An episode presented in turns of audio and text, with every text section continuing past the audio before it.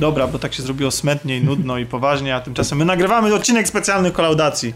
I nie, nie będę nic mówił na ten temat, że wracamy i dlaczego nas nie było, bo ci, co nas śledzą i się dopytywali, to wiedzą. Ale może niekoniecznie, bo nie wszyscy nasi słuchacze Są na grupie. używają Facebooka A, to już- i są na naszej grupie, więc Ale mogą nas śledzić na Instagramie oraz na Twitterze, więc jeśli tego nie robią, to jest czyja wina? Wasza, drodzy słuchacze. W każdym razie e, dziękujemy, że raz wróciliście do nas. Cieszymy się, że mogliśmy wrócić do was, że możemy wrócić. Zwalasz na nich winę, to już w tej chwili wyłączyli wszyscy. na pewno. I tych trzech, których zostało. Więc faj, faj, fajnie, że nas nie skreśliliście ze swoich list. No w każdym razie tak, nie będziemy się tłumaczyć, tak, nie było nas długo, mam nadzieję, że teraz będzie częściej. E, a jak No będzie i w to- ramach to zobaczymy. rekompensaty dostaniecie tam dłuższy chyba odcinek. O tak, znaczy tak, y, ten Taki odcinek trochę i to, składkowy. Tak, i to jest bardzo ważna informacja, e, że oprócz tego, co za chwilę nastąpi, czyli o- m, ogłoszenie i omówienie wyników plebiscytu na, na najlepsze, na nagrody za 2018 rok, który e, wy, drodzy Na słuchacze, najlepsze rzeczy. przyznaliście tak naprawdę za najlepsze rzeczy w dziedzinie kultury i najgorsze też, bo się też takie pojawiają, to jeszcze czeka na was odcinek niemalże archiwalny z października, który Chyba z listopada, z października? Z listopada, tak, z listopada. Pamiętam, jak Grzegorz wtedy pytał, czy już życzyć wesołych świąt, Właśnie, a Tomek powiedział, nie, nie, jeszcze nie. No, tak, Okazuje się, że już e, być może trzeba było szczęśliwych świąt Wielkanocy, zajączka życzyć i tam No jajeczek. zobaczymy. No tak było, no niestety się nie udało, ale teraz ten odcinek mam nadzieję, że mimo wszystko, mało tego, mam wrażenie, że on nie tylko nie stracił na wartości, ale wręcz zyskał właśnie przez to, że omawiamy w nim wiele pozycji, które dzisiaj będziemy wspominać w związku z plebiscytem. Plebiscytem, w którym, e, k, który organizujemy już drugi raz, do którego zaprosiliśmy naszych przyjaciół z rozgrywki pełnej sali, z e, Fakes Forge. Twórcy fanpage'a e, płyty, o których nie śniło się nawet młodym klerykom. Też był w kapitule. Przyjaciel e, kolaudacji Michał Klimiuk, A, który... i Sebastian e, Rulik. I Sebastian Rulik, który jest to w ogóle Znaczy obydwaj panowie- fanem i przyjacielem kolaudacji. Tak, obydwaj I panowie... Michał Jankowski. Jeszcze podawać adresy i nazwiska? Też, e, zresztą wszyscy ci panowie i wszystkie te osoby u nas publikują e, i możecie ich teksty znaleźć na naszej stronie wszystkogra.tv i dziękujemy im, jeśli tego słuchacie, e, słuchają, dziękuję bardzo za, za pomoc w przygotowaniu tych nominacji. Przepraszam, nawiążę do tych zaimków. To właściwie prawie sami panowie. No, Czyli panie były tylko te z kolaudacji tak naprawdę. Tak, tak. No jakby, nie wiem, nie chcą się z nami chyba jakieś żadne panie przyjaźnić. w każdym razie y, plebiscyt się odbył, przygotowaliśmy nominacje, w każdej kategorii było ich pięć, ale tak naprawdę to w ogóle nie musieliście się nimi sugerować. Sześć, w niektórych. W każdej było A, sześć. sześć było. Tak się rozłożyły głosy akurat, że można sześć było, było, po tak. takiej samej liczbie. I to była, wszędzie. pewna, to była pewna sugestia, jakaś pewna pula, którą przygotowaliśmy po naszych wewnętrznych konsultacjach, a wy mogliście głosować lub na te, na te wasze, nasze propozycje lub wybierać, dopisywać swoje własne. Więc y, jakby myślę, że to jest chyba najuczciwsza taka forma, taka najbardziej, nie wiem, obiektywna, jeśli można tak mówić w tym przypadku takich plebiscytów, y, wyboru. Chociaż nie ze wszystkimi wynikami się później wszyscy zgadzają, ale wydaje mi się, że jest demokratyczna. W sensie my mówimy swoje, dajemy wam, co my sądzimy o 2018 roku, a wy z, tą, z tym naszym nominacjami, z tymi naszymi nominacjami zrobiliście, co chcieliście lub je A w ogóle ch- Chciałam też powiedzieć, że przewodniczącym komisji gier oraz, jak się nazywa ta cała stotolotka komisja? Zakładów. Gier i zakładów. Gier i zakładów był Tomasz Dziel. Oczywiście. Tomaszu, chciałabym zapytać, czy Miał, przedstawisz... miał więcej do roboty niż ci panowie od lotto. To, to na pewno.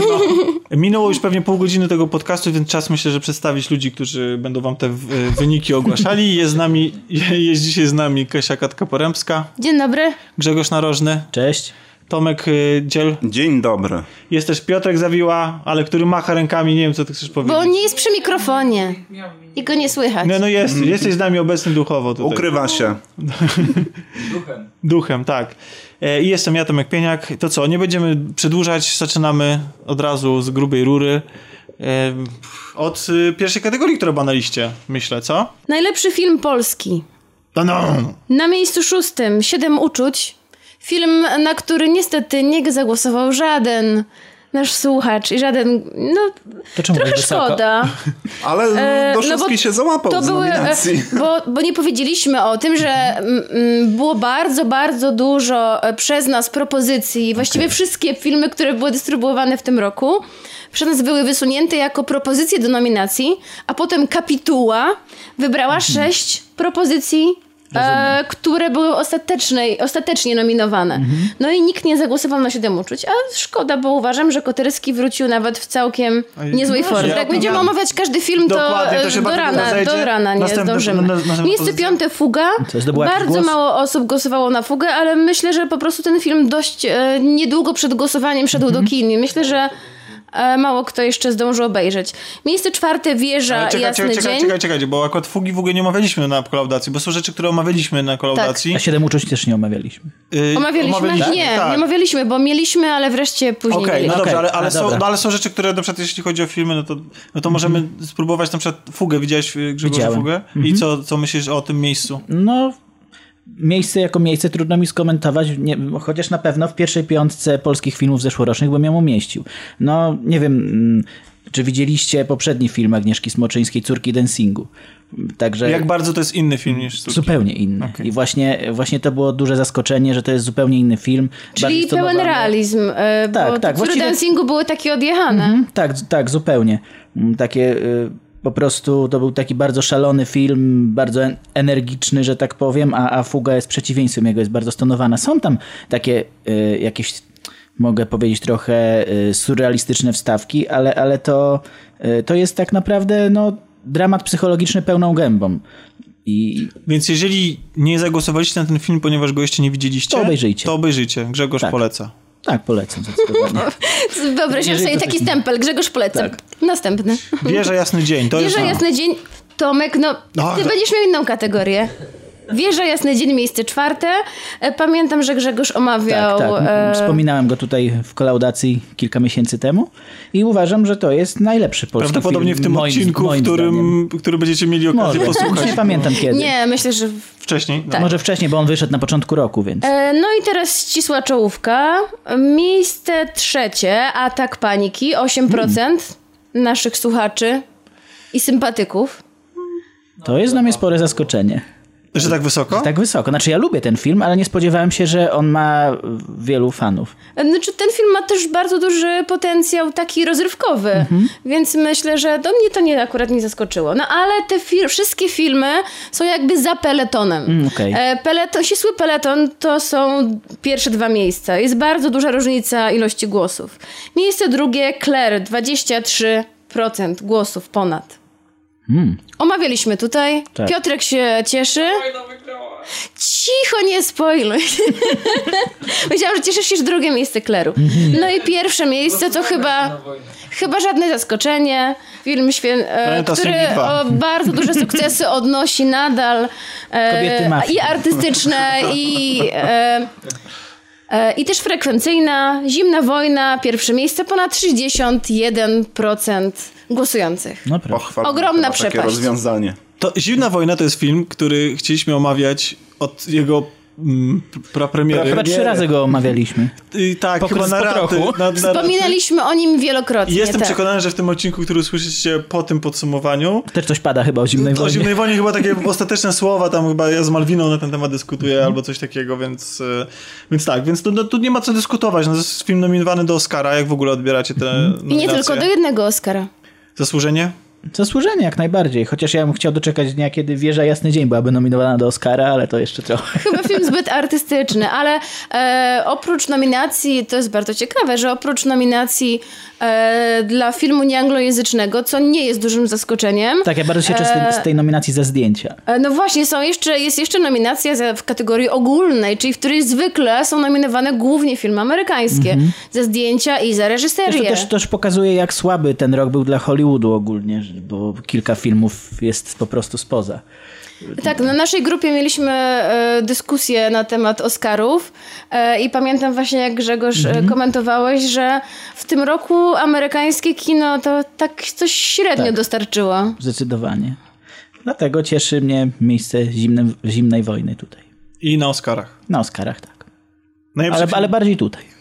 Ale skoro jesteśmy przy filmach amerykańskich i nie tylko, Nie, no właśnie tak, bo będziemy omawiać teraz najlepszy film dramatyczny, Grzegorzu, proszę. Sprawdź, Okej. czy są jakieś czterogodzinne filmy o łowieniu ryb. Niestety, niestety takich nie ma. ale, ale jest. y, Nie no, jest jeden Jest coś o- długi. jest jest coś- jeden bardzo długi. Jest coś o ptakach, widzę. Mhm, tak, jest coś o ptakach, bo na... Jest coś o myciu podłogi. też, więc nie jest źle. w każdym razie y, nie mam tu dokładnych danych procentowych, ale...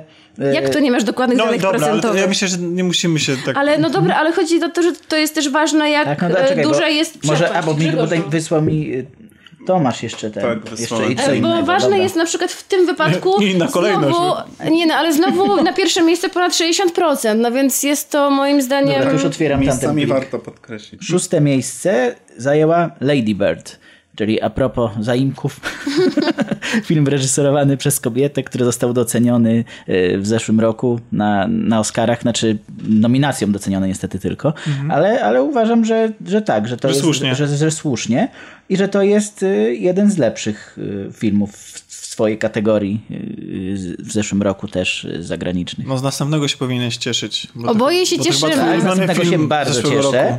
że jednak trochę, że jednak y, zaraz za nim czy przed nim, wszystko jedno, y, jest Niedźwidmo Paula Thomasa Nie, Andersona. najbardziej niedoceniony chyba. Tak, tak. To Film tego rzeczywiście, roku.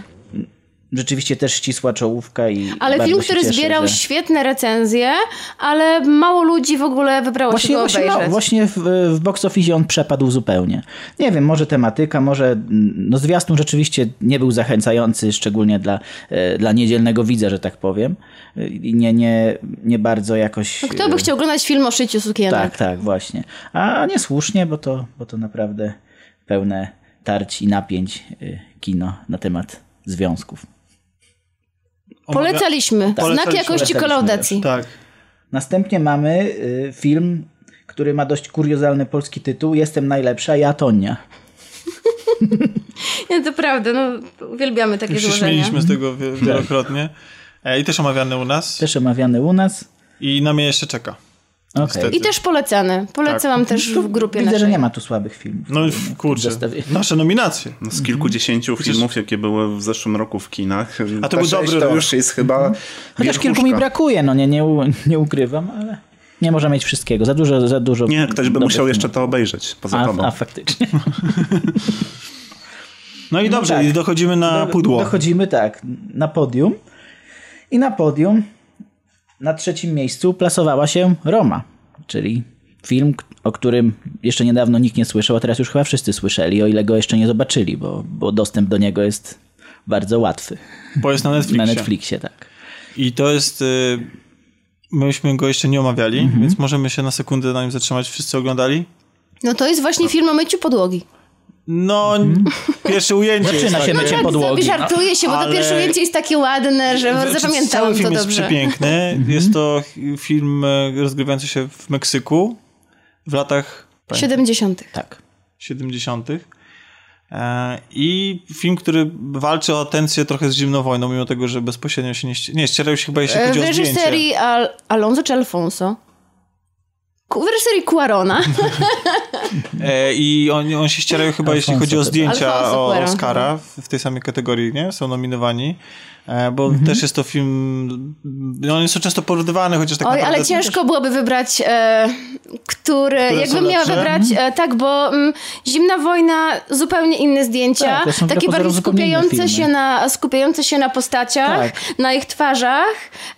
E, mm, Zimna wojna toczy się w wielu różnych miejscach, prawda? Ale my skupiamy się na parze bohaterów. Tu mamy tak ogromną panoramę i czasem ważniejsze jest to, co się dzieje z boku. Mhm, gdzieś tam z boku E, kadru, I po prostu jakieś tyle rzeczy tam szczegóły. się dzieje, że czasami po prostu ja aż głową kręciłam, żeby aż po wszystko ogarnąć, co Ale się mówisz dzieje. o Zimnej Wojnie? Nie, Nie, teraz mówię no. o Romie, że dlatego się bo tak bardzo się dziwiłem, bo Zimna Wojna jest 4 na 3 grana i... Bo właśnie zimna, Tomku, ciasne tak kadry zimnej tak wojny właśnie, Tomku, kontra słuchasz, e, szerokie panoramy To Romy. właśnie powiedziałam, że tam są e, kadry skupione na głównych bohaterach i nie, i nieważne jest, gdzie się toczy akcja tak naprawdę, mimo że się toczy w różnych krajach Europy. Tak.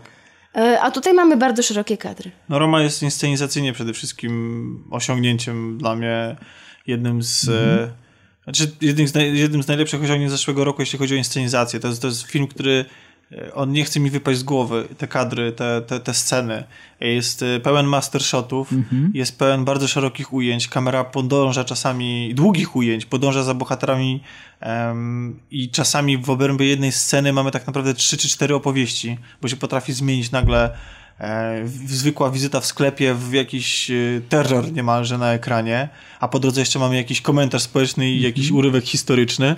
E, i ty, ten film zaskakuje, bo ty o nim powiedziałeś, jak ja się ciebie zapytałem, Grzegorzu, jaki ten film jest, to powiedziałeś coś takiego, że to jest film, że on jest epicki bardziej. Tak, powiedziałem monumentalny. Monumentalny. Chyba. I nies- niesamowite jest to, że ten film się, mimo swojej mon- monumentalności, mi- mimo Jest tego, że nie ma bardzo. ani jednego zbliżenia na twarz.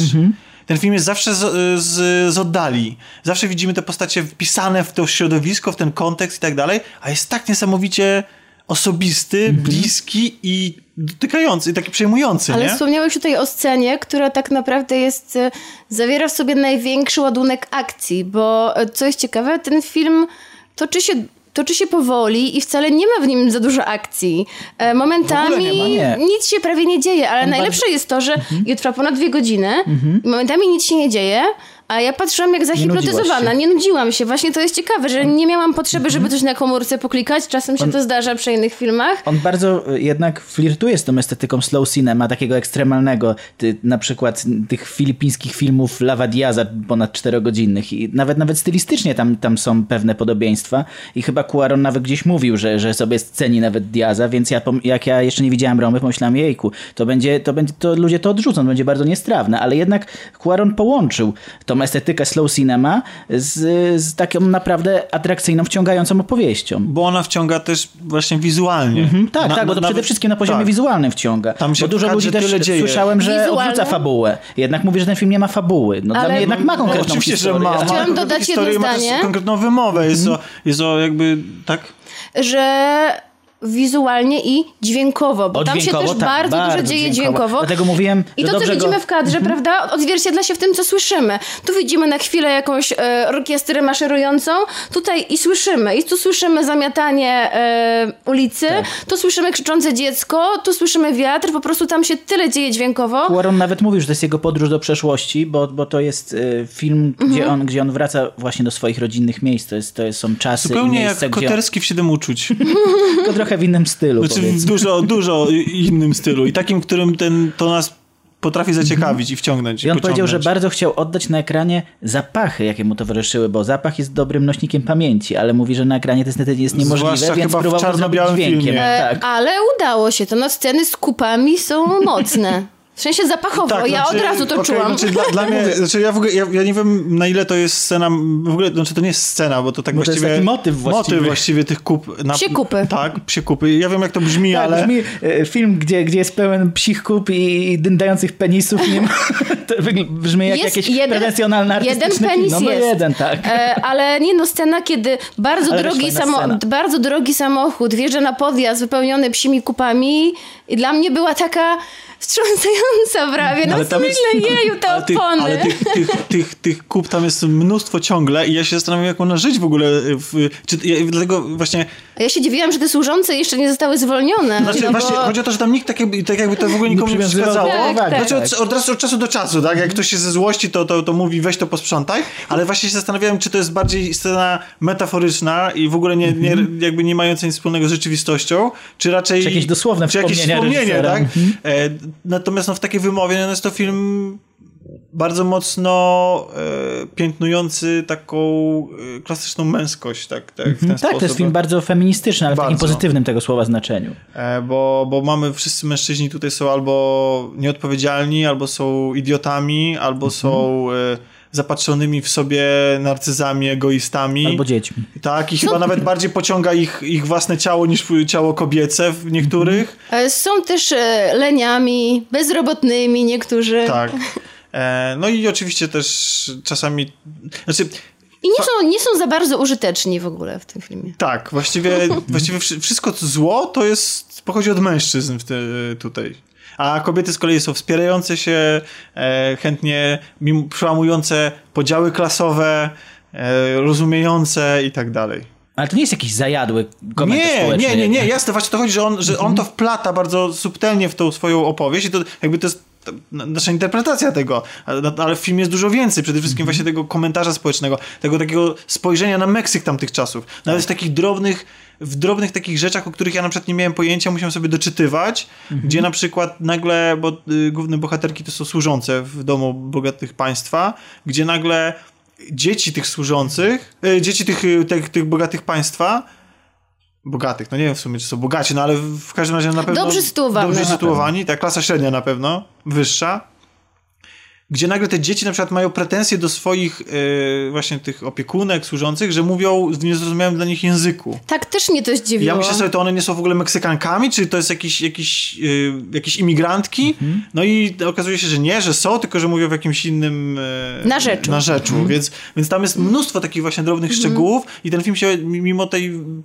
Znaczy, pozostawiając nawet tą wymowę, no to też się go ogląda dla innych wartości. Rozgadaliśmy się dlatego, że to o tym filmie nigdy nie mówiliśmy, a warto. Ale cieszymy się, prawda, że jest on w ścisłej czołówce Tak. i że doceniliście. Przepiękny, świetnie zagrany, świetnie E, Nie powiedzieliśmy ani razu, że jest on dostępny na Netflixie. Powiedzieliśmy. Powiedzieliśmy? Tak, właśnie słuchasz, Kasiu.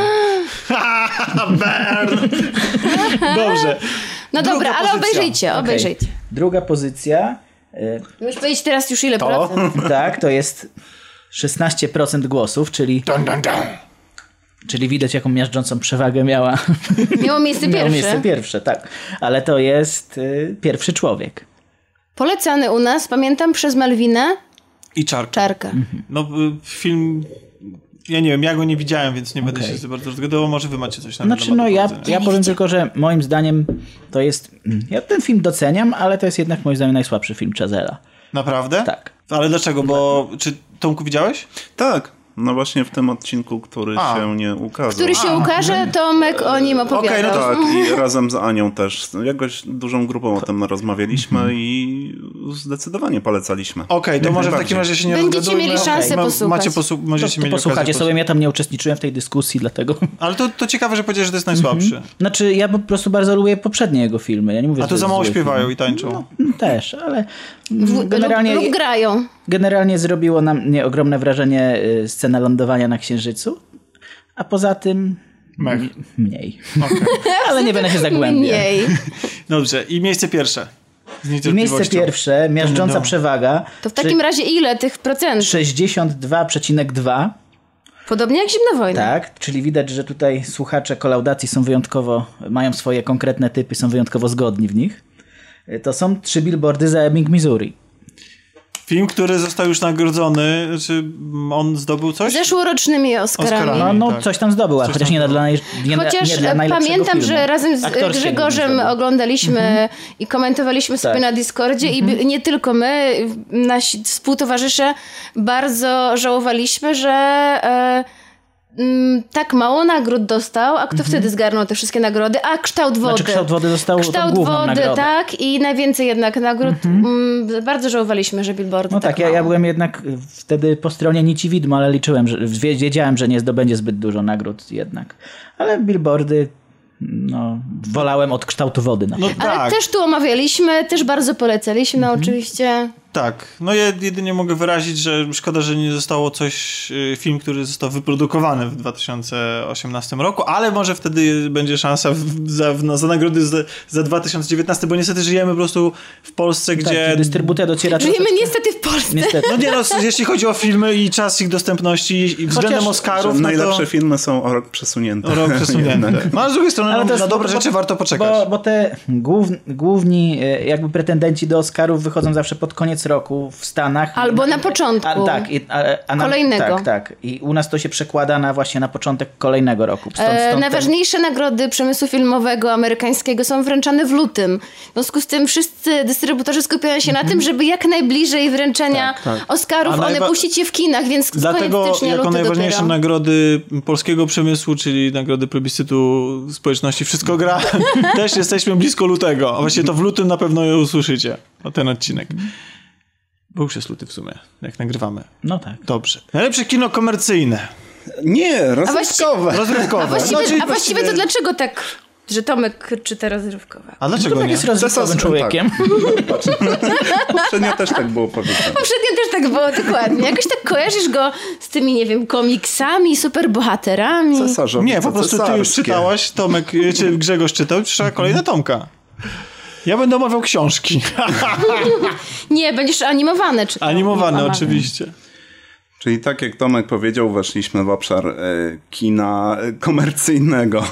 Nie no, rozrywkowego po, powiedzmy. Powie, powiedzmy rozrywkowego. Bo nie wszystkie no, na, pewno, na pewno można się było dobrze bawić na większości e, z tych filmów i pono, znowu tutaj mieliśmy do czynienia z kilkudziesięcioma tytułami, z których e, wybraliśmy sześć, a e, na miejscu szóstym e, stawkę zaczyna Han Solo, Gwiezdne Wojny, Historię. Szkoda, który że tak też mało bardzo, głosów. e, bardzo mm, dokładnie omówiliśmy. Tak, i myślę, że już nie zaczynajmy tej dyskusji o Gwiezdnych Wojnach, Tak, bo... było bardzo obszerna dyskusja Tak. i zawsze ona Ale to ja jakiś... tylko jedno zdanie powiem, bo wtedy jeszcze nie oglądałam tego filmu, Mhm. więc nie uczestniczyłam w dyskusji. Ja tylko powiem, że w kategorii filmu rozrywkowego oceniam bardzo dobrze, bo się świetnie bawiłam. Tak, w Nie, naszym znaczy- plebiscycie odniósł sukces taki jak kasowy. No niestety. Nie. Jaki pocisk! Na miejscu piątym e, mamy pierwszego przedstawiciela e, kina superbohaterskiego, mianowicie Czarną Panterę. I to jest film, który z kolei odniósł ogromny sukces komercyjny. I Jak najbardziej. A także artystyczny, ponieważ ma dużo nominacji do różnych nagród, nie tylko Oscarów. Milczenie O, wymaga. Myślę, że tak, że, że ta cisza mówi... E, Ja po, niedawno rozmawiałam z kimś na temat filmie. Oscarów i powiedziałam, że będę na pewno trzymać kciuki w kategorii Oscara za kostiumę dla tego filmu, Mhm. bo bardzo mi się podobała inspiracja afrykańską kulturą, ale sama fabuła była taka... A my w ogóle omawialiśmy Panterę? No oczywiście. Tak. Tak? tak, tak. A Ania pamięta, mówiła, że wojowniczki były fajne. Tak, przypomniało mi się. Miejsce czwarte. Tu pewne zaskoczenie. Tak, bo to jest. e, Dlaczego? Ja głosowałam bardzo- na ten film. Ale nie, no, no właśnie, to powiedz, dlaczego Tobek przedstawia, ty powiesz, dlaczego głosowałaś. Dobrze. To jest jeden z tych rozrywkowych filmów, o których nie było aż tak głośno, mianowicie Wieczór Gier. Wow. Głosowałam na ten film, ponieważ jest to film, ma to być film rozrywkowy, właśnie, sympatyczny.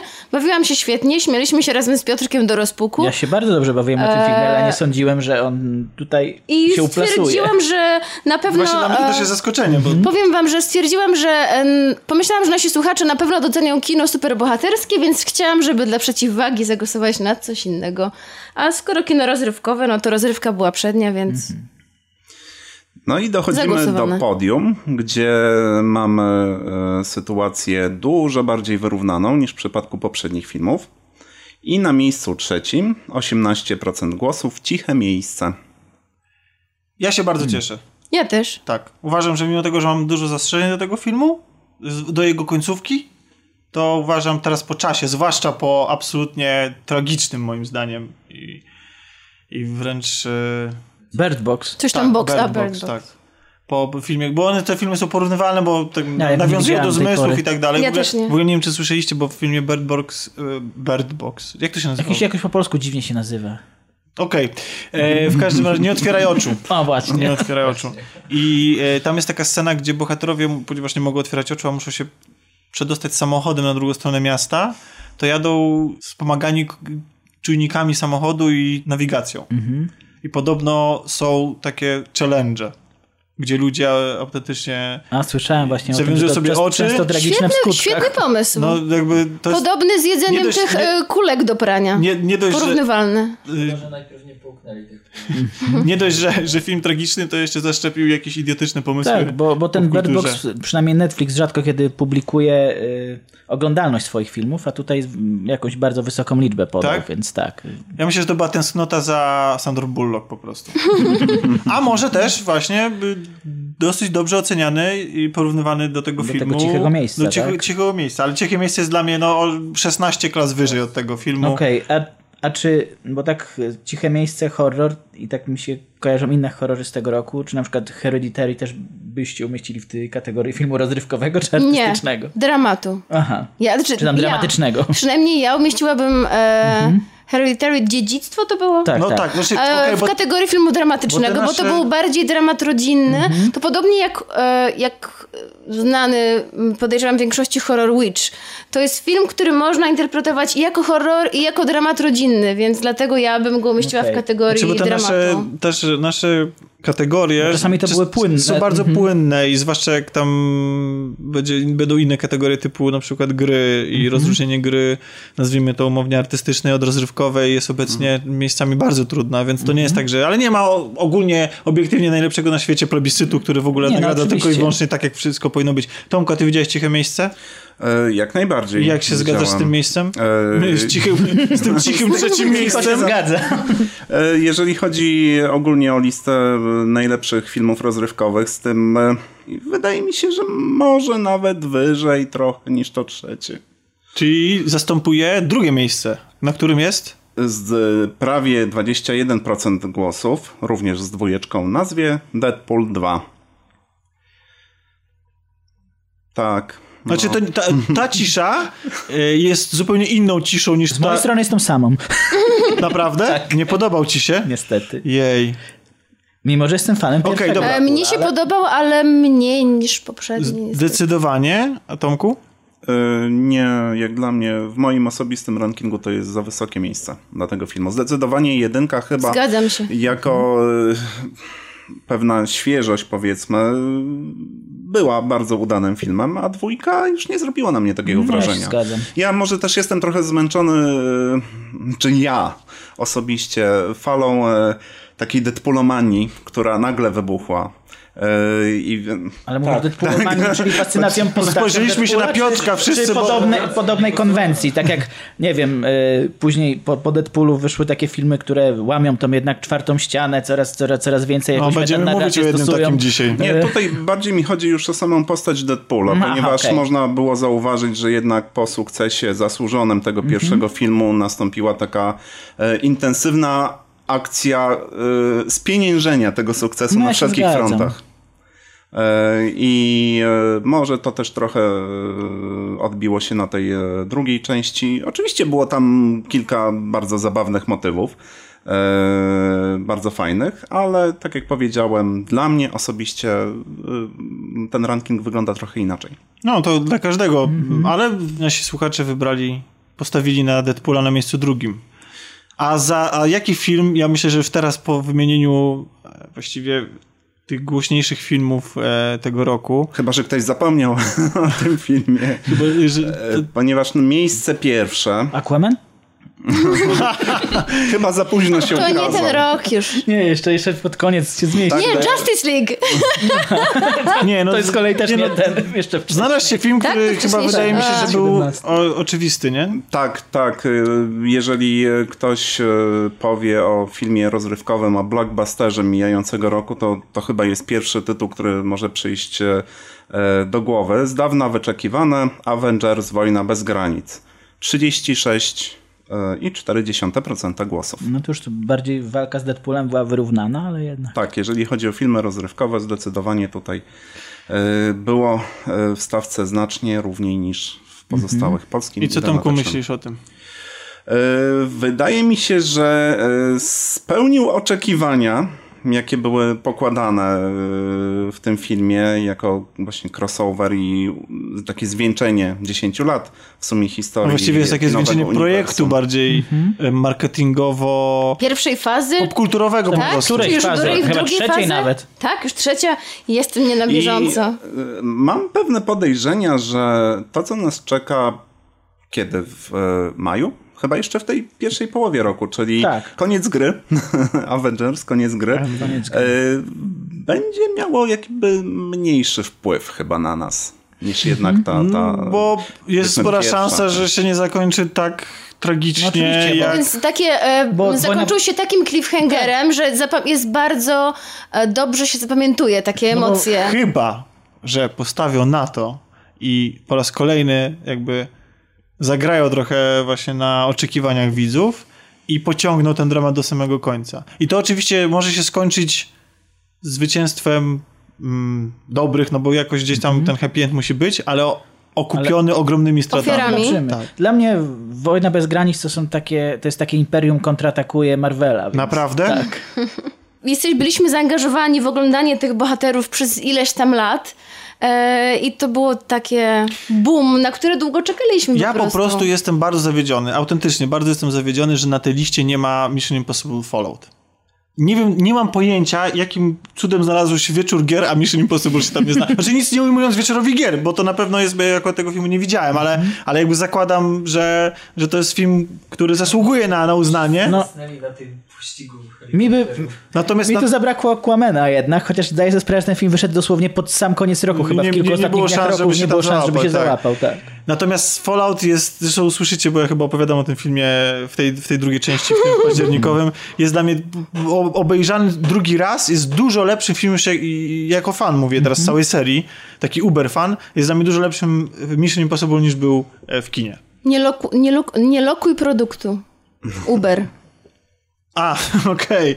Dzisiaj Nie zapłacono nam Dzisiaj się zastanawiałem z moją siostrą, y, jak się wymawia, czy się wymawia Uber, Uber, czy i po angielsku, wiesz, Uber. No dobrze, to była, to był, czy Tomku chcesz coś jeszcze dodać? Może do, tych, do tej... Czego mam, zabrakło, Mam tak? wrażenie, że tak trochę, przy, że jak na filmy rozrywkowe, to trochę siedliśmy tutaj, coś posmutniliśmy trochę. A już szczególnie Tomek Dziel posmutniał. Tak. No bo tyle rozrywki wypaliłem się, ale faktycznie to stwierdzenie Tomka o Mission Impossible, e, jej braku, zgadzam się. To, to jest jednak zaskoczenie. To był jeden chyba w sumie z takich największych blockbusterów No nie? roku. I chyba zo- został bardzo dobrze przyjęty, wręcz nawet dużo lepiej niż myślałem, że, że będzie. Ja bym oddał ciche miejsce jednak za, za to. Za, za ten Mission Impossible. Tak? tak. A nie za Deadpoola? No to, to już sobie nie mówię. Tomek, przedstawisz e, e, kategorię najlepszy film animowany. Tak, więc w kategorii najlepszy film animowany, bo się tutaj się będę bardzo szybko streszczał. E, na miejscu szóstym Hotel Transylwania 3, na miejscu piątym Młodzi Tytanie Akcja Film. Akcja Film. E, na miejscu czwartym Fernando, na miejscu trzecim I nie ma mocniej 2, na miejscu drugim Wyspa Psów, a teraz zajmiemy się tym, którym jest na miejscu pierwszym. Ale poczekaj, Wyspę Psów... No momencik, ale no...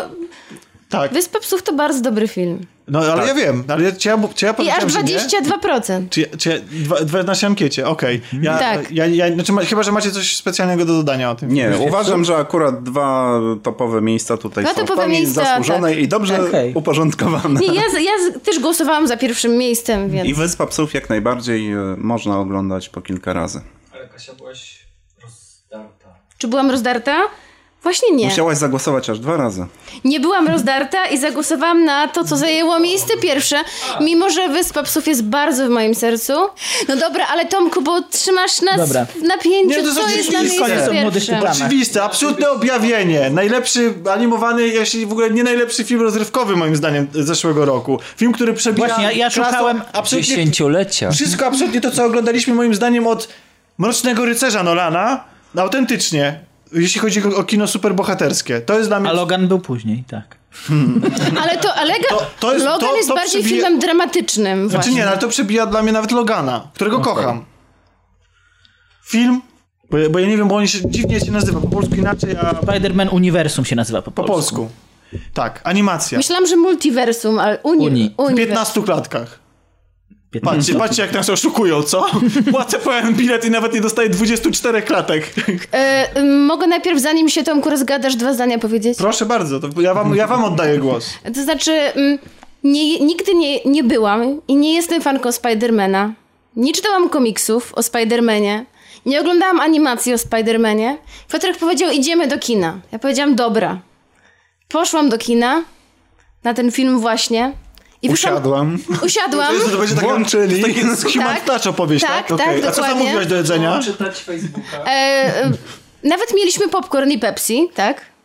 E, otworzyłam usta i chyba ich nie zamknęłam już do końca seansu i wyszłam zachwycona. Chciałam wam powiedzieć, że jeśli nie jesteście geekami, nerdami, czy jak to się tam nazywa, nawet nie lubicie Spidermana, to i tak to obejrzyjcie, bo naprawdę to jest film zachwycający. Kasia już może nie pamięta, ale miała wtedy chyba podwyższoną temperaturę i generalnie choróbsko ją wzięło. Czyli co, też się nie zgadzasz? W ogóle nie była w kinie. Nie, mało. się wydawało. Z wielu filmów by na pewno wyszła. A, okej. A s- na Spider-Manie zostało do końca.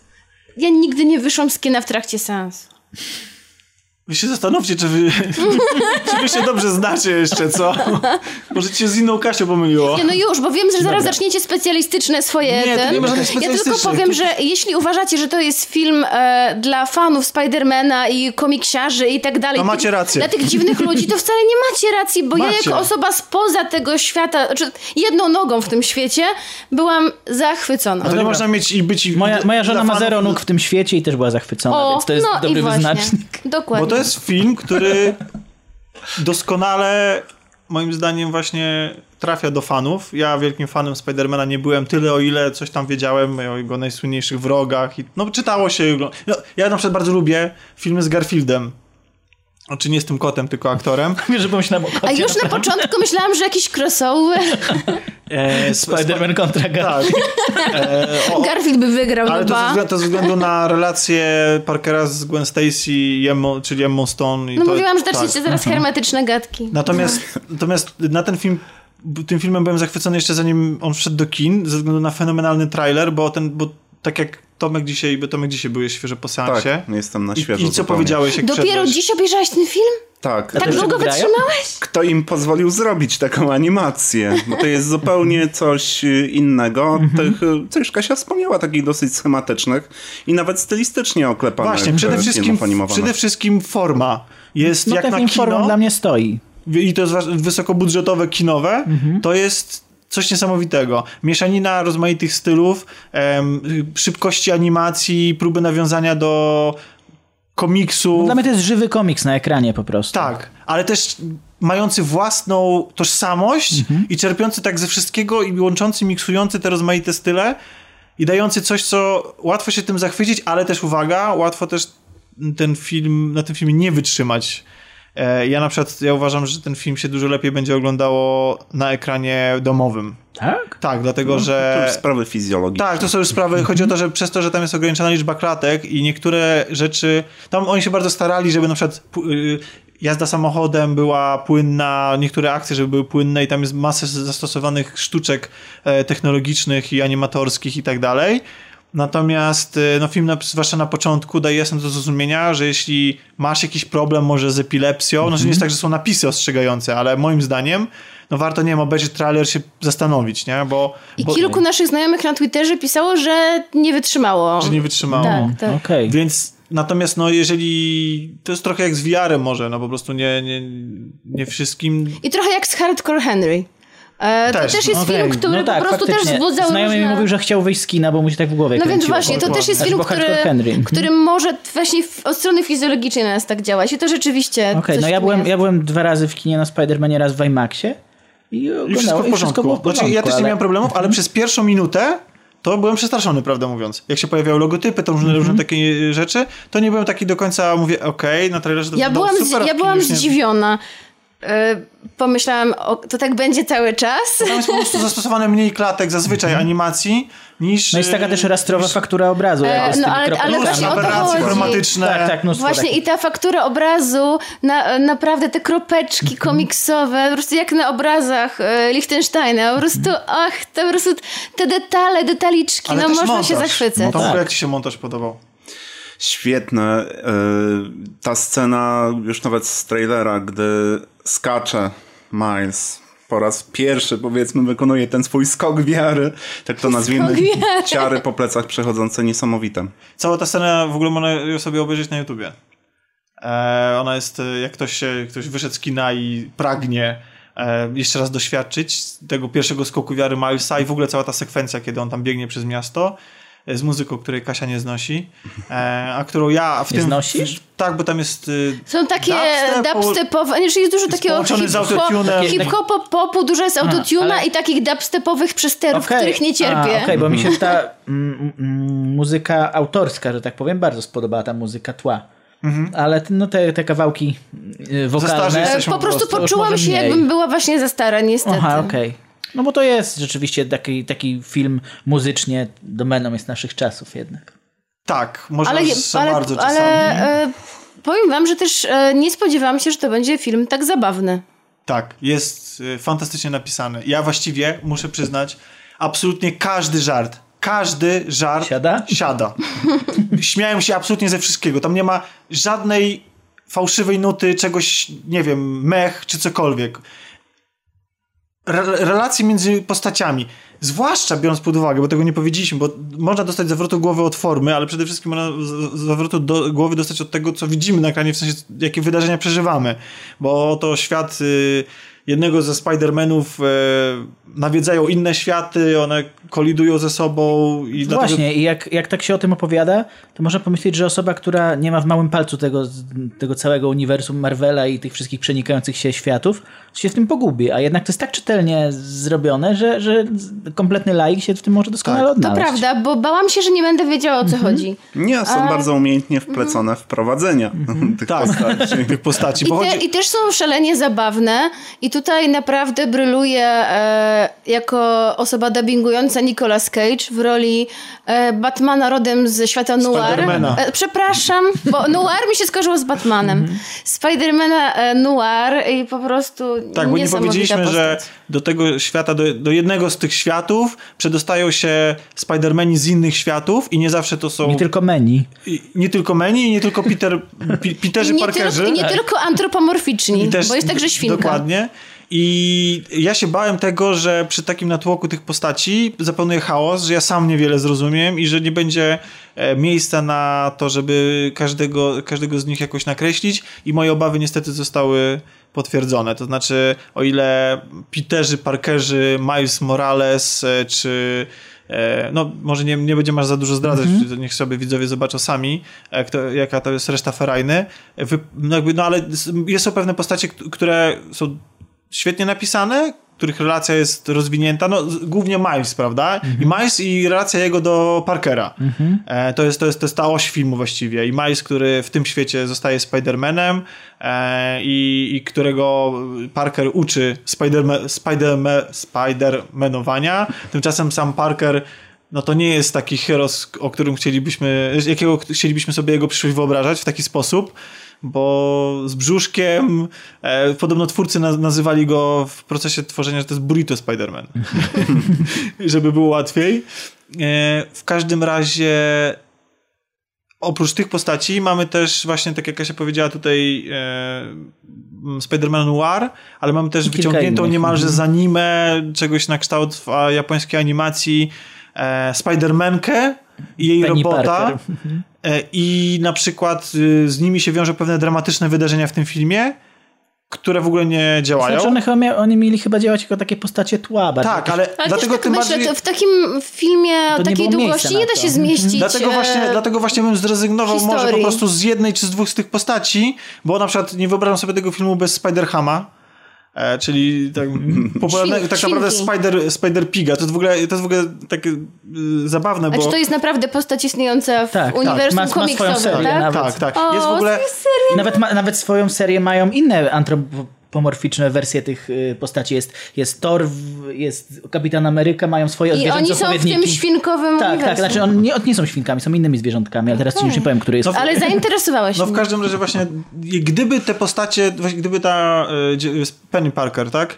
E, I jej robot e, dostały tylko taką rolę, jak to miało w przypadku z e, Spider-Hama, to wszystko w porządku, ale tam są nagle, jesteśmy atakowani jakimiś dramatycznymi wydarzeniami, które tak naprawdę nas niewiele obchodzą, czy mnie przynajmniej nie obeszły, no bo po prostu nie miałem czasu. No ale to tak samo jak z z nią- Gwen było mm, podobnie, nie? E, Też, te, też tam się jakiś dramat kryje za jej historią. A... Nie, no ale to mnie poruszyło. Jej historia mnie jakoś to poruszyła. Znaczy, to jest właśnie ta postać, o której nie chciałem mówić, ale chyba w sumie to już No, ale no, no. i tak jest to oczywiste, bo nawet na plakatach pewnie istnieje. W każdym razie Tak, cała ta ferajna walczy o to, jakby łączy siły po to, żeby odwrócić ten proces e, łączenia, zapadania się światów. No generalnie proces, który może doprowadzić do katastrofy międzywymiarowej.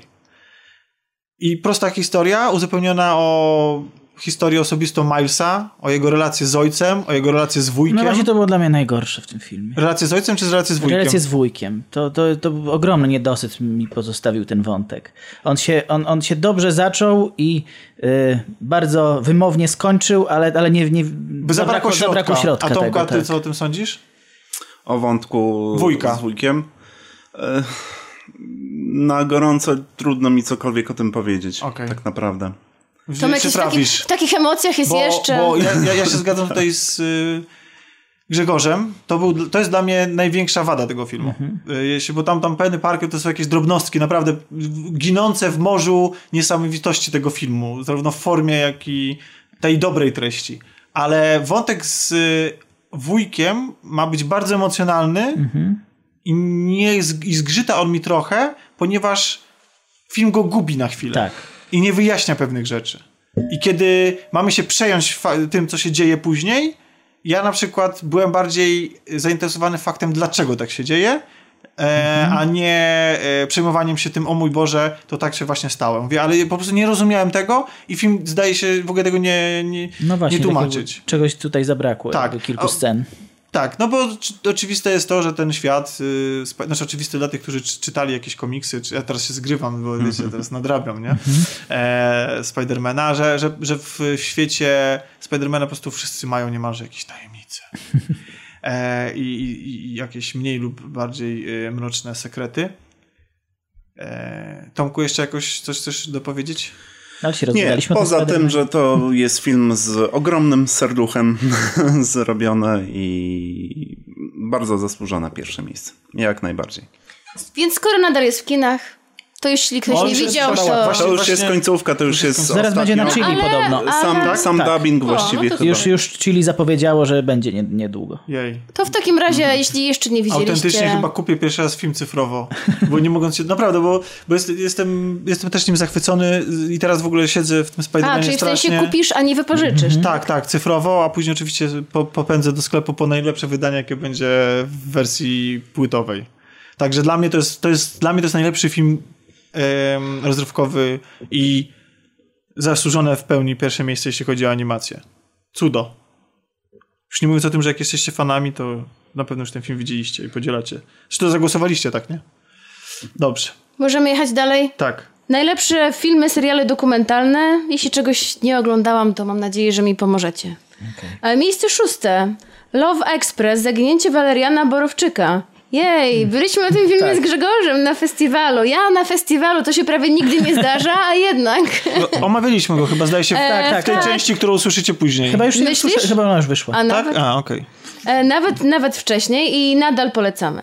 E, Miejsce piąte. Walka. Walka. I to jest tak. e, Tak, to, to, Struggle. to jest w ogóle zaskakująca Życie historia tego... Stanisława Szukalskiego. Tak, tego, tego dokumentu. A, to to. Tak, to to, to to. Tomku, widziałeś? Nie. Dlaczego? Tam, tam. Nie, nic akurat e, z tych pozycji, które są na liście filmów dokumentalnych nie miałem okazji zobaczyć. Czyli nic, żadnego komentarza? No Dobra, to miejsce... Znaczy nie, no, Nie, no ja chciałem coś powiedzieć. A to właśnie. przepraszam, a to przepraszam, bo tak cisza zapadła, więc myślałam, że się nie. strasznie. Dobrze. Już jest ósma, Okej. a Dobra, my to jesteśmy powiem dwa na słowa piątej tylko. kategorii. Ale myślisz o książkach, tak Że- długo nie będziemy... Że to No ale i jest... tak sporo jeszcze jest. E, Walka to jest jeden z na pewno z najciekawszych pozycji w ofercie Netflixa i opowiada o bardzo nietuzinkowej, bardzo ekscentrycznej postaci, jaką był Stanisław Szukalski. Myślę, że zapomnianej trochę niesłusznie. E, Mimo, że jest, tak jak mówię, ekscentryczny, radykalny, to jednak warto się zapoznać z jego historią, bo to jest też zrealizowa- zrealizowany dokument bardzo emocjonalnie, bo z perspektywy osób, które prywatnie go znały i mają z nim jakiś tam stosunek emocjonalny. Więc y, jeśli jesteście abonentami Netflixa, to myślę, że pozycja obowiązkowa. Miasto Duchów było omawiane, to jest pozycja wyżej. tak. Później mamy Whitney. Ja miałam... No chwileczkę, cicho, ja czytam. Okej. Ja cię nie uprzedzałam. Dobra, Miasto Duchów naprawdę omawialiśmy? Tak, na pewno. Ja pamiętam, jak opowiadałaś o tym. E, nie, bo go nie widziałam. No, nie? no to jak Tak, tak, na pewno opowiadałaś. Ale słuchajcie, od, e, od Nie, tego a to- A to nie miejsca... ten film... E, o, dobra. Nie Miasto O Duchów podobnym o opowiadałam. E, od tego miejsca bardzo wyrównana walka. Wszystkie e, miejsca po kilkanaście procent. Miejsce czwarte Miasto Duchów. Miejsce trzecie Whitney, czyli film kinowy, który miałam okazję obejrzeć.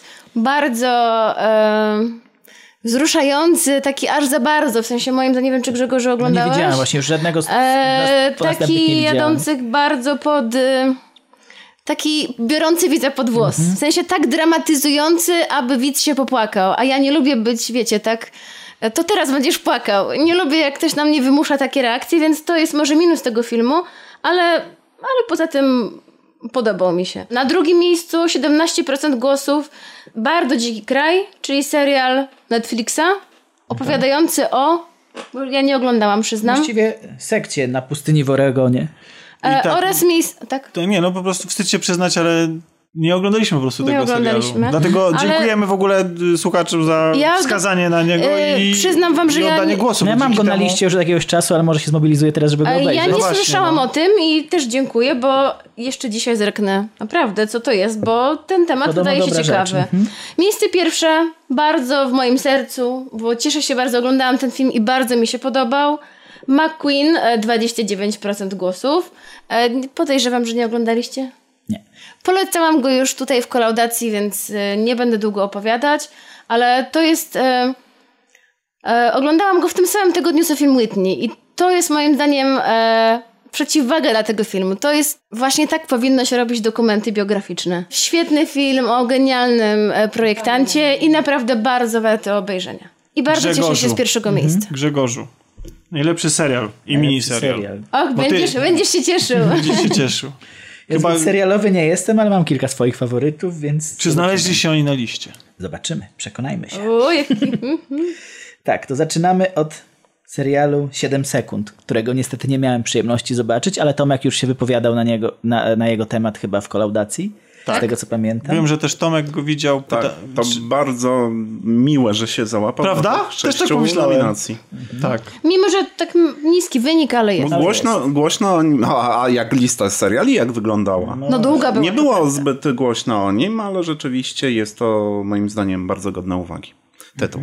Dobra. Tak, dalej mamy serial Maniak, którym Kasia już się chyba tutaj zachwycała na antenie, czy, czy Mm, Chyba ma nie tego omawialiśmy odcinka? go w ogóle na antenie. Tak, no to może w, na, na E, grupie I, ale, wiem, ale wiem, że Tomek, ja się zachwycam na grupie, tak, Mhm. i to była, e, i to była ogromna dyskusja u nas w grupie i dużo osób chwaliło, ale wiem, że Tomek tak hejtuje ten serial. Ja hejtuję?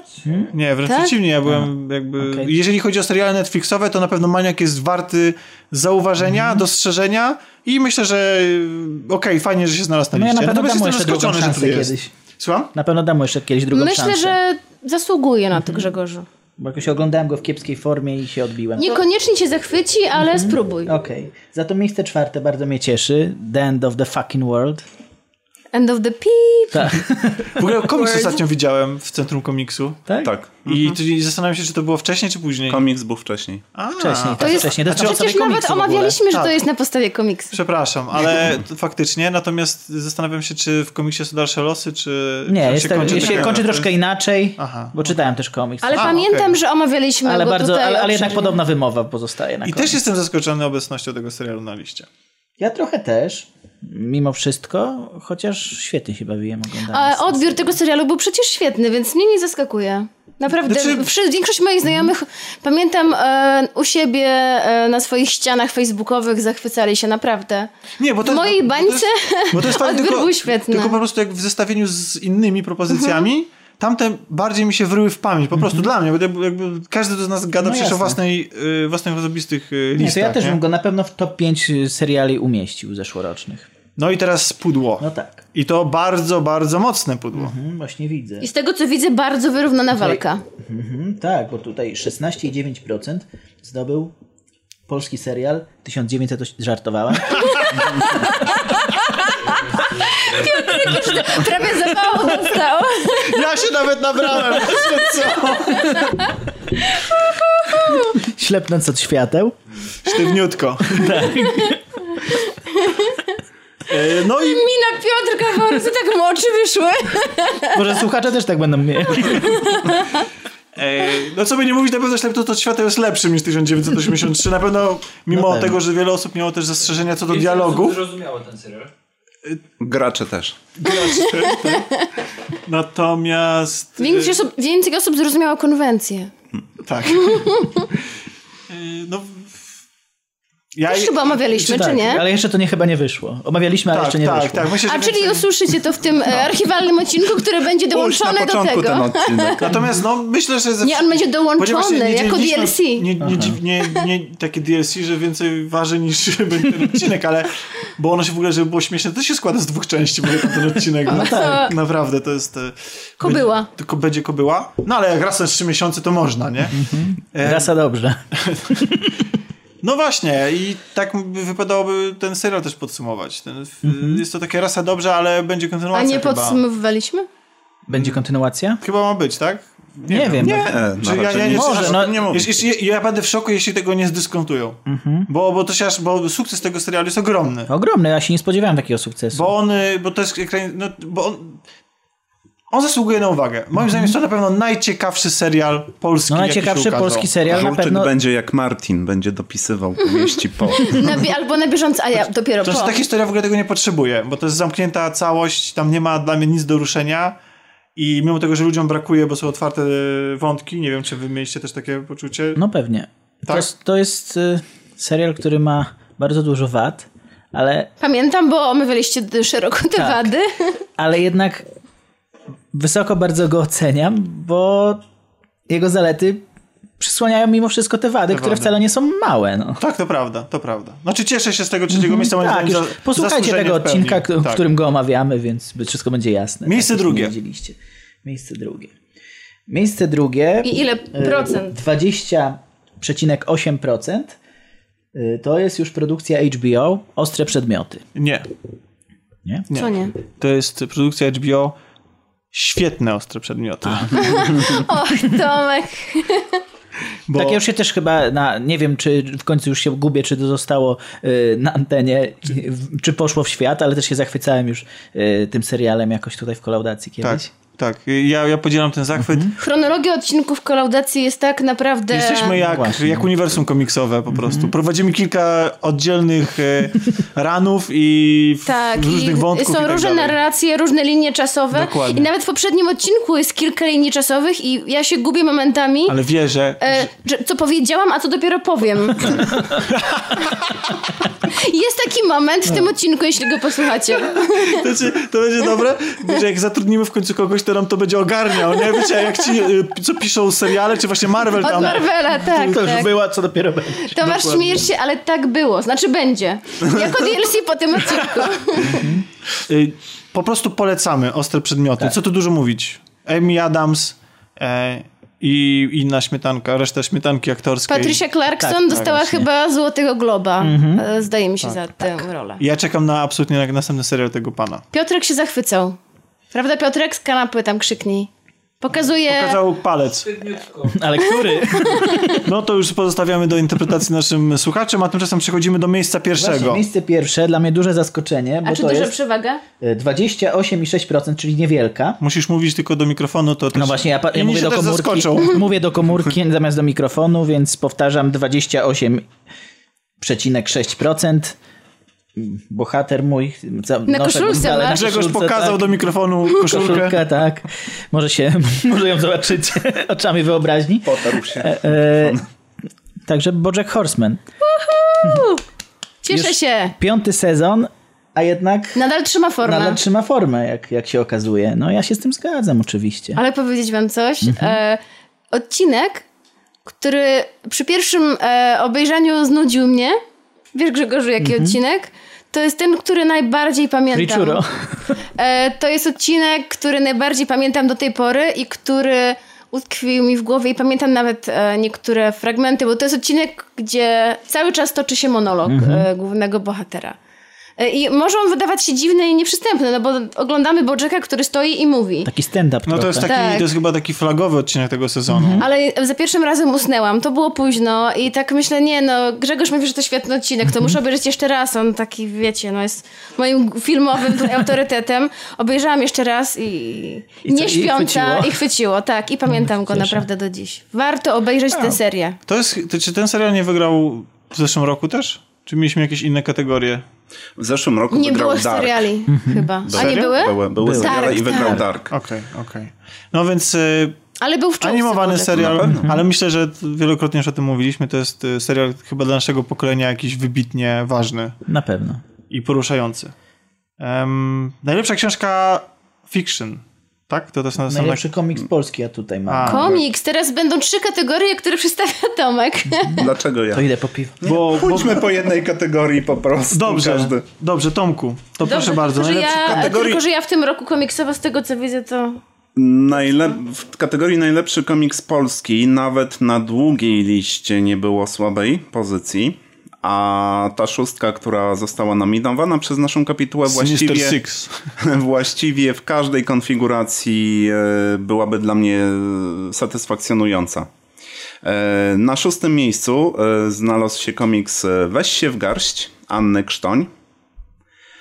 Miejsce piąte Obiecanki Agnieszki Świętek, o którym było opowiadane na Opowi- pewno na kolaudacji. Opowiadałeś?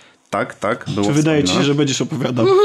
Nie, wydaje mi się, że to już e, było w opublikowanym odcinku jednak. E, Miejsce czwarte, Daniel Chmielewski i ja, Nina Szubur, na podstawie e, powieści Olgi Tokarczuk. Czytałeś? Tak. I? Tak, to jest naprawdę jeden z komiksów, który w wielu rankingach za ubiegły rok pojawia się na, na pierwszym miejscu.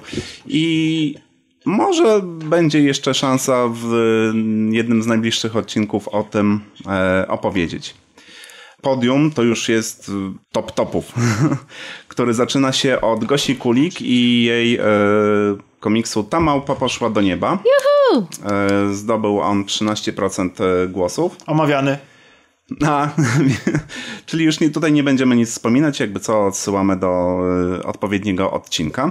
E, drugie miejsce Wojtek Wawszczyk i Pan Żarówka, 17,4% głosów. Ja tak strasznie W żałuję, drugiej połowie rankingów e, wybierany jako najlepszy komiks z zeszłego roku. Tak. bo ja miałem ten komiks ostatnio w ręku.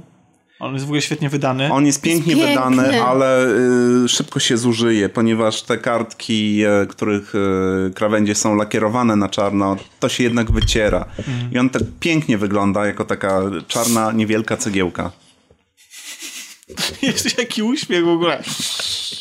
Ja tylko, jak tylko podpowiem, że to było otwarcie yy, Poprosiłam, napoju Grzegorza, gazowanego, słodzonego aspartanem. poprosiłam Grzegorza, żeby otworzył mi kole i O Grzegorz taki zerowej zawartości żeby się udało. cukru. dumny, dumny ze, tak poprosiła mnie kobietę, żebym odkręcił kole, więc Czyli to co, mam iść i wziąć? Dowartościowała mnie Kasia. Tak. Czy mam iść i wziąć? Tak, Tak? Czyli Tak, popełniłem głupstwo, dobrze. ale jest do nadrobienia. Jeszcze nie zniknęło.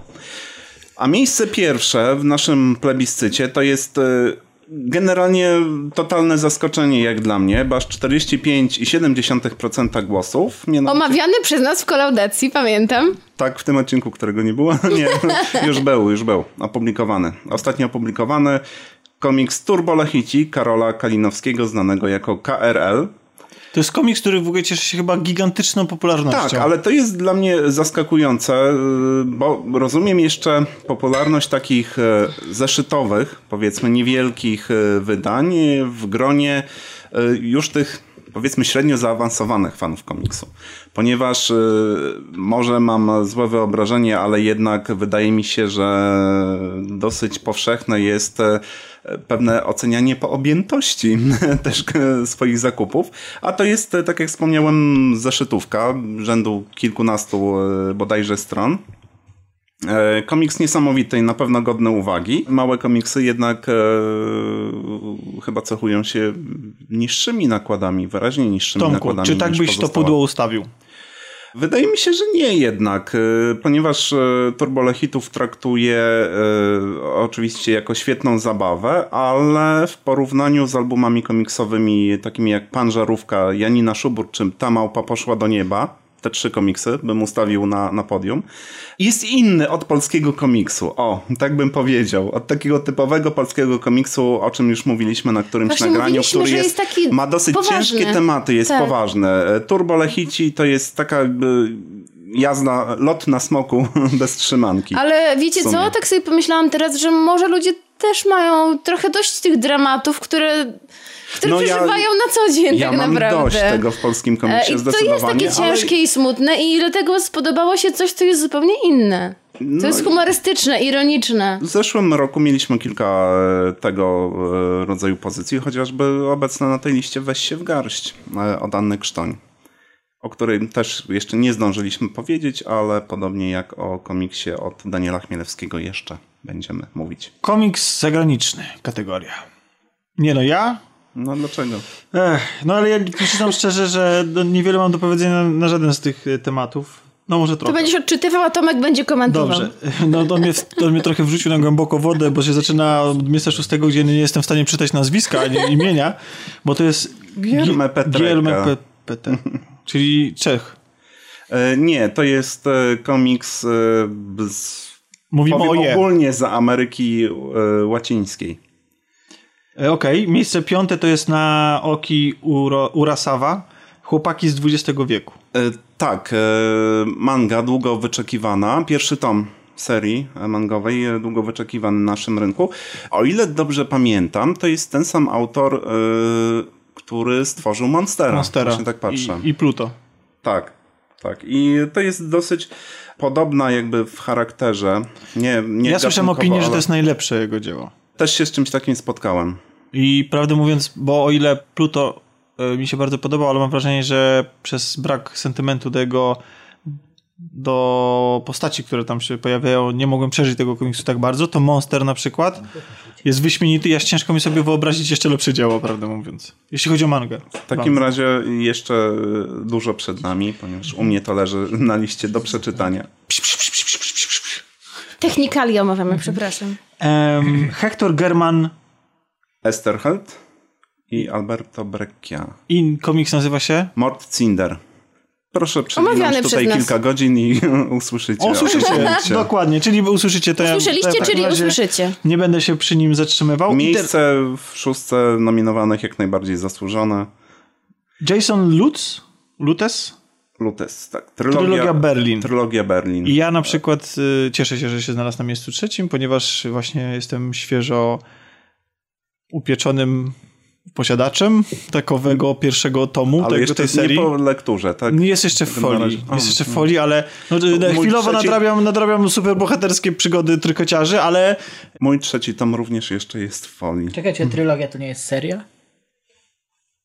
Ale nas teraz zagiąłeś! To dlaczego nie jest jako seria komiksowa? Czyli następna kategoria, ale nas teraz, popatrz, wywaliłeś wszystko do góry nogami. Nie, No dobra, to i nie było teraz... pytania. To jest taka, to jest seria w, w, Krótka w jednej seria. części. Okej. Mariko Tamaki? Znowu coś azjatycko brzmi. Tak, pewnego lata. I Gillian Tamaki pewnego lata. To jest drugie miejsce na, w naszym plebiscycie. Yy, I z tego co słyszę, ponieważ to też jest pozycja, która jest na mojej liście do przeczytania, yy, również przez niektórych uznawany za najlepszy komiks zagraniczny yy, mijającego, czy już minionego yy, tak naprawdę roku.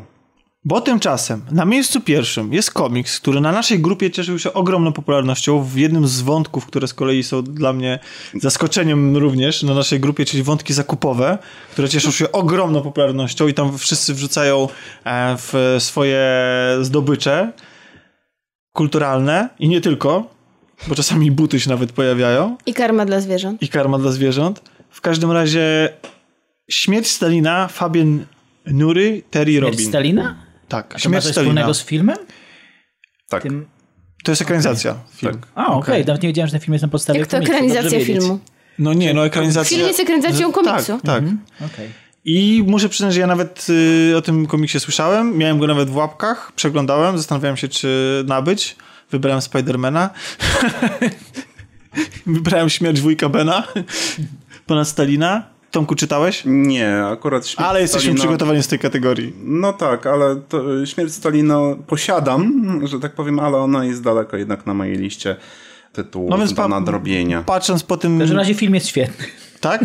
Film jest świetny. Czyli jak, o, czyli jak się. z kolei nie, nie macie okazji przeczytać komiksu, nie chcecie, to możecie... A gdzie go można obejrzeć? W tej chwili gdzieś na jakimś VOD będzie, ale... ale nie Pewnie na Chili. Nie pom... Prawdopodobnie. A, a, a audycja nie zawiera lokowania produktu, ale naprawdę ostatnio ja jestem zachwycony, czyli i tym jak szybko znajdują się tam filmy, które niedawno były w kinie i jeśli ja coś przegapiam, to natychmiast e, uderzam właśnie tam teraz i od tej pory i można... Nie tylko, że to, te, te, które nawet nie doczekały się na dystrybucji kinowej, tam lądują. Mandy chociażby. Najlepsza seria komiksowa. Tomku, może teraz odbijam piłeczkę do ciebie. Podejmę się wyzwania.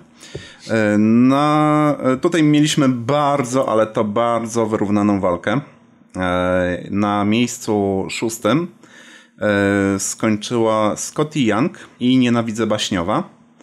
Paweł Bez- jest u nas wielkim fanem Tak, i Magda Wiśniewska też, ale chyba wiele osób jest jakby. Wielu, wiele osób urzekło e, to, co jest pokazane w tym komiksie, ponieważ jest to takie e, niestandardowe, obrazoburcze e, podejście do słodkich bajek. I, W jakim całego sensie świata. obrazoburcze? No, lecą przekleństwa, jest brutalnie. Ej, coś jak Fables? Czy jeszcze bardziej? Nie, nie, wiesz, Fables jest bardziej, bardziej realistyczne Okej. chyba nawet. Nienawidzę baśniowa. Sam styl jest e, taki czysto bajkowy, jak animacje dla najmłodszych e, dzieci, a Aha. jednak sama zawartość już e, jest zupełnie z przeciwnego bieguna. E, Miejsce piąte. e, Robert Kirkman i Ryan Otley, Invincible, niezwyciężony. E, Również w zeszłym roku e, mieliśmy mm, polską premierę pierwszego zbiorczego wydania tej serii, która e, ma już za sobą wiele, wiele lat sukcesów. To jest jedna z chyba najbardziej znanych serii Image Comics. Na miejscu czwartym mm, komiks jednego z moich ulubionych scenarzystów, Jeffa Lemire. Zresztą Czarek też e, zapytany o jakiś komiks do zakupienia. e, Najczęściej mówi cokolwiek Lemira. E, Royal City, opowieść obyczajowa z lekkimi wątkami, nazwijmy to może paranormalnymi, chociaż nie są to takie typowe wątki paranormalne. Jest to seria zamknięta, będą łącznie trzy tomy, także warto nadrobić, e, czy zapoznać się z całością. Nawet może poczekać, aż, aż te wszystkie trzy e, tomy się pojawią. Miejsce trzecie i 16,7% głosów to jest Rick Remender i Głębia.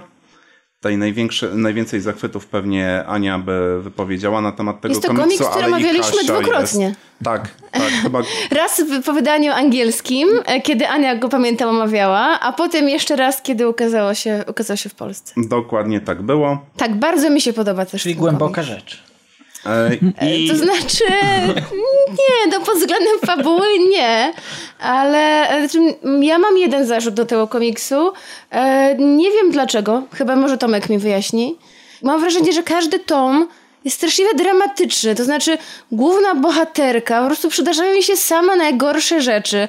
Ubiera jej ciągle ktoś bliski z rodziny i po prostu mam wrażenie, że twórcy po prostu strasznie ją torturują. taki twórca, wszystkie jego serie mniej więcej Tak? mają takie założenia. Taki Marquis de Sade Znaczy, e, komiksu. czytałam, e, czytałam w, tak, e, czytałam wprowadzenie i tam pamiętam, on coś mówił, że jest zbyt, zbytnim jest optymistą i w związku z tym dla równowagi pisze pesymistycznie. Chyba, chyba też w Polsce była wydana seria Black Science od niego i tam dzieją się również tego typu historie. Czyli nie, spodziewają, nie spodziewajcie się niczego pocieszającego. Jeśli macie zły nastrój, nie sięgajcie no, po głębie. Jakieś, jakieś drobiazgi na pewno się tam pojawiają, ale Ale jest Kolej- piękny, ale ale- jest piękny. Kolejny tak, tytuł to- to- też brzmi niepokojąco dość. I jest taki. Marjorie Liu e, i Sana Takeda, Monstressa i dokładnie tyle samo głosów, co Głębia, 16,7%.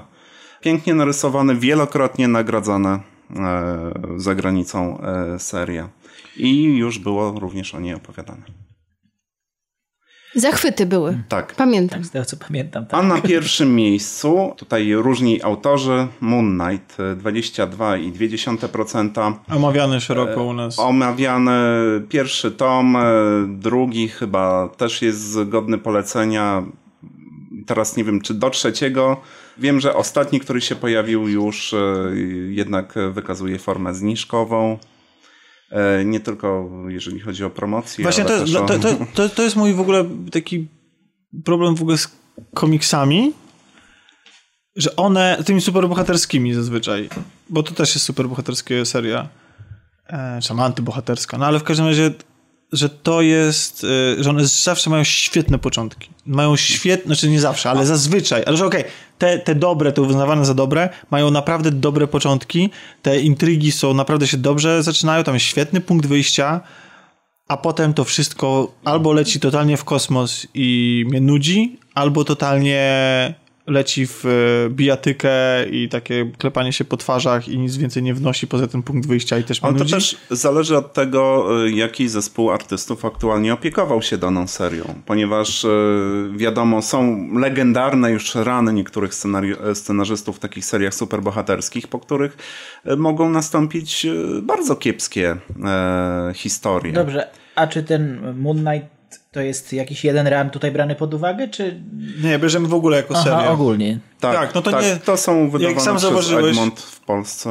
To nie jest tak, że te nasze Kategorie są kanoniczne. kanoni... znaczy, znaczy, że próbujemy uchwycić tak w różny sposób to... Ale rozumiem, że to jest komiks, który się ukazuje u nas na Tak, bieżąco. tak, nie? tak, tak. Tak. tak. No, w, ogóle warunkiem jest to, że to musi mieć premierę w Polsce w 2018 roku, cokolwiek gdzie jest na tej liście. Jeżeli Mogę to była seria, e, to chociaż jeden osobisty komentarz na temat e, tej kategorii. Bardzo żałuję, że nie znalazł się w czołówce, w szóstce komiks The Wicked and the Divine, który został tutaj w kolaudacji też dość chłodno przyjęta pierwsza część, a ja pamiętam nawet No ten komiks o tobie, tak? Tak, to ten komiks o mnie. Więc, e, nie, pierwsza część była o mnie, w drugiej mnie nie ma. Nie będę spoilować dlaczego. E, mm, druga część uważam znacznie lepsza. Właśnie tu akurat za zaskoczenie. Druga część znacznie lepsza niż pierwsza. E, nie miałam w tym odcinku, który był, ale jeszcze go nie było. E, przyniosłam go nawet ze sobą i miałam omówić i powiedzieć, że nie słuchajcie Czarka, ten komiks jest naprawdę dobry i warty przeczytania. Ale nie zdążyłam. Najlepsza książka fiction. George Saunders Lincoln w Bardo. Nas, to było miejsce szóste. Następnie na miejscu piątym Wojciech Chmielarz i Żmijowisko i jest Świetna letnia lektura. to... Tak. Kryminał. Zamiast na lato. Ale letnia to znaczy, że niewymagająca. Tak, nie wymagająca, Ania też, się- Ania się też zachwycała Dokładnie. Żmijowiskiem, em, więc odsyłamy do odcinka, w którym Ania o nim opowiada. Harlan, e, Harlan To miejsce- przepraszam, Tak? Znaczy tamto Żmijowisko to było miejsce piąte, a teraz miejsce czwarte to jest Harlan Ellison i to co najlepsze, tom pierwszy. Zbiór opowiadań klasyki science fiction. Chciałem, nie mam pojęcia, y, Nie znasz pana. nie znam pana, znaczy pewnie znam, tylko mm, nie pamiętam nazwiska, natomiast y, chciałem powiedzieć, że jest to dla mnie dosyć, y, tytuł jest dosyć zaskakujący, bo się nazywa to co najlepsze, tom pierwszy, to znaczy, że już tomie drugim już będzie trochę gorzej, tak? Rozumiem. Ale Tomku, ale ty wiesz co to jest, tak? Dlatego tom jest pierwszy tom wygrał, Drugi, Tom drugi e, wyszedł e, w zeszłym roku. I co? Tak. E, Jest e, chyba jeszcze lepszy niż to, co No najlepsze. co tom ty? Okej, więc, Tak. a nie, więc w sumie okej, wtedy, Czyli drugi to- to, to, co co najlepsze w tym momencie. Albo drugi to będzie co, to, co naj, najlepsze, albo to- najlepsiejsze. I rozumiem, że to jest co zbiór opowiadań science fiction, tak? Tak, tak. Ale jednego autora. Jednego autora. Pan Liu, Dobra, przeczytajcie jego imię. tak. Sixin? Sixin? Liu? Pytanie do Basi. Do Basi. Brzmi jak coś chińskiego, ale... Tak, no Tak. oczywiście to jest... e, Książka oczywiście Koniec Śmierci. Mm, ostatni Czyli to tom cyklu i- e, Teoria Trzech Ciał. No właśnie. Okej. Okej, czyli Czyli- słynny cykl. Wspominaliśmy coś o tym chyba. Tak, Pewno, oczywiście, że oczywiście. ma, Ania się na ten temat rozpływała. Zachwyty same. Ja przyznam się szczerze, że nie pamiętałem autora. Przykro mi, jest mi wstyd, że nie siedzę tak bardzo w książkach jak w innych mediach i akurat Teorię Trzech Ciał, jeżeli to jest ostatni tom, to na pewno po nią sięgnę, bo słyszałem tylko same zachwyty. Natomiast no Koniec Śmierci kojarzy mi się ewidentnie z Pratchettem. Myślałem, że to może w tą stronę, ale jak widać nie. E, I zamknęła mi się lista, więc musicie mi pomóc. Na drugim tutaj- miejscu tatuażysta z Auschwitz y, od Heather Morris. No i 23,9. 23%, to spora przewaga, Tak, wiesz? to jest bardzo popularna książka na Instagramie. Właśnie chciałem do tego nawiązać, że moja znajomość tej książki niestety ko- ko- znaczy wiąże się z tym, jak e, rozmawialiśmy o tym w jakiś niesławnym... E, akcji promocyjnej Tak. na Instagramie, y, Insta Modelek, które tą książkę komponowały wyłącznie jej okładkę wizualnie na swoich zdjęciach i z lampką wina, W świeczką. sytuacjach najdziwniejszych powiązanych I z tytuł, I najdziwniejszymi tytuł tatuażysta cytatami. z Auschwitz No. e, w porównaniu z lifestyle'ową, e, w zestawieniu z lifestyle'ową fotką tak trochę No, nam brzmi troszeczkę razi rzeczywiście. Więc mam nadzieję, że na tak wysokim miejscu znalazło się y, dzięki naszym słuchaczom, ale nie dzięki temu, że byli zachęceni tą akcją promocyjną na Instagramie, tylko że Myślę, faktycznie że jakością książki. jakością książki. E, a skoro tak, no to chyba trzeba będzie po nią po prostu sięgnąć i nie ma wymówek. Podobnie jak chyba nie będzie wymówek, żeby sięgnąć po z kolei sequel, drugą część, tak? Konty- Sequel? kontynuację wręcz wielkiego hitu E, Króla? E, Szczepana Twardocha, tak. e, Czy Znaczy- hitem był król, a teraz mamy A to królestwo. jest jeszcze większy hit. E, tak? Że Czy jeszcze, nie, znaczy, wiem, nie, no, Znaczy- na razie jeszcze nie wiemy, bo nie czytaliśmy, Znaczy nie, ale... sprzedażowo podobno. Sprzed- tak? Sprzedażowo? No ja oczywiście, no, można się było zachęcona, tego spodziewać. zachęcona rekomendacją Tomasza sięgnęłam po, na razie po Króla e, i warto było zdecydowanie.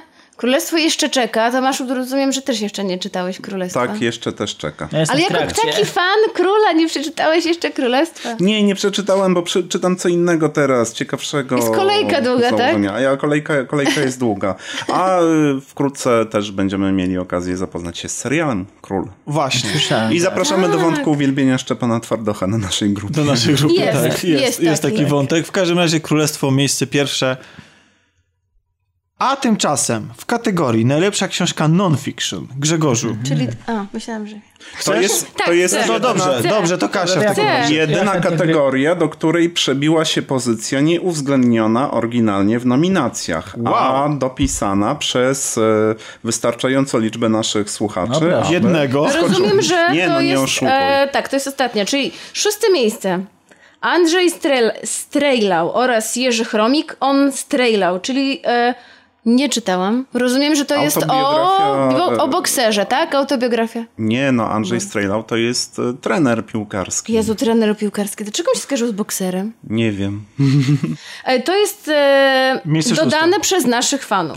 Tak. E, miejsce piąte, Małgorzata Nie, Reimer. to, to teraz, to teraz, Teraz e, masz szóste. szóste egzekwo z A, szóste egzekwo, przepraszam, bo jest dużo szóstego egzekwo, przepraszam. Małgorzata Reimer, Błoto słodsze niż miód, głosy komunistycznej Albanii. O, to ja z kolei dodawałam. E, bardzo cieszę się, jest na mojej liście do przeczytania. Jeszcze nie czytałam i cieszę się, że znalazło się w tej finałowej szóstce. E, czy, e, czy następna pozycja jest miejscem egzekwo? Tak. Bo ma tyle samo, rozumiem, tak? Joanna Kuciel, Frydryszak. Służąca do wszystkiego. Jest to też pozycja, którą bardzo chcę przeczytać. E, nie wiem, czy czytaliście e, jakieś artykuły o tym, recenzje albo cokolwiek. Strasznie e, ciekawy jest temat, ponieważ jest to podobno najrzetelniejsza książka, która powstała na ten temat. O polskich służących. O, w ogóle od, e, od podszewki podobna autorka podeszła e, do tematu bardzo rzetelnie i zbadała Taka temat. monografia polskich służących, tak? Tak, e, i z tego co czytałam w magazynie książki artykuł o tym, to może być naprawdę bardzo ciekawe i chętnie przeczytam, szczególnie w zestawieniu z książką Służące, amerykańską, którą czytałam. E, miejsce czwarte, bo rozumiem, że są dużo, jest egzekwo miejsce szóste, trzy pozycje i Tak, miejsce i nie- czwarte e, Justyna Kopińska z nienawiści do kobiet. I Jeszcze nie czytałam, ale też ma bardzo dobre, e, bardzo dobre oceny i bardzo wysoką pozycję w różnych rankingach książkowych. Miejsce trzecie. A to mnie Tucker. zaskoczyło. Reed Tucker. Mordobicie. No, Wojna słyszę to. superbohaterów. Marvel kontra DC. Ona się cieszy bardzo, bardzo dużą popularnością Okej. w naszym środowisku. bo- Tak, tak, to jest jeden z. e, Znaczy rzeczywiście jakaś rzetelna publikacja, bańki. tak? Tak, to jest zbiera. Znaczy, y, pojawiają się pewne zarzuty co do drobnych nieścisłości, ale nie są to y, rzeczy kompletnie dyskwalifikujące taką publikację. Okej. E, Miejsce drugie. Mm, Znana tutaj wszystkim, myślę, Magdalena Grzebałkowska. E, Komeda Osobiste życie jazzu. Książka, którą e, mam nadzieję też niedługo przeczytam, ma też świetne recenzje. No a pani Grzebałkowska No tak, to jest- pisze genialne biografie. No jest znana między innymi z świetnej biografii e, Beksińskich. Beksińskich, tak. Ale też, ale nie tylko. No nie To jest, tylko, mój, nie to jest tylko. mój numer jeden na liście książkowej w ogóle. e, Zaraz obok tw- Króla. Bo też jeszcze nie... Ale do przeczytania? Tak, tak, w tym roku. Tak. No i słuchajcie, miejsce pierwsze z ogromną przewagą, ponieważ miejsce drugie to było 19%, a miejsce pierwsze aż 49,5%. Totalne zaskoczenie. Dla I mnie nie. też, mimo że mm, polecałam tę książkę. Znaczy no grupa się nazywa Wszystko gra i, i ogólnie stron. e, Jason e, Schreiner lub Schreiner, Krew, Pot i Piksele. A powiem wam, dlaczego ja e, mam e, takie ambiwalentne odczucia, ponieważ z jednej strony polecałam tę książkę tutaj i mówiłam, że dla kogoś, kto nie siedzi w temacie, e, jest to fajne takie wprowadzenie w branżę, bo ja dowiedziałam się bardzo dużo o tym, jak się robi gry. Ale z drugiej strony jest to książka bardzo średnio przetłumaczona. Nie wiem, nie czytałam w oryginale, to kilka, e, kilku z naszych znajomych czytało, więc nie wiem, czy taki był język, czy to jest kwestia tłumaczenia. Ja, ja jestem trochę zaskoczony, ponieważ dla mnie to jest po prostu zbiór postmortem. Takich opowieści o... o... Brakuje mi w tej książce takiego ogólnego spięcia. To A, znaczy, więc, w sensie... a ja właśnie też chciałam, mm, dokończę powiedziałam o tym języku, ale właśnie e, początek czyta się świetnie. Pierwszy, drugi, trzeci, czwarty rozdział, a potem im więcej jest tego, tym bardziej e, zaczęło mnie już pod koniec trochę nudzić, bo jakbym czytała kolejny raz e, Bo to tam... po prostu nie jest książka na raz, no. E, takich ciekawszych historii jest niewiele. Tak jak opowiadałam tutaj o stworzeniu Stardew Valley, które moim zdaniem było najciekawszy rozdział, bo zupełnie inny od pozostałych. Ale jak widać, y, poruszyło naszych y, słuchaczy. No i przynajmniej na tyle, że No uznali, prawie że... 50% Tak, głosowało czyli jednak. widocznie jest to ważna książka. W zeszłym roku na pierwszym miejscu były wojny konsolowe. Aha, Także czyli- jeżeli czyli w tym roku pojawi się coś podobnego, Więc no to jeśli jest chcecie, duża drodzy szansa. wydawcy, wygrać w naszym plebiscycie w za 2019, to celujcie zdecydowanie. A czy to jest ten sam wydawca u nas w Polsce w ogóle? Krewpot i Pixele? Tak, wiesz co, chyba tak, SQN. O, proszę Mhm. bardzo. A, no dobrze. Ale ogólnie bardzo podoba mi się e, to zestawienie. Same Sine qua non naprawdę. No dla mnie jest inspirujące, książki. więc na pewno sięgnę E, po To część z o komedzie e, z nienawiści do kobiet i służące są na mojej liście. O, przeczytaj koniecznie. Będziemy musieli niestety przyspieszyć trochę, No dobra, więc dawaj. nie będziemy się aż tak bardzo rozwodzić, e, a szkoda, bo akurat e, to jest, te kategorie są trochę mi bliższe. Najbardziej inspirująca gra wideo. Na miejscu szóstym Florence. Gra komórkowa, tak? Mobilna. Tak. Co jest e, z jednej strony E, pewnym ale chyba też wyszła ale... na inne platformy. A, okej. Możliwe, ale chyba przede wszystkim jest kojarzona tak, tak, tam zaczęła swoje Mhm. życie. Tak. E, i- jeszcze w ogóle, jeszcze, jeszcze tylko wytłumaczę, że ta kategoria, ona nie jest do końca sprawiedliwa, bo część dużych gier AAA tak zwanych wysokobudżetowych też są grami inspirującymi, zresztą będziemy, na chwilę się zatrzymamy e, przy tamtej kategorii też, więc to nie jest tak, że my dyskredytujemy, że jeżeli coś jest duże, to nie może się znaleźć w tej kategorii. Ale, ale, ale jest, z naciskiem na indyki Jest, jednak. tak, że chcemy docenić gry mniejsze, a jednocześnie nie chciałbym też, ja nie chciałbym tworzyć kategorii, że to jest gra niezależna, bo dzisiaj nie wiadomo, co to jest gra Mhm. niezależna. Ciężko to opisać i, i też jest to bez sensu. Albo W zeszłym roku wygrało Hellblade. Na przykład. Mhm. A dzisiaj już twórcy należą do Microsoftu. Więc może więc, y, możemy tak powiedzieć, że dla nas gra inspirująca to jest taka gra, która właśnie dostarcza nam czegoś więcej niż rozrywki. E, może motywuje do jakichś Tak, znaczy, ale- przemyśleń. Ale to nie wyklucza też, Tak, że gra rozrywkowa. ale ale nie wyklucza, nie wyklucza, oczywiście. Na miejscu piątym jest gra, która muszę przyznać, że... Jeszcze To się nie mnie skończyła. bardzo zdziwiło. To mnie bardzo zdziwiło, że, że, że się znalazło na miejscu piątym. To jest Life is Strange 2 i jestem zdziwiony nie dlatego, że uważam, że to jest zła gra, bo wyszedł jej zaledwie epizod i prolog i ja grałem w prolog i mi się bardzo podobało, zresztą bardzo lubię Ale w momencie, kiedy Strange. było głosowanie, to był jeden pełny Był odcinek. jeden pełny odcinek, bo to jest gra epizodyczna. Natomiast to, co, dlaczego mnie to zaskoczyło, że ona w ogóle zna- znalazła się w tym zestawieniu, to to, że o niej jest kompletnie cicho. Że poprzednia, poprzedni sezon, tak, poprze, Life is Strange pierwszy, wzbudzał ogromne zainteresowanie. Ale myślę, że dopiero wtedy jak się skończył. No nie, znaczy ja mam wrażenie, że, że, że był szeroko omawiany już, już wcześniej i ludzie czekali na kolejne odcinki i nie wiem, czy to oznacza, czy to jest jednak, żyjemy w schyłku, u schyłku gier epizodycznych i po prostu ten model y, dystrybucji no, niespecjalnie nas zachęca do tego, żeby przeżywać to, nie wiem, jakoś tam co miesięcznie, czy co trzy miesiące i tak dalej. Także dla, dlatego jestem zaskoczony, że, że, że, że może. znalazło się w tym zestawieniu, Jestem- no ale E, Jestem dużym się. fanem pierwszej części i sięgnę po drugą dopiero jak już Tak. będzie pełna. E, mogę- Dlatego... Ba- Dwa zdanka, postaram się bardzo krótko. Mm, grałam w Life is Strange poprzednią część, strasznie mi się podobała.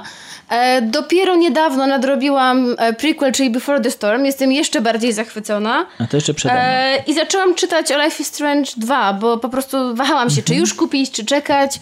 E, I powiem wam, że odbiór tej gry jest bardzo, bardzo, bardzo mieszany. Okej. Jest dużo negatywnych opinii e, na Steamie. Bo rozumiem, że to jest już kompletnie inna historia w tym samym świecie, i po, tak? myślę, że po pierwsze zawód ludzi jest taki, że jest właśnie inna historia, Mhm. inni bohaterowie, są to młodzi chłopcy i poważny zarzut jest taki. No, ale no, naprawdę tam, tam nie nie, było nic chcę, nie chcę, tamtej ale historii. nie no. chcę też No tak. zaczynać e, dyskusji politycznej tutaj, bo ona wzbudza zwykle bardzo duże emocje i pewnie możemy od rana o Mhm. tym dyskutować.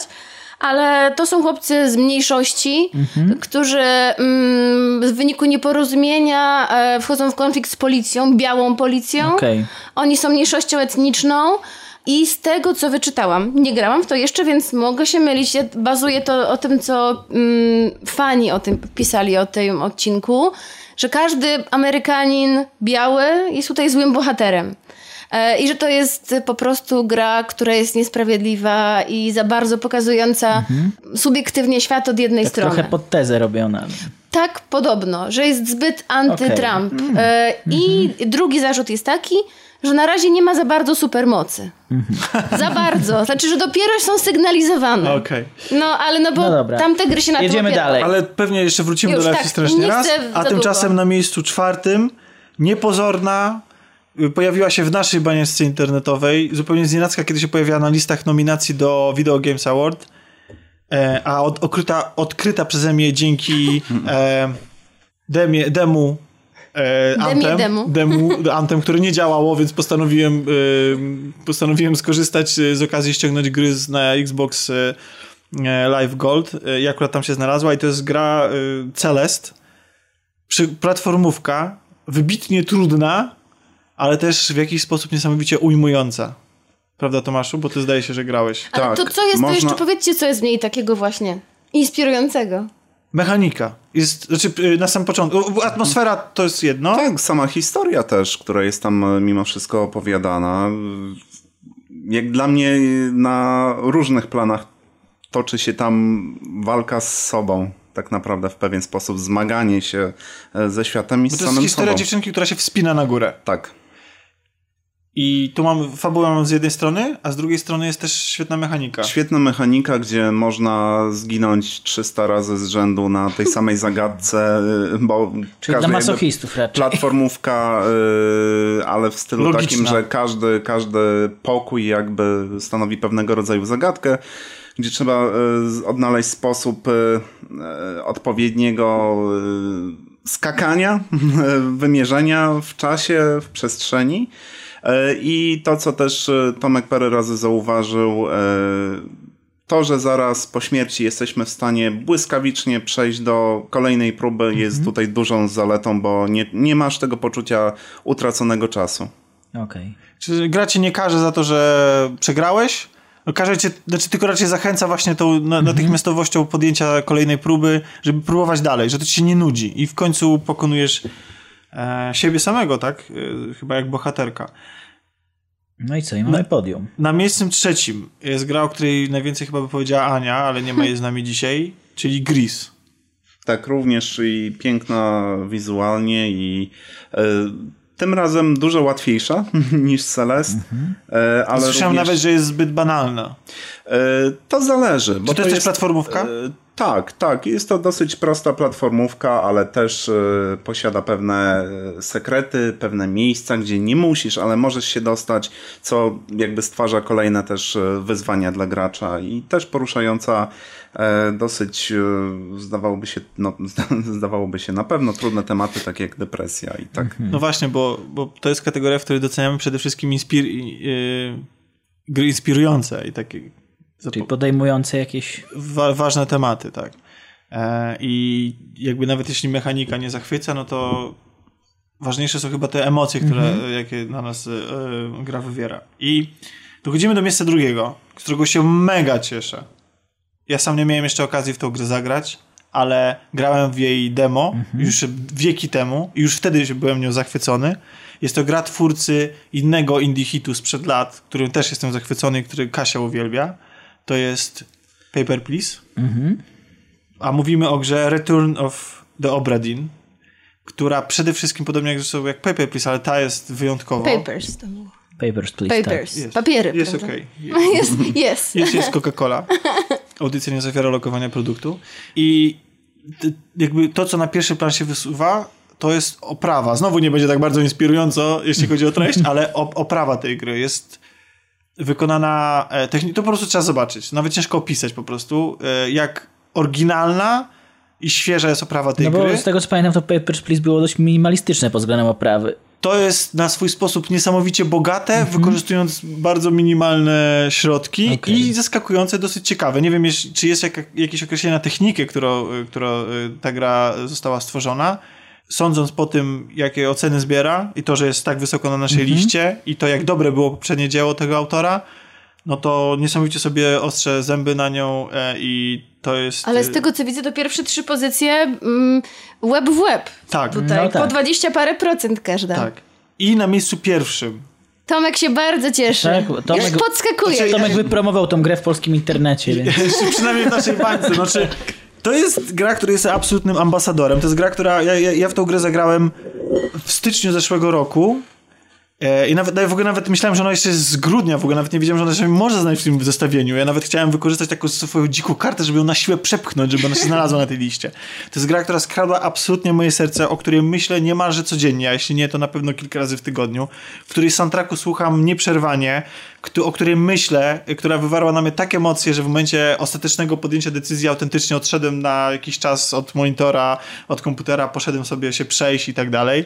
I to jest gra, którą kocham bezgranicznie i za klimat, atmosferę i wszystko, co, y, wszystkie te rzeczy, które ona porusza, a mówimy o, nie wiem, to chyba można na- najkrócej ją nazwać przygodówką albo symulatorem barmana trochę, po trosze, chociaż jest, to też jest symulator garncarza w tej grze zaszyty, E, a, mówić, a mówimy o cyberpunkowej grze The Red Strings Club. I tak bardzo, jak jestem przeszczęśliwy, że ona wygrała w tej kategorii, bo jest to moim zdaniem absolutnie najlepsza gra zeszłego roku, jeśli chodzi o, dla mnie, jeśli chodzi o, o inspirację, o właśnie o, o oddziaływanie i absolutnie każdą, każdemu ją polecam, ale nie każdemu się ona spodoba. I dlatego jestem mocno zaskoczony, że ona wygrała. Po prostu jesteś dobrym influencerem. Znaczy, ja bym chciał, ja bym chciał, żeby to był y, y, bardziej wynik, że ludzie faktycznie ją kupili i w nią zag...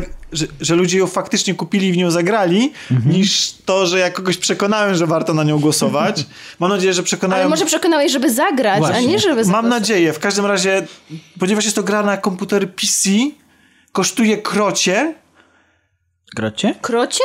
no jest dosyć droga. No przecież e, niedawno jak była zimowa wyprzedaż, mówiłam, że kosztuje tam chyba z 15 zł, więc... e, Okej, okej, a no to... No, Pamiętasz, umieściliśmy tak, o tak. tym informację No to nawet. mam nadzieję, że po Nie, tej no. informacji o tych 15 zł, złotowej premierze, chociaż moim zdaniem, no, no to jest taka to jest taka od której się łatwo odbić, y, pomyśleć sobie, bo tam na przykład mechanika sama jest taka nie jest specjalnie udana, jest y, tam po- polega na operowaniu myszką i tak dalej, natomiast no w tej formie po prostu trafiła do mnie idealnie i to jest absolutnie e, skradła moje serce. Cieszę się, mam nadzieję, że ten wynik odzwierciedla faktyczne zainteresowanie tą grą.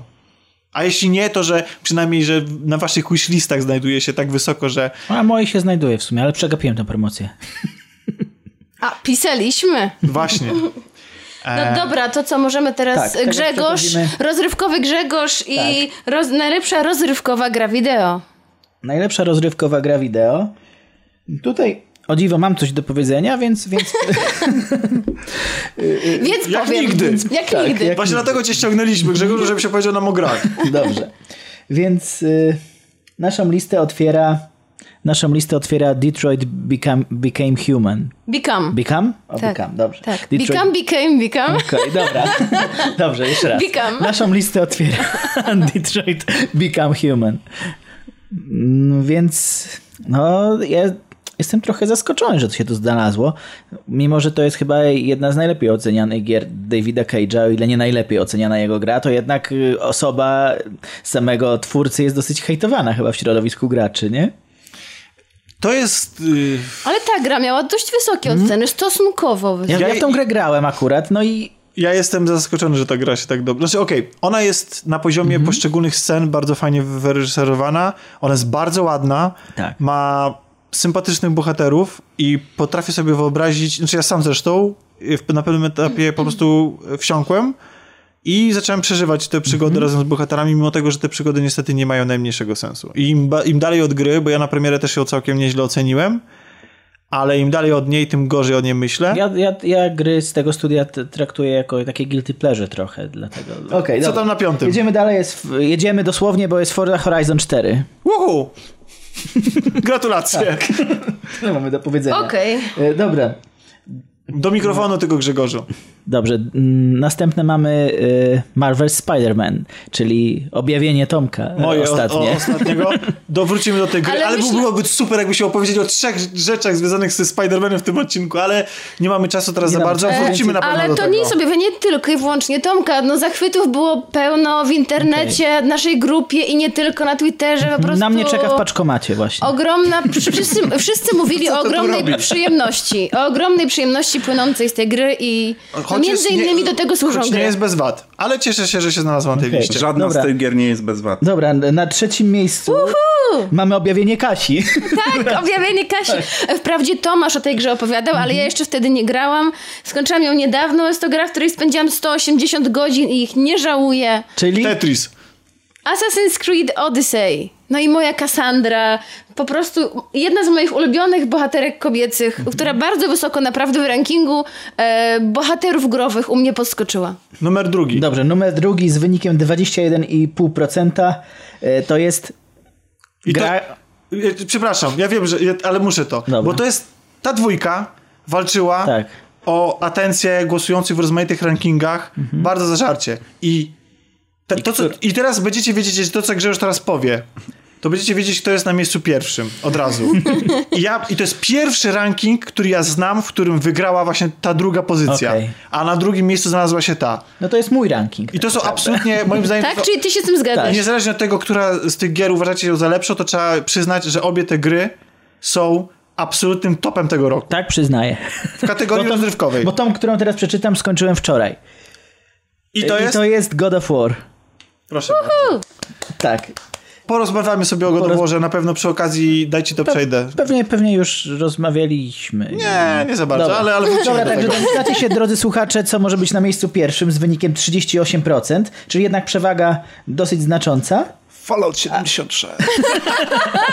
Aczkolwiek, aczkolwiek jest teraz na- Jest, jest na pewnej pozycji. To jest, tak jak, tak jak pewnie wam teraz intuicja podpowiada, to jest Red Dead Redemption 2. I tutaj sobie wyobraziłam e, ten mem z DiCaprio. Znaczy, e, No, Grzegorz, ty byłeś zachwycony tak, grą. ja byłem zachwycony, jestem do tej pory nią zachwycony. To jest gra, e, przy której się rozbeczałem jak dziecko przy zakończeniu, więc, A więc przy którym? emocje... Przy prologu, znaczy nie, nie, przy, przy Przy zakończeniu. Za, zakończeniu może.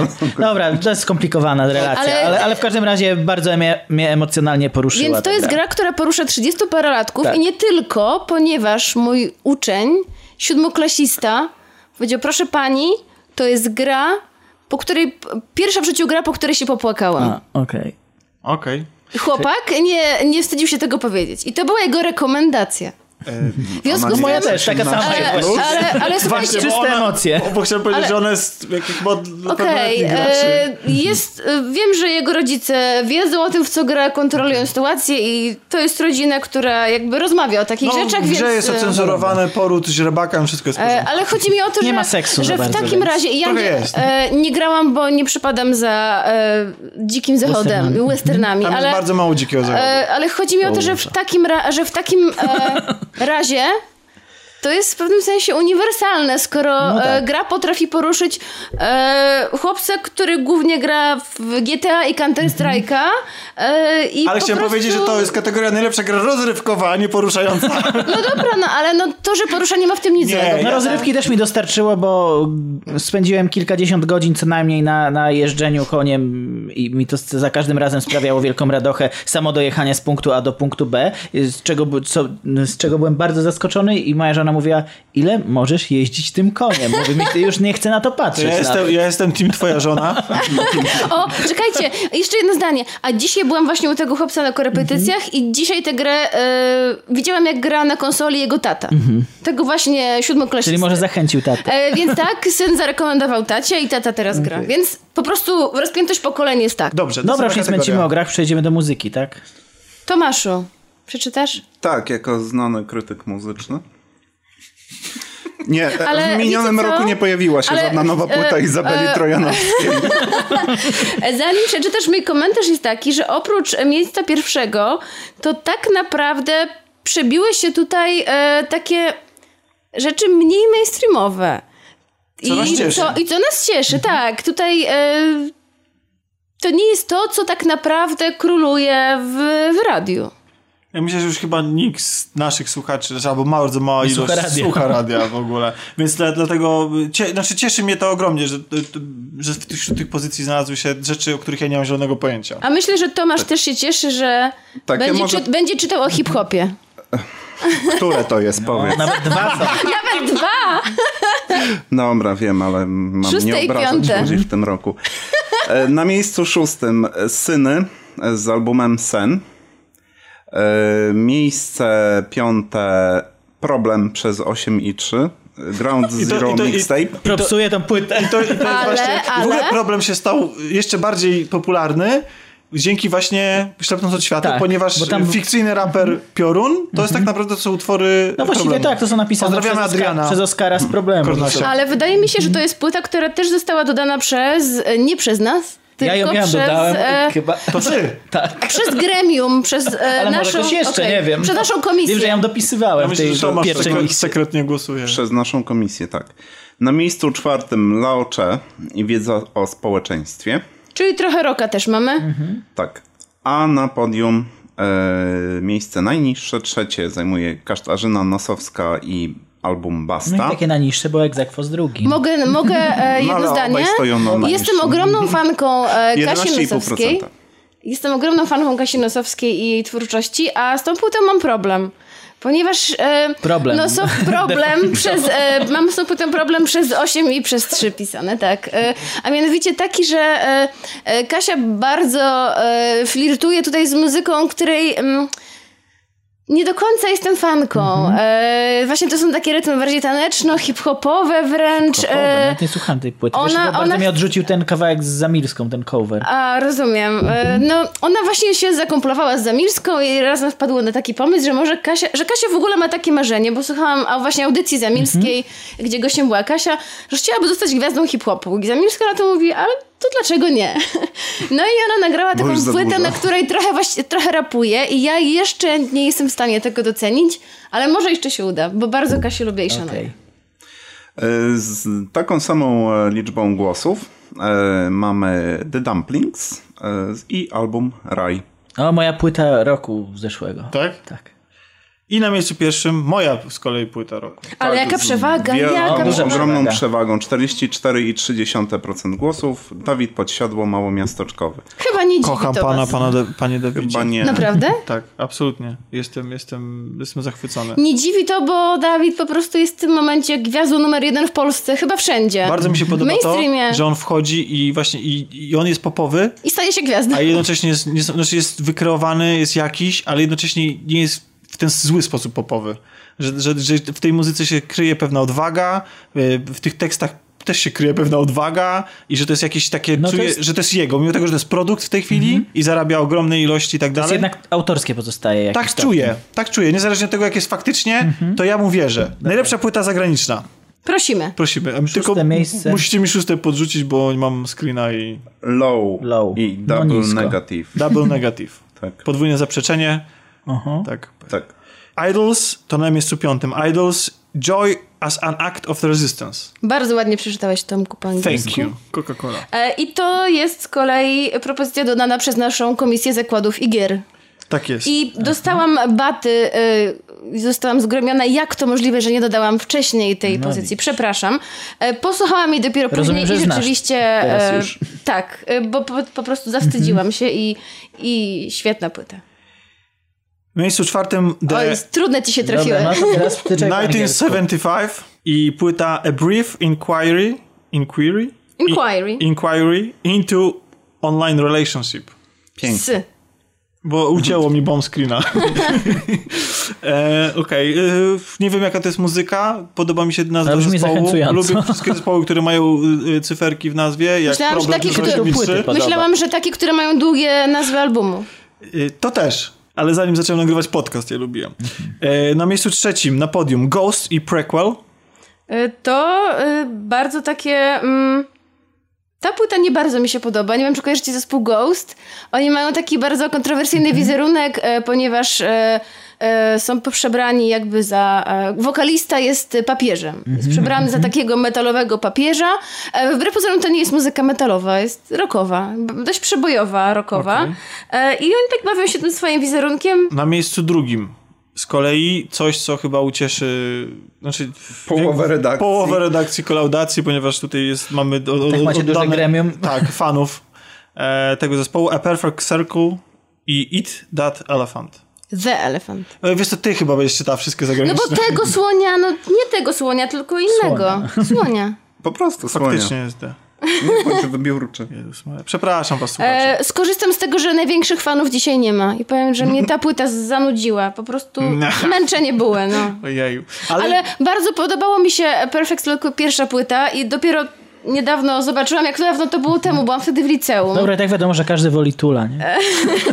Myślę, że to może być tak, tęsknoty za tulem, ale naprawdę są cieszę, to że takie smętne piosenki. przez tą muzykę, bo to zwykle jest najwięcej e, krwi się leje właśnie jeśli chodzi o muzykę. Ale na miejscu pierwszym płyta, która mnie totalnie zaskoczyła. A to Bo- jest dziwne. Mnie pierwsze trzy w ogóle e, zaskoczyły. Tomku, co to takiego? No, Lady Gaga i Bradley Cooper A Star Is Born soundtrack. To znaczy, powiem Domyślam tak, się, bo mi S ucięło tylko. Powiem tak, piosenki w tym filmie naprawdę są piękne i naprawdę e, wpadające w ucho. Powiem wam, że Shallow, które jest zresztą nominowane do Oscara w kategorii wygra tego piosenki Oscara, i wygra tego. Oscara, jest taką melodią, która tak mi się wbiła w umysł, że przez tydzień nie mogłam jej się pozbyć. Na Prawda. początku to pierwszego dnia było fajne, drugiego dnia lekko wkurzało, trzeciego dnia myślałam, że oszaleję i Ten próbowałam już syndrom słuchać... radiowego hitu się włączył. tak, i próbowałam słuchać innych rzeczy i to mi nie wychodziło z głowy. To są takie hity, przesłuchacie raz i nie zapomnicie ich długo.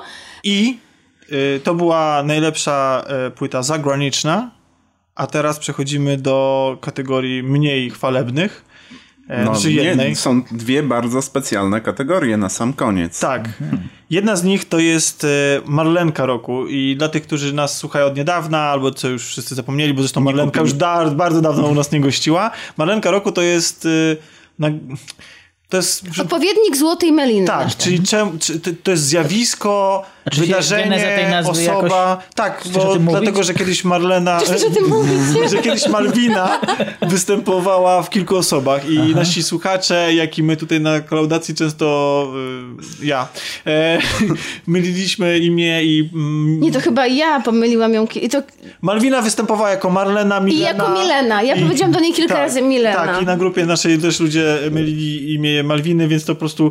A Marlenka jako złe ego, Tak. e, alter Tak, ego. alter ego Malwina. Tak, więc dlatego właśnie ona firmuje te wszystkie rzeczy, które nam się nie podobały. Rozczarowały, zirytowały. Dokładnie. To słuchajcie, mam taką propozycję, ponieważ to jest taka kategoria przekrojowa, może każdy będzie czytał po jednej pozycji. Dobrze, okej. Dobra? To Tomku, zacznij od ostatniego. Chyba, że nie chcesz. To chyba w sumie, no dobra, no to, to nie jest mój największy zawód, ale y, jeden z największych. Han Solo, Gwiezdne Wojny, historię za klapę finansową. Chociaż właściwie to nie jest mój zawód, że ten film nie zarobił, aczkolwiek chciałbym, żeby zarobił, bo mimo tego, że sam się niespecjalnie mm, nim zachwycam, to No jednak znalazł się w top 6 filmów rozrywkowych tutaj. tak, tak, ale on mam wrażenie, że ta klapa finansowa sprawiła, że Marvel, czy, że Trochę z tymi Disney Gwiezdnymi Wojnami przyhamował. przyhamował i że nie wiedzą za bardzo, w którą stronę pójść. I to jest, i to mi się, ja bym wolał, żeby oni się zastanowili, co dalej z tym zrobić po epizodzie dziewiątym. No.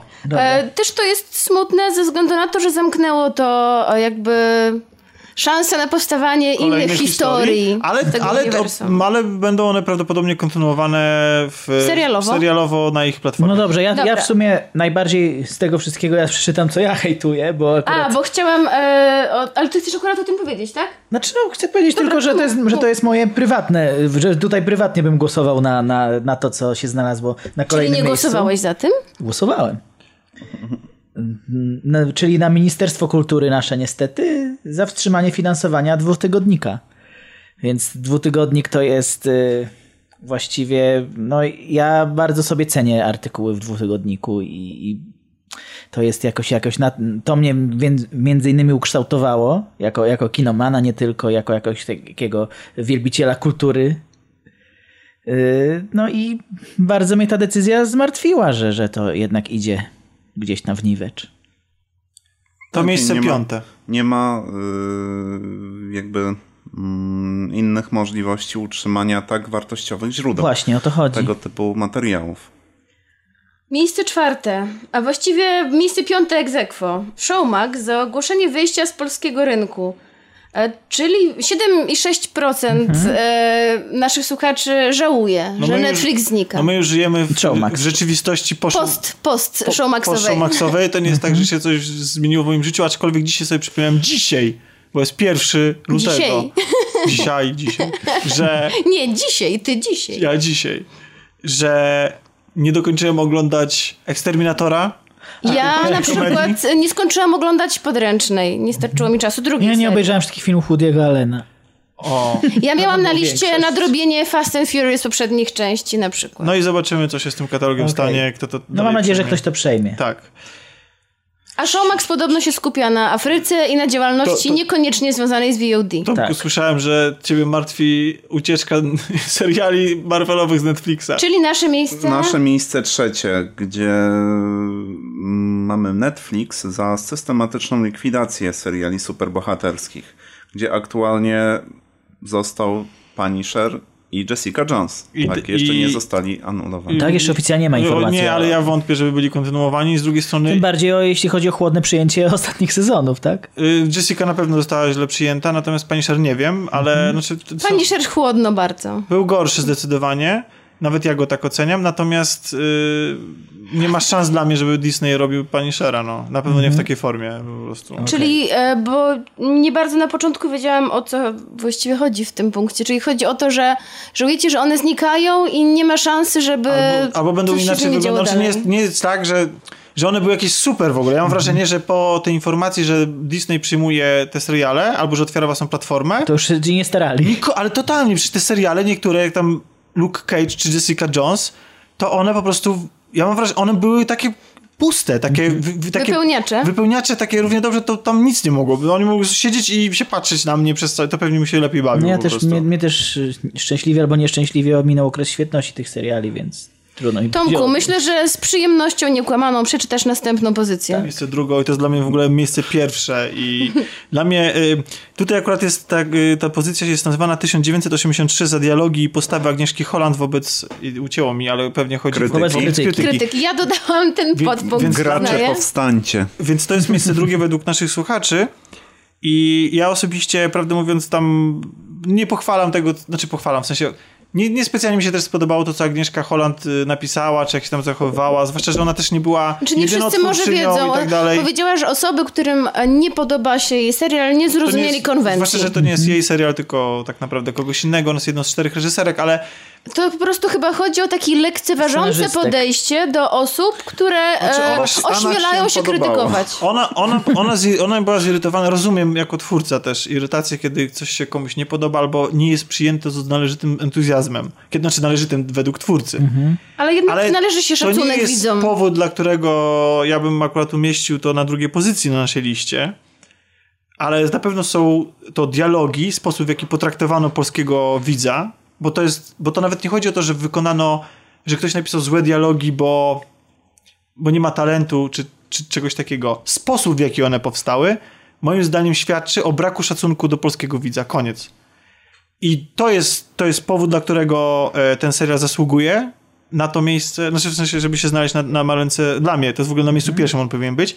I w ogóle sam jako serial uważam za ogromne marnotrawstwo pomysłu. To jest dla mnie, to jest dla mnie niewyobrażalne, że ona dostała, znaczy ona w sensie, znowu Holland, że oni dostali drugą szansę i mam nadzieję, Co znaczy że ty, drugą szansę? szansę? no będzie drugi sezon. Naprawdę? Tak.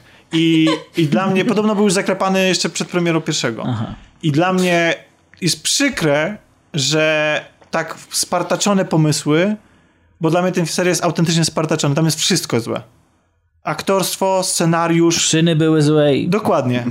Naprawdę. Dawno nie byłem tak zawiedziony e, tworem e, kultury, jak był ten serial. Bo dlatego, że Agnieszka Holland i cała ta spółka, w sensie e, ludzi tam musiał i tak dalej i showrunner, wzięli arcy ciekawy pomysł i po prostu go zmarnowali. Bardzo się cieszę, że to mi przypadło przeczytanie pierwszej pozycji. Aż ponad 50% głosujących Czyli stwierdziło, duże że zaangażowanie. Że pierwsze miejsce w kategorii Merlenka Roku otrzymuje gra Fallout 76 za całokształt.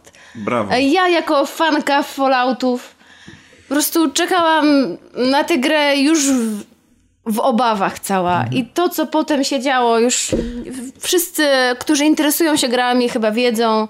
Po pierwsze, e, Tak, ale się zastanawiam, czy, czy Cały Fallout ten- 4 nie dał do myślenia już, w jakim kierunku to podąża? Znaczy, myślę, że po pierwsze chodzi o to, że mm, z, z tej gry, gry, która się mieści w bardzo szanowanym i uwielbianym przez graczy uniwersum, zrobione, zrobione strzelankę online, Okej. co już jest uważane za jakąś taką, za świętokradztwo, a poza tym wszystko, co towarzyszy tej premierze, ten cały e, bugfest, czyli po prostu ogromna ilość bugów, problemów, jakie z tym się wiązały. E, No i nie pamiętam niczego pozytywnego, co, co się wiąże w ogóle z premierą tej gry. A nagrodę dostarczymy w cerotowej torbie.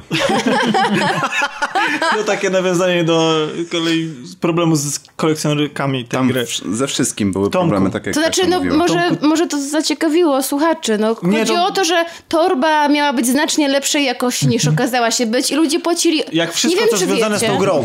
Nie wiem, czy wiecie, ale kolekcjonerki kosztują ogromne pieniądze. Są to, są to ceny w setkach złotych i jeśli dostajecie e, straszliwej jakości ceratową torbę za kilkaset złotych, to chyba nie jesteście zadowoleni. Tomku, Grand Prix roku, czyli właściwie Tak. nasza największa, najważniejsza nagroda. Tak, top topów. Top topów. A Na- minąłeś Grzegorz. Zaczynamy od y, miejsca No, dobra. szóstego, które zajmuje Olga Tokarczuk, która została w minionym roku laureatką prestiżowej międzynarodowej nagrody Bookera. Jak się z tym czujesz? Świetnie. Świetnie, że polski autor i w szczególności właśnie pani Tokarczuk została doceniona. Przyznam się, że dowiedziałam się o tym dopiero wtedy, kiedy sobie szukałam jakichś fajnych sukcesów, e, które możemy wrzucić na tą listę. I kiedy przeczytałam tylko o tym, że Olga dostała tę nagrodę, natychmiast dodałam ją. Uwa- i jest to naprawdę super prestiżowa nagroda, bardzo wąskie grono i jest to pierwsza Polka, pierwszy polski pisarz, który został doceniony tą nagrodą. A szkoda, że mało osób o tym słyszało. Ty jako... Chociaż rozmawialiśmy o tym na grupie. Grzegorzu, ty jako y, dzieciaty, ojciec, mąż, możesz się ustosunkować do tego, jak bardzo zachwyciło cię następna pozycja, która się znalazła na naszym rankingu Grand Dobra. Prix, na miejscu piątym. Na miejscu piątym mamy Nintendo Labo za oryginalność. Kupiłeś? Nie. Zamierzasz? Nie wiem, wątpię. Moim zdaniem, ja byłem zachwycony pomysłem, tylko on jakoś zdechł. No tak, to jakoś, Tak, jakoś tak no. samo jak się z pompą mówiło o tym, jak, jak, to miało w ogóle... Się, zrewolucjonizować Tak. zabawę. to jak już, jak, już, jak już było po, po wszystkim, to jakoś to ucichło. Musimy zapytać nie wiem się dlaczego, Ani bo, i bo Basi, nie mam... co robią z kartonami. A właśnie, bo mają. Tomku, przepraszam, ale cały czas do ciebie jakieś kobiety piszą na Facebooku. Tak. Nie mogę się skupić, bo masz otwartą zakładkę i non-stop piszą do Też ciebie. pisz do niego. No, A może, a może to na żywo leci, nie?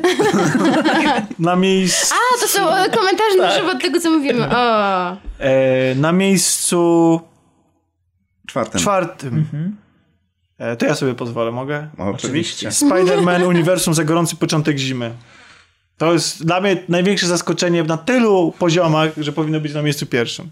Tak, w moim rankingu. ogromny szum w internecie Tak. wywołało. I w ogóle i dziękujemy ci Sony, że czasami, czasami rzucisz w nas takim ochłapem y, artyzmu i, i, i, i pozwolisz na, luzujesz trochę ten kaganiec e, swoim twórcom i pozwalasz na takie arcydzieła jak Blade Runner 2049 czy Spider-Man Uniwersum. No dobra, czyli idźcie tą drogą. Tak, tak.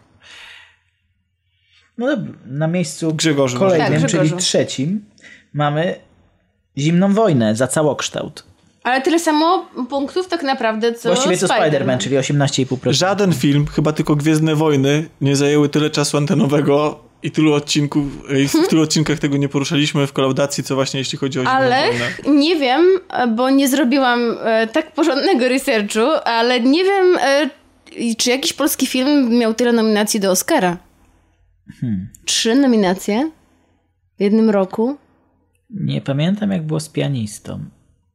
Okej, jest, no ale to, Ale- to ale nie nie do wiem, czy końca to można pol- polski film To nie jest polski właśnie. film, Właśnie, to jest to jest film po- polskiego reżysera. polskiego reżysera, ale nie polski film. A to jest naprawdę polski film, za To było, polskie miejsce, pieniądze. to było miejsce trzecie, a miejsce drugie, inny zwycięzca To ja w naszym plebiscycie, proszę bardzo. Jako, ja jako wielbicielka westernów muszę to przeczytać. Red Dead Redemption 2 za całokształt, czyli zachwyt e, tutaj e, Totalny. widzę tak, totalny, bo drugie miejsce 22%. I na miejscu pierwszym, Tomku. 27,2% za Grand Prix roku e, nasi Słuchacze. słuchacze, uznali sukces frekwencyjny Kleru. Bez, e, właściwie to nie wymaga komentarza, no ten sukces był. No był. To znaczy mówiło się o tym bardzo dużo i też mówiły o tym osoby, które na co dzień do kina nie chodzą i też No to jest osoby... jakiś fenomen na Tak, pewno. i, i był to fenomen. My też na to poszliśmy i o, rozmawialiśmy o Klerze, ale naprawdę mówiło się o tym w gronach, które normalnie o filmie nie mówią i osoby poszły do kina takie, które też właściwie moi, dużo moich znajomych, którzy też do kina tak, często Na nie pewno chodzą. było to faktycznie wielkie wydarzenie w polskim kinie. E, no na pewno zadziałała tutaj e, zasada kontrowersji. I to wszystkie kategorie. Ale jeszcze przy kategorii Grand Prix jest jedna rzecz, o której e, bardzo bym chciał wspomnieć. To była pozycja dodana przez słuchacza, e, mianowicie A Way Out z powodu emocji, których gra mi dostarczyła oraz przez, przewijam, innowacyjne podejście do tematu kooperacji w grach, a także finansowania gry, ponieważ jedna kopia wystarczała do gry dla dwóch użytkowników. I to jest bardzo dobra, prawdę Mhm. mówiąc, pozycja, bo y, i gra, mimo tego, że to nie jest tak, że bezkrytycznie y, do niej podchodzę, ale y, Tomasz, ty grałeś? Tak, tak jak I najbardziej. nawet ty Tomku omawiałeś. Tak, Polecałeś w Tak, kolorze. nie, polecam, absolutnie. W okolicach Wielkanocy razem z bratankiem ukończyliśmy. Tak, i faktycznie, i, i, i nie dość, że wydana przez EA i to jeszcze w takiej formie, to jeszcze dodatkowo gra, która wzbudza emocje i jest jakaś w pewnym sensie innowacyjna, także to było tak. Nawet się dziwię, że ona się nie, nie, nie znalazła w ogóle w, w innych zestawieniach. Ja jeszcze tylko powiem jedno zdanie na temat tego Grand Prix, że ciekawe jest, że jednak Claire wygrał tą nagrodę za sukces frekwencyjny, ale nie znalazł się na pierwszym miejscu jako najlepszy film polski, a wyprzedziła go Zimna Wojna, która tu jest A. na trzecim. E, Więc... Bo myślę, że to było. Claire był bardziej fenomenem Niż- i niż- dlatego niż dobrym- słusznie niż- dostał niż Grand Prix. filmem. E, Był bardzo dobrym filmem, ale jednak Zimna Wojna No tak. artystycznie była lepsza. Drodzy Zasłużenie. to są wasze wybory. To wyście wybrali. Mam nadzieję, że cały plebiscyt dostarczy wam tyle frajdy, ile nam. A przy komentarze? układaniu. By- Przy, zaraz przejdziemy do komentarzy. E, Właśnie ale najbardziej czekam na to. my układając te listy mieliśmy ogrom frajdy, przypominaliśmy sobie ten rok 2018. Mam na... znaczy, ja mam wrażenie, że to był bardzo dobry rok, e, jeśli chodzi o kulturę. Że zwłaszcza w kinie było naprawdę ciekawie, że właściwie poza takimi potknięciami jak tam Fallout, to nie było ogromnych jakichś porażek i właściwie w każdej z tych kategorii no nie zabrakło po prostu rzeczy emocjonujących, inspirujących, yy, wzruszających i ważnych. Po prostu. E, I ciekawe jest też to, że wydawało mi się, że dużo tej kultury skonsumowałam, ale jednak tutaj e, już tyle mam rzeczy do nadrobienia, że nie wiem, czy się wyrobię do końca tego roku. Życzymy Więc sobie, aby, aby ten sporo. 2019 był podobny, a tymczasem... mi- Bonus. Tak, bo mieliście okazję napisać, yy, przekazać nam jakieś swoje myśli, komentarze yy, na temat podcastu czy czegokolwiek innego. I tak też uczyniliście, więc myślę, że każdy przeczyta po prostu jeden z komentarzy i jakoś się spróbujemy pokrótce odnieść. No dobrze. Eee, ja, Śmiejemy się. jeżeli będzie. Ja Właśnie zobaczyłam pierwszy i mm, jak tak, jak chciałem powiedzieć, w moim sercu. pierwszy to jest y, komentarz, to jest a kolaudacja rymuje się z libacja To zdrówko. chciałem powiedzieć, że nie tylko rymuje, Czasami zastępuje. czasami zastępuje. Kolejny komentarz. Brakuje kategorii najbardziej pamiętny cytat z kolaudacji. Przez to, że czasami kolaudacja rymuje się z libacja, to sami nie pamiętamy, co mówimy. A nie, no to już wy ich musicie tak, nam pomóc. Było ich tak dużo, że Zwłaszcza, prostu... że, że, nie, że niektóre cytaty na przykład z Kasi są z czasów przyszłego, przeszłego, teraźniejszego.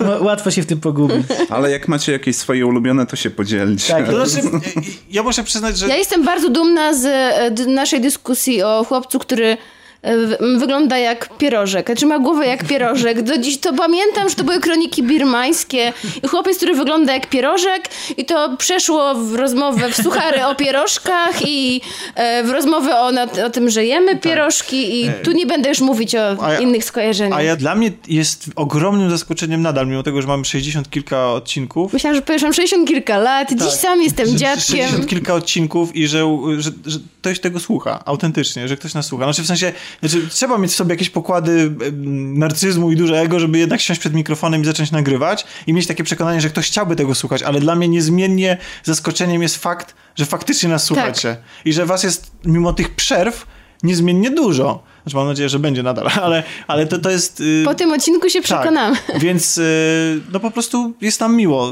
Grzegorzu, po prostu. Okej. Następny komentarz brzmi: Buziaki dla mojego współlokatora. A czarek nadal jest piękny, serduszko. O. Chciałem powiedzieć, że... Adrianie, jest, czy to ty jest. znowu, czy to inny fanek? Nie wiem, czy to Adrian Kornaś, czy to kolejny fanczarka się objawił. A kto jest współlokatorem? Ale Adrian nie ma współlokatora, czyli to ktoś inny. No, dla kogo? Ach, bo on u ciebie mieszkał kilka dni, czyli to Adrian. Pozdrawiamy.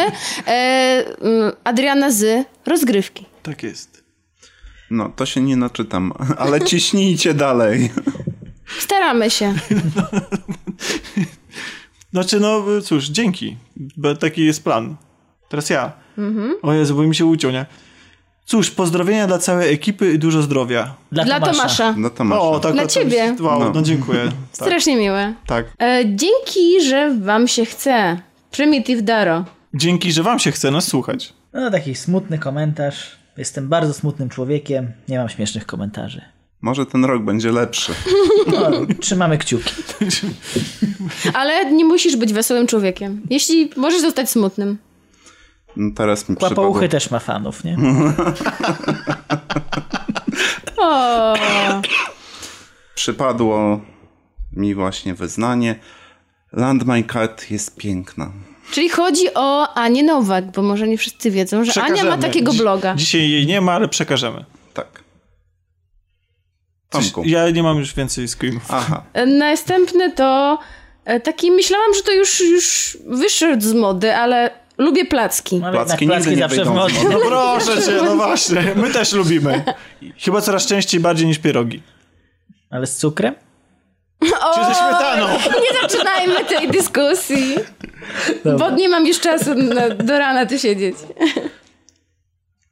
Okej. Nagrywajcie częściej, świetnie się was słucha. O, Dzięki. dziękujemy. No, dziękujemy. Zamierzamy. Postaramy się. Kolejny komentarz. Pierwszy. Nieprawda. Tak. A, okej, zajarzyłem. Że komentarz Tomku, ja bym pierwszy. chciała, żebyś ty to przeczytał. O Jezu. To- Co, dlaczego ja? Dlaczego ja mam Bo to tak przeczytać? czuję, że mężczyzna to pisał. Pijmy wódkę. Jedźmy śl- śledzie. Będziemy silni jak niedźwiedzie. To jest taki przekaz chyba dla mas w takim razie. Pewnie tak. Tak, w sprawie tych libacji. tak. E, n- następnie. Pozdrawiam Formogatkę. My też pozdrawiamy Formogatkę i Forumogatkę też. Formogatkę też. Okej. Jakieś takie mi się smutne te, po- te komentarze trafiają. Depresyjne. Depresyjne, depresyjne. Bo, boczak i dlatego. Może. Przed śmiercią ch- chciałabym przesłuchać nowy odcinek kolaudacji. Ale mów to do mikrofonu, bo Dobrze, przed śmiercią chciałabym przesłuchać nowy odcinek kolaudacji. daj nam znać, że żyjesz. Tak. I Może że jakieś nowe przesłuchałaś. plany w E, takim Tomku, razie. musisz starać się zmontować, bo wiesz... Kolejny słuchacz uważa, że przydałby się w naszym pięknym, dzikim kraju ktoś taki jak Thanos. Pstryk i nie ma nienawiści. O, to ciekawe. A co jeśli... Podejrzewam, że ta połowa, która by została i tak by się polała. Dokładnie. To, to akurat u nas to by nawet jakby został jeden. To by się zabił. To by się za... Ojej. No optymistycznie. No teraz też taki smuteczek. To jest mój komentarz. Brakuje mi was. I tu płacząca buźka. Nam też was y, brakuje i waszego, znaczy naszego nagrywania i spotykania się. Grzegorzu. Okej. Nie rozumiem o co chodzi. Wyjdę na ignoranta, ale trudno. Ale ja też nie wiem. Ale abyś, abyś wyszedł na ignoranta mówiąc do mikrofonu. Dobrze. Żeby wszyscy wiedzieli.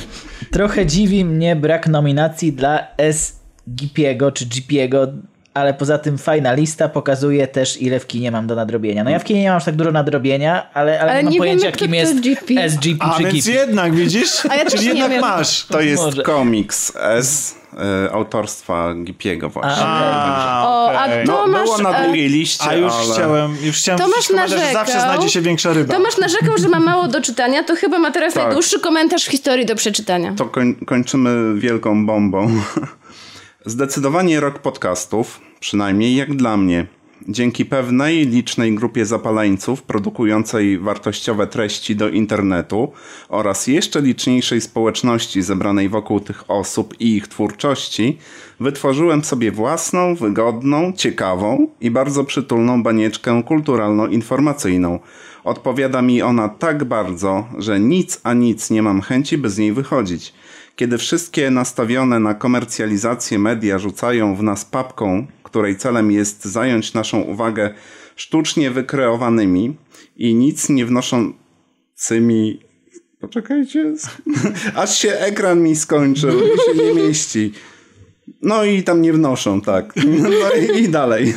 Są osoby, które fizycznie zmęczone, zamęczone miejską gonitwą uciekają w Bieszczady, by żyć we własnym, a nie narzuconym przez żyć we własnym, a nie narzuconym przez świat tempie.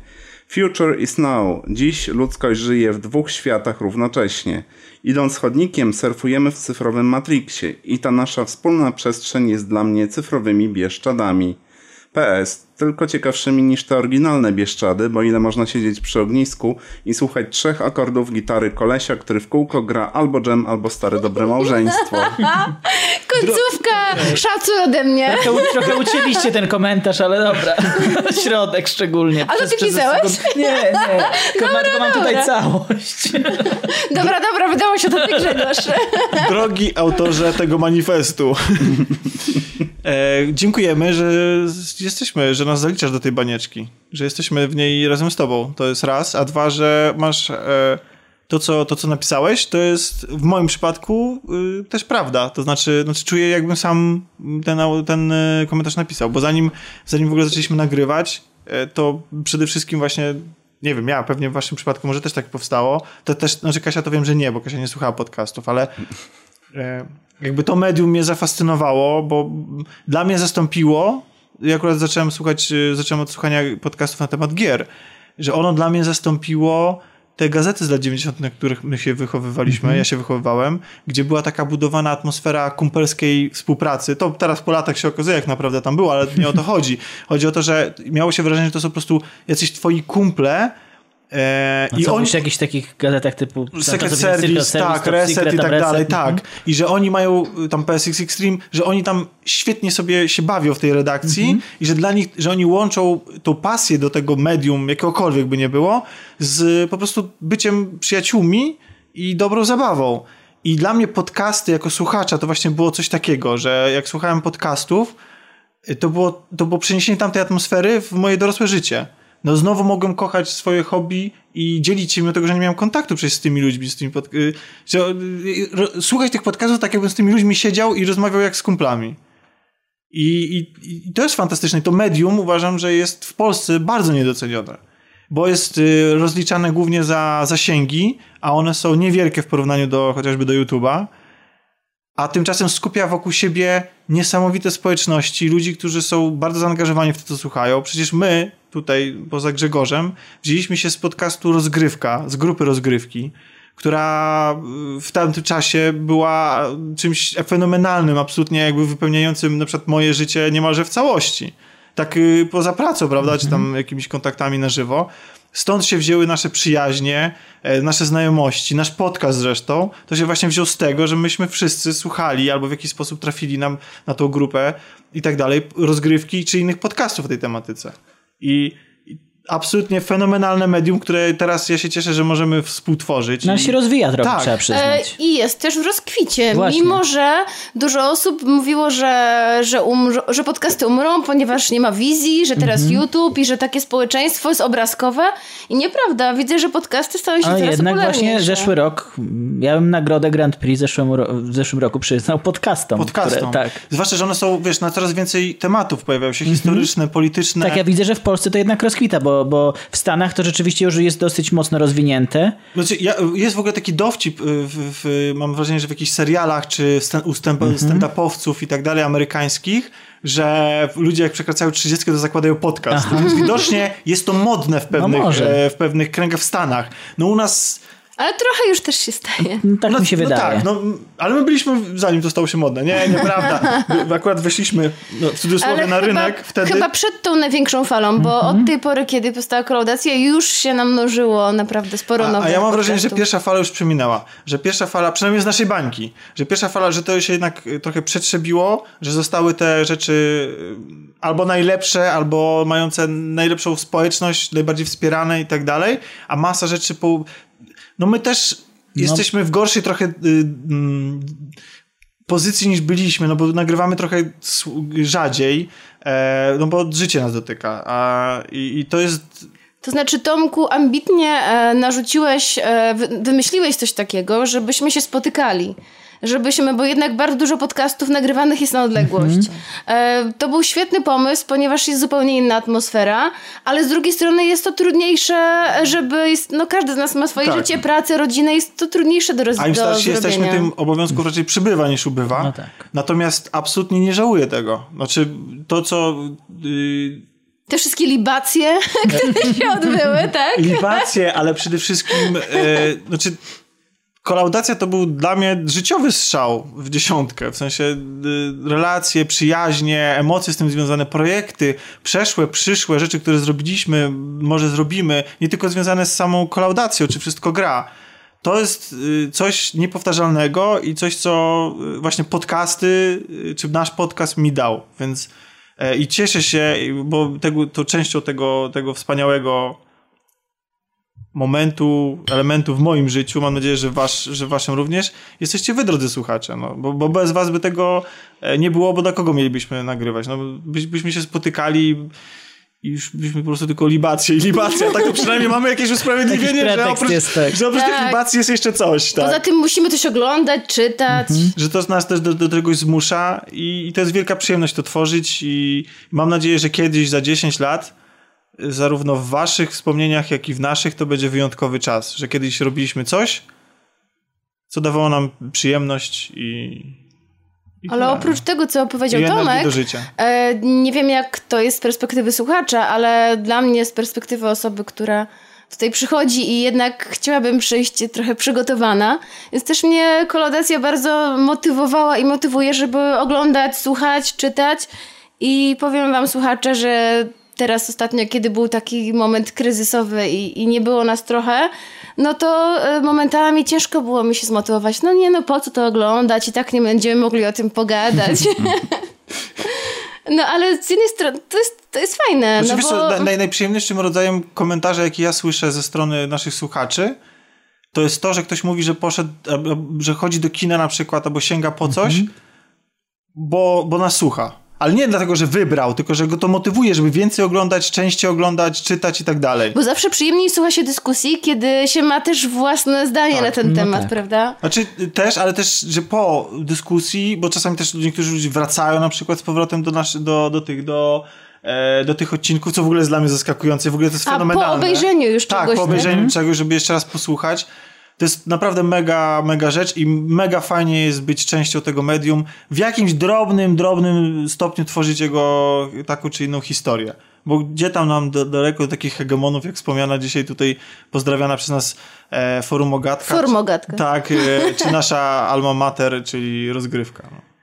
No dobrze, ale to już w ogóle dosyć tych ckliwości, bo się tak zrobiło strasznie sentymentalnie i... Rzucamy wszystko i Ale, jedziemy w cyfrowe ale bardzo Bieszczady. też Tak miłym jest. komentarzem e, kiedyś od słuchacza, tylko że na żywo, było to, że właśnie powiedział to też, o czym mówiłaś Tomku, e, że lubi nas słuchać, dlatego, że czuje się jakby, e, jakby siedział z nami i uczestniczył w dyskusji, aż chce się mu coś dodać. No taki e, był, e, taki, taki był plan nagrywania tego To na znaczy, żywo, że się no. udało. Tak, Jest a to bardzo miłe. Człowiek chciał siedzieć w domu i mieć spokój, to teraz... Dobrze, słuchajcie, y, jeszcze raz dziękujemy wszystkim za oddane głosy. Mam nadzieję, że jeszcze raz, że bawiliście się tak samo dobrze jak my.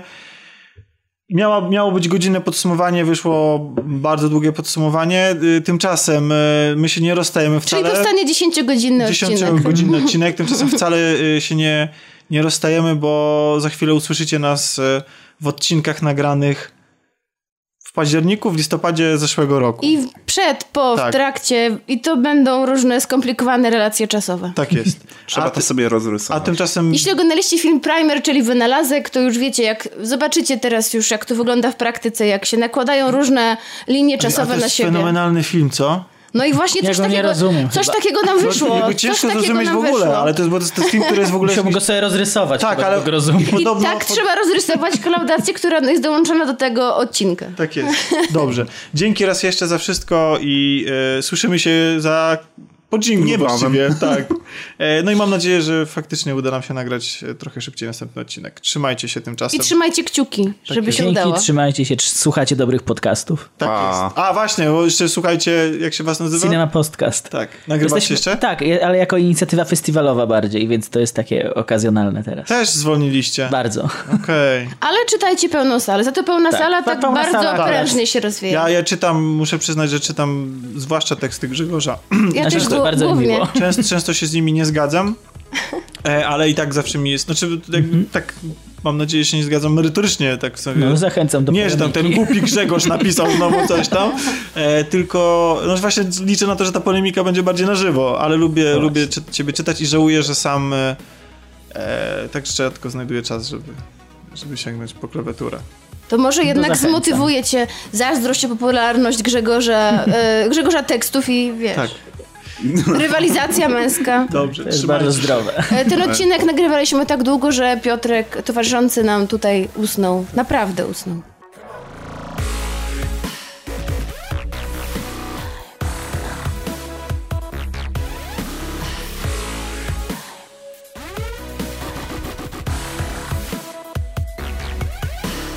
Ktoś mnie kopnął, To czarek. byłem ja. U, To był czarek. To może y, A jaki... Piotrek nie nagrywa. A Piotrek nie nagrywa. Nie chciał, powiedział, ja nie chcę być dzisiaj już w żadnym podcaście. No właśnie, a tro, trochę... To znaczy, że był w innym? To, Ostatnio!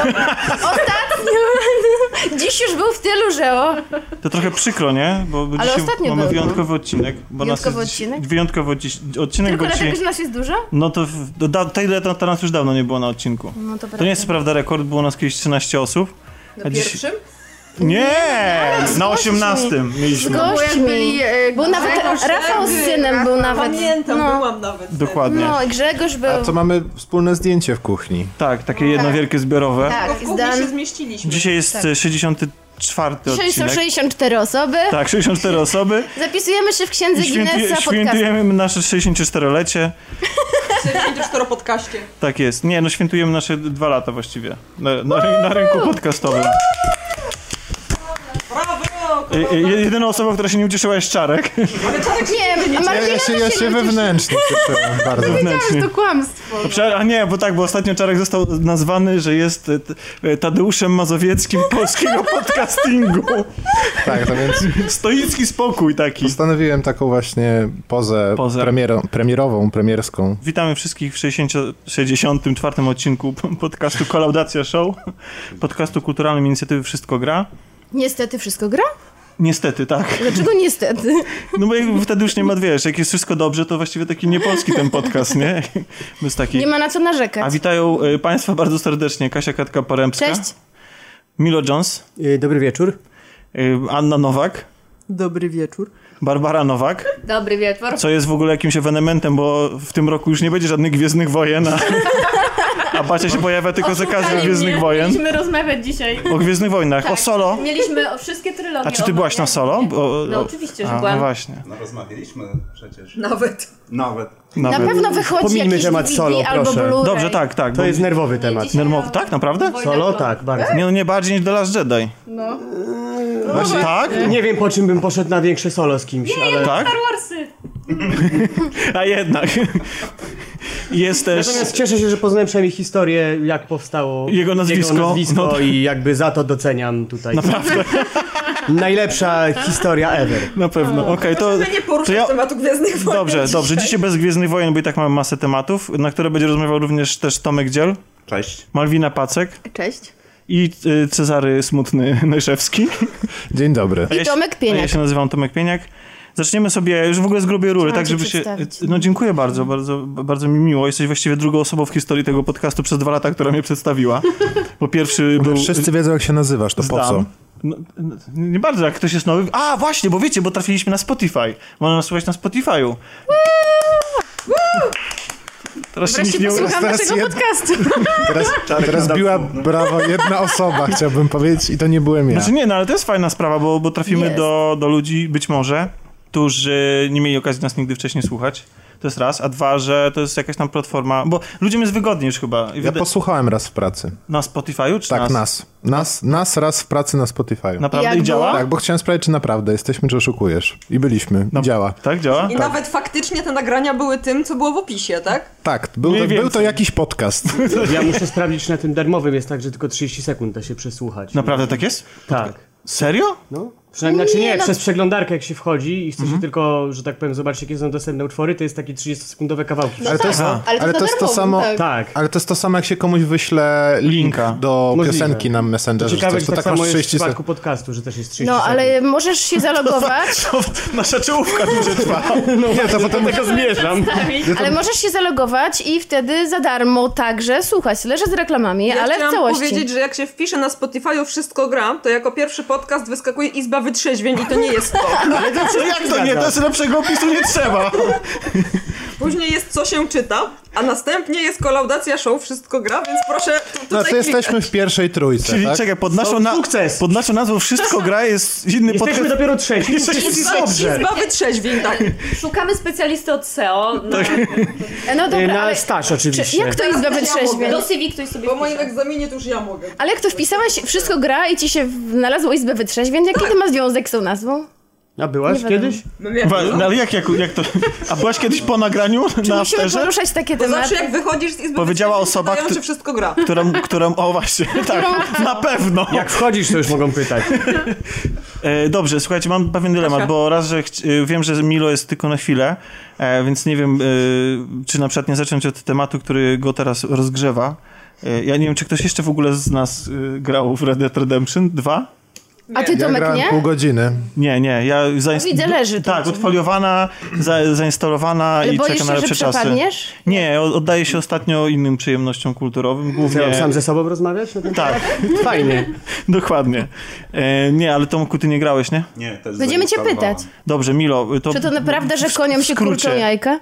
W skrócie? Nawet ja to wiem, a nie To gram. jest druga część y, y, hitu o Znaczy, w- Dzikim Zachodzie, Rockstara. Niby druga, trochę też trzecia, więc zależy jak na to Ja tylko powtórzę, tak? mówimy teraz o grze wideo e, Dokładnie, Red Red Dead Redemption 2. 2, dostępnej na konsole Iha. PlayStation 4 i Xbox Xbox, One. dokładnie tak. E, Nie na komputery klasy PC. Jeszcze. Tego nie wiadomo, nie zostało to ani potwierdzone, ani zaprzeczone. Ale Milo, y, powiedz mi tak, ile masz przegranych godzin? Yy, trochę ponad 70. Okej.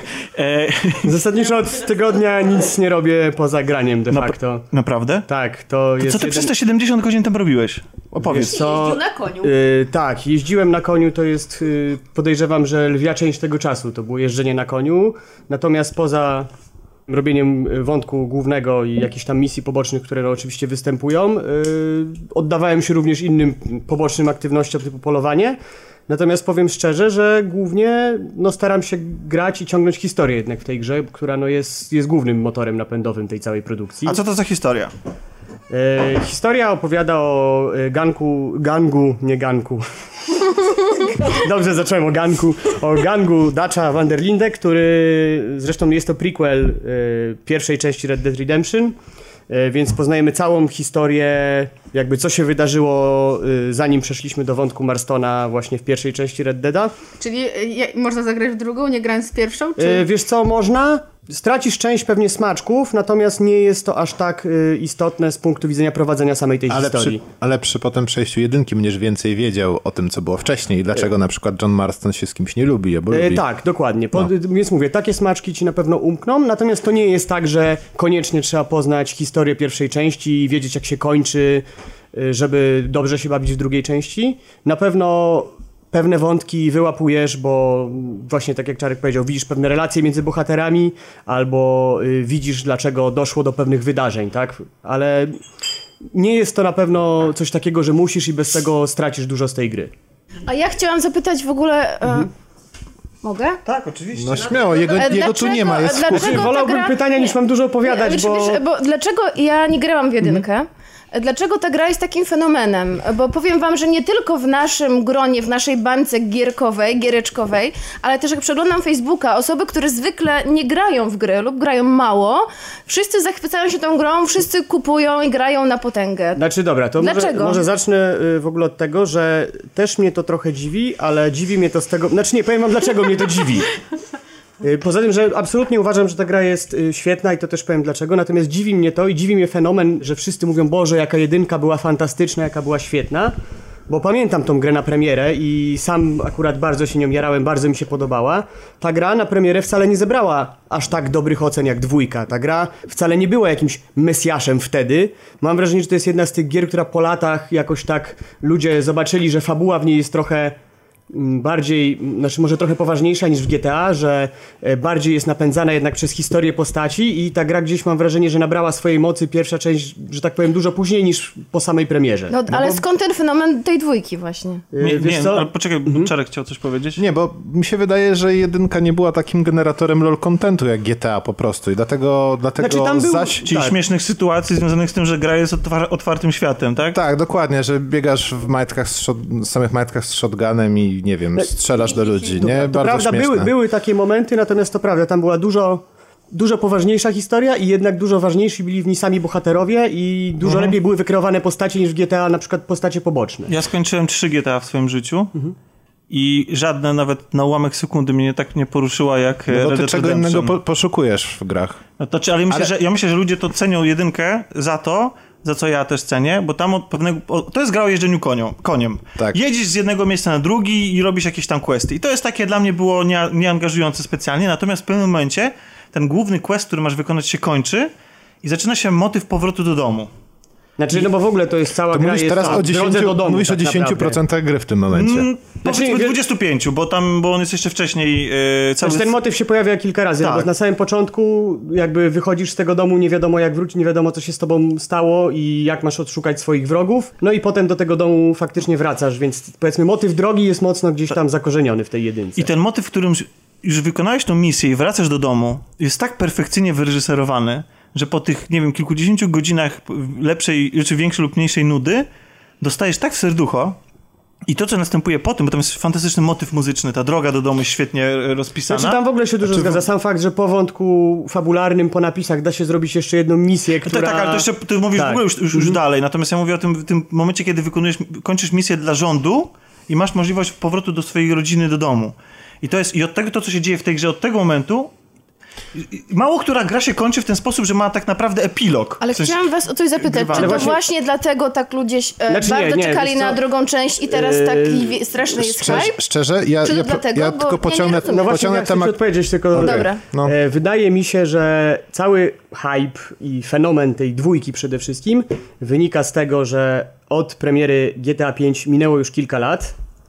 Ludzie bardzo lubią gry Rockstara i bardzo lubią otwarte światy Rockstara, które robi. Można je lubić, można nie lubić, ale nie można im kunsztu jakby tworzenia tego. Poza tym wiadomo, że w tej grze jeszcze będzie online i ludzie pamiętają jedynkę z dobrej historii. I wydaje mi się, że to był po prostu y, miks tego dobrego marketingu, tego niedosytu, jak no, na Rockstara się czeka latami zawsze, tak? Te gry są, to jest jak dla mnie jak czekanie na gwiazdkę. I wydaje mi się, że trochę z tego wynika y, cały hype tej gry. I to Czy słusznie? Taki... Znaczy, ja chciałem Znaczy- jeszcze- A, no tak, Czarku. Trzy słowa, trzy słowa do tego, co ty powiedziałeś, z tym, z tym Aha, to powrotem do domu i ojca tak dalej. prowadzącego może będzie. Tak. Trzy słowa do ojca, ojca prowadzącego. Red Dead Redemption to, to moim zdaniem to była gra, e, gra bar, e, to był open world z bardzo misternie wyreżyserowanymi, krótkimi Zgadzam się, sekwencjami. tak.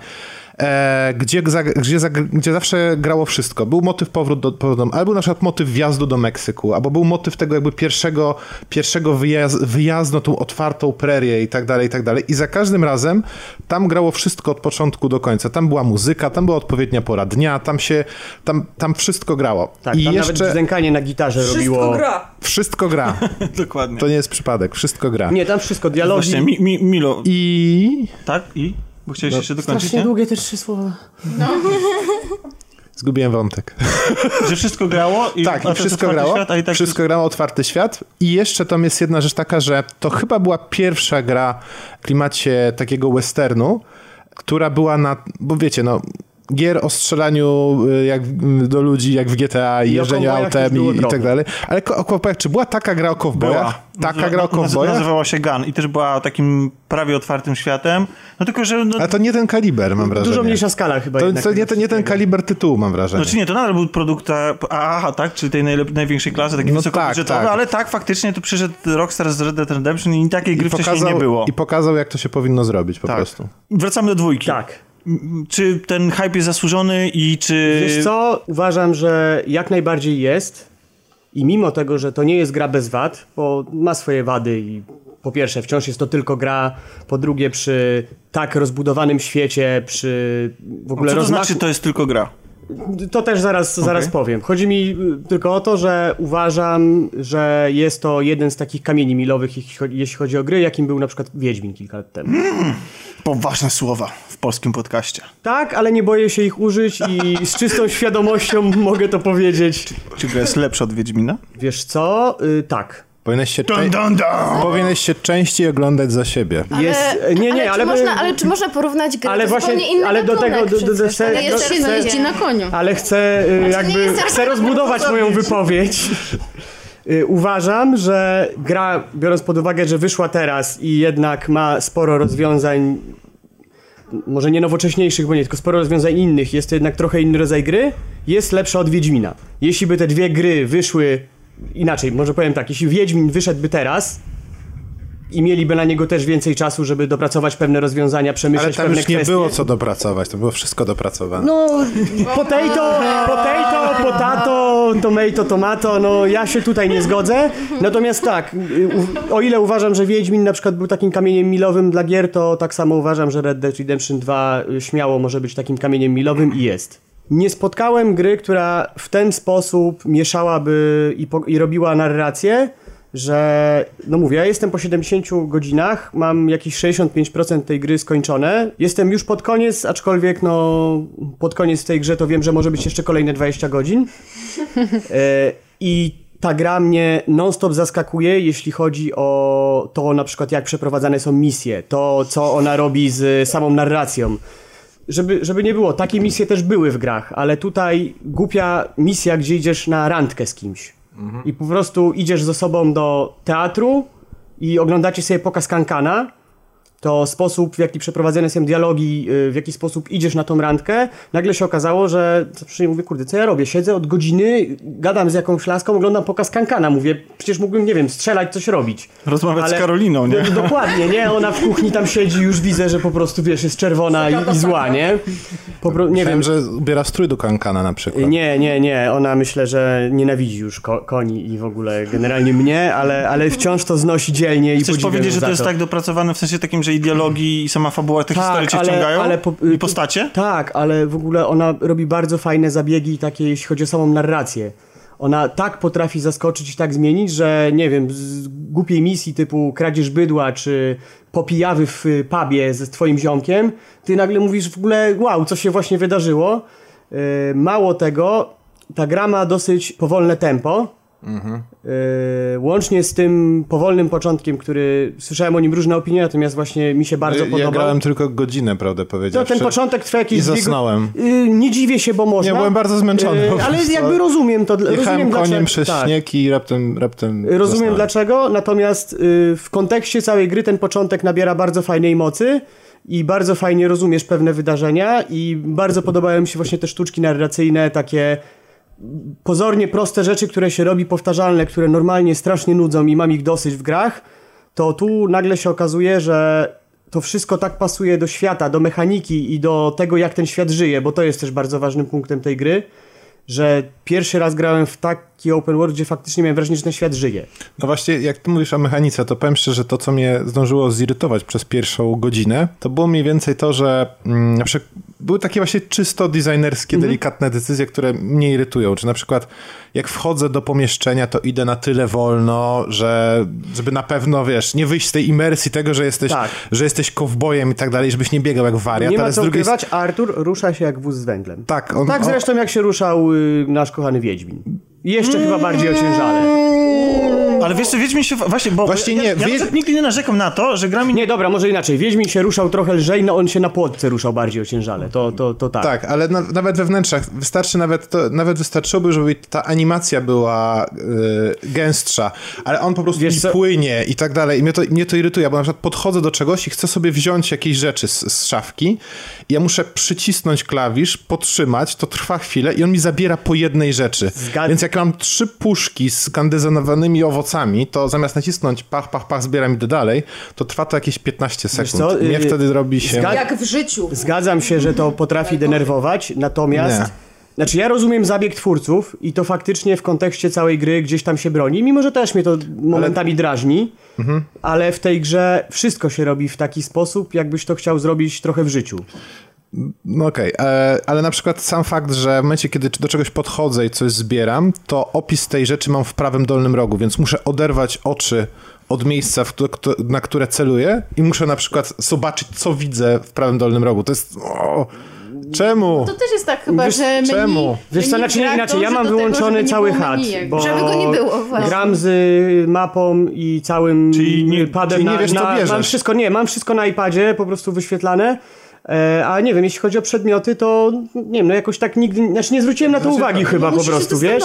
a jak idziesz y, do kuchni albo supermarketu, to wiesz co, to, co tam nie, jest to, na to półkach jest mniej od razu? Nie, to coś takiego. Patrzysz na puszkę, bierzesz puszkę do ręki, masz ją przed swoimi oczami i żeby zobaczyć, co jest napisane na puszce, musisz się spojrzeć w prawo. Ale też jak się przyjrzysz No nie, na puszce, ale- masz ale- napisane owoce. Ale to nie o to chodzi, niektórzy się odwracają i czytają skład na przykład, wiesz. Ale słuchajcie, dobra, z, z, zostawmy trochę te sprawy zostawmy temat designerskie z, boku. Dla ludzi, którzy na przykład nie wiedzą kompletnie, czym jest Red Dead Redemption, to jest wycieczka na dziki zachód. Przeżycie Dokładnie. dzikiej przygody na dzikim Na dzikim zachodzie. zachodzie, tak. Taka, która ciebie na tym etapie po tych 70 godzinach wciągnęła.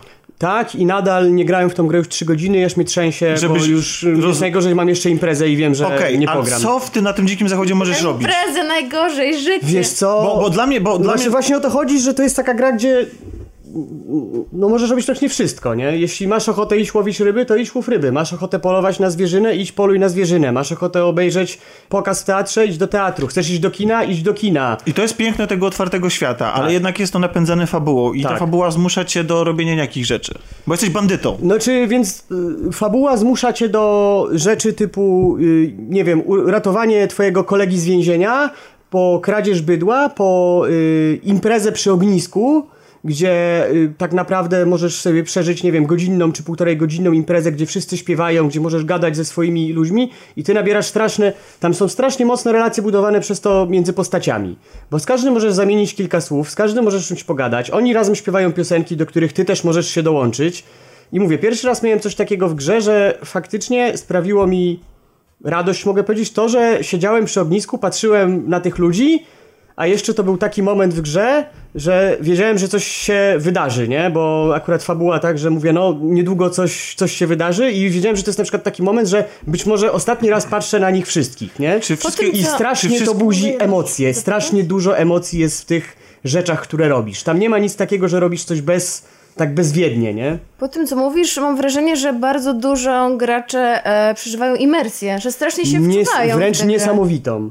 Właśnie to, co denerwuje designersko, to w ogólnym rozrachunku, mimo że okej, musiałem zmienić na przykład parę rzeczy w sterowaniu, które gdzieś tam też mnie y, delikatnie drażniły, tam nie wiem, na przykład za dużą akcelerację, jakieś takie rzeczy, natomiast są pierdoły, nie? które da się zmienić i tak dalej. Natomiast właśnie przez to, że ten Artur się tak faktycznie rusza jak ten cowboy, widać, że jest, nie wiem, ubrany w ciężkie dżinsy, ma pas z bronią i chodzi po prostu jak ten wóz z węglem, albo jak chłopaki na Pradze, tylko że chodzi jeszcze powoli.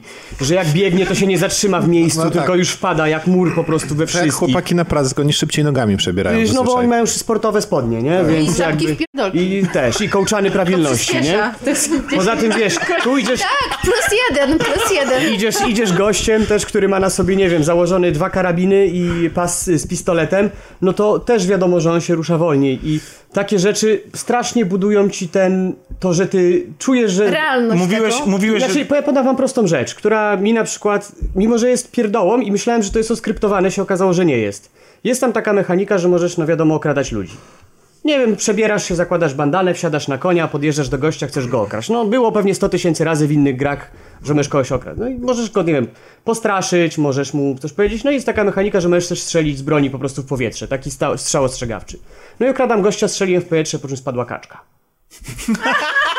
No niego głupia rzecz. i go Nie. zabiła. I gość spojrzał, się zdziwił, ja się stwierdziłem, zdziwiłem, się roz... po prostu brakowało tylko, żeby wybuchnęli śmiechem, nie? No tak, to Dosłownie, powinna taka tam są takie sytuacje, że na przykład... Znaczy, z tym nie brakiem oskryptowania tutaj to bym uważał akurat. Jeżeli Ale nie- a NPC zareagował, czy nie? Y, nie. A NPC nie zareagował. zareagował. O, to NPC, czyli Ale są, słuchajcie, ale inaczej, inaczej. Ja sobie zdaję sprawę, że to wszystkie gdzieś są skrypty. Chodzi mi o to, że dzieją się takie rzeczy, których się nie spełnia. Na przykład prosta sytuacja. Nie- Wierzysz sobie zbiega.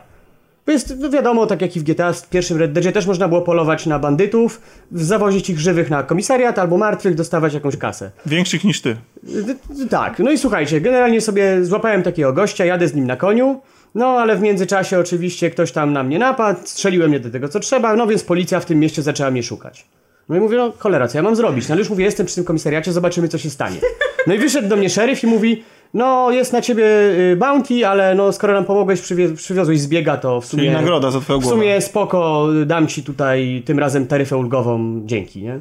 A, że- czyli, że świat żyje, tak? Że on reaguje na i twoje reaguje poczynienia. na twoje poczynania, nie? Jak gdzieś strzelisz, jak kogoś przestraszysz, to nie jest tak, że wiesz, że nikt nie zareaguje. Tam wszyscy żywo reagują na to, co robisz i na ciebie. Milo, mówiłeś o tym, że ta narracja i że te zadania, które Tak. wykonujesz, y, skręcają w dziwną stronę, która, która potrafi być zaskakująca i ciekawa. Bardzo. Czy wszystkie konflikty albo wszystkie misje, które masz do wypełnienia, polegają na przemocy? Yy, wiesz co? Czy możesz się na przykład, Inaczej. Jakoś rozwi- na przykład y, rozwi- rozwiązać jakąś sytuację rozmową albo... To jest gra o gangsterach, nie ma co ukrywać, Mhm. to są źli ludzie. Większość sytuacji faktycznie rozwiązuje się przemocą, natomiast y, pewnie nie zawsze, ale też w większości masz wybór, czy na przykład kogoś zabić, czy jednak darować mu i odpuścić. Nie, mu- nie, są misje, gdzie na przykład nie musisz kogoś pobi pobić, wystarczy na przykład, że go zastraszysz, więc y, owszem, są, są momenty, gdzie faktycznie przemoc jest jedynym rozwiązaniem, natomiast też gra daje ci dużo wolności, jeśli chodzi o takie rozwiązania typu dobra, wchodzimy po cichu, może się uda to załatwić. Nie zawsze się udaje Jasne. i nie zawsze jest taka Ale możliwość. ogólnie często się sięga po broń i dużo się strzela. Yy, tak, często się strzela po broni, dużo się strzela i o ile w pierwszych tam, nie wiem, kilku godzinach to wszystkie strzelaniny były takim dosyć sporym wydarzeniem, no to niestety po tych tam 70 godzinach to jest mój trochę zarzut, że no trup się ściele tak jak w Red Dead Redemption 1, czyli podejrzewam, że mam tam tych y, trupów w tysiącach. Jestem i tak przekonany, że i tak mniej położyłeś ludzi niż y, Nathan Drake w Uncharted tak? jakiekolwiek. Yy, bardzo możliwe, natomiast, natomiast, yy, natomiast mówię, no są takie, wiecie, no standardowe misje, gdzie, nie wiem, napadasz na pociąg i gonicie, nie wiem, praktycznie armia ludzi i tam zabijasz ich pewnie w setkach. No Jasne. To, to gra jest, wideo, to to miałeś na myśli mówiąc, No że to to, jest gra wiesz, prostu. mówię, no to jest, to jest no, gra, tak? Tak samo no, to, że się bardzo dużo dzieje, yy, w znaczeniu takim, że jedziesz koniem, nie wiem, tu spotykasz kogoś, kogo ugryzł wąż, możesz mu pomóc, możesz mu nie pomóc. Tu spotykasz jakąś kobietę, którą porwali, możesz pomóc, możesz nie pomóc. Dużo jest takich wydarzeń wokół ciebie, no ale zdaję sobie sprawę, że wynika to z tego, żeby ta gra jednak była trochę ciekawsza, a daje to takie poczucie, że ten świat faktycznie żyje. Ostatnio jest moda, że gry y, różnych y, rodzajów y, zamieniają się coraz bardziej w RPG, mniej lub bardziej ułomne. Przykład mamy chociażby z serią Assassin's Creed, gdzie mamy masę rzeczy związanych z cyferkami, e, udoskonaleniem swojej postaci i tak dalej. Czy tu... Byłem bardzo ostrożny w mówieniu o Assassin's Creed. Tomasz jest z nami tutaj. Tak, nie, ale ja, ja, ja, ja tego nie hejtuję, ja tylko mówię, że jest taka... Jak nie hejtujesz? Dobrze, okej, Mówisz tak, otwarcie, że nie lubisz nienawidzę tego. tej, te, Wiesz te, tego, tego zabiegu, ale pytanie, czy tutaj też jest, widzisz taką tendencję, bo wiem, Znaczy- że, bo wiem, że trzeba się posilać, trzeba odpoczywać, Yy, myć się i tak Wiesz dalej. co, no powiem ci tak. Myć się? Myć się? Już, słuchajcie, świat na was reaguje. Nie grałaś w Metal Gear Do tego Solid? zmierzam. Słuchajcie, świat na was, ale świat nie na was, myć. świat na was żywo reaguje, więc jeśli pójdziecie do miasta brudni, to na przykład gość w salonie po, potrafi wam powiedzieć, weź, umyj się człowieku, bo Śmierdzisz. śmierdzisz po prostu, nie? Albo wejdziesz do drogiego sklepu i gość ci powie, no z tym powietrzem to, mm, to nie tutaj, nie? I ty Więc... wtedy wyciągasz bandanę i... Do, no nie, no tak, ale jak zrobisz to w tej grze w ten sposób, to i tak wszyscy wiedzą, że to ty, nie? Bo ktoś już cię bez bandany widzi. Po zapachu cię poznają. Po zapachu. E, więc A, to po to tak, trzeba się w grze, myć. w grze Mm. trzeba się faktycznie, trzeba faktycznie jeść, e, trzeba karmić konia, trzeba szczotkować tego konia. Faktycznie są statystyki jakby na przykład, nie wiem, jazda na brudnym koniu wpływa tam na to, że ten koń y, szybciej się staje nerwowy, tak? I przy strzelaninie może gdzieś tam Ale to uciec. masz też tak, Natomiast- że to czu- odczuwasz, czy ci Właśnie- wyskakuje, że w menu, że masz nie, plus dwa? Nie, nie, nie. Że zaczyna Właśnie do czego zmierzam? śmierdzieć, Do czego coś? zmierzam, że, że na przykład więź z koniem i to jak koń reaguje na takie nerwowe sytuacje odczuwasz bardzo szybko, no bo widzisz inne zachowanie tego konia, na przykład, że on się płoszy, staje dęba, gdzieś, gdzieś ktoś strzeli, tak? Albo jak zobaczy wilka, gdzie normalnie na przykład tego nie robił. Natomiast masz też statystyki dotyczące gdzieś tam twojej postaci. Możesz mieć jakąś tam, nie wiem, niedowagę albo nadwagę i okej, dostajesz minus 10% tam do obrażeń na przykład. Aha, W sensie- czyli ale, ale powiem ci tak? szczerze, nie, nie widzisz, znaczy jak wejdziesz tam, musisz wejść w ogóle w menu, potem wejść gracza, wejść w siebie, wejść gdzieś tam. Szczerze byłem tam dwa razy. Wejść w siebie, to byłem tak dwa razy, nie, powiem ci tak, byłem dwa razy w tym menu. Nie wiem po co to jest. Samo jedzenie jest dla mnie fajne, bo dodaje też takiego czegoś, o coś upolowałem, coś ugotuję, coś zjem. Ale prawdę mówiąc, nie interesują mnie tam te statystyki i nie wiem po co to dali, ja tam nie wchodzę, jest to dla mnie zbędne, bo gra ci y, daje dużo takiego poczucia tego, co się faktycznie dzieje z tobą, czy co się faktycznie dzieje z twoim koniem. No to super. Ładnie jest? Jest pięknie. Czy ładnie brzmi? Mimo... Oj, brzmi fantastycznie.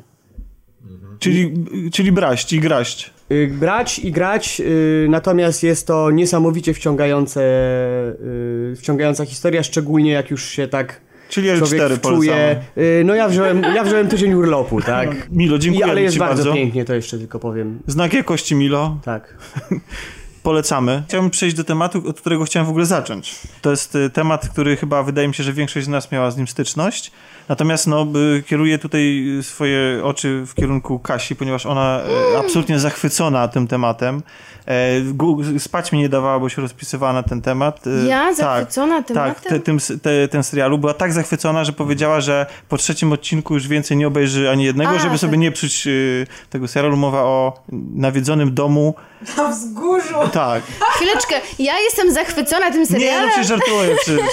Czy ty go nie lubisz? Dlaczego go Znaczy przerwasz nie, oglądać? Dlaczego nie nienawidzisz ten serial? Nie, to za chwilę będziecie go chwalić, tylko ja może powiem, z czego wynika moje lekki zawód, zanim jeszcze zacznie się całe tutaj opowiadanie i, i wchodzenie w szczegóły, bo niestety przeczytałam e, straszne zachwyty i chyba przez to gdzieś ktoś w internecie porównał to, że to jest połączenie Shining z mm, serialem Sześciu pod ziemią, gdzie Shining jest geniuszem, serial Sześciu pod ziemią jest jednym z moich ukochanych seriali ever, a łączy je tylko to, że postacie pracują w domu pogrzebowym. Niestety, łączy je tylko to.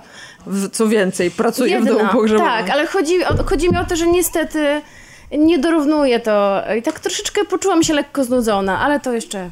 Ja na Jeszcze szczęście nie, nie czytałam takich komentarzy i nie czytałam żadnych porównań, aczkolwiek faktycznie słyszałam, że serial jest dobry, że się go dobrze ogląda. Zanim będziesz kontynuowała, ja tylko powtórzę. No. Mówimy o serialu Netflixa. Tak. Jeszcze raz, jak się nazywa? The Haunting of Hill House w polskim tłumaczeniu e, nawiedzony dom na wzgórzu, aczkolwiek wyjaśnię, bo to istotne. Nie jest to dom na wzgórzu, tylko jest to dom rodziny Hillów. Więc nie wiem, e, ktoś przetłumaczył ten tytuł, chyba nie oglądając tego serialu, ale po pierwsze, już w pierwszym odcinku widać, że on nie jest na wzgórzu, a po drugie, ta rodzina, która właśnie mieszkała w tym starym domu i która go jakby tam wybudowała, to właśnie była rodzina Hillów. I tak, więc panie tłumaczu, sorry, nie pozdrawiam. Nie szanuję. Thank you for the mountain. Tak, te, thank you from the mountain, panie, panie e, To tłumaczu. No dobrze, Tak. to dalej. Ale, a nie, ja słyszałam, że to jest na podstawie jakiejś... To jest na podstawie książki. Tak. Serial opowiada o rodzinie składającej się z rodziców i piątki dzieci.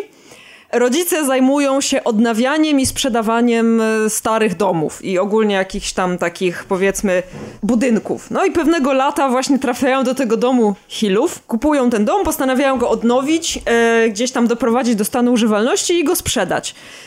I sprowadzają się tam na ten czas właśnie wakacyjny razem ze swoimi dziećmi i tam zaczynają się dziać dziwne rzeczy.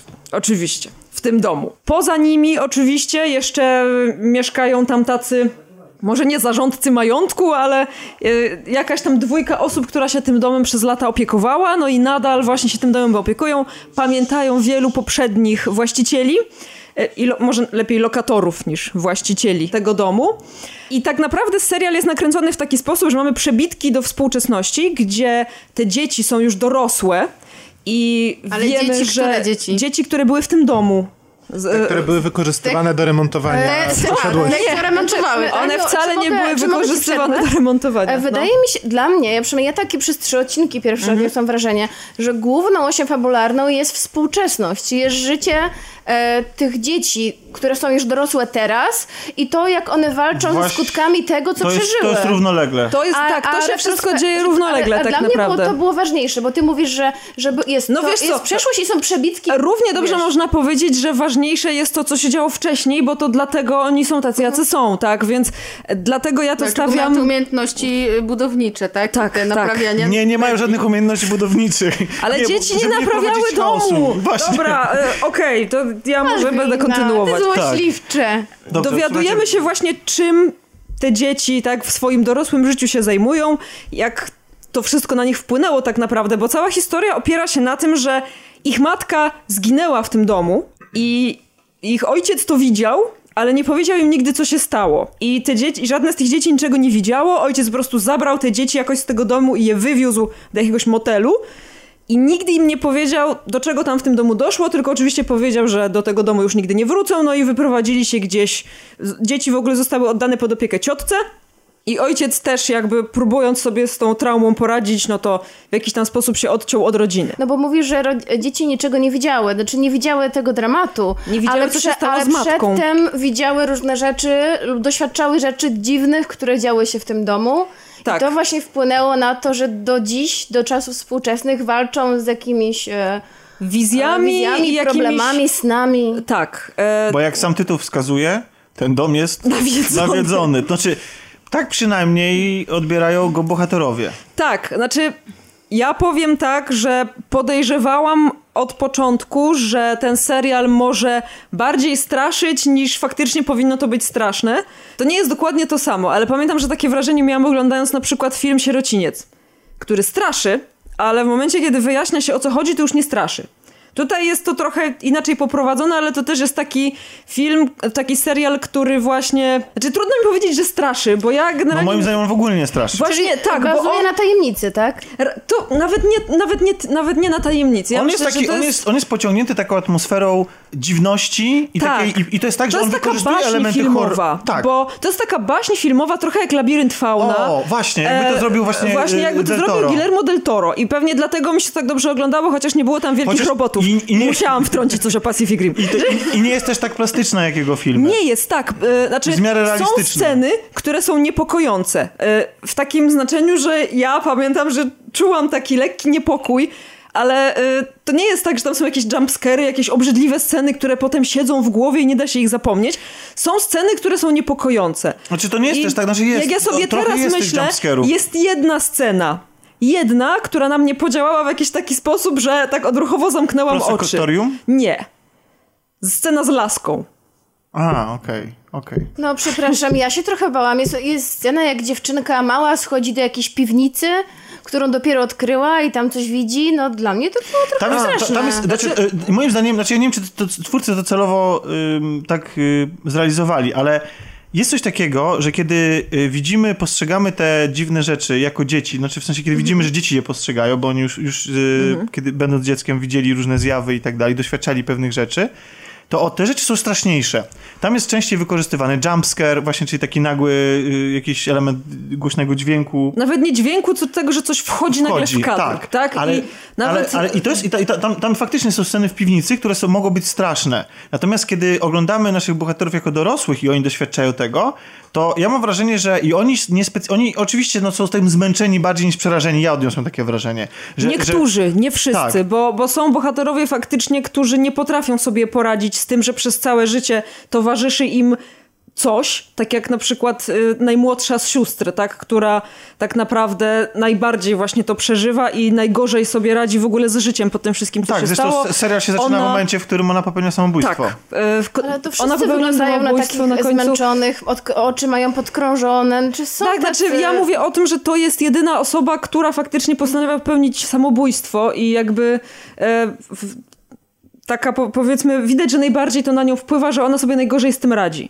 Z drugiej strony mamy na przykład kompletne jej przeciwieństwo, czyli jej brata, który jest pisarzem i który z kolei, mimo tego, że widział te rzeczy, w jakiś tam sposób też ich doświadczał, To je wypierał. I- Albo, i ty- cynicznie nie wykorzystuje wykorzystywał, do zarabiania pieniędzy. Do zarabiania pieniędzy, ale moim zdaniem też ważne jest to, że on w zasadzie sam sobie próbował wmówić i nawet mu się to udało przez większą część życia, że w tym domu się nic nie działo, że to jest tylko dom. On mnie denerwował w niektórych momentach, bo wydawało mi się, że on jest za bardzo taki po prostu zatwardziały w tym swoim przekonaniu, że nic nigdy się nie stało, nic No, ale on się chyba, nie on wydarzyło. chyba właśnie taki miał być, bo on ale... też tak, tak reagowało jego Tak. rodzeństwo na niego, nie? Tak, ale o, to był jedyny bohater, z którym miałam jakiś tam powiedzmy Ale problem. Jest taki mechanizm psychologiczny, no więc Tak, to ale też to było, to było aż takie... Zbyt, zbyt, Zbyt, grubą no. kreską. Tak. Serial zresztą się zmaga z tym problemem trochę, bo y, y, często jest tak, że mamy takie sytuacje, które są wręcz wyjęte z telenoweli, no bo to jest jednak saga, znaczy saga, to jest opowieść rodzinna, więc takie sytuacje jak...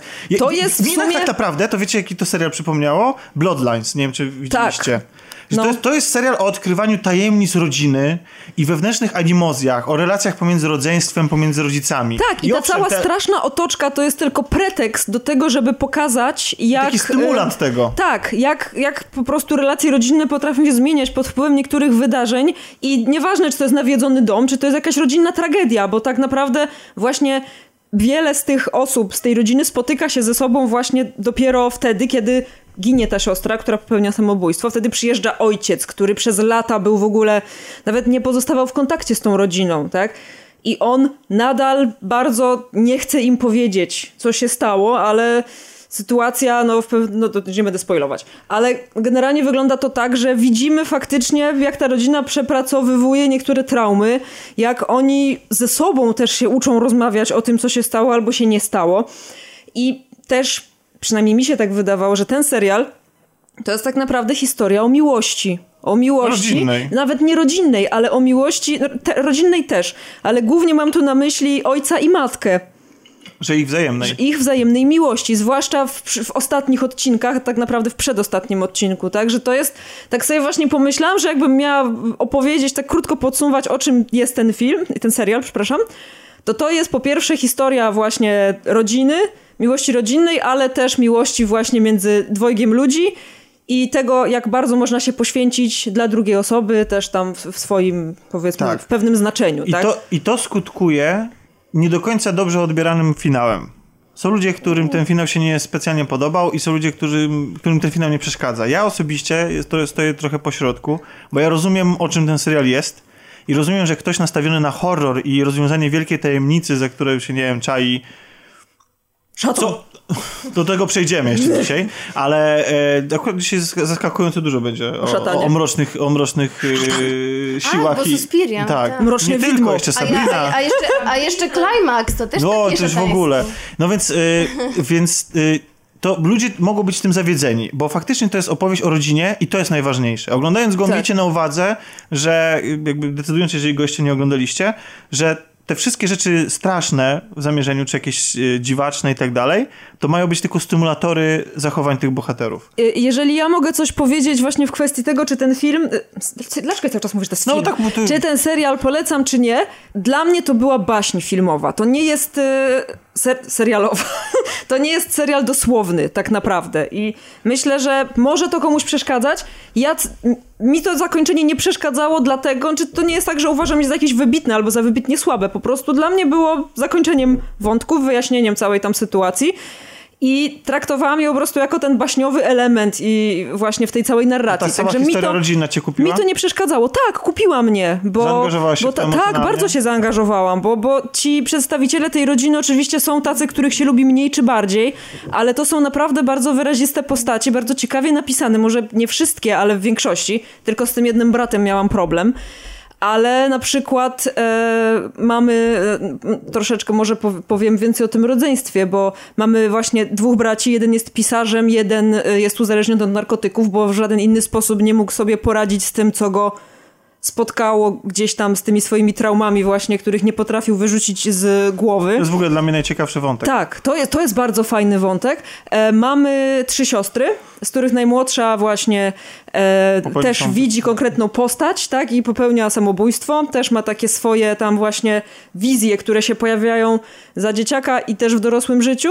Mamy siostrę, która tak naprawdę prawie do samego końca nie wiemy, jak i czy ona wygląda na taką, która sobie najlepiej z tym wszystkim radzi. Ona prowadzi dom pogrzebowy i jest taka właśnie bardzo opanowana, ma męża, syna, rodzinę i, i taka ta rodzina jest ciepła i to wszystko jest takie ładne, tylko potem się okazuje właśnie, że nie do końca. To znaczy No i- sam fakt, że prowadzi dom pogrzebowy, że taką Tak. wybrała pracę Znaczy, specyficzną chyba Powiedziałabym coś jeszcze, ale nie wiem, czy to Czy widziałaś. mam wrażenie, że jest to i też jej sposób radzenia sobie z tym, co przeżyła, że ona po prostu chce Znaczy, chodzi mi, chodzi mi o to, że ona jest jedyną postacią, u której nie widać tego tak wprost. W sensie nie, nie widać tego na zewnątrz. Co nie znaczy, że ona sobie nie próbuje z tym poradzić w taki sposób. No i mamy trzecią siostrę, która jest z kolei moją ulubioną postacią, która ma pewną wrażliwość, bo nie chcę mówić umiejętność, ale ma pewną wrażliwość na dotyk, która powoduje, że cały czas nosi rękawiczki. Nie będę mówić jakby o co dokładnie chodzi, bo to jest w ogóle bardzo ciekawy wątek i ona ma taki monolog w jednym odcinku, który mnie tak ruszył, ty Tomek jak widziałeś to wiesz, o którym mówię, który mnie tak poruszył, że aż y, tak tyle było emocji w nim i ona go tak dobrze zagrała, że y, Znaczy, nie no, wiem, bardzo jak się, jest charakteryzowana później, ale też w wzruszyłam. tych pierwszych odcinkach sprawia wrażenie osoby, która unika głębszych relacji, e, e, głębszych uczuć No, ona żyje relacje. przez rękawiczkę dosłownie. Tak, ona żyje E, po dosłownie prostu, przez rękawiczkę i tam jest... śpi z jakąś inną dziewczyną i jakby wchodzi... nie Tomek to dobrze podsumował, że ona żyje przez rękawiczkę, ale ma ku temu bardzo dobry powód i się wy, wyjaśnia właśnie później, jaki to powód i to był, to był dla mnie bardzo ciekawy wątek i tak naprawdę ogląda się właśnie tą całą historię. Jeszcze jest ojciec, o którym wiemy tak naprawdę najmniej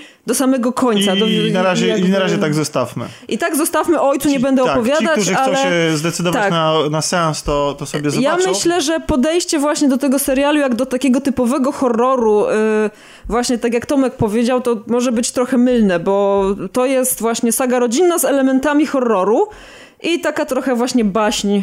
Myślę, że jeżeli tak się będzie traktować ten serial, to on się naprawdę może podobać i wtedy nawet zakończenie, które wiele osób krytykuje, nie rozczarowuje, bo mnie nie rozczarowało tak Ja, naprawdę. ja Myślę, tylko że- dodam, że...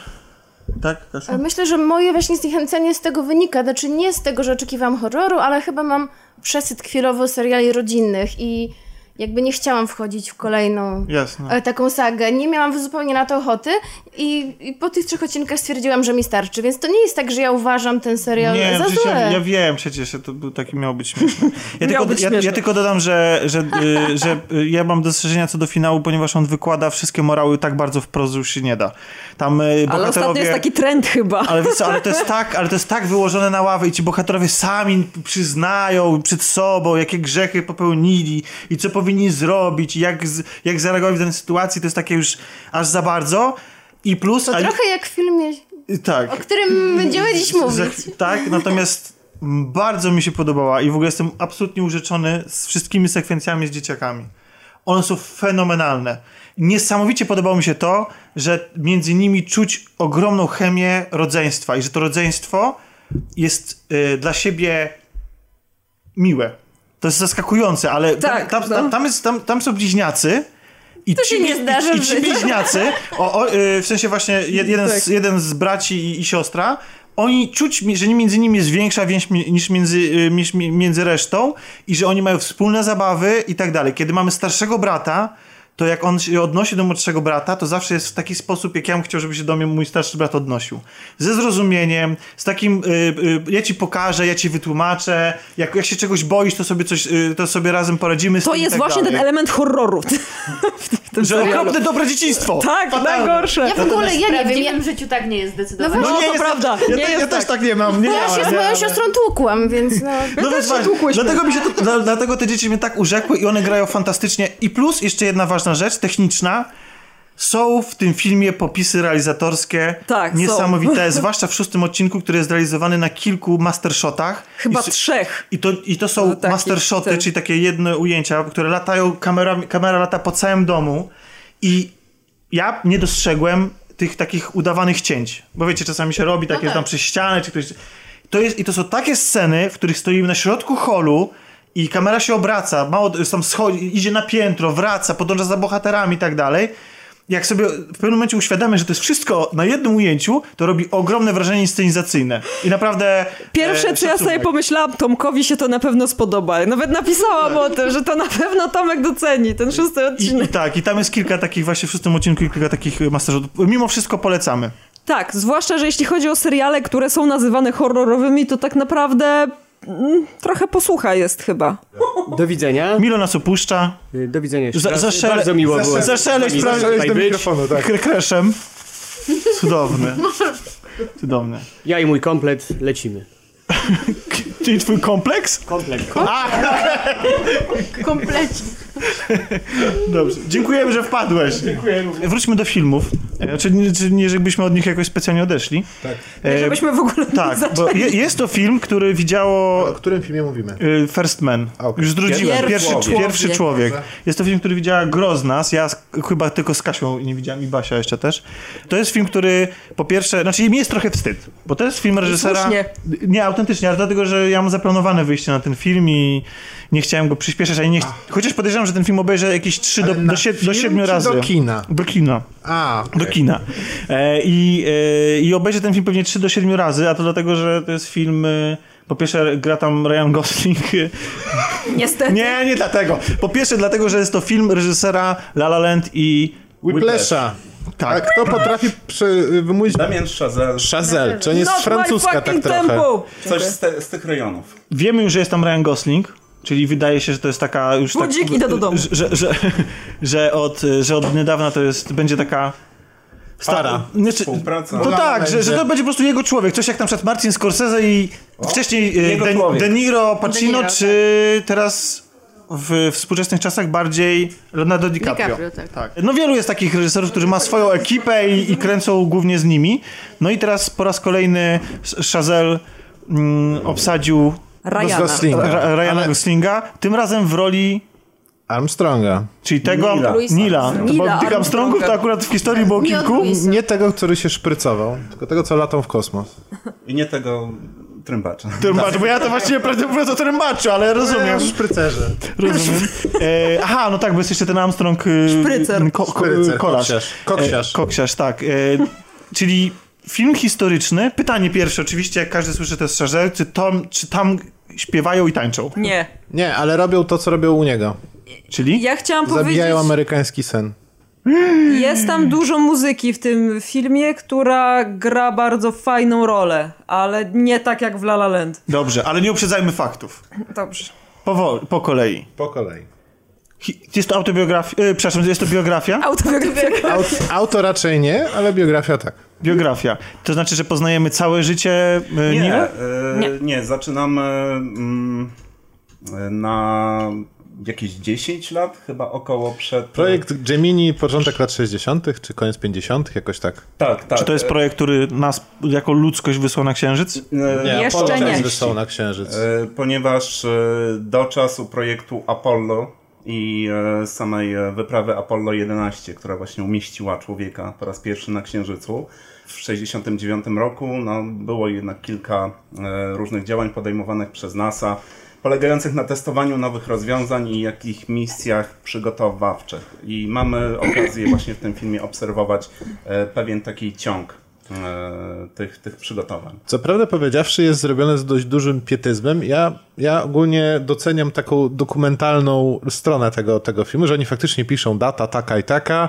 e, projekt ten i ten i nawet są odtworzone, co ważniejsze, bo bardziej dramatyczne momenty rozwoju programu kosmicznego amerykańskiego. Choć nie wszystkie są, roz, są pokazane w taki sposób, jak faktycznie się działy. Mówię tu o jednej dość dramatycznej sytuacji, która została ugrzeczniona. Mówisz Bardzo. O, mówisz o której Apollo sytuacji? 1? E, mówię o tej, o tej sytuacji z, o, z pożarem. Właśnie, właśnie sam, czy to, które to To było jest Apollo? Apollo 1. To jest Apollo Apollo 1, 1, tak. Tak. e, sprawa... e, Ale ja rozumiem, dlaczego tak zrobili. Dość Bo... trudno też e, omawiając taki film, bo Tak. możemy się tutaj e, opierać Trudno spoilować, bo- przecież to jest oparte na e, rzeczywistych wydarzeniach. Na faktach autentycznych to się nazywa, Tomek. Tak, na faktach autentycznych. I tak jak Czarek wspomniał, chociaż tam jest bardzo dokładnie to wszystko opisane, to też e, można odnieść wrażenie, że nie jest to film taki e, czysto e, kronikarski, prawda? Nie, Który nie, nie. opisuje dokładnie krok po kroku, dlaczego to się działo, jaki był cel.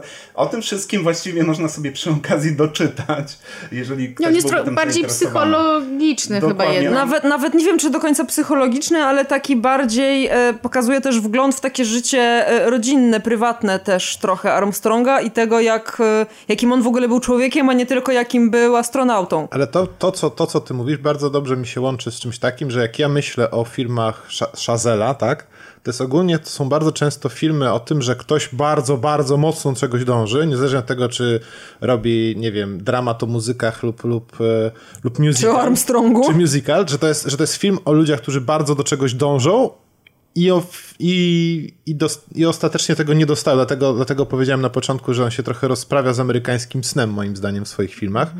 I ja się tak naprawdę zastanawiałem w momencie, w którym, w którym usłyszałem, że on się bierze za tą historię, że przecież tak naprawdę tam się wszystko udało. Nie? Oni wylądowali na tym, na tym księżycu. Jest to ogromna machina marketingowa, która została uruchomiona. Jest to po prostu posągowe wydarzenie i posągowa postać w, w historii Stanów Zjednoczonych i świata. I w jaki sposób on do tego podejdzie? I właśnie to, o czym powiedziałaś, czyli rozbudowanie psychologiczne samej postaci i pokazanie, i pokazanie tego w moim odczuciu, że on tak naprawdę w tym filmie jest e, pracocholikiem i ślepo skupionym na tym zadaniu, ale dlatego tak naprawdę, żeby, żeby wszystkie swoje problemy zatłu- za, za, Tak, właśnie to jest dla niego taka ucieczka. Że to, jest, że, to jest, że to jest po prostu ucieczka. I na tym się skupiono, w moim odczuciu, i to był bardzo dobry ruch. E, Jest, y, ja się spotkałem z takim zarzutem, że właśnie, że Gosling, bo Gosling jest aktorem charakterystycznym, to znaczy w sensie, no Jednej bo, miny tak zwanym. No tak, ale to, ale on fakt, znaczy, bo on w tych swoich filmach po prostu patrzy i w zależności od tego, na co patrzy i w jakiej sytuacji patrzy, to my odczytujemy, jakie Ale emocje nim jest cały targają. czas ten sam wzrok. Tak, i, i, Tak. Znaczy, i mnie to akurat osobiście kupuje, bo, y, bo w, w, zarówno w Blade Runnerze po prostu patrzy inaczej, tak samo jak, y, jak w Drive patrzył inaczej. Proponuję założyć bloga y, Ryan Gosling patrzy na rzeczy. Kiedyś był taki blog. O, z Kim Jong-unem. Tak, z Kim Jong-un Tak. patrzy na rzeczy. E, Nie, ja bym się trochę nie zgodziła. Znaczy, faktycznie chyba jestem jakby w twoim obozie. On trochę się podobnie patrzy we wszystkich filmach, ale osadzony w tym kontekście i scenerii tego filmu jednak się inaczej patrzy. Inaczej. No właśnie. Nawet właśnie o tym mówię, że to jest aktor, który się patrzy, ale, fa- ale Nie, fakt, on ma- na co się patrzy? Bo on ma bardzo, zmienia. y, wbrew pozorom, bardzo oszczędną mimikę i... Ładnie to nazwała. Nie, nie o to chodzi. On nie jest złym aktorem, On nie ale jest aktorem jest mało ekspresyjny, jakby to powiedzieć. I faktycznie w tej roli się sprawdza, bo jego postać jest bardzo powściągliwa. właśnie- właśnie Znaczy tym- śmiejemy się, śmiejemy, ale on po o to- prostu o to chciałem bardziej gra oczami niż twarzą. I to widać bardzo Tak. dobrze w tym filmie też. Ten film w ogóle jest taki... On jest też nakręcony w taki sposób i tak jest też poprowadzona ta historia, że on jest taki bardzo intymny. On e, pokazuje niektóre sceny z takiego bliska, z jakiego się ich nie pokazuje. E, I tak samo to się ma, jeśli chodzi o sceny właśnie, które się dzieją na przykład we wnętrzu kapsuły. Ja nie widziałam wcześniej czegoś takiego w filmie, żadnym, który by opowiadał o eksploracji czegokolwiek poza Ziemią, gdzie jest faktycznie pokazane, jak małe są te kapsuły i jak e, tak naprawdę, jak, jak wielka klaustrofobia tam panuje. No właśnie- E, i, I widać e, po prostu, do, do, dla mnie to było takie, o fuck, moja klaustrofobia już się teraz uaktywnia, a ja tam nawet nie siedzę, tak? Ja miałam takie samo wrażenie i właśnie p- po tym jak No. wyszłam, to o Boże, nigdy bym nie chciała zostać astronautą. No, no, tam jest tak ciasno i Ja miałam, są ja, ja sceny- miałam problem, bo ja bym chciała, ale no way. No i nawet jak są sceny w domu, jak oni, Tak. nie wiem, przytulają się, to też y, kamera jest tak blisko, że właściwie widzimy tylko oczy i nosy, nic Tak, więcej jesteśmy albo na cały bardzo, ekran. bardzo blisko Tak. bohatera, albo widzimy dokładnie z jego punktu. Z jego oczu. Ale- do widzenia, wszystko. Yy, Ale jest to bo- bo- irytujące, prawdę powiedziawszy. I to chyba jest celowe, bo ja na przykład wiem, się... mnie Ja się to nie irytowało. nie, nie, Ja odniosłem takie wrażenie, dokładnie tak jak Ania przed chwilą powiedziała, że to w pewnych momentach dodaje tego poczucia klaustrofobii. Tak. Jak dla mnie to jest e, drugi film, który e, jakby zrównuje z Ziemią, nomen omen, e, marzenia o lotach kosmicznych. Pierwszym była grawitacja. tak, Drugim, drugim jest pierwszy człowiek i chyba poczekam aż statki przynajmniej klasy Galaksy się Ja chyba pojawią. też poczekam, bo generalnie no way. Tak, ale... ale- tak, ja jeszcze e, o tyle właśnie ciekawie mi się oglądało ten film, że ostatnio czytałam książkę Cena nieważkości. Mam nadzieję, że tak się nazywa. Tak, E, właśnie o e, z kolei rosyjskim programie kosmicznym, gdzie też było to wszystko opisane, i o Hermaszewskim tak naprawdę. I tam też wszystko było opisane bardzo szczegółowo. I wcześniej tak naprawdę wszyscy, wszyscy sobie myślą, a fajnie, polecieć w kosmos, super, każdy by chciał, ale mało kto zdaje sobie sprawę z tego, jak to faktycznie wygląda. I to już nie jest kwestia samych przygotowań, czy, czy, czy coś, czy morderczych treningów, czy tego, że trzeba być tak naprawdę człowiekiem idealnym, ale też kwestia tego właśnie, że to jest pewne bardzo specyficzne środowisko, w jakim my się w tym kosmosie ewentualnie możemy poruszać. I to też widać w tym filmie. I to jest fajne właśnie. To, to mi się bardzo podobało, bo to jest takie spojrzenie. To mógłby kiedyś być film science fiction, ale teraz to już jest tylko science. Przynajmniej w tym filmie. I mi się podobały takie smaczki, że faktycznie, tak jak, jak jest... że faktycznie kojarzysz ten- lecieli jak budką telefoniczną tak, trochę. i, i, i, jak to wszystko było po prostu tymi. Po... Tak, Boże. I była taka jedna scena właśnie, która mi się strasznie podobała, jak e, właśnie Armstrong wrócił do domu i opowiadał żonie, że to zabawne, że e, fizyka działa tak, że zamiast, że, jak trzeba lecieć, tak żeby wylecieć z atmosfery. I ja miałam wtedy, mówię, Boże, mówię, faktycznie, to jest takie zaje... To jest takie fajne, przepraszam. Strasznie się podekscytowałam tym filmem, chociaż to nie było tak, że chciałam strasznie na niego iść i w ogóle myślałam sobie, że, że, że, że jakoś tak zmieni moje życie, ale bardzo się nim podekscytowałam już właśnie w trakcie oglądania, przez to, że był taki aż do bólu realistyczny i taki prawdziwy bardzo. Właśnie był, był mało amerykański. To jest też jakby kolejny epitet, którego można użyć, żeby go opisać. Bo ja chciałem tylko, tak, Czarku? Bo ja chciałem, tylko- chciałem dokończyć swoje pytanie. 20 minut temu zapytałem i, i, i rozpocząłem dyskusję o Goslingu, bo, bo spotkałem się z zarzutem, że, że, że on jest taki bardzo wycofany i Ale że... to jest, a to jest cudowny fortel z tym Goslingiem tak naprawdę. Ja, ja jestem, no, wyobraźcie sobie, mamy, mamy, e, mamy film o posągowej postaci e, w, w amerykańskiej historii, gdzie, gdzie obsadzamy gościa, który niewtajemniczonym, że tak powiem, jawi się jako ładny chłopiec.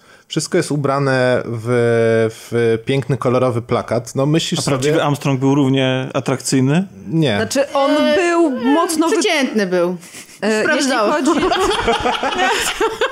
Patrz, e, Malwina od razu pomyślała, jak Nie, wyglądał, znaczy, ja od razu pomyślałam, jak się zachowywał. nie, Zachowywał wie- się wiecie, bardzo co, podobnie. Wiecie, co ja zrobiłam, jak wyszłam z tego filmu? Sprawdziłam z ciekawości, kiedy i czy rozwiódł się ze swoją żoną.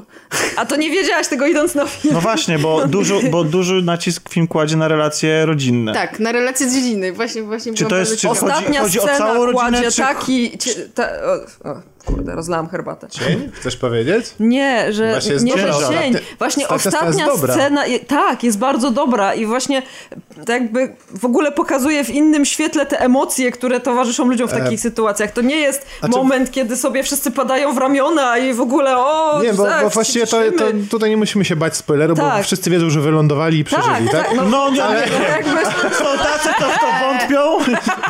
Czy w ogóle Ja wystartowali? Tak, kto gra Kubricka? Właśnie chciałam powiedzieć, że to różne są teorie na ten temat, więc wiesz, Czarek. Znaczy, chodzi mi o to, że scena, w której właśnie po powrocie z Księżyca Armstrong spotyka się z żoną, ma bardzo A duży ładunek powiem ci emocjonalny. więcej, ja bym nawet trzy, trzy kroki w tył dał. Sam moment, w którym oni nie ma pokazanego momentu lądowania jest dopiero moment, w którym oni Tak. są w izolatce. I to nie jest izolatka, o której ty myślisz, że to są amerykańscy bohaterowie i będą Jak tam w pływać w, w luksus. Nie, to jest coś pomiędzy szpitalem i zakładem zamkniętym, ogólnie rzecz biorąc.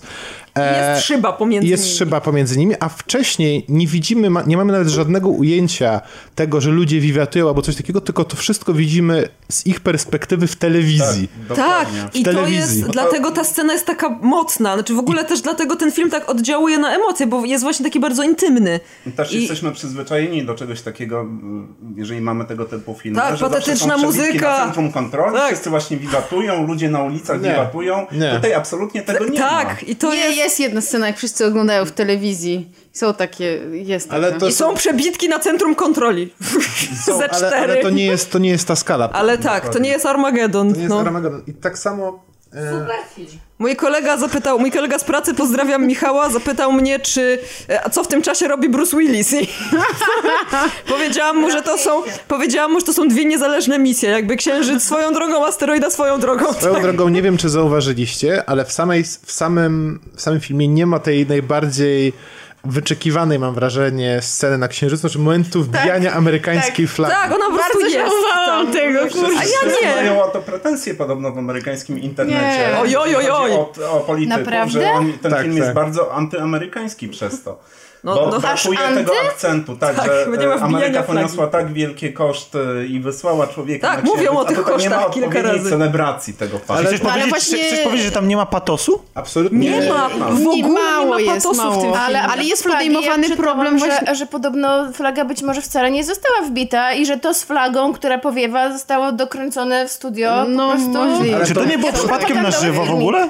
Tak, Tak, było, Było. na żywo. Było na żywo. To było na żywo, Było podobno. nadawane na żywo. Bo ja wiem, że znaczy, bo wtedy myśmy nie jeszcze nie żyli, ale było. ale pamiętam odcinek serialu Dom z kolei, w którym bohaterowie polskiego Tak, serialu Dom. Ja też pamiętam ten odcinek. z ekscytacją oglądają i to w socjalistycznej naszej Polsce. Ja nie wiem, czy oni, wydaje mi się, że oni to oglądali na żywo, nie? Nie, znaczy nie, no w filmie jest powiedziane, że to było...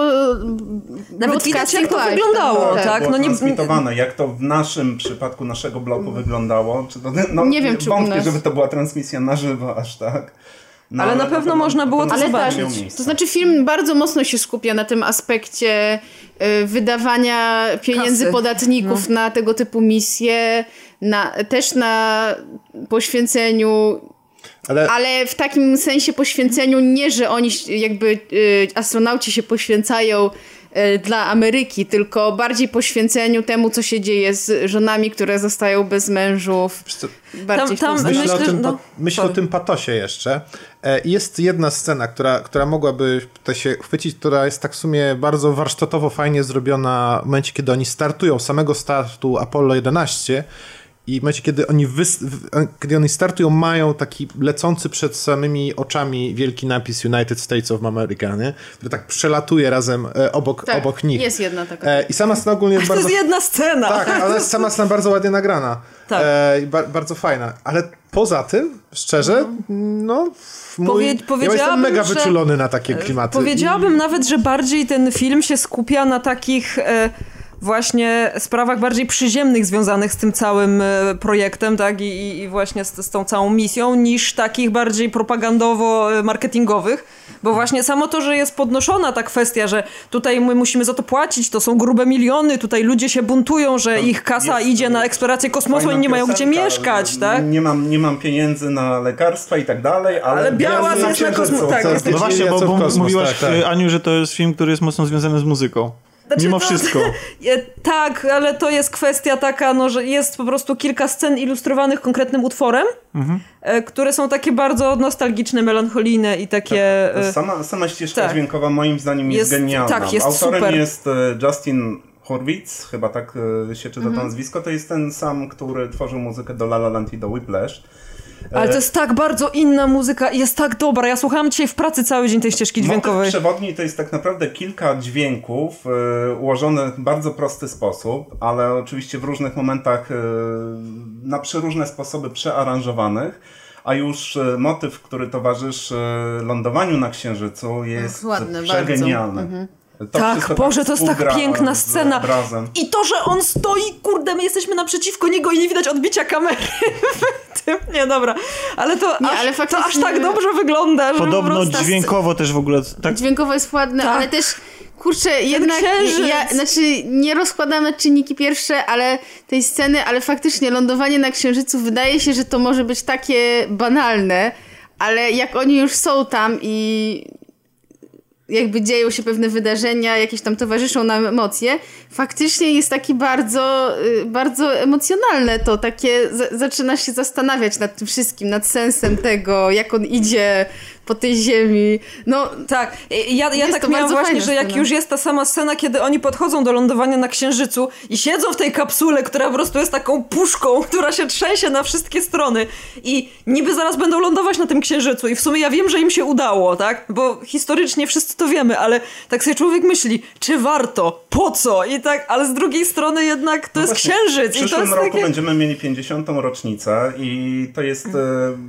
fajna rzecz, która daje nam do zastanowienia się, czy, czy warto było ponosić Szaleć aż takie, czy aż takie ofiary, no, zarówno jakieś wkłady Czy- pieniężne, czy też ofiary ludzkie, Patrzę- o których jest tutaj mowa, ale e, nawet e, w filmie jest e, pokazany fragment w telewizorze przemówienia Kennedy'ego i to on właśnie powiedział te, te słynne słowa, że nie lecimy tam dlatego, że to jest łatwe, tylko właśnie dlatego, że to jest trudne. Ale- I to wszystko No to jest konsekwencja Ale zimnej wojny i wyścigu tak, zbrojen. ale patrzenie, I patrzenie też, natury. ale patrzenie też. moim też, zdaniem też. No trochę e, też. Dążącej do czegoś nowego, do odkrywania. ale patrzenie na wyścig, wyścig na Księżyc i w ogóle podbój po- kosmosu tylko pod względem tego, że poleciliśmy na Księżyc, wbiliśmy tam flagę i zebraliśmy trzy próbki, no to jest bardzo krótkowzroczne, bo tak naprawdę sam ten wyścig był stymulatorem tego, do ilu bardzo ważnych odkryć doszło, na przykład, nie wiem, w kwestii materiału Ale oczywiście, i że tak, różnych tu, innych wiesz, rzeczy, nie, ma, nie? ma, nie ma co tego Nie ma- teraz po latach roztrząsać, plus- aczkolwiek w tamtym czasie nastroje były jakie były i też Tak, z drugiej no bo- strony trudno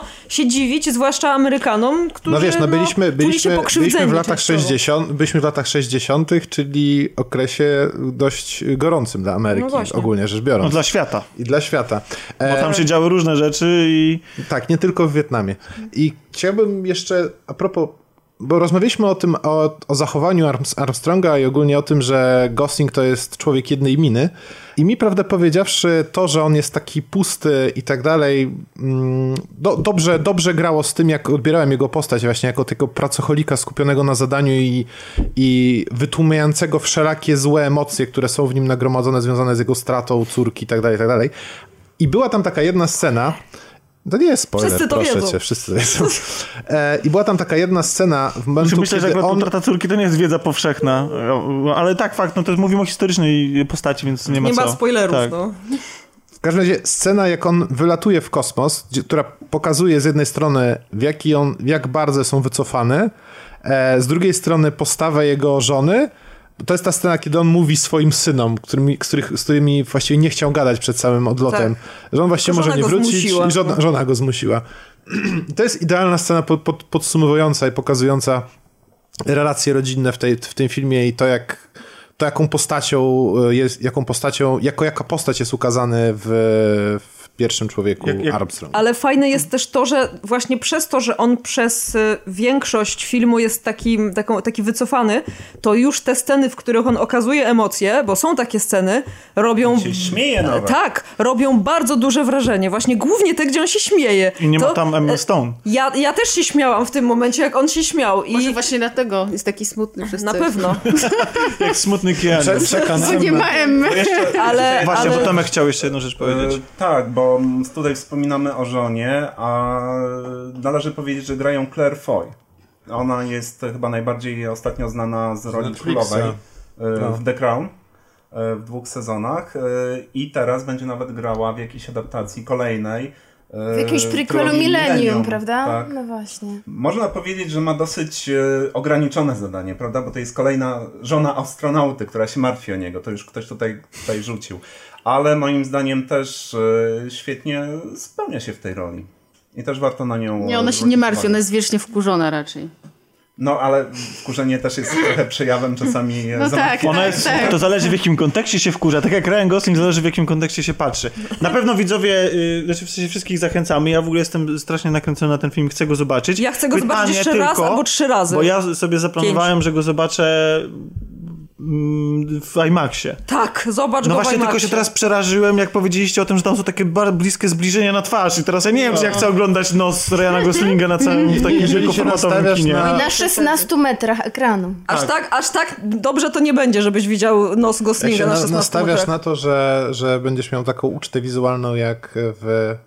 czym? Blade Runnerze Nie na w Blade przykład. Runnerze. Interstellar. Ale znaczy, Nie, bo, na- bo ja byłam na, na- przykład na- na, na- Blade na- Runnerze. Grawitacji. Na, w grawitacji, dokładnie. Jak w grawitacji to nie. Tego filmu nie, Nie, było. znaczy, bo te ym, ujęcia Wizualnie są e, ładnie skomponowane, ale to nie jest efektowne kino. Nie, ale, ja, ale właśnie ja słyszałem, bo dlatego wyście w ogóle nie pociągnęli tego wątku, co mnie trochę zaskoczyło, bo ja słyszałem, że ten film po prostu niesamowicie stoi dźwiękiem i że warto się wybrać do IMAXa właśnie ze względu na dźwięk. Ktoś, ktoś wspominał o tym, Ale że właśnie starczy normalne. Wszystkie, wszystkie, wszystkie Ania powiedziała. dźwiękowe, które y, trzeszczało wszystko, Teraz Właśnie, rozpadało się. no właśnie, że to lepiej odbierać właśnie w kinie, które nie oszczędza na dźwięku, bo ja akurat jestem z tych Mm, głucho, głuchych ludzi, którzy... mocno potelepać w pewnych momentach. Znaczy no ja nie wiem, dla mnie trochę jest IMAX zbyt przesadzony jest z zbyt kolei. głośno troszkę. A ja właśnie, ja właśnie ja mam ten, No to ten też niedosyt zależy od filmu, bo ja wam powiem, że ja na przykład jak byłam na Blade Runnerze tym nowym w IMAXie, to A, byłam zachwycona. Bo on był podkręcany specjalnie. Bo, ale, no ale widzisz, i dźwięk też był tak zrobiony, że naprawdę, no po prostu wow.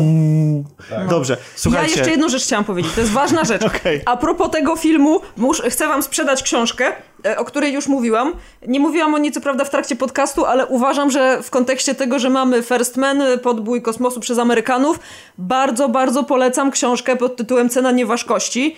Kulisy lotu Polaka w kosmos. To jest książka tak naprawdę reportażowa, napisana przez Dariusza Kortko i Marcina O Pietraszewskiego Hermaszewskim? która, o, tak, to jest książka o Hermaszewskim i w ogóle o radzieckim programie kosmicznym, bo może się wydawać, że to jest książka tylko o nim, ale tam jest bardzo dużo informacji na temat tego, co się działo na przykład na Bajkonurze.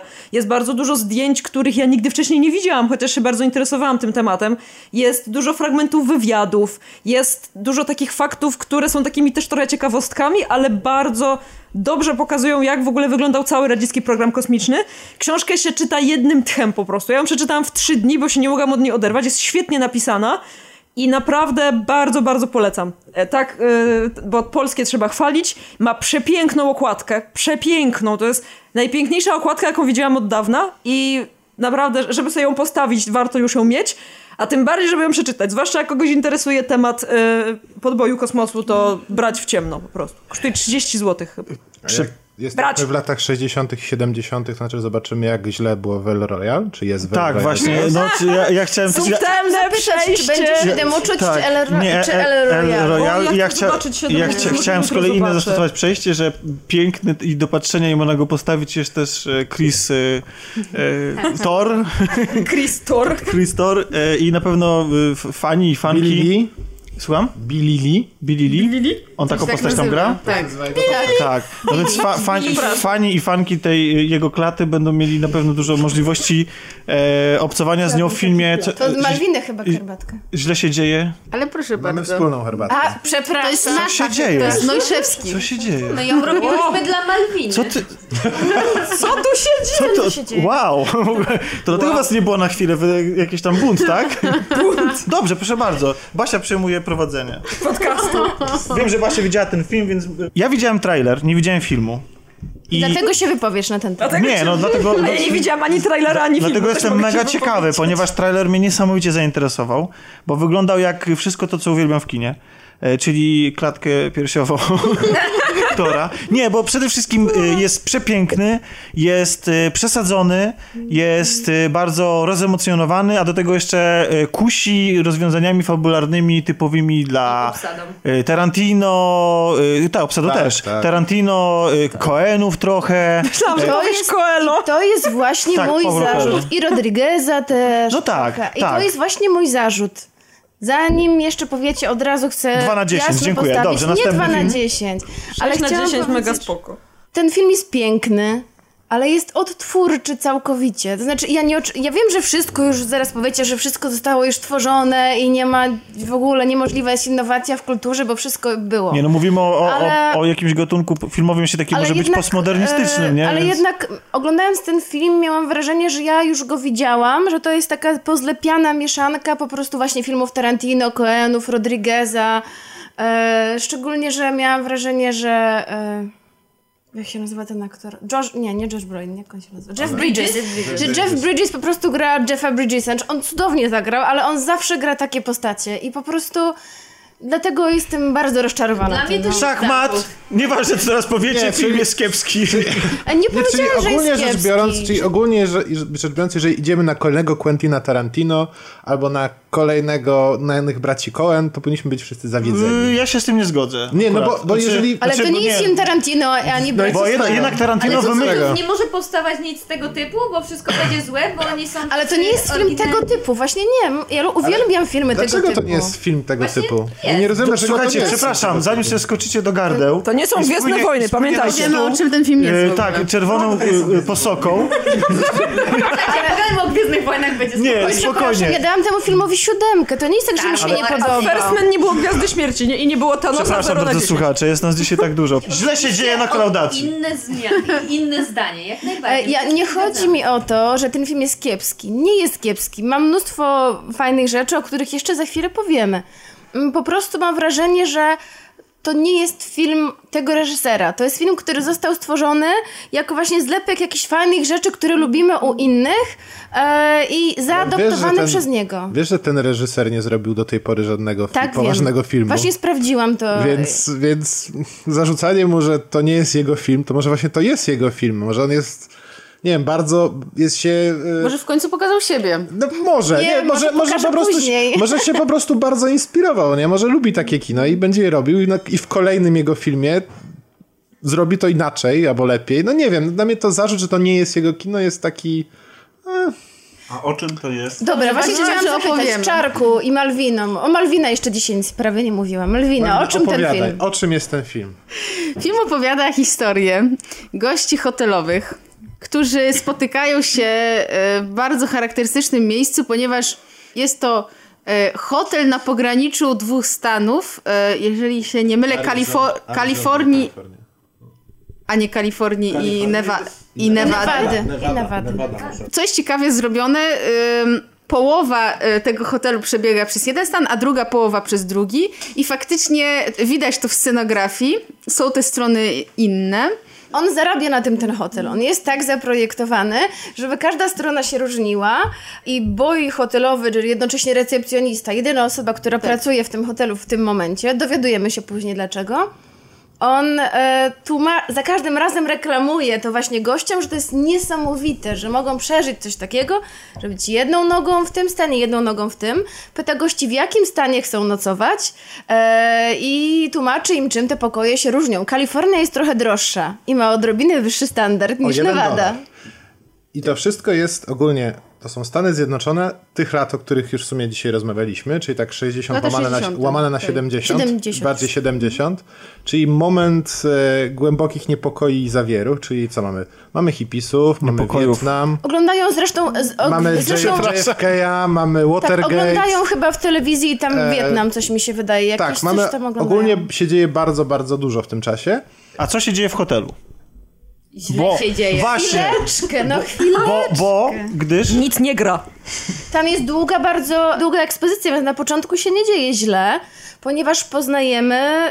Y, dlaczego, poznajemy bohaterów, dlaczego oni w ogóle tam przyjechali. Jakich bohaterów poznajemy? Poznajemy księdza, poznajemy piosenkarkę czarnoskórą, co jest dosyć ważne, y, bo to są lata 60., 70., e, więc ona jest troszeczkę tak postrzegana, nazwijmy to inaczej, e, akwizytora. Taką hipiskę.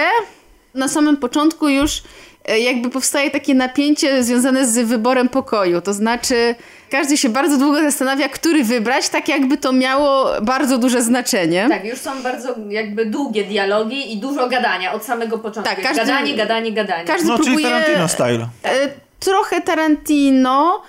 Teraz Znaczy, pytanie, nie w do z tym, końca. czy, to były, czy to są ciekawe dialogi? Bo Znaczy, u Tarantino jest tak, że można je słuchać w Tak, znaczy, nieskończoność. co, nie nudziłam się. Nie wiem, co by było, gdybym chciała drugi raz ten film obejrzeć. Na przykład sobie teraz, już po tym, jak go raz widziałam. Czyli to nie ma, może- nie ma klasycznych dla Tarantino To nie, żartów? są takie dialo- to nie są takie dialogi jak Tarantino. Ja bym nie powiedziała żartów. tego, bo Nie Tarantino. tarantinowskie dialogi Tarantino akurat. dialogi e, jego operują bardziej tak jakby na dwóch płaszczyznach. Takie niby są nie wiadomo o czym, a jednak oni rozmawiają o czymś głębszym. To są takie dialogi bardziej jak z Agaty Christie. No takie. U, E, no, no nie czyli wiem co, jak zwracają się do siebie tak bardzo nie, formalnie? Nie, nie o to mi chodzi. Bardziej takie żeby zasiać jakąś taką niepewność a propos jakiejś postaci, no. Tak, tak. ba- Taki zga- e. Zgadzam, Tak. się, zgadzam się z Malwiną, bo rzeczywiście e, już od samego początku, podczas tej ekspozycji, budują się od razu relacje między bohaterami. Oni się pierwszy raz widzą w życiu i już od samego początku widzimy, kto, Kto ma do kogo kogo jak jaki stosunek, kto kogo jak traktuje, kto kogo traktuje z góry, kto się do kogo odnosi, kto jest kim od razu, zafascynowany. od razu się rodzi pytanie, czy te postacie są w związku z tym jednowymiarowe i bardzo grube. No właśnie, grubo kresko określone. Tutaj też wchodzi Y, przede wszystkim gra aktorska y, tych, bo mamy tak naprawdę kilku bohaterów zamkniętych w jednym miejscu. Znamy to dobrze. Quentinie, patrzę na ciebie, tak? E, Mówisz o na przykład... na No, no przykład dobrze. wściekłych psach. Tak. albo- I Zarzuty są takie, z którymi się nie zgadzam w 100%, że ten film jest kopią nienawistnej ósemki, bo Nie rzeczywiście jest. zbudowany w taki Ale nie sposób. Jego fabuła, nie zgadzam się z tym, powiedziałam Czarku, że nie jest kopią, ale jego fabuła rzeczywiście jest w taki sposób budowana i finał jest, jest tak samo Czy rozwiązany. to oznacza, że bohaterowie się muszą zmierzyć z jakąś tajemnicą, zagadką, śmiercią czy czymś takim? Tak, z czymś się muszą zmierzyć, ale jest jeszcze, e, nie powiedzieliśmy o budowie tego filmu, ponieważ ten film e, dzieli się na segmenty. Każdy z tych segmentów opowiada o innym bohaterze. Czyli mamy retrospekcję? Tak, warstwa wierzchnia tego filmu to jest to, co się dzieje tu i teraz, a tu mamy retrospekcję i po kolei poznajemy e, historię wszystkich bohaterów. Jest, są plansze z, ty, ty, z podtytułem, e, historię poznajemy każdego bohatera i powoli, powoli docieramy do tego, co się dzieje tutaj, aż w pewnym momencie e, oglądamy te, to samo zdarzenie z e, dwóch lub trzech perspektyw. nawet perspektyw. Tak. Ale Postaci, to samo zdarzenie e, współcześnie. Tak, E, tak, współczesne. tak, bo one się dzieją od kiedyś tam do teraz. Znaczy te postaci nie są bardzo rozbudowane e, psychologicznie, ale powiem szczerze, że mi to absolutnie nie przeszkadzało. One były tak rozbudowane, na ile potrzebowała tego fa fabuła. To Także były, to były naprawdę- postacie, postacie przymiotniki trochę, ale jedno, jednocześnie, jednocześnie same w sobie na tyle wyraziste i na tyle dobrze zagrane, że absolutnie nie, nie miałem tam ani momentu takiego takiego, m, takiego poczucia, że chciałbym więcej, że mam wrażenie, że o którejś postaci nie zostało powiedziane wystarczająco dużo, że nie jest ona wystarczająco wiarygodna, aby ta historia, którą widzę, mi się tam kleiła. I A to... propos gry aktorskiej, mam do was pytanie, czy ten młody Pullman to jest Pullman junior od tego Pullmana? Od Billa Pullmana? Czy to jest Nie mam zielonego Nie mam pojęcia. też. To, Bo to, pojawia to się tam aktor właśnie e, młody, który... Gra no ma- boja takiego. Tak, ma nazwisko właśnie Pullman. Jestem ciekawa, czy to jest ta aktorska rodzina. Nie sprawdziłam tego, szczerze mówiąc. To zaraz sprawdzimy. E, zauważyłam, że też pojawiają się, nie, nie wiem zupełnie dlaczego, e, zakoty, e, zakoty. Co to Chciałam powiedzieć, zakoty? zarzuty do Dakoty Johnson, e, że kiepsko gra i powiedziałam No bo, za, zakoty. bo Nie. zagrała w Greju. i E, do- Do końca życia się tak, będzie za nią ciągnęło to, tak. że zagrała w. Greju. To jest jest- ten to jest Pullman, syn Billa Pullmana, Pullmana. no, E, Znaczy- Przyznam, że grał bardzo fajnie. Ja nie widziałam Greya, ale mi w, e, tutaj e, w El Royale się bardzo podobała. Mi to też znaczy, się podobała. Dla mnie była wiarygodna jak I dokładnie zaga- jakby zagrała taką, a nie inną postać, e, która jest taka dość... E, mm, ona nie jest bardzo ekspresyjna, prawda? Ona Tak. dużo ukrywa i ona nie ma tutaj być buchającą Tak. emocjami, nie wiem, krzyczeć, miotać się. Mm, Moim zdaniem zagrała tak samo dobrze jak wszyscy inni. Jeszcze zasługuje na uwagę debiutantka, bo to jest jej pierwszy film większy. E, właśnie ta aktorka, która zagrała tą piosenkarkę. Czarnoskórą. Śpiewa... Cynthia Erivo, tak? To się nazywa, widzę. Cynthia. Erivo. Śpiewa fenomenalnie. fenomenalnie, tak. Po prostu jej śpiew Jest to jest taka było petarda. bardzo dużo też tych piosenek, tak? Tak. Ona bardzo y, to jest- dużo występów dawała, ale jakby nie znudziły mnie Czy to one. I ona Znaczy tam- śpiewa a cappella. znaczy, jest I ona śpiewa bardzo długo. Nie, nie, nie. nie. Po prostu z racji tego, co ona robi, gdzieś w pewnym momencie, na pewnym etapie y, wydarzeń się to po prostu przydaje. Ale tak? Ale to znaczy, że ona dużo komen- ćwiczy. komentuje na Nie, nie, ona, ona to po prostu ćwiczy do występu. Tak, ona po prostu przyjechała tam przenocować, bo ma na następny dzień w pobliskiej miejscowości występ. Na czym polega w takim razie dzianie się w tym filmie? tak, właśnie Poznajemy ciężko- bohaterów i co? Tak, ciężko powiedzieć, bo właśnie tam się tak dużo dzieje i wszystko jest tak jakby, ma wiesz... Misternie uknute, że jak coś zdradzimy, to... Rzecz, to boję się, że po prostu zdradzę dalej fabułę. No generalnie... Ale to jest tak, że ci bohaterowie spędzają tam noc i my śledzimy tą noc, czy... Em, No generalnie tak, tak, tak Okej. generalnie tak, ale właśnie no... mm, Czy to jest tak, że każdego mało- spotyka co Jedna innego? osoba, Nie. Ich historie na pewnym etapie się po prostu łączą. E, na przykład postać księdza, którą gra Jeff Bridges, jest tam z jakiegoś konkretnego powodu. On właśnie, jemu najbardziej zależało na tym, żeby znaleźć konkretny pokój e, w związku z jakimiś właśnie wydarzeniami z przeszłości. To mi się nie wydaje, że tyle, co powiedziałam, jest jakimś wielkim tak. spoilerem.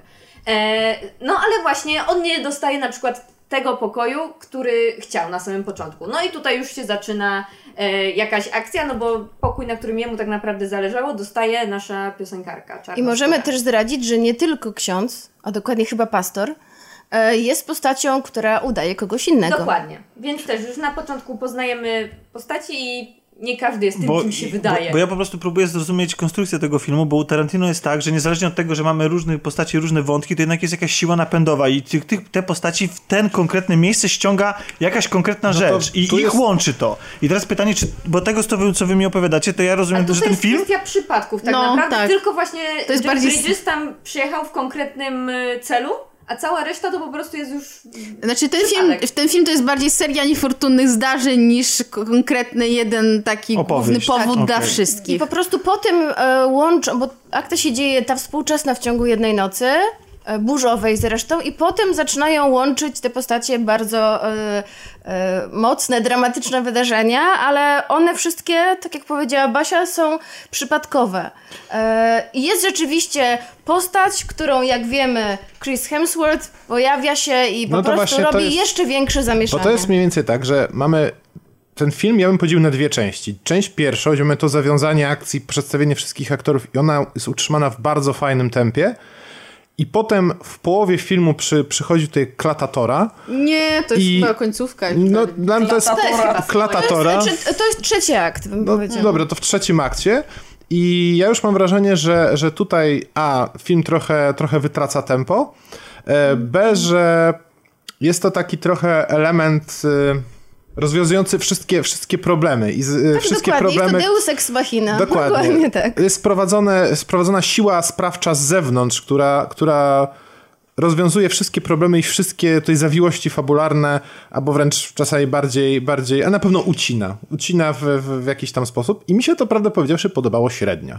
Podobało mi się z jednej strony nawiązanie tej postaci do, do prawdziwych wydarzeń, czyli do tego, tych kultów religijnych i różnych sekt z tamtych czasów, do sza, szaleńców e, postaci, nie wiem, typu, typu Mansona na przykład.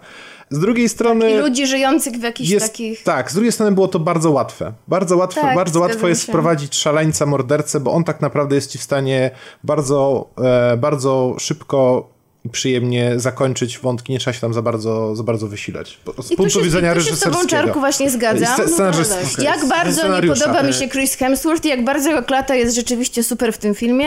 Znaczy on sam zresztą uważam, że też gra w porządku. Tak. E, To niestety właśnie jest to taki Deus Ex Machina. Dokładnie chciałam to samo powiedzieć, co ty. E, I no, trochę to wszystko jest rozwiązane za łatwo i za szybko. Ustaliliśmy już na samym początku, że to jest e, film, który czerpie pełnymi garściami z dorobków innych popkulturowych i postmodernistycznych reżyserów. Natomiast niezależnie od tego, jak charakterystyczny styl ma Tarantino, no to on dlatego jest wybitnym reżyserem, że zaprzęga te swoje popkulturowe zabawy do tego, żeby opowiadać o konkretnych rzeczach. Te jego filmy są zawsze o czymś, mimo tego, że nawet jeśli się wydają lekko chaotyczne lub tylko zgrywą i zabawą, to tak naprawdę wsywa, skrywają w sobie jakąś myśl przewodnią i, to jest ważne, niemalże każdy z nich, niemalże, bo zdarzają się wyjątki, filmy gorsze na przykład, albo gdzie on się sam się siebie powtarza, są też bardzo charakterystyczne, jeśli chodzi o klimat. To, co ja usłyszałem od was na samym początku, to to mi wygląda jak na zlepek tych właśnie stylów Tarantino czy Rodrigueza.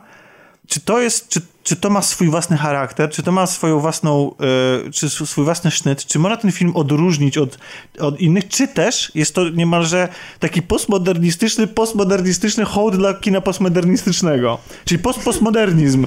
No bo To jest świetny wyrób rzemieślniczy. To jest właśnie tak, ale wyrób rzemieślniczy. rozumiem, tylko czy on służy tylko i wyłącznie takiej zabawie w to kino? Czy Nie, też jest, nie, czy on też... mówi, on mówi, Czy jest tam- poszczególne jest- postaci mówią o swoich problemach, jakby... Ja rozumiem, tylko że chodzi o to, że na przykład, że Tarantino wy, wynosi, Ale ja- wyniósł ten ja postmodernizm dokładnie- na, y, na, na piedestał i sztukę wysoko tak naprawdę, bo jak on kręci film o alternatywnej rzeczywistości, gdzie Hitler ginie y, w pożarze kina i mamy brygadę, y, żydowską brygadę speckomandosów mordujących hitlerowców, to to, nie, to jest z jednej strony to jest ta, powiedzmy, jakaś tam w cudzysłowie zgrywa na A z rzeczywistość, drugiej ale tak naprawdę tam jest komen- Holokaust i w ogóle. tak, tak? i jest, jest, i jest też Ale jest- przepięknym y, komentarzem na temat jest- zemsty i kultury w ogóle.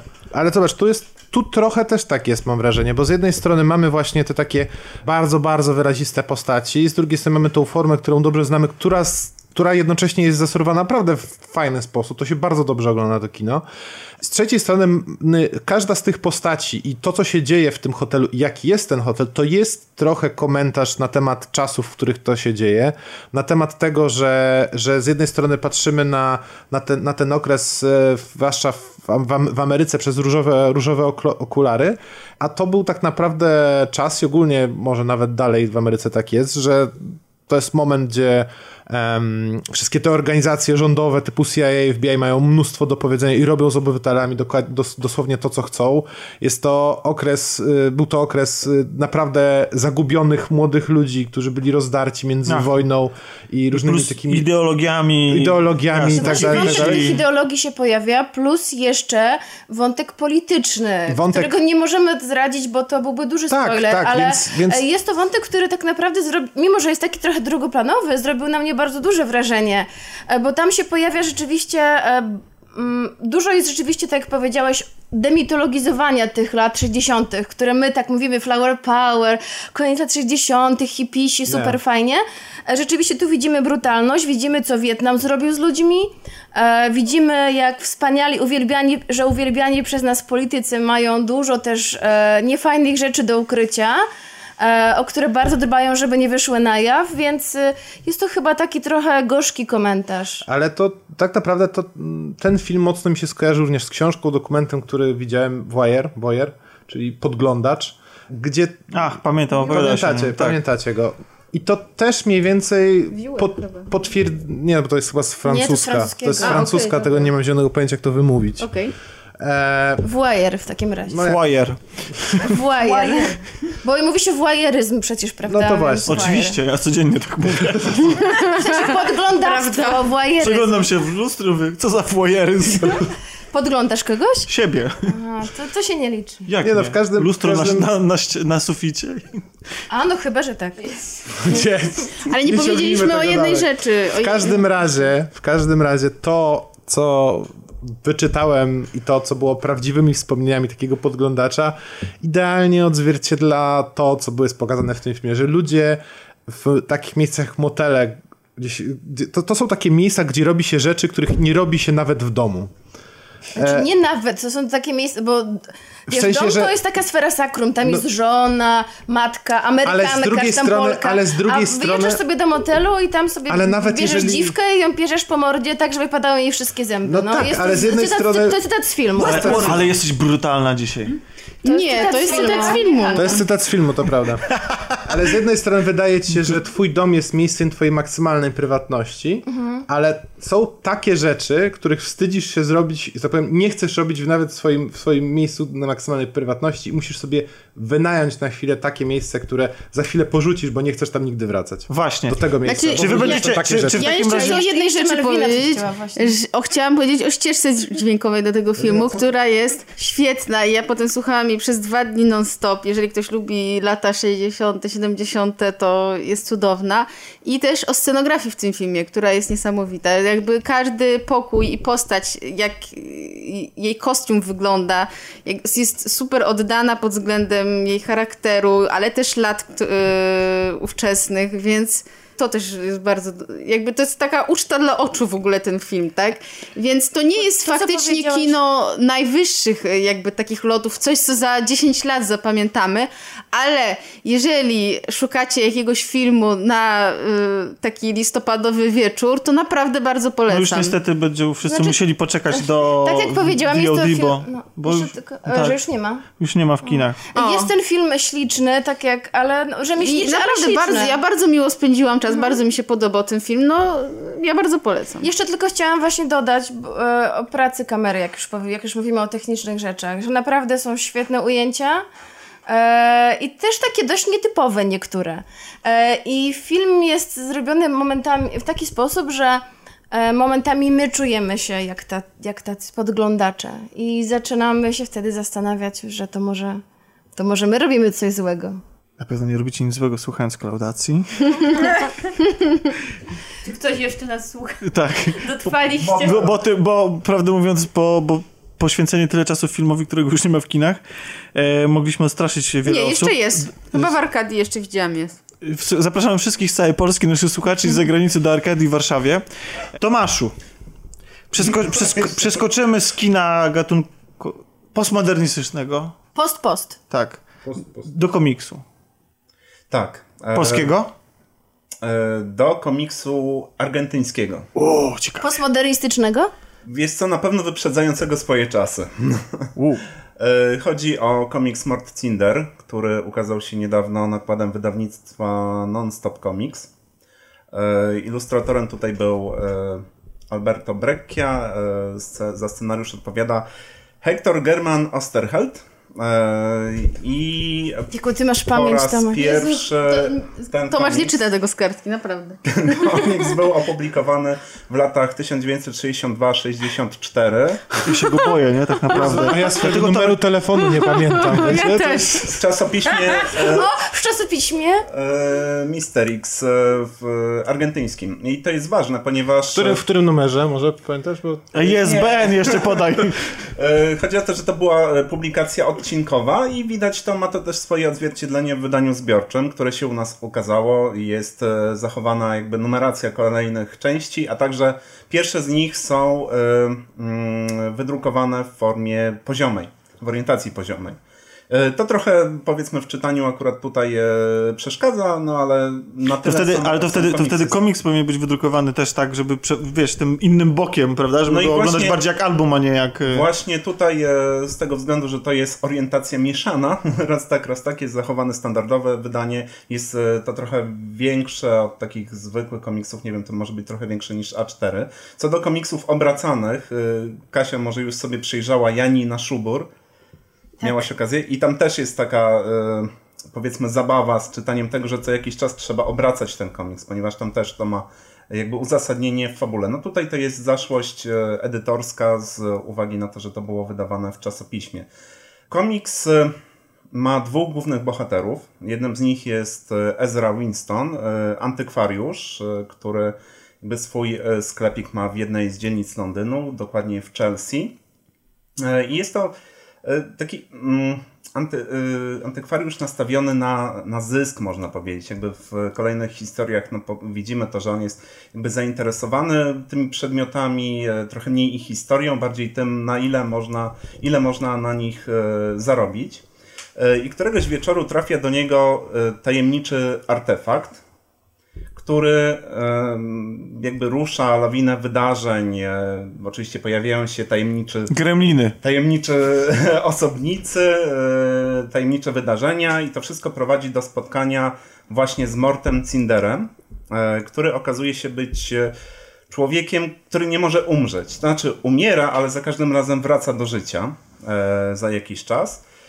I e, wszystkie kolejne historie e, mają bardzo podobny schemat. E, W antykwariacie pojawia się jakiś artefakt, jakiś przedmiot, który uruchamia u Morta takie wspomnienia, bo zazwyczaj okazuje się, że on był jakby związany z tym przedmiotem, uczestniczył w wydarzeniach związanych właśnie z, z tymi starymi rzeczami.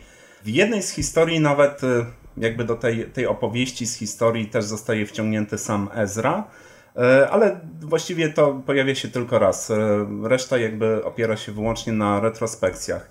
I mamy tutaj e, przeróżne epoki historyczne. Mamy bitwę pod Termopilami, mamy pierwszą wojnę światową. E, Jedna z historii dzieje się na statku niewolniczym.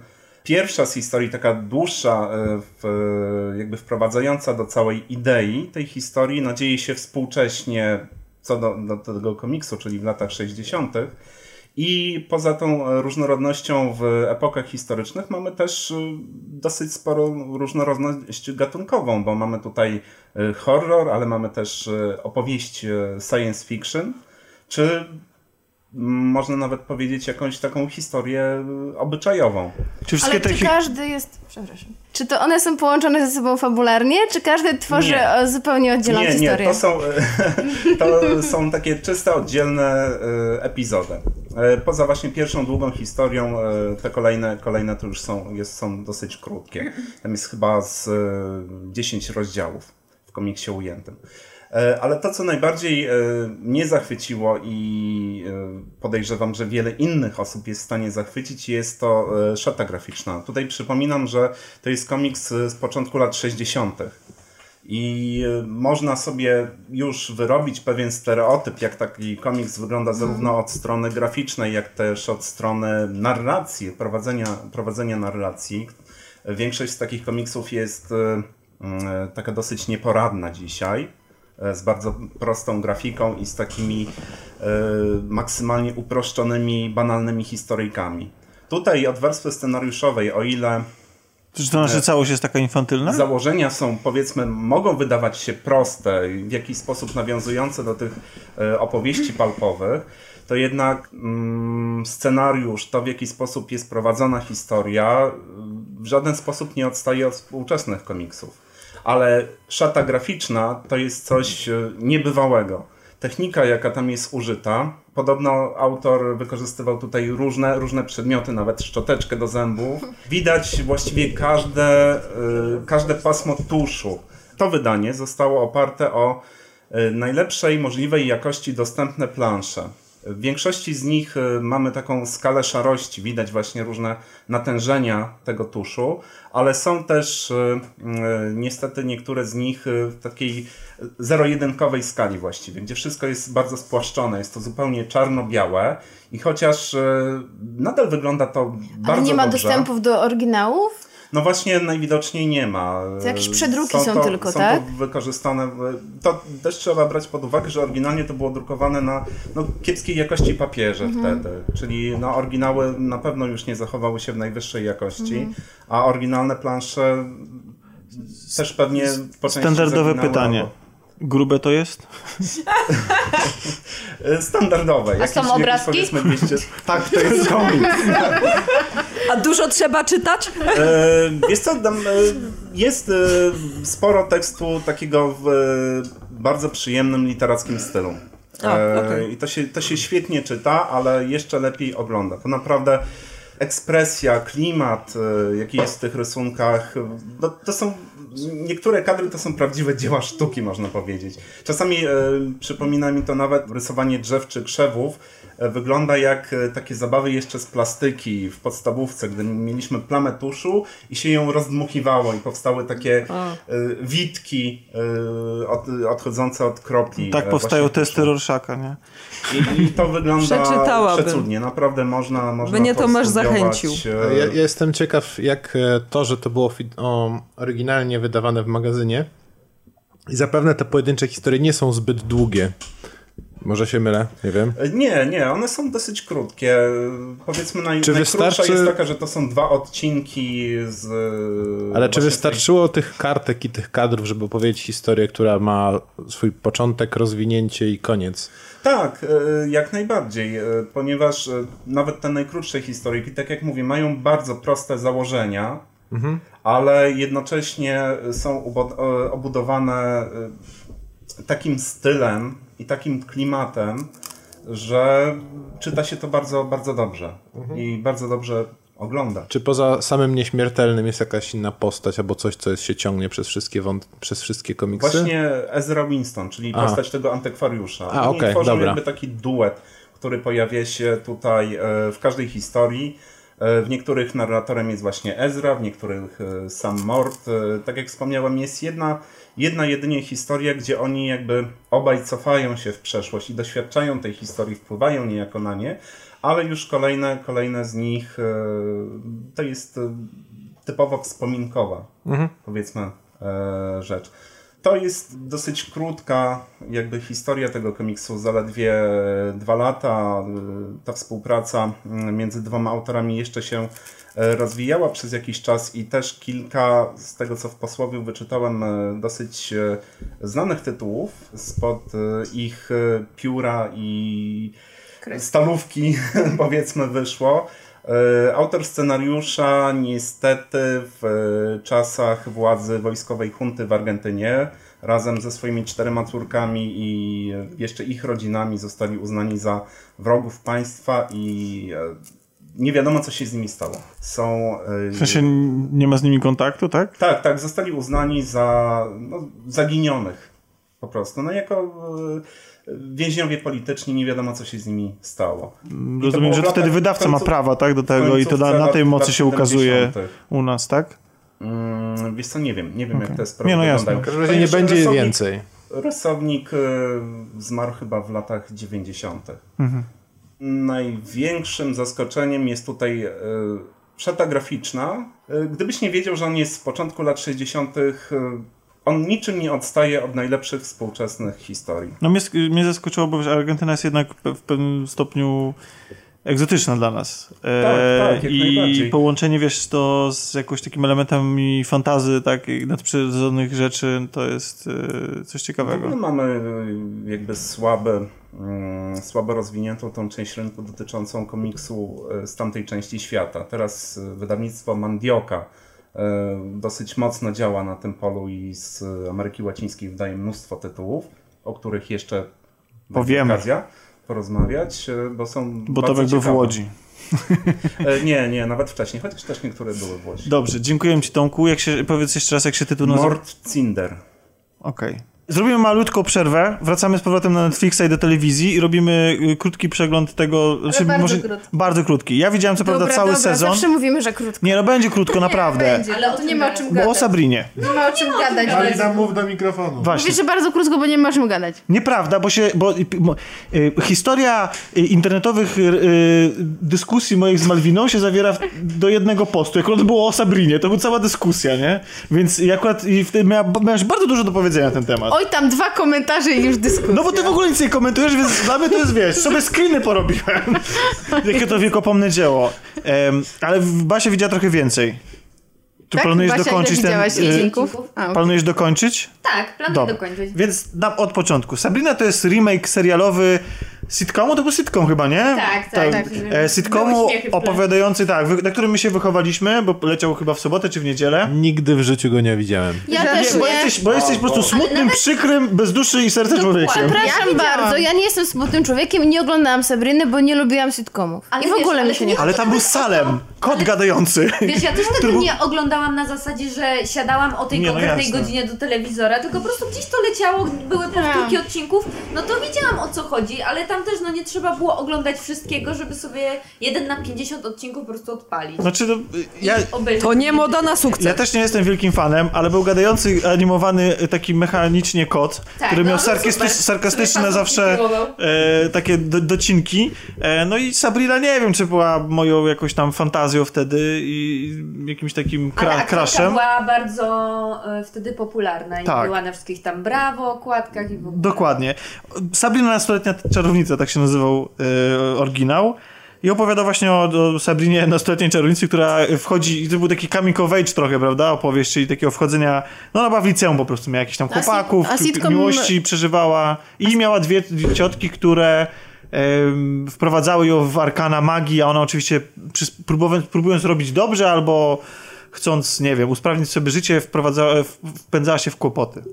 I o Tak. te ciotki ją No tak, z tych kłopotów wyciągały. był na, y, jest na, czy był, czy, Na podstawie nie, komiksu. Na podstawie komiksu, tak. Ja nie wiem, czy te komiksy wtedy, czy późniejsze komiksy, bo aż takim fanem nie jestem, by- były, y, były dużo poważniejsze i mroczniejsze. A, Tomek wie! Tak, ponieważ e, Sabrina i Archie to jest to samo wydawnictwo. E, I e, w ostatnim czasie przy e, relaunchu Nie, nie, nie, spokojnie, ustawmy sobie dopiero, no. Archiego to samo miało miejsce z Sabriną, czyli Archie od takiego stylu z lat 50., 60., który na pewno wielu z Was widziało w internecie, przeszedł do współczesności i okazało się, że można bardzo fajne historie na ten temat napisać, a Netflix i tak to na swój sposób e, przemieli i przerobi i e, niekoniecznie wyjdzie im coś równie fajnego. A polski wydawca nie przetłumaczy. Albo wyda wydanie lepsze drugie, gdzie, gdzie za darmo poprawiali czytelnicy. I to samo miało miejsce z Sabriną. Tak było? Było.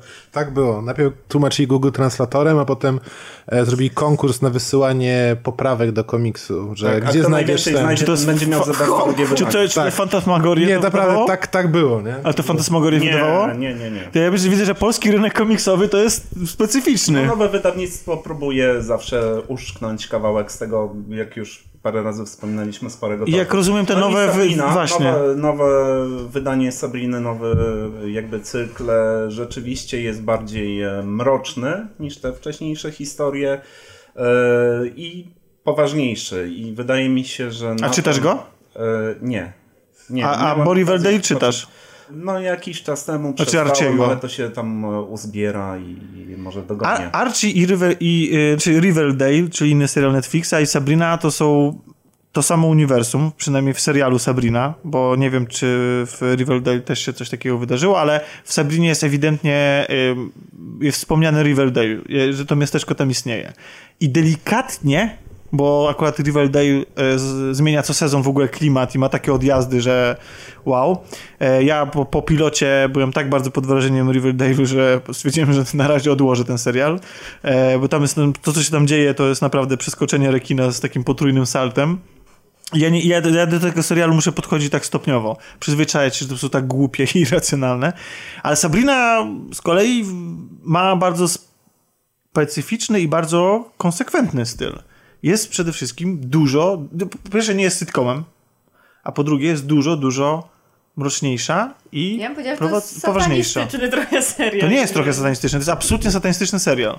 I to nie w tym, to nie w takim klimacie, jaki mamy satanistyczne filmy typu Dziecko Rozmery albo tam Omen. e, Omen, e, czyli e, sytuacji, w której my jako ludzkość, jako ludzie wyznający pewne zasady i żyjący w takim, a nie innym środowisku i w takiej innej kulturze chrześcijańskiej spotykamy się z siłami mrocznymi i ja, coś, ja w jakiś sposób ci bohaterowie na to, na to e, e, muszę odpowiedzieć, tylko tutaj jest zupełnie taka jakby odwrotność, to znaczy my wchodzimy do środowiska, gdzie, które jest jakby wielbi szatana i dla których jest e, pierwotne jest właśnie bycie, znaczy mm, ideologia satanistyczna. Nie wiem jak bardzo ona się pokrywa z faktycznymi odłamami różnymi satanizmu, ale satanizm jest tutaj przedstawiany, bo oczywiście Sabrina jest młodą czarownicą, która wcho- wchodzi Półczarownicą, tak? No Półcza- bo a, właśnie. Generalnie właśnie jest. Y, jej ojciec był wielkim czarodziejem, uczonym też, y, a matka była człowiekiem. No i generalnie ona też jest odbierana właśnie jako mieszaniec, czyli ma też troszkę pod górkę. No i ona takie prowadzi podwójne życie generalnie, no bo tu z jednej strony jest y, człowiekiem, chodzi normalnie do szkoły, jest nastolatką, ma przyjaciół, ludzi normalnych, ale właśnie mm, sam serial tak się zaczyna, że za parę dni są jej 16 urodziny i ona właśnie podczas tych 16 urodzin musi przejść e, Czarny czarny chrzest. chrzest. Tak, no i ona wtedy już będzie taką stuprocentową czarownicą, ma się tam oddać szatanowi, no i generalnie to się ma wydarzyć niedługo. Akcja się dzieje w małym miasteczku, podobnym trochę do Riverdale, chociaż Riverdale mam wrażenie, że jest dużo większe Tylko niż... ty to chyba oglądałeś, Tomek, ja nie wiem o czym jest to River. E, no więc, no dobrze, jest to To małe... jest serial, którego Piotrek, który ma bardzo dużą tolerancję, nie zniósł do końca. Bo to jest serial, który trzeba po prostu sobie odpowiednio dawkować. Ja oglądam to jest, azjatyckie e, dramy, więc to jest znaczy, szansa, być może radę. by ci się spodobało, bo to jest amerykańska wersja wenezuelskiej telenoweli. Tak, dla nastolatków. No pewnie by mogę Gdzie okazuje się, że wszyscy są swoimi braćmi, siostrami, a ojciec to był ksiądz. Ale to nawet nie chodzi o to, co tam się, wyda- co, wróciła. co tam się dzieje, tylko w jaki sposób to jest w ogóle pokazane. Tam w ogóle połowa miasteczka należy do gangów, e, to w ogóle jest normalne, że, że na przykład szkoła przyjmuje gang i tam w ogóle to, że jest ten gang i on w ogóle, tam jest okej, wszystko spoko, wy jesteście w gangu, to chodzicie sobie do szkoły w ogóle. Połowa miasteczka to jest jakaś mafia w ogóle dziwaczna. Główny bohater nagle w pewnym momencie zak- zakłada bojówki, gdzie wszyscy chodzą w, cze- w czerwonych kominiarkach i bez, bez koszulek. I, no, Właśnie po- Ale Piotrek pokazywał. Piotrek Tak. pokazywał mi scenę e, takiej inicjacji do mafii. Było to tak śmieszne, że myślałam, że Dobrze, ale wr- się tak wróćmy, bo w akurat w Sabrinie nie ma nic śmiesznego, e, bo naprawdę, bo jest, bo jest nies- niesamowicie śmiertelnie poważna, tam nie ma absolutnie żadnego dystansu, nie ma po pierwsze śmiesznego Salema, ale nawet nie o to chodzi, chodzi o to, że nawet ten satanizm jest tam potraktowany ultra poważnie. Ale tak normalnie właśnie, to nie jest tak, że oni ci mają tym straszyć, tylko oni jakby pokazują fakty, jak to wygląda i to tak Tak. Masz to przyjąć po prostu. Znaczy tak. nie, no według, według tej rzeczywistości, tak? E, tak, tak, no to jest, ma taki moment, znaczy... Nie, no jest Bo jeszcze- dużo jeszcze- straszenia, jest Jeszcze, dużo jeszcze, straszenia. jeszcze tylko wyjaśnię, to jest małe miasteczko, Sabrina nadal mieszka z dwoma ciotkami, aczkolwiek ich relacje są w ogóle niekomediowe. Zeldą i Hildą. Zeldą i Hildą. Nie no, są komediowe właśnie. No. Ich postacie są komediowe. Wiesz co, chyba nie do końca. Ja uważam, znaczy, bo ty widziałeś tylko jeden odcinek. Trzy. A jednak. Po... Nie no, widziałam trzy e, i mam wrażenie, że to są chyba jedyne komediowe postacie w tym serialu. No okej, to prawda. No, Czy, czy komediowe, czyli na pewno są charakterystyczne, no na pewno ciotka Hilda generalnie jest taka bardziej komediowa, bym powiedziała. Pocieszna taka. Znaczy one przede wszystkim są, są siostrami dwoma i są przeciwieństwem swoim zupełnym. Tak. Więc... Jak my. No, Tak. tak. E, ale ważne... Tomek, ja się muszę pożegnać, muszę iść na autobus. Jasne. Potem będę jechała Dobrze, że nie przeżegnać, jak mówimy. O... Jest mi niezmiernie przykro, że nas opuszczasz. Ej, no ale czasem trzeba i do domu iść, no. inaczej, Jest mi niezmiernie miło, że przyszłaś. Tomek, no, z strony. No już bez przesady, nie? Dobrze. żegnam się. Tak, baw się dobrze. Papa. Papa. Bo ważną postacią w y, tym serialu jest. Bo, bo to, jest, to jest, to tak skonstruowane, że ten, y, że, bo w tym miasteczku normalnie jest wiele istot z tamtego świata, w sensie wyznających satanizm albo będących czarownikami. Czarodziejów, Tak. y, właśnie jakichś czarownic z innych. I oni żyją w ukryciu przed normalnym światem, bo oprócz tego jeszcze żyją w tym swoim świecie, do którego, bo sobie nachodzi też do w To pewnym momencie. miasto generalnie też ma takie historie, Tak. historię ma mocno zakorzenioną generalnie, gdzieś tam w przeszłości był. No, on, ono przede wszystkim. Palenie czarownic. Tak, Tak, ważnym elementem było. Tak, tego- dla- wa ważnym elementem było spalenie i. powieszenie chyba na, na jednym konkretnym drzewie 13 powieszenie. y, czarownic w przeszłości, w czasach, kiedy ta- takie rzeczy robiono. Ale em, to jest skonstruowane w ten sposób, że ci nasi bohaterowie żyją w takich e, komunach, jak, e, coś jak sabat. I tym sabatem rządzi kapłan. I, on, Tak. I one są wszystkie właściwie te czarownice i, i, i wszyscy bardzo pod jego no, rządami. To znaczy w sensie jakby kierują się jego słowem, on, on wyznacza rytm Znaczy, on ich jest życia. głową kościoła ichniejszego, jakbym to powiedziała, tak? Po prostu. Tak. I to nam gdzieś tam było takie porównanie, że nie wiem, kościół chrześcijański ma papieża, a Tak, oni a tutaj mają... kościół nie jest, nawet- nie jest nazwany chrześcijański, to jest zawsze kościół fa- fałszywego Boga. Tak, no też tak jest. To jest też, znaczy dobra, zajmijmy się najpierw tym satanizmem, bo to jest ważne. Czy, bo, Znaczy, bo bo w ogóle to jest tak, ja specjalnie patrzyłam, mm, dla kogo jest przeznaczony ten serial. No ja widzę, że tam jest plus 16 generalnie. I tak sobie myślę, w sumie no 16 to już są niby dorośli ludzie. Tak. No to bać się nie będą, no ale on jest taki Nie, on nie jest mroczny i straszny. On jest, no, no nie jest, tylko właśnie wiesz, on się bardzo z naszą kulturą po prostu chyba, Tak. mm, wiesz, Gryzie. tak. I przez to on bardziej nawet nie tyle jest przerażający, tylko on może taki niepokój w tobie budzić. Dokładnie. prostu. No ale to jak, nie wiem, nieraz filmy właśnie takie, gdzieś nie ma o opętaniach czy inne. Nie? Tak, tylko właśnie to, co różni, to co Malwina zaraz powie, co ona myśli o, ty, o tym. Nic nie mówię. Nie, nie, bo, bo ja, na, ale ja, chęt- ja chętnie bym się dowiedział, bo ja na przykład jako osoba wierząca i wychowana w jakimś konkretnym systemie wierzeń, zawsze, znaczy uważam, że to jest, ludzie w ogóle tego nie zauważają. Jak, jak patrzę po naszej grupie, czy patrzę po jakichś tam rozmowach, ludzie po prostu oglądają, że ten film jest, no jest, jest okej, bo zaraz do tego przejdziemy, czy ten serial, e, dlaczego on może być okej, na- odbierany. Natomiast to nie jest mój zarzut wobec tego serialu, natomiast jestem niesamowicie zaskoczony, jak odważny on jest w swojej wymowie. Ja skończyłem sezon i e, on się trochę, e, trochę e, myli, trochę gubi, trochę, trochę nie wie za bardzo, jak potraktować te wszystkie tematy, za które się zabiera, ale koniec końców on zaczyna i kończy się jako serial wybitnie satanistyczny, ale nie dlatego, że ma tam pentagramy szatana i w ogóle, tylko przesłanie i moralność, jaką się kierują bohaterowie, jakiś takie ich e, światopogląd i to, że ten satanizm i oddawanie czci szatanowi i w ogóle traktowanie go właśnie jako Boga i tą, te, tą najważniejszą postać jest potraktowane w tym jakby zupełnie coś normalnego i nie ma żadnego przeciwstawienia się temu. Tak. Nie ma żadnej Właśnie kontry. Mi się wydaje, że to jest takie w popkulturze taki ewenement trochę, bo wszystkie właśnie do tej pory tego typu rzeczy, które powstały właśnie jakieś filmy czy seriale, one jakby miały być satanistyczne, ale oni z góry mówili, że to jest złe. No w pewnym momencie tak, no tak. pokazane, Miało się tego bać tak, albo tak. Tak, i to było jakby, to nie jest tak, że to jest temat tabu, bo o tym się od dawna mówi, ale zawsze było jakby z, jasno powiedziane, że akurat to jest złe i my z tym walczymy, dobro wygrywa i generalnie tego się trzeba pozbyć. A Albo tutaj- przegrywa, ale Tak, albo przegrywa, no tak, ale generalnie była jakaś... jasna granica, tak? Co jest dobre, co jest złe, a tutaj tego nie ma. Malwina, czy to prawda? Znaczy, Czy się zgadzasz z tym stwierdzeniem? Tak, bo w ogóle ten satanizm tutaj właśnie nie jest pokazany jako coś złego, tylko bardziej mm, jakbyśmy sobie wyobrazili po prostu pewne miasteczko i tak jakby w nim po prostu część osób wyznawała jakąś religię.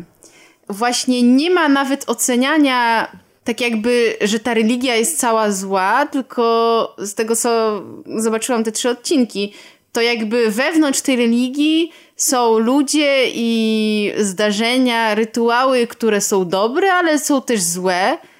Ale z drugiej strony, tak naprawdę, tak jakby właśnie powstaje taki dysonans, yy, tak jakby człowieka wychowanego w wierze ogólnie Chrześcijańskie. chrześcijańskiej i w, w tak jakby kręgu europejskim, jakim cudem mogą się pojawiać e, jakby dobre postawy, jednocześnie kierując się tak jakby satanizmem, czci- oddawanie czci szatanowi. No i tu pojawiają się takie bardzo dziwne sytuacje, to znaczy, kiedy na przykład Sabrina wykorzystuje jakby czarną magię do tego, żeby teoretycznie nauczyć albo dać nauczkę innym ludziom, ale tak naprawdę sprawiając im ból. W- I nie jest za to karana. Nie jest, ale też, Więc- ale, ale jeszcze tak trochę jest tam asekuracji, że ci ludzie są źli. Znaczy, bo tam mamy Niby dyrektora, możemy źli, to tak. zdradzić, dyrektora, który jest od razu nazwany mizoginem i który na przykład ukrywa Seksista. seksistą i który broni e, takiego prześladowania, to znaczy nie, prześladowania, w sensie e, ludzi, przepraszam, chłopaków tam z drużyny futbolowej, którzy przesłagują, przes, e, prześladują dziewczynę, która jest taka andro, androgeniczna i która ma z tego powodu jakby kłopoty z ich strony, tak? Tak. I dyrektor tego broni, w związku z tym on zasługuje na karę, ale ta kara jest dosyć brutalna. No jest bardzo brutalna ta kara i z jednej strony i tak jakby i, i to zachowanie, no, no nie wiem, znaczy powiedzmy tak, no jeżeli załóżmy o, oglądałyby to osoby, które mają e, 20 lat, no to byłoby zabawne, o fajna konwencja. Jeżeli to oglądają na przykład, wyobrażam sobie, nie wiem, dwunastolatki jakimś cudem obejrzą to na Netflixie, no to mam wrażenie, że ten serial jest absolutnie niewychowawczy, bo jednak większość kina takiego opierającego się na magii od, jakby próbuje, y, próbuje odwieść y, pozytywne postaci albo główne postaci od tego, aby nie używać y, w Czarnej dobrym magii. celu, aby jakby cel c- jakby w całej literaturze światowej i ogólnie w kinematografii cel nie uświęca środków. Jakby wszy- wszystkie jakby literatura dla młodych ludzi, taka bardziej wychowawcza, stara się to powiedzieć, że jednak y, to tak nie powinno być. A tutaj no wszystko jest takie bardzo płynne. Bardzo. E, Nawet w obrębie odcinka mogą się zmienić te postawy, bo to nie jest też tak do końca, że on nie jest wychowawczy, bo on na przykład zwraca uwagę i dużo poświęca właśnie temu prześladowaniu, temu takim y, nietolerancji. Kobiet mam wrażenie właśnie Tak. i to jest bardzo... Znaczy mi się akurat Nie, tak, no jest, też fe, jest też feministyczny No tam taki y, bardzo, bo, tak. bo, bohaterki w szkole zakładają, on jest bardzo feministyczny. Tak. Właściwie, no, mimo tego, że kobiety są pod rządami tego kapłana, to tak Ale naprawdę... jest to od samego początku zarysowane. W pierwszych nawet y, odcinkach jest mówione, że on też ma właśnie jakieś tam słabości i jest nawet wprost powiedziane, bo jest mężczyzną, tak? Że właśnie on się boi na przykład kobietom dać i władzę i wolność jednocześnie, bo właśnie tylko z, z tego powodu, tak? Znaczy też na, główna bohaterka y, ma taką relację ze swoim chłopakiem, nazwijmy to taką dość pantoflową też. No tak, ona dominuje absolutnie E, w tym Ona związku. dominuje w tym związku. Ale i... do czasu. A, to dobrze, dobrze Ja wiedzieć. nie widziałam jeszcze E, e, więc ten serial nic nie wnosi w moim życiu, bo i, i ani nie dowiaduje się czegoś ciekawego, nie jest to ani jakoś e, nic e, takiego, no, no nie, nie, nie mam, nie znajduję przyczyny, dla której miałabym go oglądać. No ale to... Kot też był fajniejszy w sitcomie. No tak, akurat jeśli chodzi o kota, to absolutnie. To, to te, ten Kot nic jest nie ogóle robi po prostu, po co ty tam jesteś? No nie, on ją ratuje. ratuje ją, ratuje ją. Znaczy, Nie jeszcze tylko wrócę, ratuje. do, wrócę do, do, tej, do tego dydaktyzmu. Y, Jest bardzo duże, właśnie jest podkreślona rola kobiet i to, że tutaj kobiety na przykład zakładają w świecie tym naszym rzeczywistym, zakładają organizację, która ma tam właśnie je jednoczyć i walczyć o jakieś tam ich prawa w szkole. I jest też tak, że te kobiety nawet jeśli są przeciwko sobie, to też potrafią się zjednoczyć właśnie wobec zagrożenia ze strony mężczyzn. E, i i znaczy Sabrina jest sama kobietą, ona ma też koleżanki. Ten temat na przykład prześladowania, on jest też fajnie pokazany, bo on jest pokazany zarówno od, w, w szkole tej naszej ziemskiej, znaczy w tej takiej, nie wiem, no, Normalnej. normalnej szkole, jak i te, w tej satanistycznej szkole, do której też uczęszcza e, Sabrina. Tam też jest, on temat występuje i mało, i mało tego, on dotyczy nie tylko, w sensie, że to, tym, tą stroną prześladowano, prześladującą są nie tylko mężczyźni, ale są też i dziewczyny i, i one też, e, i, i z nimi też e, Sabrina, e, one też zadzierają z Sabriną i to jest tak, że ten serial zaskakuje. Mnie najbardziej zaskoczył odcinek, w którym ja myślałem, że tak naprawdę ten serial jest przewrotną krytyką religii w ogóle. To znaczy, że na, no bo on nie może być y, y, y, mm, krytyką wierzeń, no bo w tym świecie istnieje Bóg i istnieje y, szatan. I on I- nie jest o, w ogóle o wierze, on jest bardziej o Instytucji o religii. instytucji religii, tak. No. I ja myślałem, że on jest krytyką, dlatego że tam występuje w tym momencie, e, e, tak, to nie jest czarna msza, tylko tam czarna uczta, czy coś takiego, nie wiem, czy, czy nie przekręcę, nie wiem, czy już dotarłaś do tego momentu. Jest taki rytuał i on polega na tym, że jedna z czarownic musi poświęcić życie po to, żeby inne ją zjadły. Przepraszam, że spoiluję, ale jakby chociaż to... akurat nie się tak.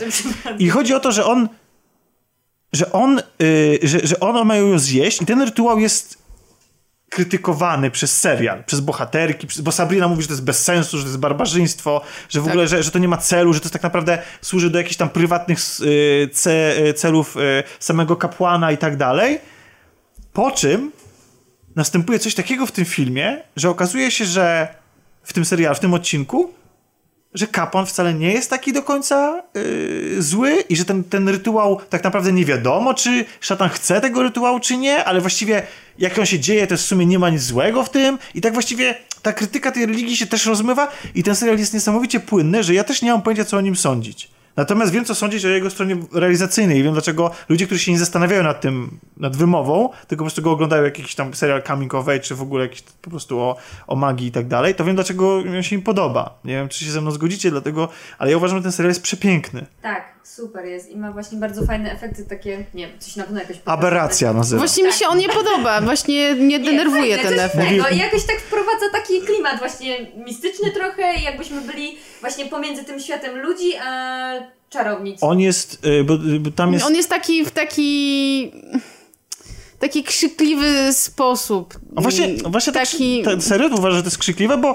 bo, bo, mi taki się... trochę na pograniczu kiczu jest taki. Bo ja, znaczy, bo, wiecie, bo, bo ja na przykład chwalę sobie to, że on jednak, on pokazuje wprost na przykład tam Behemota, czy tam, nie wiem, tam, w sensie takim, że pokazuje tam demona, diabła i tak dalej, to jest jakiś kozioł kroczący. No właśnie dla mnie to jest takie. Ale, nudne. właśnie, ale to jest właśnie na, na granicy i on tego nie przekracza, że jakimś cudem mi się udało pokazać te sceny i ja nie mam... y, Nie, Przepraszam, czy, czy oni serio pokazują diabła jako chodzącą Tak. kozę? tak, Znaczy, tak. ale oni pokazują O Jezu. tylko nogi, dlatego Nie, pewnie... tam widać pysk. Jest ta A, scena no przy może, drzewie, jak, jak Sabrina No ma wizję, bo zjada jabłko z drzewa oczywiście. E, tak, jak żeby, jak żeby inaczej. Znaczy, moim zdaniem on jest, y, ta aberracja, która w, dużej ilości ujęć się pojawia, ona jest tak na tyle delikatna, że nie, że nie denerwuje, a jednocześnie wprowadza niesamowicie taki, tak jak Basia tutaj mówiła, taki magiczny klimat, taki, że to jest jakby się oglądała, zwłaszcza przy postaciach, które są właśnie z tego innego świata to występuje. Bardzo mi się podoba e, to, jak, jakie zastosowano tu palety barw, jak czernie się tu prezentują, jak, jak w ogóle wszystko to ze sobą współgra. Uważam też, że jest aktorsko jest bardzo dobry. Mi się w ogóle ta Sabrina podoba. Uważam, że ona jest fajna. W sensie, bo czasami główne postacie y, kobiece są irytujące.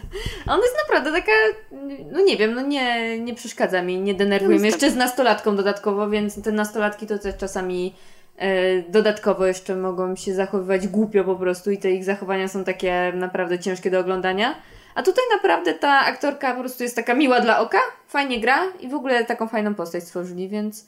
I jeszcze chciałam tylko nawiązać właśnie na początku, znaczy na początku, przed chwilą, jakieś 5 minut, 10 temu, mówiłeś o tym, że mm, tutaj jest poddawane właśnie jakiejś kwestii jakieś tam rytuały, tak? No i generalnie w ogóle Sabrina, zacznijmy od tego, że ona ma dużo problemów z tą y, religią. No tak, bo ona nie chce przyjąć tego szatana, w Dokładnie. sensie nie chce mu się I poddać. ona generalnie ciągle tam jest właśnie jakaś dyskusja i ona od samego początku, nie wiem jak jest dalej w serialu, ale gdzieś ona właśnie zawsze prowadzi dyskusję właśnie czy z tymi ciotkami, czy potem w tej szkole na temat właśnie tej religii, tego co ma sens, co nie ma i co, jak się jej to podoba. Bo, czy, bo może, może sensem tego serialu jest to, że Sabrina, chociaż ja widziałem cały sezon, to by trochę też temu przeczyło, że Sabrina ma być taką współczesną kobietą, która mimo tego, że na przykład wierzy w coś, to... To się temu tak nie poddaje. Dokładnie. Totalnie. To ślepo nie wierzy, że potrafi to skrytykować, że potrafi zająć krytyczną pozycję wobec tego, że potrafi coś... Mieć własne zdanie. Wasze zdanie. I to jest definicja satanizmu. Bo istotą satanizmu i w ogóle szatana jest właśnie kontra wobec narzuconego sztywnego prawa boskiego. I wo- Znaczy, bo w ogóle właśnie ten satanizm jakby w Sabrinie bardziej, to nie jest satanizm, tylko to jest bardziej negatywna strona chrześcijaństwa. On jest tak pokazany, tak jakby, nie chrześcijaństwa. On jest, on nie jest satanizmem, tylko wszystkim tym, czym złym mogą być religie na świecie. Bardziej tak to jest pokazane. Tak. Natomiast nie powiem, jak się ten sezon kończy, ale on robi też jeszcze jedną woltę i też na końcu ja po prostu nie mam pojęcia, po której stronie twór- twórcy stoją i do czego to będzie wszystko zmierzało, ale kończy się widowiskowo i na tak zwanej pełnej. No Na- tak właśnie jeszcze podsumowując, Dzieją się ja rzeczy. w sumie mam podobne takie podejście jak Malina, że też ten serial nie zmieni nic w moim życiu, nie jest tak, że ja go może jakoś super zapamiętam. Zaczęłam go oglądać, y, wzięłam górę prasowania, zaczęłam prasować, oglądałam w tle.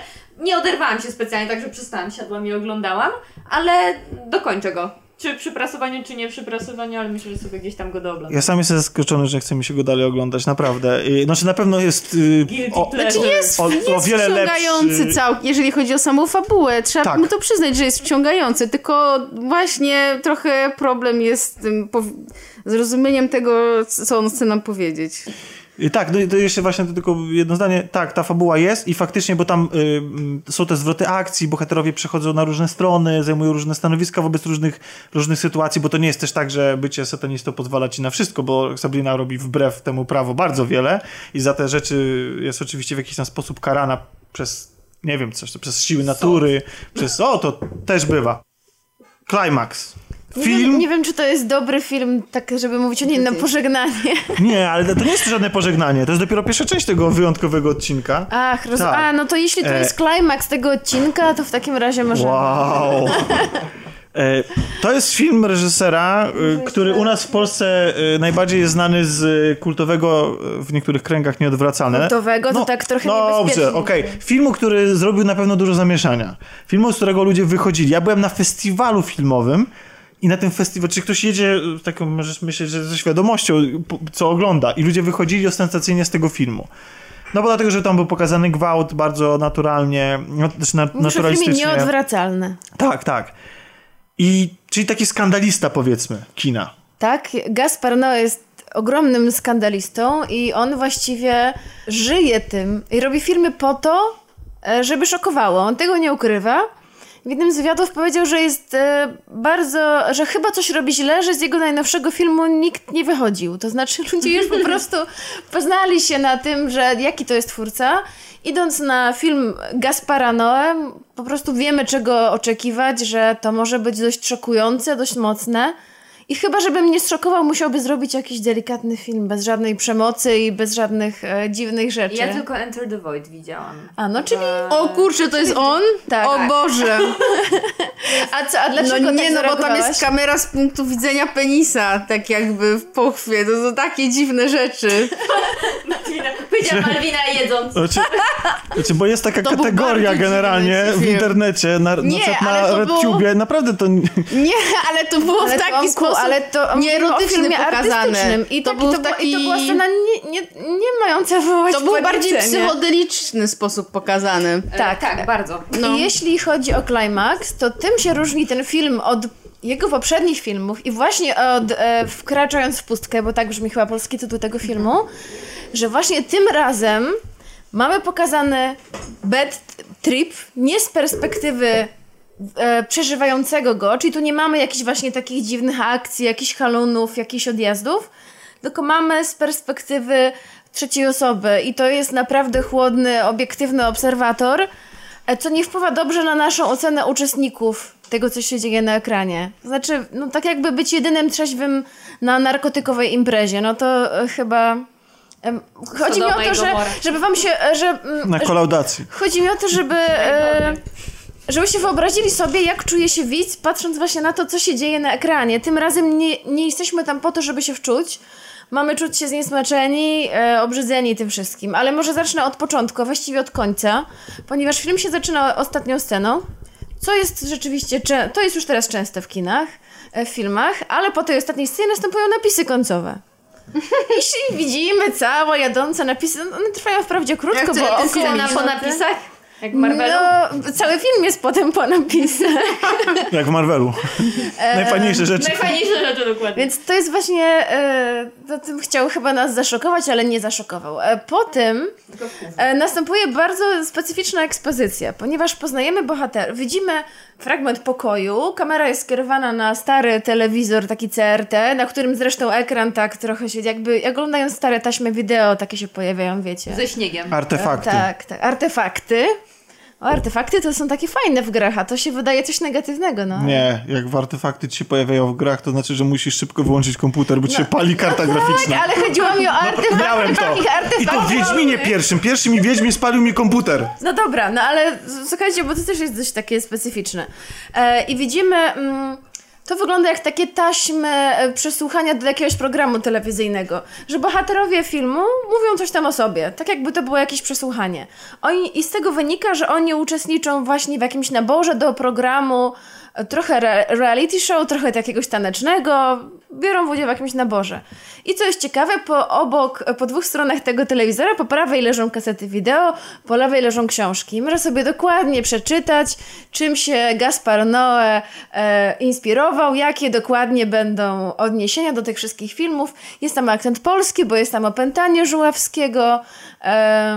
I są tam takie różne, wszel- wszelkie takie odjechane filmy, na które mogą wam przyjść na myśl. Film się zaczyna... e, Dwa lata. sceną tańca. E, Jest układ taneczny kręcony na jednym ujęciu i podobno jest to bardzo trudno coś takiego zrobić. Oni naprawdę, jedna osoba się pomyli, całkowicie od początku wszystko, e, wszystko jest kręcone, chociaż podobno film powstał w ciągu kilku dni, więc podejrzewam, że szybko im to poszło. Znaczy, no mastershoty zwykle mają to do siebie, że jak się jedna osoba myli, to... E, Ale ten master... Teraz, E, No wiesz, ale... czy teraz Basia kopie czarka? Co za Nie, odcinek, nie? nie, Nie? nie. Ja mam nóż pitu. Okej. Grzecznie, spokojnie. Ja nikogo nie... Tak, No Tomku, dobrze, ale chodzi mi o to, że układ taneczny jednak e, mm, wymaga zgrania. Na Masterchocie czasem jest tak, że patrzysz na jednego aktora, Jasne. a tu jednak patrzysz Ale na na wszystkich z szczęście mieli na planie zawodową tancerkę. Znaczy, to nie tylko tą jedną, Sofię Butellę, e, ale też w ogóle wszyscy oni są tancerzami. Wszyscy ci e, ludzie grający w tym filmie to nie są tancerze, to nie są aktorzy, to są tancerze, których e, reżyser wyciągnął gdzieś z ulicy, z takich po prostu widzi kogoś tańczącego na ulicy, jesteś super, biorę cię do filmu. Szanuję, naprawdę. No więc właśnie podobno cała ekipa jest ściągnięta po prostu prosto z ulicy, oprócz Sofii Butelli, która jest jedyną, która jest jedyną aktorką. No, zresztą Gwiazdą. też nieprofesjonalną. Tak No nie, bez przesady, już zagrała w czterech czy iluś Ale jest filmach. też tancerką. No tak. Mamy scenę tańca, następnie kamera oddala się, nadal nie ma żadnego cięcia, jestem pewna na 100% i podąża za różnymi bohaterami, odwalili kawał roboty i w tym momencie zaczyna się luźna impreza. No jak na imprezie luźne gadki, faceci rozmawiają głównie o seksie, są to bardzo, bardzo, bardzo niecenzuralne, bardzo mocne Nieprawda, rozmowy. u nas się rozmawia na imprezach o filmach. Ale my jesteśmy ale nudni. Akurat no, oni rozmawiają o seksie i to takich odmianach, o takich Kobiety też rozmawiają o, o seksie przecież. Tak, ale w tym filmie akurat faceci. Dziewczyny rozmawiają o związkach, no po prostu taka typowa O, imprezka. czyli no. czyli nie- No zda- Kasia, już nie bądź taka. No. Czyli film by nie zdał tego testu. Tak, dokładnie. E, no ale chodzi o to, że cały czas jesteśmy na jednym ujęciu. Kamera co chwilę podąża za jakimiś różnymi bohaterami, mamy jakąś ekspozycję, ale to jest ekspozycja nietypowa, ponieważ podobno te rozmowy były improwizowane. Czyli to wszystko po prostu Gaspar Noé powiedział, to teraz sobie pogadajcie o czymś, wyobraźcie sobie, że jest impreza. No tak sobie to wyobrażam. Bohaterowie wszyscy piją poncz. Pikanterii dodaje tego y, y, temu y, sprawa, że jedna z bohaterek nie miała co zrobić z dzieckiem. Na imprezie znajduje się także małe dziecko. Dziecko. Kilkuletnie dziecko. No i nagle w pewnym momencie, a poznaj, poznajmy też fascynację. Między To jest nimi niebezpieczne, są... jak powiedziałeś, że to dodaje pikanterii. No pikanterii w tym sensie, że wyobraź sobie imprezę i wyobraź sobie, że to jest film Gaspara. No Więc- ja rozumiem, Więc ale to zaczynasz właśnie... sobie myśleć, Boże, co się wydarzy, dlaczego tam O jest Boże. dziecko, zabierzcie je stąd. Roz- rozumiem. Wiesz, na co przyszłaś do kina i widzisz tam dziecko, które będzie brało udział w imprezie. No, No, więc a później- zaczyna ci się, zapala ci się lampka. E, widzimy też, e, tam się pierwsze fascynacje, antagonizmy też rysują, ten jest zakochany w tej, ta go nie chce. Ten jest zakochany w tym, ten go nie chce. Ale czekaj, tak od razu? Po, Tak, po pierwszym oni dniu? sobie po prostu. Nie, to nie są pierwszym dniu, oni sobie mówią po prostu. Ja nie wiem, który to jest dzień ich prób. okej. U Kataneczny jest całkiem mocno dopracowane. Oni sobie opowiadają o różnych rzeczach, że tam o nie, coś tego. No, zwykle to są jakieś tam nieszczęśliwe fascynacje albo właśnie. Kogo by, kogo by ten by przerkał? No przepraszam, ale to jest y, Myślałem, poruszany już temat. nie będę musiał pipkać. No i co? I nagle zaczyna się dziać coś dziwnego. Mianowicie bohaterowie zaczynają się czuć dziwnie, na początku bardzo źle e, i od razu winią poncz. I mówią, no to ktoś prawdopodobnie dodał jakichś ostrych dragów do tego ponczu. Ale ja, poczekaj, bo ja nie rozumiem jednej rzeczy. Oni mają próbę taneczną i oni piją na niej Próba alkohol? taneczna się kończy. Aha, Próba okej, się- widzimy- sobie after. Ro- Robią Okej, sobie afterek, after, tak. Napracowaliśmy się ileś tam godzin dzisiaj, bo my widzimy końcówkę tej próby tylko, to teraz wreszcie możemy zrobić sobie Dokładnie imprezę. tak jak kolaudacja. Tak, za Dokładnie chwilę. jak kolaudacja. My nie mamy ponczu na szczęście. E, no i co? No i e, to, co się dzieje, kiedy ci bohaterowie e, zaczynają coraz bardziej im wchodzić, to prawdopodobnie jest LSD, oni sami tak podejrzewają, zaczyna mm, bardzo wzmacniać wszystko to, co oni e, przeżywali wcześniej. Czyli jeśli kogoś nienawidzili, to w tym momencie pojawia się bardzo ostra, pełna agresja w stosunku tej osoby. Jeśli ktoś ich kwestionuje, to starają się bardzo natarczywie do tej osoby. To są tylko oczywiście początki. Em, no i Czy w związku co? z tym dochodzi do na przykład gwałtów albo bujek? Tak. Okej. Pojawiają się też ofiary śmiertelne. Matka e, chłopca, boi bojąc się o to, że co się może tu za chwilę wydarzyć, zamyka go w jakimś pomieszczeniu technicznym, ale to jest jakaś taka rozdzielnia prądu, tam są korki. O Boże. I ona mówi, ale tylko nie dotykaj tego prądu, kochanie. On wali w te drzwi płacząc, mówiąc, mama, wypuść mnie. Ona mówi, nie wypuszczę cię, bo tu się będą zaraz działy straszne rzeczy. I chyba dobrze robi, że go nie wypuszcza. A to Ale- ciekawe, że nie pomyślała o tym, żeby wyjść z imprezy. E, nie, nie mogą wyjść z imprezy, przepraszam, nie powiedziałam tego, ale to się dowiadujemy też w trakcie filmu. No to jest na całkowitym odludziu. Na zewnątrz są tylko śniegi. Tak jak, żeby, żeby nie było za łatwo. Tak. Jak nienawistna e, ósemka. e, A, I rozumiem, że taksówki nie jeżdżą. e, Tak, i- bo Ubera nie ma. to jest film stylizowany na horror, ale to nie jest horror, to jest pastisz horroru, e, bo to wszystko, co się dzieje, jest tak bardzo absurdalne i tak bardzo odjechane, że w pewnym momencie zaczynamy się mocno dystansować. Znaczy, po pierwsze też dlatego, że jesteśmy obiektywnym, uczes- e, nie uczestnikiem, tylko obiektywnym obserwatorem. Widzimy, próbujemy sobie wyobrazić, co oni czują, co się dzieje z ich ciałem, kiedy zaczynają się rzucać, kiedy zaczynają, nie wiem, toczyć pianę z ust, kiedy nagle jedna bohaterka sika w trakcie tańca, bo po prostu tak się coś wydawało, że to jest miejsce do sikania. E, Zaczynają mieć różne dziwne oczywiście paranoje i to wszystko straszliwie, straszliwie narasta. A my cały czas to obserwujemy i, i, i boimy się pomyśleć, co będzie później. I w tym momencie wchodzą napisy początkowe. E, Pojawia się to film Gaspara Noe i tak dalej. I to wszystko oczywiście prowadzi do tytułowego o- klimaksu. Czy my, czyli widzimy to wszystko, jak powiedziałaś, y, na chłodno, z perspektywy obserwatora. No, tak jak mówiłam, no my nie jesteśmy e, w tym narkotykowym haju, więc to wszystko nam się wydaje e, obrzydliwe, okropne, właśnie po, tak jak powiedziałeś, pokraczne. To jest też, bo jest, występuje tam też przemoc, ale to wszystko jest takie niefilmowe.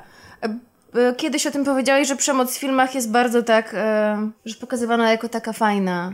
Jako... Że jest fetyszyzacja. Fetyszyzowane, o właśnie. A tutaj absolutnie nie ma czegoś takiego. To wszystko nam się wydaje od początku do końca odrażające e, i właśnie boimy się tego, co może nastąpić dalej, ale co jest ciekawe, po raz pierwszy podobno, przeczytałam, Noe nie pokazał tego wszystkiego wprost bardzo. Nie ma tu po raz pierwszy, nie ma naturalistycznego pornoseksu i nie ma bardzo naturalistycznej przemocy. Jest ona, ale to się dzieje gdzieś... E, Trochę taką jak Hanekego, gdzieś tam na granicy kadru, widzimy to gdzieś tam kątem oka, albo za chwilę zatrzaskują się drzwi, a my musimy się domyślać. I to jest chyba jeszcze gorsze. E, punkt kulminacyjny tego filmu, kiedy bohaterowie już mają, osiągają szczyt tego swojego haju, e, jest nakręcone całkowicie do góry nogami. To znaczy my widzimy to zupełnie z innej perspektywy, dlatego części rzeczy też na szczęście musimy się tylko domyślać i być może to jest o wiele bardziej właśnie w ten sposób przerażające. Czy to czemuś służy? Oprócz tego szoku, bo ja prawdę mówiąc nie wierzę w to. Znaczy nie wierzę, okej, ja, ja wiem, Nie że... wierzę, szo- że on chce tylko szokować. Tak, znaczy w sensie uważam, że twórcy, którzy deklarują, że robią filmy po prostu tak, w sensie dla celów tylko czysto rozrywkowych, nigdy tak naprawdę nie robią ich tylko dlatego. I, I czy za tym wszystkim coś się kryje? Czy coś z tego już wyniosłeś, czy faktycznie to jest tylko i wyłącznie po to, żeby być zszokowanym? Zresztą średnio wychodzi. To znaczy, y, bo tak, bo wszyscy się już tego spodziewali. Tak. I myślę, że E, oczywiście, że prowadzi do czegoś. Znaczy są bardzo różne interpretacje tego filmu. E, wręcz nawet interpretacje związane z em, Francją, bo to jest e, francuski film.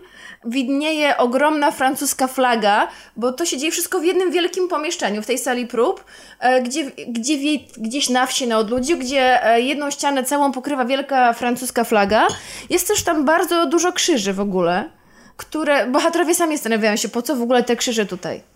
Co się tutaj wcześniej odbywało? Czy to jakaś była jakaś, jakiś kościół tutaj był, czy to się tu odbywało? Więc oczywiście jest dużo takich interpretacji z wieloma dnami, a ja po prostu odebrałam to w ten sposób, że no chyba to jest bardzo smutna konstatacja, że to jest jakby taka ludzka natura, że te narkotyki tylko odkryły to, co naprawdę gdzieś tam tkwi w nas.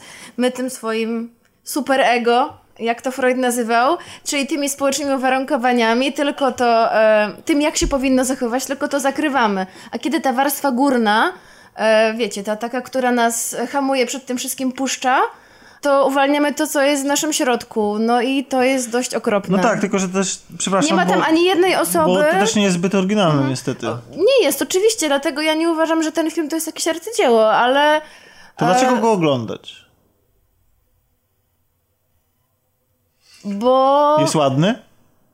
No jest nakręcony świetnie, bo te mastershoty, zresztą bardzo ciekawie, bo te mastershoty są przerywane e, takimi ujęciami, które są w ogóle bardzo krótkie, nie takimi zwykłymi krótkimi ujęciami, a już ci to wcześniej opowiadałam, z ujęciami, które mają podkreślony moment cięcia, e, że jest, przez chwilę widzimy ciemność.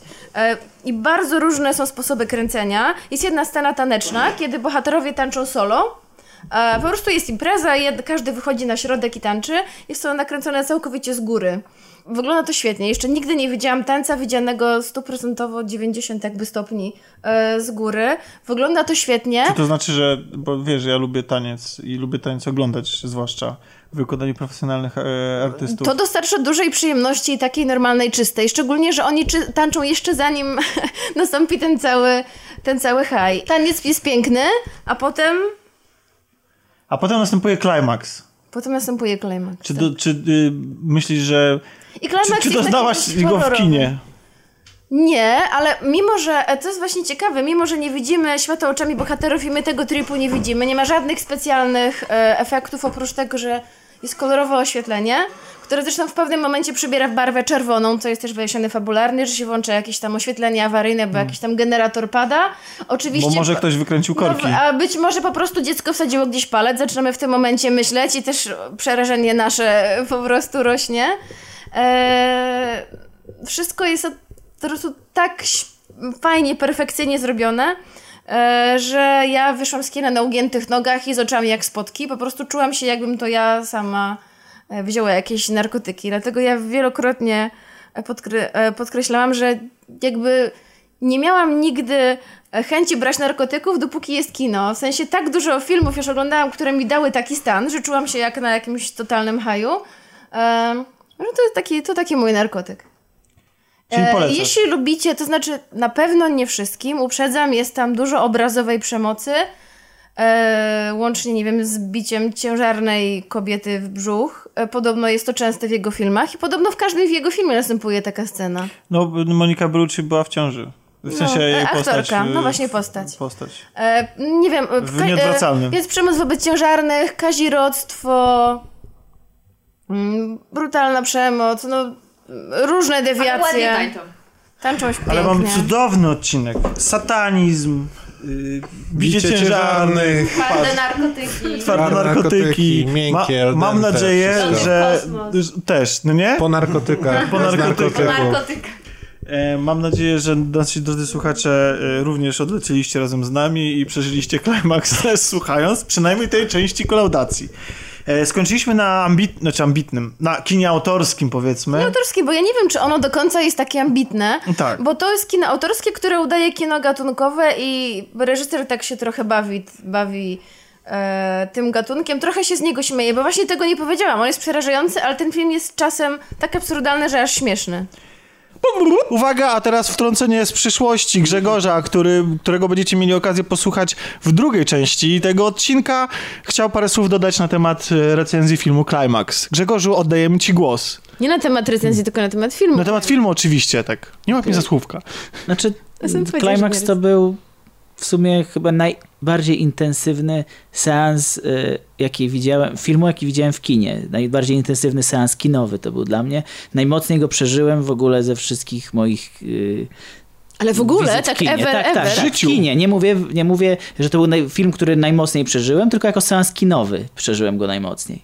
Jako siedząc w tym fotelu kinowym y, czułem się y, bardziej jako uczestnik niż jako widz. To był, to był taki właśnie film, który prze, tą, tą jakby y, zburzył ten, ten mur między, między Ale to odbiorcą ciekawe, a co nadawcą mówisz, bo ja powiedziałam w tej poprzedniej Mhm. części, e, że w Jesteśmy tym w filmie tej części, nie w której to powiedziałaś. Cofnęliśmy się w czasie. Tak, tak. Przepraszam, z- zapomniałam wyregulować, wiesz, zegarek. Dlatego.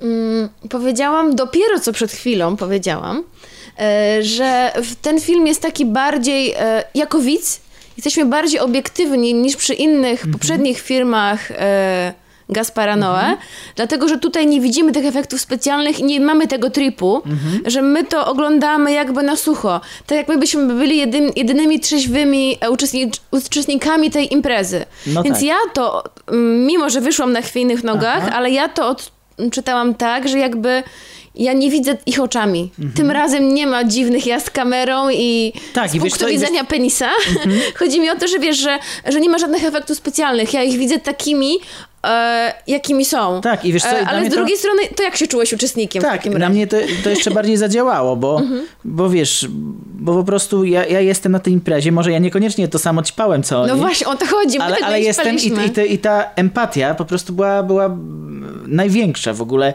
E, Ja o te postacie tak się martwiłem e, z jednej strony, z drugiej strony nie wiedziałem, co się z nimi dzieje.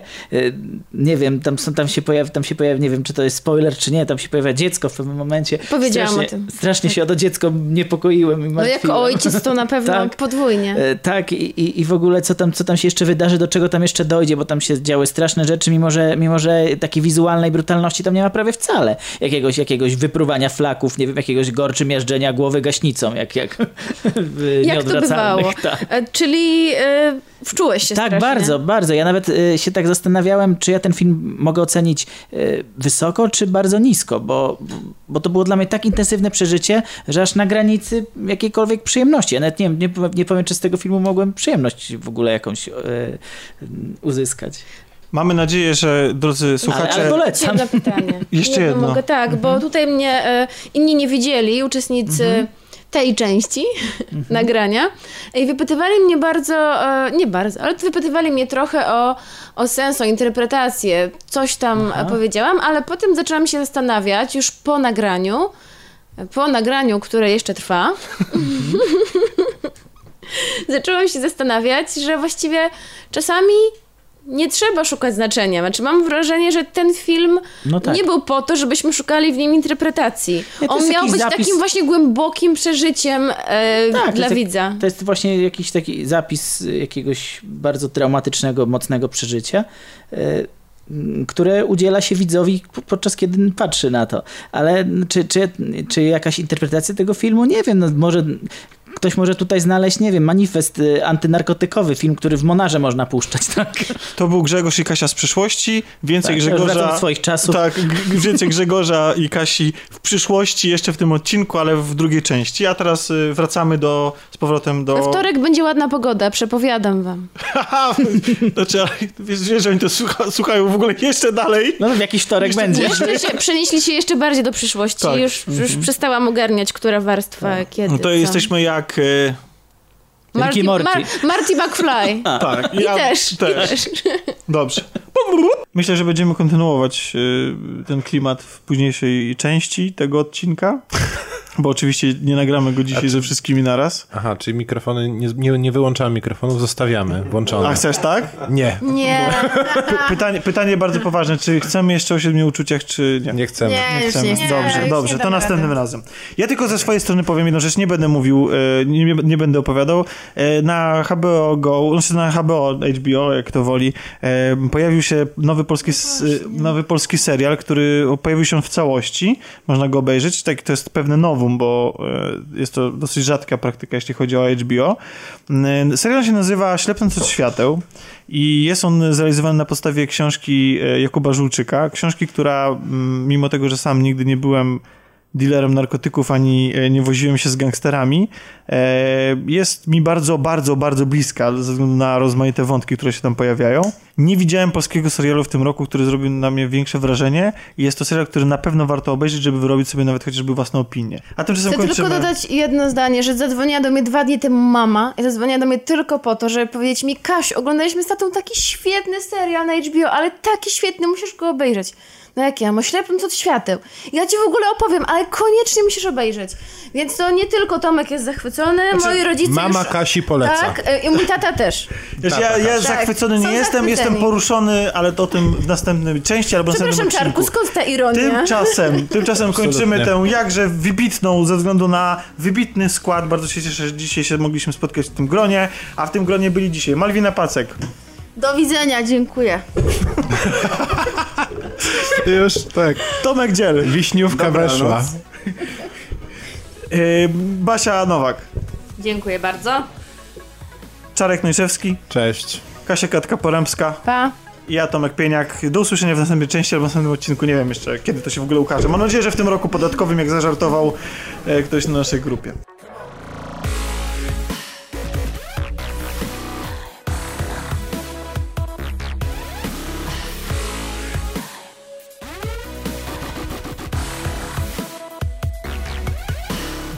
Moje wyobrażenie o, fe- o festiwalach y, wzięło się z Kazimierza, z horyzontów, jak jeszcze były w Cieszynie. A, ty jeszcze te, te, takie dawno Tak, czas. i- Myślałem, że o dwóch brzegach. mówisz. Nie, nie, i w ogóle jeszcze to wtedy było lato filmów, wtedy się nazywało.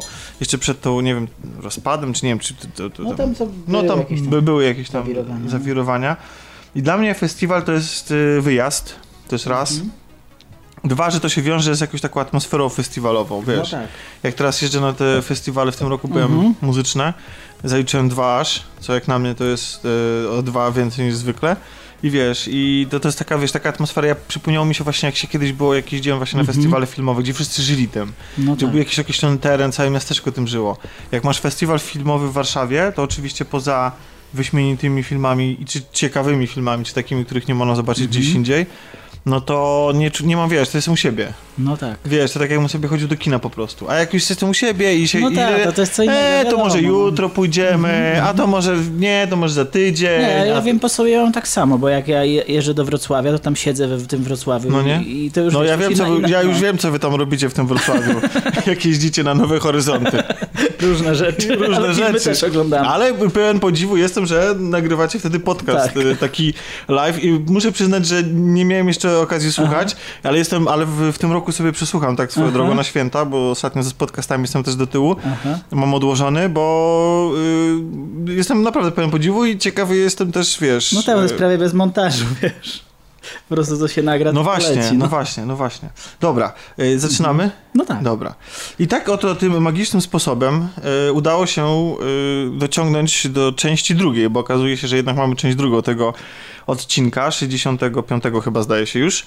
E, na razie w, w dwójkowym duecie, czy, czy takie by duety mogły być jakieś inne. Takich dwóch jak nas trzech to nie ma w tym podcaście ani jednego. Tak jest. e, bo jest ze mną Grzegorz Narożny. Cześć, witam wszystkich. Grzegorzu, cieszę się, że nas odwiedziłeś znowu. O i wzajemnie. E, Wiem, że masz bardzo dużo rzeczy do opowiedzenia. Bardzo, Mhm. o, bardzo dużo rzeczy, o bardzo dużo rzeczy chciałbym się ciebie wypytać. O, ta jesień bardzo obfituje. No prawda? Ciekawe rzeczy. No nie? Pod względem kulturalnym. Venom. Na przykład, tak, przede wszystkim. No może to nie była moja, moja pierwsza myśl, ale... Byłeś na Venomie? Byłem oczywiście. I co? Podobało ci się? Bardzo się śmiałem. Bardzo... Wiesz co, jak to... Super, bardzo się śmiałem. Tak. Bardzo mi się podoba, tak, to jest idealna recenzja. Nie wiadomo, ale śmiałeś się z jakiego powodu? Dlatego, że ci się tak... y, Z, z, tak- to był pozytywny śmiech, to był śmiech politowania? E, To był po prostu, wydaje mi się, że wyszła trochę niezamierzona komedia z tego filmu. Myślisz? Tak Znaczy nie, myślę, że tam było zamierzone... Znaczy, sporo było zamierzone, ale ta tonacja była tak nierówna, bo nie mog- wydaje mi się, że się nie mogli twórcy zdecydować, czy chcą zrobić jakiś mroczny, coś w stylu pseudo-horroru polecić, czy, czy właśnie sypać żarcikami z takimi, takiego bromensu właśnie osobliwego. Ja myślę, że pewnie chcieli to połączyć. No tak, ale nie wyszło. W każdym razie ja się dobrze bawiłem. Właśnie to jest dziwny Mimo, że to nie, nie jest udany film, ja się dobrze na To nim czy bawiłem. moim zdaniem jest bardzo nieudany ten film, ale o dziwo naprawdę się na nim całkiem nieźle bawiłem. Mimo tego, i właśnie chyba mam taki żal, bo jak na przykład są te filmy Marvela, które mi się nie podobają, czy, czy na przykład te filmy z DC, em, mówimy o Marvelu, Ma- Marvelu, nie, bo to akurat wy- było wypro- Venom był wyprodukowany przez Sony. Sony. mhm. Mm, to ja mam to, wiesz, to ja mam taką, e, to oglądam to i sobie myślę, okej, dobra, f- nie wiem, nudne, głupie, Mhm. brzydkie, źle nagrane i tak dalej. Źle napisane przede wszystkim. Tak. Batman v Superman patrzy do ciebie, na ciebie. A w przypadku Venoma widziałem te błędy i, mi, i tak strasznie żałowałem, że one tam są. Że ten film był, jakby był pozbawiony tych niektórych rzeczy. Nawet niektórych, ja nie mówię o tym, żeby w tam wszystko. Y, Wybaczyłbym ten y, totalnie nijaki i taki to absurdalny i głupi finał. Wybaczyłbym po prostu jakieś poszczególne błędy. Gdyby tylko po prostu tak strasznie mi brakowało dopracowania w innych elementach i to byłby naprawdę taki całkiem udany guilty pleasure. No właśnie, ja, się, ja jako guilty pleasure, dla mnie się on w miarę sprawdził. Znaczy, tam Hardy gra zupełnie inny film niż reszta, mam, mam wrażenie, obsady. Że on, on, on gra swoje właśnie na takiej komediowej y, trochę nucie, a, a reszta próbuje grać w mrocznym, poważnym thrillerze. Ja, ja, w ogóle mam wrażenie, że on jest bardziej kosmitą niż Venom w tym filmie. Jego, jego niektóre zachowania, mimika twarzy i w ogóle teksty, które on wygłasza, potrafią zbić z tropu. Ja na przykład miałem wrażenie, że on jest odklejony w ogóle od, od tego świata tak Tak totalnie. jest, właśnie. bo scenariusz mu nie, nie pomaga, bo jest po prostu irracjonalnie głupi, Mhm. naiwny. Trochę mi się z maską kojarzy, wiesz? Bardzo. No ale Maska mimo wszystko chyba jest jednak bardziej spójnym filmem. Chyba tak, takim- dawno nie oglądałem, ale, No to ale nie jest film, się jarał. dobrze zestarzał, ale no ale właśnie, ale za dzieciaka to każdy się jarał, nie? Tak. Dobrze Grzegorzu, zostawmy na razie kino rozrywkowe i przejdźmy do ambitnego kina ku- kultury wysokiej. On, on, on, on, bułkę Tak. przez bibułkę. W tym momencie słuchacz przewijają sobie. Nie no. Warszawski Festiwal Filmowy. Y, No tak, byłem. Byłem w tym roku. Zazdraszczam. Mm, sumie- Czy jest czego? Wiesz co, mówi się, że ten festiwal to w sumie nie jest jakiś świetny festiwal, że to jest taki festiwal kina środka, który w sumie nie, nie jest dla nikogo. What? Naprawdę? Tak, Dlaczego? Takie, takie opinie krążą o tym festiwalu. Ale to no znaczy, że co, to gdzie, się, to gdzie się teraz powinno jeździć? Czyli rozumiem, że to jest takie za bardzo już mainstream, Znaczy tak? zależy, no bo jak chce się kina gatunkowego jakiegoś, no to, to się To jedzie jedziesz do jakiś- Falenicy na przegląd filmów e, jugosłowiańskich z lat 8, 3, 8, 5. No nie, no nie mówię o takich niszach, ale na przykład kino gatunkowe to teraz są te festiwale jak jakiś Octopus, y, który był ostatnio w Trójmieście, y, mm, teraz, teraz jest Film Fest, festiwal horrorów, no to, to mówię, No mówię tak, o ale mówisz o ki- o kinach gatunkowych. to mówię o kinie gatunkowym, a kino artystyczne to nie wiem, no Horyzonty przede wszystkim Wrocław, a, a y, jakaś tam specyfi, specyfika inna, jak, jakaś nisza konkretna, to na przykład nie wiem Pięć Smaków, Smut, Sputnik, Sputnik, tam okej. z jakichś konkretnych krajów, a, a w- o warszawskim mówi się, że to jest taki festiwal w sumie wszystkiego i niczego jednocześnie. To są, to są najróżniejsze filmy z, po prostu z całego świata, z, ze, wszystkich, ze wszystkich A krajów. to znaczy, że brakuje tam jakiejś myśli przewodniej? Właśnie tak, tak, tak się... I ty tak też to odczuwasz? Wiesz co, może troszeczkę tak, bo tego jest naprawdę masa, ale ja sobie wyselekcjonowałem takie e, kilka perełek naprawdę, które, mm, które mogę polecić i jeżeli się tam gdzieś będą przewijać, bo z, tą- z dystrybucją tych filmów po tym festiwalu też jest zazwyczaj problem, ale no ja znalazłem dla siebie sporo rzeczy, więc, Okej, więc jestem za- zadowolony. Zapewne widziałeś tych filmów masę, No tak, widziałem. bo tam widziałem, że- twoje zdjęcia Mhm. wrzucane z y, taką polówką, y, śpiworem, termoforem i tak dalej, że stawiałeś się pod tymi kinami. E, więc y, nie no, oczywiście żartuję, ale y, może wybierzmy kilka Mhm. perełek. Może Okej. dwa filmy, które ci się wybitnie podobały Mhm. I które, nie wiem, może będzie jakakolwiek szansa, żeby zobaczyć. Dobra, no Przynajmniej jeden z nich. Mhm. I dwa filmy, które ci się wybitnie nie podobały, które byś z tego festiwalu wyrzucił w tym roku. Okej, dobra. Więc y, zacznę może od takiego mojego największego w sumie zaskoczenia tego festiwalu, czyli y, Były bilety. były bilety online nawet były. To chyba pierwszy, pierwszy rok, Naprawdę? kiedy były bilety online. Karnetów jeszcze nie ma, więc jak ja akurat miałem akredytację, ale jak, jakby, jakby ktoś chciał sobie y, na tyle filmów iść co ja, czyli tam ponad 20, no to by musiał ciężkie pieniądze zapłacić, koło tam idzie to już naprawdę 700 czy 800 zł. Niektórzy chodzą do pracy, a niektórzy na filmy. Tak. Więc, y, więc wraca, ale wracając do filmów. y, Takim największym moim zaskoczeniem była węgierska animacja. Ruben Brandt Kolekcjoner się nazywa film. I to jest w sumie ja w poprzednim odcinku się zachwycałem tajemnicami Silver Lake tutaj. Tak. No to to jest, to są takie, no może, może tajemnice Silver Lake, może trochę Ready Player One bardziej, bo to jest, bo to jest hołd, a nie antyhołd. Mhm. Y, tylko, że dla miłośników sztuki szeroko bardzo pojętej, takiej muzealnej wręcz, y, galeryjnej y, też, Mhm. ale nie tylko, bo też, też i popkultury, i, i filmów, i muzyki, i wszystkiego. No, y, to jest animacja o psychoterapeucie, którego nawiedzają postacie ze, ze słynnych obrazów. Od, ka- obrazów każdej epoki, od obrazów Banksiego, Toma Hoppera i, i klasyków też. Matejko. Naj, najróżniejszych. No, ma- Matejki akurat nie było, ale, ale mnóstwo, mnóstwo tych obrazów się przewijało. No to jakiś kossak chociaż. No z polskiego malarstwa chyba nic nie zauważyłem niestety. Mm, Jaki Velasquez i co, co mi się najbardziej zapamiętało, no już teraz, teraz akurat nie będę te, rzucał, rzucał tymi nawiązaniami, bo jak się film pojawi gdzieś, to fajn, najfajniej je włas, własnoręcznie, czy tam własnoocznie wyłapywać, ale y, y, chodzi, no dobra, bo zacząłem mówić o fabule, ale... ale Wiesz co, bo zanim przejdziesz do No. fabule, to, to teraz mi się ciśnie takie pytanie, trochę ci zaburzę twoją No, opowieść, dobra. przepraszam, E, bo i skoro to jest animacja, Mhm. dobrze zrozumiałem, to Tak, jest animacja, animacja. 2D czy 3D? 2D. Rysowana ręcznie. Rysowana ręcznie. I jeżeli to jest animacja 2D i mamy nawiedzające postacie głównego bohatera pochodzące z różnych Obrazów, obrazów, tak. to czy one są w tym stylu namalowane, y, jak jest y, wykonany obraz, z No którego właśnie nie. pochodzą? Czy są, są- czy, aha, czy tak. są dostosowane, dostosowane do, stylu tej- animacji. Okej, o to mi a, a animacja jest utrzymana w takim kubistycznym stylu i właściwie postacie wyglądają jak właśnie z obrazów takich kubistycznych y, Pablo Picasso. Wszystkie postacie właściwie, które się tam przewijają w filmie, czyli mają jakieś tam dodatkowe pary oczu, ust, rąk, gdzieś jakieś tam w dziwnych, niesymetrycznych miejscach. Tą, to, Albo jak twarze. z porno anime to. Okej, można, można i w ten sposób. W każdym razie to jest też, y, to nie jest tylko wizualny y, chwyt, tylko że to komentuje świat przedstawiony, czyli, czyli on, oni korzystają, tak jakby y, żarty nawiązują do, do, do tego, że oni wyglądają tak, a nie inaczej. Mm, No, a film jest utrzymany w ogóle w tonie takiego y, trochę heist movie, trochę czarnego kryminału, bo ten psychoterapeuta ma pacjentów i ci pacjenci chcą mu pomóc bardzo. Y, chcą mu pomóc w ten sposób, że mottem tak jakby tego psycho, y, psychoterapeuty było, tego Rubena Branta tytułowego, że trzeba posiąść swoje lęki. Y, Że, Seksualnie? po, po prostu, nie wiem, jakkolwiek. Musisz po prostu posiąść swoje lęki, żeby je przezwyciężyć. Okej. No to... Czy tak jakby ujarzmić? No tak, właśnie tak. Okej. I pacjenci wymyślili, że pomogą w ten sposób, że te wszystkie obrazy z tych wszystkich muzeów po prostu mu A on w coś, prezencie. a on się bał, tak, tych obrazów? Tak, tak, one go nawiedzają właśnie bardzo... e, Aha, czyli to, jest, czyli to jest tak, że on najpierw go nawiedzają, a on, oni później mu przynoszą. Tak, tak. Ale jak rozumiem, te obrazy to nie są takie łatwe do wyniesienia z muzeum. No właśnie, mamy dlatego, dlatego mamy tu elementy heist movie. Okej, wow. Mhm.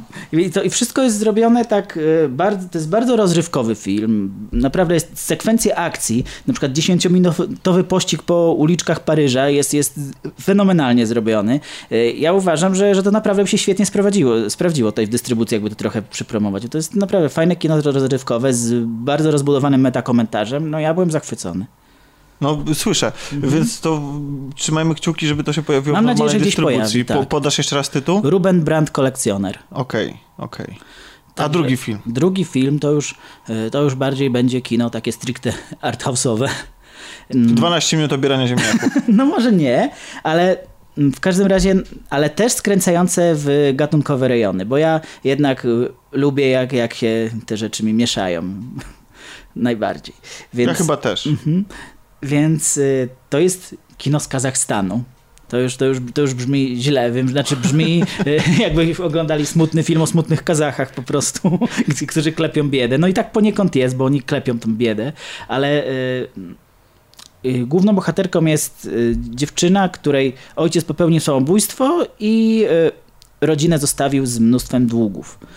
I ona wyrusza do miasta, żeby, żeby, żeby zapracować, żeby te długi spłacić ojca. No i za nią wyrusza jakiś e, jej znajomy, który jest w niej szaleńczo zakochany.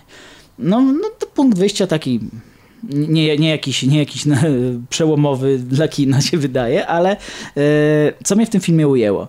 Mm, Przede wszystkim kadry. E, Film w ogóle się nazywa No właśnie. o, tak, bo, bo, nie, bo nie powiedziałem o tytule. Smutny film z Kazachstanu, ja myślałem, że to jest tytuł. I biała, biała, białe tło i to wszystko jest zrobione w formie parodii. Nie, tak jak ma- Scary Movie. Tak, nie, nie, to jest, tutaj nie ma parodii, chociaż są, o, nazywa się Łagodna obojętność świata. No, czyli mniej więcej smutny, czyli film, smutny film z Kazachstanu. Tak. Okej, no Mhm. mamy to. Nazywa się Łagodna obojętność świata, to jest e, cytat z Alberta Camus, więc, więc i, i też, też tutaj cytują go bardzo, bardzo często, ale w takim też kontekście troszeczkę prześmiewczym i, i, też, i też sobie troszeczkę igrają z, z takim, z, z właśnie z tym, czym ten film się po skrócie w tej, fa, tej fabuły i, i tym tytule kojarzy.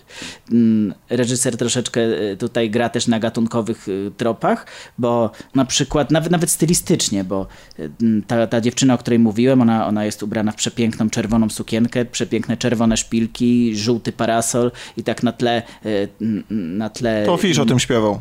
tak, pewnie o niej. Chociaż jeszcze tego filmu nie było, ale, ale okej. E, I to, to bardzo fajnie kontrastuje z, z, z resztą tak jakby świata przedstawionego. Ona, ona się bardzo wybija. Te kadry są tak bardzo malarskie. E, Właśnie czerwień i żółć szczególnie świetnie, świetnie się tutaj wybijają. To są dosyć statyczne kadry, ale, ale, ale naprawdę dawno takich, takich pięknych y, nie widziałem. Ale ta historia właściwie skręca...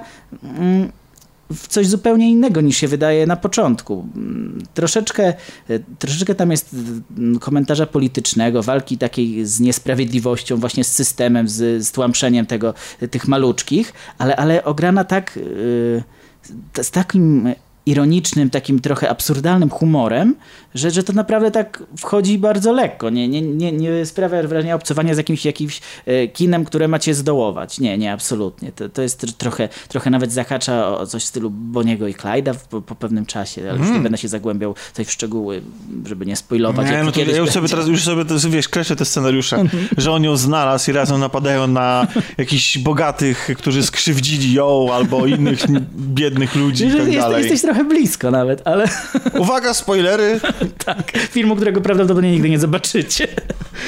E, Ale, ale ja też bym chciał, żeby on był w dystrybucji. On na pewno by sukcesu kasowego nie osiągnął, w przeciwieństwie do tego pierwszego, co myślę, żeby przy odpowiedniej promocji mógłby, ale, ale ja lubię takie kino i, i nie wiem, jak ktoś kiedyś gdzieś będzie chciał zobaczyć i mu się uda, to A łagodna, tytuł? łagodna obojętność świata. Czyli smutny film z Kazachstanu. Tak, Łagodno, Adil to Kanierżanow, jest reżyser. y, ładny cytat i, i ładny tytuł bardzo. Mhm. Taki poetycki. Tak, Jak film? tak. Film jest też dosyć poetycki mimo wszystko. Nie wiem, chcecie się opowiadać o tych złych filmach? Chyba nie. Nie? Chyba mi się nie Chociaż chce jeden, opowiadać o poznacajmy się nad czymś. Mm, dobrze. Ale Bo żebyście film widzieli wejdzie- ten błysk wokół. Bo film wejdzie do kin y, w przyszłym roku. O, widzisz, to tego nie oglądajcie. Tak. Nie, no oczywiście oglądajcie, jeśli macie ochotę, Właśnie. ale weźcie pod Ale- uwagę może słowa. E, Bo to jest science fiction, na które ludzie się napalili bardzo na, na tym festiwalu. To była chyba jedno z najgłośniejszych premier festiwalu. Pani Claire Denis może, może część y, kojarzy, bo to dosyć głośne jest francuskie nazwisko. Y, I y, jej pierwszy anglojęzyczny film z, z Robertem Pattisonem w roli głównej. O proszę. Więc y, wygląda dość atrakcyjnie, przynajmniej. m, sens- Błyszczy? Że tak powiem Pattison. Pattison błyszczy w sumie w tym Tak? filmie. Tak, ja, czy, on, ja, ja w ogóle uważam, że to jest naprawdę całkiem niezły aktor. tak, i on tutaj się naprawdę wykazał jest moim zdaniem naj, chyba najjaśniejszym punktem tego filmu. No tak, co ja mogę o tym filmie powiedzieć, żeby nikogo nie zrazić za mocno, a... Znaczy powiedziałeś, że to jest najgorszy film, jaki widziałeś, no, więc... no nie, najgorszy film na festiwalu, jaki widziałem. Yy, znaczy to jest... Dobra, nie, okej. nie, nie jest Science najgorszy. fiction. Dobra, jest science fiction. Tak. Jest science fiction i to jest takie science fiction, które się zaczyna nawet całkiem obiecujące, bo Pattison jest sam w kosmosie ze swoją kilkuletnią córeczką, są na statku kosmicznym tylko we dwoje. Jej, to, to takie to są najlepsze. Tak, i, i wygląda, że, będzie, że to będzie naprawdę... Grawitacja, tak, Moon. Tak, że to będzie naprawdę świetna taka kameralna historia. Poniekąd zostaje kameralna, ale y, po, po kilkunastu minutach wchodzą retrospekcje, mamy już pełną załogę i jakieś y, przejmuje tutaj stery już y, Juliette Binoche, która O proszę. tak, która y, gra panią naukowiec zajmującą się badaniem, badaniem nad płodnością tych, y, tej załogi i, i, jakie- i w ogóle fiksacja na punkcie seksu, wydzielin i, i płodności tutaj przejmuje cały film, który staje się takim trochę niezrozumiałym bełkotem dla mnie i całkowicie, całkowicie traci to ten, począt, ten początkowo zbudowany klimat w ogóle, tak jakby jakbyśmy dostali fragment na y, tylko wycinek jakiegoś innego filmu, a reszta idzie, idzie, idzie w stronę takiego naprawdę y, napisanego, te dialogi stają się takie bardzo deklaratywne, postacie nagle zaczynają mówić, co robią w tej chwili, co, co, jest, co, jest, co jest dla mnie absurdalne. No Zabija kino przede wszystkim. Tak, tak. Y, Tempo tego filmu jest takie, że można albo usnąć, albo wyjść z kina. No, Ja, ja, mi nie przeszkadzają przeważnie filmy z wolnym tempem, ale tutaj, tutaj ten film chciał być z jednej strony szokujący jakiś, bo właśnie, właśnie seksualność na, na pierwszym planie jakoś tak stawiana na, na piedestał, cielesność. No i ta załoga, ta załoga zaczyna zachowywać się coraz dziwniej i, i to jest, znaczy ja nie będę tutaj mówił o fabule, bo jednak ten film będzie w kinach i ktoś będzie chciał może na niego iść. Trochę, wydaje mi się, że miała trochę tutaj e, reżyserka aspiracje, żeby, żeby opowiedzieć jak, jakiś film też, e, jakąś historię o, o, nie tylko o tej płodności, seksualności, ale w kontekście odnioscia, starała się odnieść to do absolutu. Tak No, jakiś- jak umieszczasz, jakiś tak- jak umieszczasz film w kosmosie, No właśnie, to, to już jeszcze, wiadomo. i masz jeszcze ambicje artystyczne, no to absolut się samo przez się, no. Tak, no, tak. no, I, to, i, I to w ogóle nie zagrało. Dla mnie są dwa różne filmy. Jeden właśnie o, o samotności w tym kosmosie i o, o, że tak powiem, tacierzyństwie w kosmosie, które, który, który jest naprawdę, mógłby być dobrym filmem, bo, bo to y, jest klamra, ale cała reszta, co to w środku, to są takie wybełtane flaki bezsensowne. O, mocne słowa. Tylko na kolaudacji od Grzegorza. Także, także High Life przestrzegam, ale może na przykład moi koledzy y, bardzo dobrze się nie... A to się High Life nazywa. Tak, High Life. Mhm. Y, bardzo dobrze się w tym odnaleźli. Część. Byliśmy bardzo ze znajomymi podzieleni po, po wyjściu z kina. Część właśnie miało podobne zdanie do mnie, a, a część powiedziała, że to jest bardzo nowatorskie i świetnie, że takie science fiction jeszcze ktoś ma jaja robić. Więc, więc no, jak będzie w kinach, przekonajcie się sami najlepiej. Ale gdzieś tam z tyłu głowy miejcie, miejcie tą lampkę ostrzegawczą. Grzegorz, Katarzyna się spó- spóźnia, więc y, myślę, że możemy jeszcze porozmawiać bez niej o pewnym serialu, który już Okej. zdążyłem w tym odcinku polecić, ale powiedziałem, Mhm. że go o nim opowiem sobie później. Okej.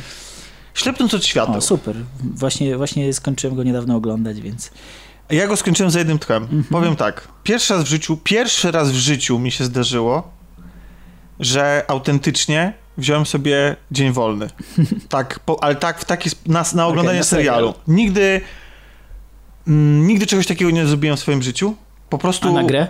Nie. Też nie? Nie, nie, jasne, zarywanie nocy, Mhm. bo tak mnie wciągnęła i później tam przysypianie gdzieś tam po kącie yy, i tak dalej, udawanie, że wszystko jest w porządku i, i oczy na zapałkach. Tak, ale zwykle jest tak, no, że staram się być odpowiedzialnym człowiekiem i w ogóle. Mhm. Postanowiłem sobie wziąć na żądanie po prostu nagle dzień wolny i poświęciłem cały jeden dzień na to, żeby się zachwycić yy, tym Ale serialem. to byłeś już po pierwszym odcinku, czy po prostu stwierdziłeś, że, że czekałeś na ten serial i... Ja jestem fanem książki. Mhm, No ja też w sumie. Nie uważam, że to jest najlepsza książka na świecie. Mhm. Nie uważam, że to nawet jest jakaś najlepsza książka, którą czytałem w ostatnich latach. Mhm. Ale jest w niej coś tak niesamowicie magnetycznego. Ona, mówimy o książce Ślepnąc od światem autora Jakuba Żulczyka. i wiem, że ty też ją lubisz. Tak. Też ją Za- lubię. zaraz Nie- ci- Może no. z podobnego powodu, nie wiem, zaraz... O, to zaraz się dowiemy. To jest książka, która przez trzy czwarte wydaje się być popisem bucówy. Trochę autora, trochę, ale tak naprawdę bohatera. Myśmy już w ogóle tą książkę w, w pierwszym albo w drugim odcinku kolaudacji w ogóle, żeśmy omawiali tą książkę. O, bo muszę, muszę sobie przesłuchać.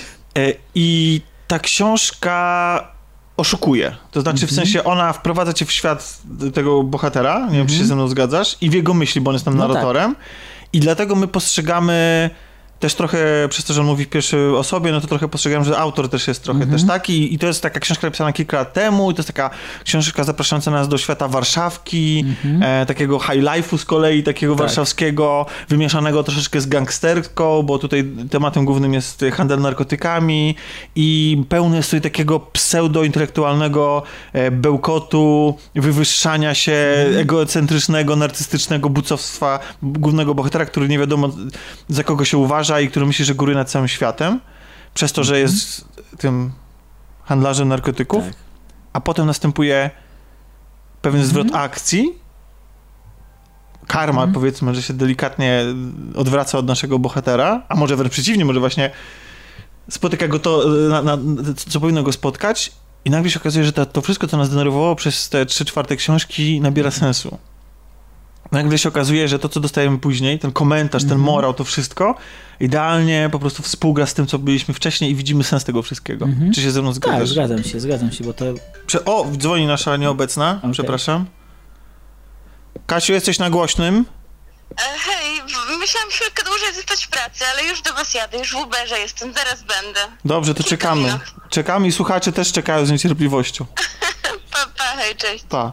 Czekaj, no, zgubiłem wątek. Jak- jak Mówiliśmy- oceniasz książkę? Dobra, dobra. No oceniam podobnie do ciebie, wiesz, y, mi się, ja, ja lubię ogólnie takie, takie nar- tego typu narracje w książkach, chociaż y, bardzo się właśnie mm, obawiałem, jak- czy to się sprawdzi w filmie, ale zaraz o tym powiemy sobie. Y, Właśnie ta narracja pierwszoosobowa, miasto jako główny bohater, takie trochę to, takie właśnie trochę to noirowe, trochę, trochę mm, y, komiksowe wręcz, takie przerysowane zdawało mi się mm, to, to całe miasto jako u, A, ujęte a, a, jako, jednocześnie, jako potwór. a jednocześnie, jednocześnie wiesz, że to jest Warszawa, że to jest tak. Polska. Tak, tak, Bo bo, to jest, bo to odnosi- jest takie bardzo lokalne jednak. lokalny i on takie często, nasze. I on często czerpie, co zwykle mnie irytuje, a w Mhm. tym wypadku akurat wyjątkowo chwyciło, z prawdziwych postaci Mhm, i oczywiście nie, nie nazywa ich po imieniu, No ale, tak, ale- bardzo łatwo domyślić, znajdziemy o co tam chodzi. jakiegoś gwiazdora Tak, tak. telewizyjnego i tak dalej, i tak dalej, nie? Jasne. Pol- I- polityka. Mhm. I, I właśnie y, ten, ten świat taki trochę właśnie pod, mm, podrasowanej tej, tej, tej Warszawki takiej e, z jednej strony z tych nizin społecznych, a, z- a z drugiej właśnie takich, takich, takich hipsterów i celebrytów i e, Chwycił. chwycił mnie, chwycił mnie i, i właśnie postać głównego bohatera też na początku trudno mi się było do niej przekonać trochę, ale, ale właśnie tak jak powiedziałeś, to zostało jakoś tak uzasadnione, to jego takie, a nie inne zachowanie i, i po prostu byłem w stanie uwierzyć w tej historii i nawet coś z niej wynieść e, dla siebie. Serial. Kiedy się pojawiły zapowiedzi, reżyser Mhm. rzeczy za kamerą, Tak, Krzysztof Skonieczny. nie tylko za, bo i przed. Tak, i przed Bo też. gra jedną z Mhm. e, drugoplanowych, ale takich istotnych Mhm. ról. Świetnie zresztą, w Świetnie. ogóle muszę się pochwalić. Mhm. Miałem okazję, jak byliśmy z Kasią na Suspiri, Aha. to akurat y, rząd przed nami A siedział z Konieczny? siedział z Konieczny ze swoją ekipą Aha. i ja w ogóle tak bym go nie poznał. Znaczy, Mhm. oprócz tego, że wystąpił w tym filmie, Mhm. to e, jak poleciał trailer właśnie Ślepnąc od świateł, to oni zaczęli piszczeć, czy nie tylko Aha. jego tam jacyś tam Okej. znajomi klaskać. Mhm. Ja wypatrzę pod tą czapką, no przecież wiesz, przecież Aha. to jest y, post, wiesz, to jest on. Okej. No i tak się akurat y, ułożyło, że wychodziliśmy mniej więcej razem z tego kina, no i miałem z nim okazję Mhm. Aha. zamienić parę słów, ale to właściwie jakby nie był zbyt wylewnym człowiekiem, zresztą ja się Mhm. wcale nie dziwię, bo jacyś randomi go atakują w kinie i, No tak. i chcą mu podziękować za to, że zrobił, no właśnie, czy Mhm. świetny serial. No właśnie, ja jest, jestem zadowolony z tego serialu, tylko że r- równocześnie zdaję sobie sprawę, że ma sporo problemów. Jednak. Ma bardzo dużo problemów. Mhm. I teraz tak, po, y, zacznijmy może od przedstawienia pokrótce, co to jest, y, o czym opowiada ta historia, że po to, żeby się później właśnie zagłębić, jak udało się przenieść te nasze wrażenia e, z książki na serial, bo jesteśmy trochę nieobiektywni właśnie przez to, że wiemy trochę więcej od ludzi, którzy nie czytali książki. Mhm. I podejrzewam, że każdy, kto czytał książkę, też inaczej odbiera, e, trochę, może głębiej ten serial. Tak no właśnie, wrażenie. bo mm, ja, ja jestem ciekaw, jak, y, bo, bo w, w serialu oczywiście nie leci prawie cały czas monolog Zofu, bo to by było bez sensu. W ogóle nie ma. No właśnie. Znaczy, no, No, tam tam- i odrobinkę jest. Od, odrobinkę, ale naprawdę śladowe ilości tego zostały i wszystko spadło na, na barki y, Aktora głów- na głównego. aktora, który nie jest aktorem de facto. I reżysera. I reżysera, tak. No i byłem, Au- autora byłem, zdjęć też. Tak, tak. I byłem właśnie ciekawy, czy, czy to się uda w ogóle w takiej formie serialowej. Bo Kiedy... w historia Mhm. tak naprawdę jest żywcem wyjęta z polskich filmów gangsterskich. No jest, tak. Kuba, nie Jacek, tak jak w Mhm. książce tutaj mamy e, e, bohatera zamienionego na Kubę, to jest człowiek, który tego się z serialu nigdy nie dowiemy. Mhm. Natomiast e, możemy się domyślić. Z książki możemy się dowiedzieć, że to jest człowiek, który. No to nie jest człowiek, który był urodzony z przeznaczeniem do gangsterki. Mhm. Jest człowiek wrażliwy przede wszystkim na sztukę. E, człowiek inteligentny. Tam jest jakiś, jakiś e, mały ślad tego w serialu podczas rozm- w pierwszym odcinku, a podczas rozmowy Tak. z mamą, kiedy ona mówi o jego obrazach, chyba, bo on skończył ASP według, nie wiem, czy to było w, k- w filmie, w książce na pewno, ale coś było w każdym razie jakiś wątek jego, jego tak, obrazów. Tak, tak, tak. Mhm. E, więc ma kochającą mamę i no i przede wszystkim on jak zaczyna karierę, to daje, dostaje szansę dlatego, że ma dostęp do mm, wysokiej klasy, w sensie do klasy wyższej, Mhm. do, do, do, do, do wszystkich tych sfer z show biznesu, Tak. bo przede wszystkim umie się zachować, Mhm. umie się wypowiedzieć, e, jest e, eleganckim kolesiem, który dobrze wygląda i, no i widać, że jest o czym z nim porozmawiać, Mhm. więc e, dużo łatwiej jem, tak, ludziom takim właśnie jak gwiazdorzy, biznesmeni, politycy, Mhm. dużo łatwiej takiemu dealerowi sprzedać narkotyki niż jakiemuś takiemu zakapiorowi, czy stojącemu w bramie w kapturze z No tak. daszkiem, takiemu ziomalowi, prawda? Mhm. I on wybiera nagle jakby, w, w, te, w serialu też to do końca nie jest wytłumaczone, ale my się domyślamy, że, że on wybiera tą ścieżkę takiego bycia gangsterem Mhm. i właściwie z do, zawojowania świata, ale nie wiadomo dlaczego właściwie. Tak, ale już od pierwszego odcinka, od pierwszej minuty właściwie serialu wiemy, że on chce się z tego wyrwać. Ja nie wiem, i. Mhm. właśnie, właśnie nie wiem, czy on się chce wyrwać, czy on nie chce odpocząć, po Odpocząć, prostu. no może tak. odpocząć. Bo serial się zaczyna od y, motywu, w którym on kupuje bilet y, Mhm, do na, Buenos Aires, do Buenos tak? Aires. On, on widocznie chce, nie wiem, może faktycznie, może chce na to Mhm. spojrzeć wszystko z dystansu, może faktycznie potrzebuje jakiegoś oddechu, że ta gangsterka Mhm. i obracanie się w środowisku, bo, bo o, jak proszę bardzo, już Kasia przyjechała. Bo, no bo na co dzień się obraca w środowisku takiej gangsterki wyjętej, trochę z chłopaków nie płaczą, trochę właśnie z takich filmów... Mhm. Trochę z filmów Patryka Wegi może. Tak, albo nawet e, trochę Smorzowskiego. Mhm. Świetna rola tutaj jest moim zdaniem Więckiewicza, Tak. który gra szefa, jednego z szefów, e, jednego z szefów Tak, no bezpośredniego zwierzchnika głównego bohatera. Tak. Mhm. I, I on jest fantastycznie gra takiego człowieka, który ewidentnie widać, że zaczynał właśnie od nie wiem, od jakiegoś nawalania ludzi na targowiskach i wyłudzenia haraczu od handlarzy Tak. pietruszką. się dorobił. A się dorobił i teraz przyrządza wielkie wesele dla swojej córki w stylu niemalże ojca chrzestnego. tak. Co swoją drogą też jest cała, cała ta sekwencja jest też świetna. Mhm. Świetna jest, Choć, no. Chociaż najeżona... formalnie jest świetna. Tak. E, no i mam jakby jego takimi e, kompanami w biznesie są również typy te ewidentnie spod ciemnej gwiazdy, których e, język Mhm. jest... E, którzy posługują się językiem pięści bardziej niż, niż, Tak. ni, niż słowa. Jak na przykład postać Janusza Habiora. I w ogóle jeszcze ktoś zauważył, bo y, można włączyć oczywiście napisy, na, na, Mhm. bo, bo jeszcze nie powiedzieliśmy najważniejszego. Serial leci na HBO. Znaczy Tak. jest dostępny na HBO Go. W całości od razu. Tak, co jest takim ewenementem pewnym, jeśli chodzi o tę usługę. Cześć Kasiu, Cześć Kasiu. spóźnialska. Musisz dosłuchać, Jaka spóźnialska, w pracy byłam. musisz dosłuchać niestety to, co mam do powiedzenia na temat ślepnąc od świateł. Dobrze, obiecuję. Że posłuchasz, że nie będzie zamykała uszu i tak robiła la la la la la la la. Be. No, dobrze, nie to, słuchacze ci dziękują bardziej nawet niż my, nie? Bo, bo my ten film już widzieliśmy, serial. E, ale jak chcesz sobie tam herbatę czy coś, to oczywiście się częstuj. E, o czym to ja, o czym tu my rozmawialiśmy? O bohaterach. A, o bohaterach. E, Jest, jest w ogóle jest błąd w tłumaczeniu, bo Mhm. jest taka sekwencja, kiedy e, właśnie ci tacy gangole Mhm. e, przybywają dosłownie do, jednej, do jednego z bohaterów, żeby za dużo nie zdradzać mm, i witają go słowami przybierzeli do Betlejem. No Aha. i to jest napisane po polsku, y, polskie napisy są z błędem, bo przybierzeli przez e, RZ, a nie przez samo Z, nie? Więc ja się zaśmiałem, że... Celowe. E, Tak, że to, że, że celowe, że to są gangsterzy, oni nie wiedzą przez jakie życie się mówi, prawda? To jest jego życie zawodowe. Gangsterka. Jego życie prywatne się składa... Na co się jego życie prywatne składa? Właściwie co mam, niewiele o, o tym życiu prywatnym wiemy, oprócz tego, że no, dzień śpi, w, nocy, w nocy jeździ i handluje. Oprócz tego, nie wiem, ćwiczy, słucha muzyki klasycznej. Oczywiście, to jest akurat już niesamowicie pretensjonalne Mhm. i to zarówno jak na tą postać, jak i w ogóle na utwór literacki, tak? Ale to się później zresztą okazuje, że to ma w sumie nawet sens trochę. Mhm. Prawdę mówiąc, to jego słuchanie muzyki klasycznej też może wynikać po prostu z jego charakteru. Ale to nie jest tak do końca, że on nie ma tego życia y, prywatnego. No ma, no ma jakąś po, jedną przyjaciółkę właściwie. No, którą... to nie jest jedna przyjaciółka, to jest najważniejsza przyjaciółka w jego życiu. No tak, jest jedyna osoba, która zna o nim właściwie całą prawdę. Pazina. Pazina. Tak, która zresztą ma swoją, y, swoje życie, Tak. ale to jest akurat y, kobieta, która nie dość, że mu służy radą, Mhm. taką przyjacielską, to też przyjacielską pomocą, jest wsparciem i w ogóle. Powiernikiem i w ogóle. Jest też wielka miłość naszego bohatera, Mhm. e, kobieta niedostępna. Tutaj Paulina, grana, Mhm. nie wiem czy się ze mną zgodzisz, ale Najgorzej w serialu. to jest, e, znaczy najgorszy jest jeszcze trzeci plan. No, ona w ogóle pochodzi z trzeciego planu, co jest No dla mnie tak. też zarzutem wobec tego. Ale no E, może na równi z, taki, z takim jednym policjantem. Tak? tak.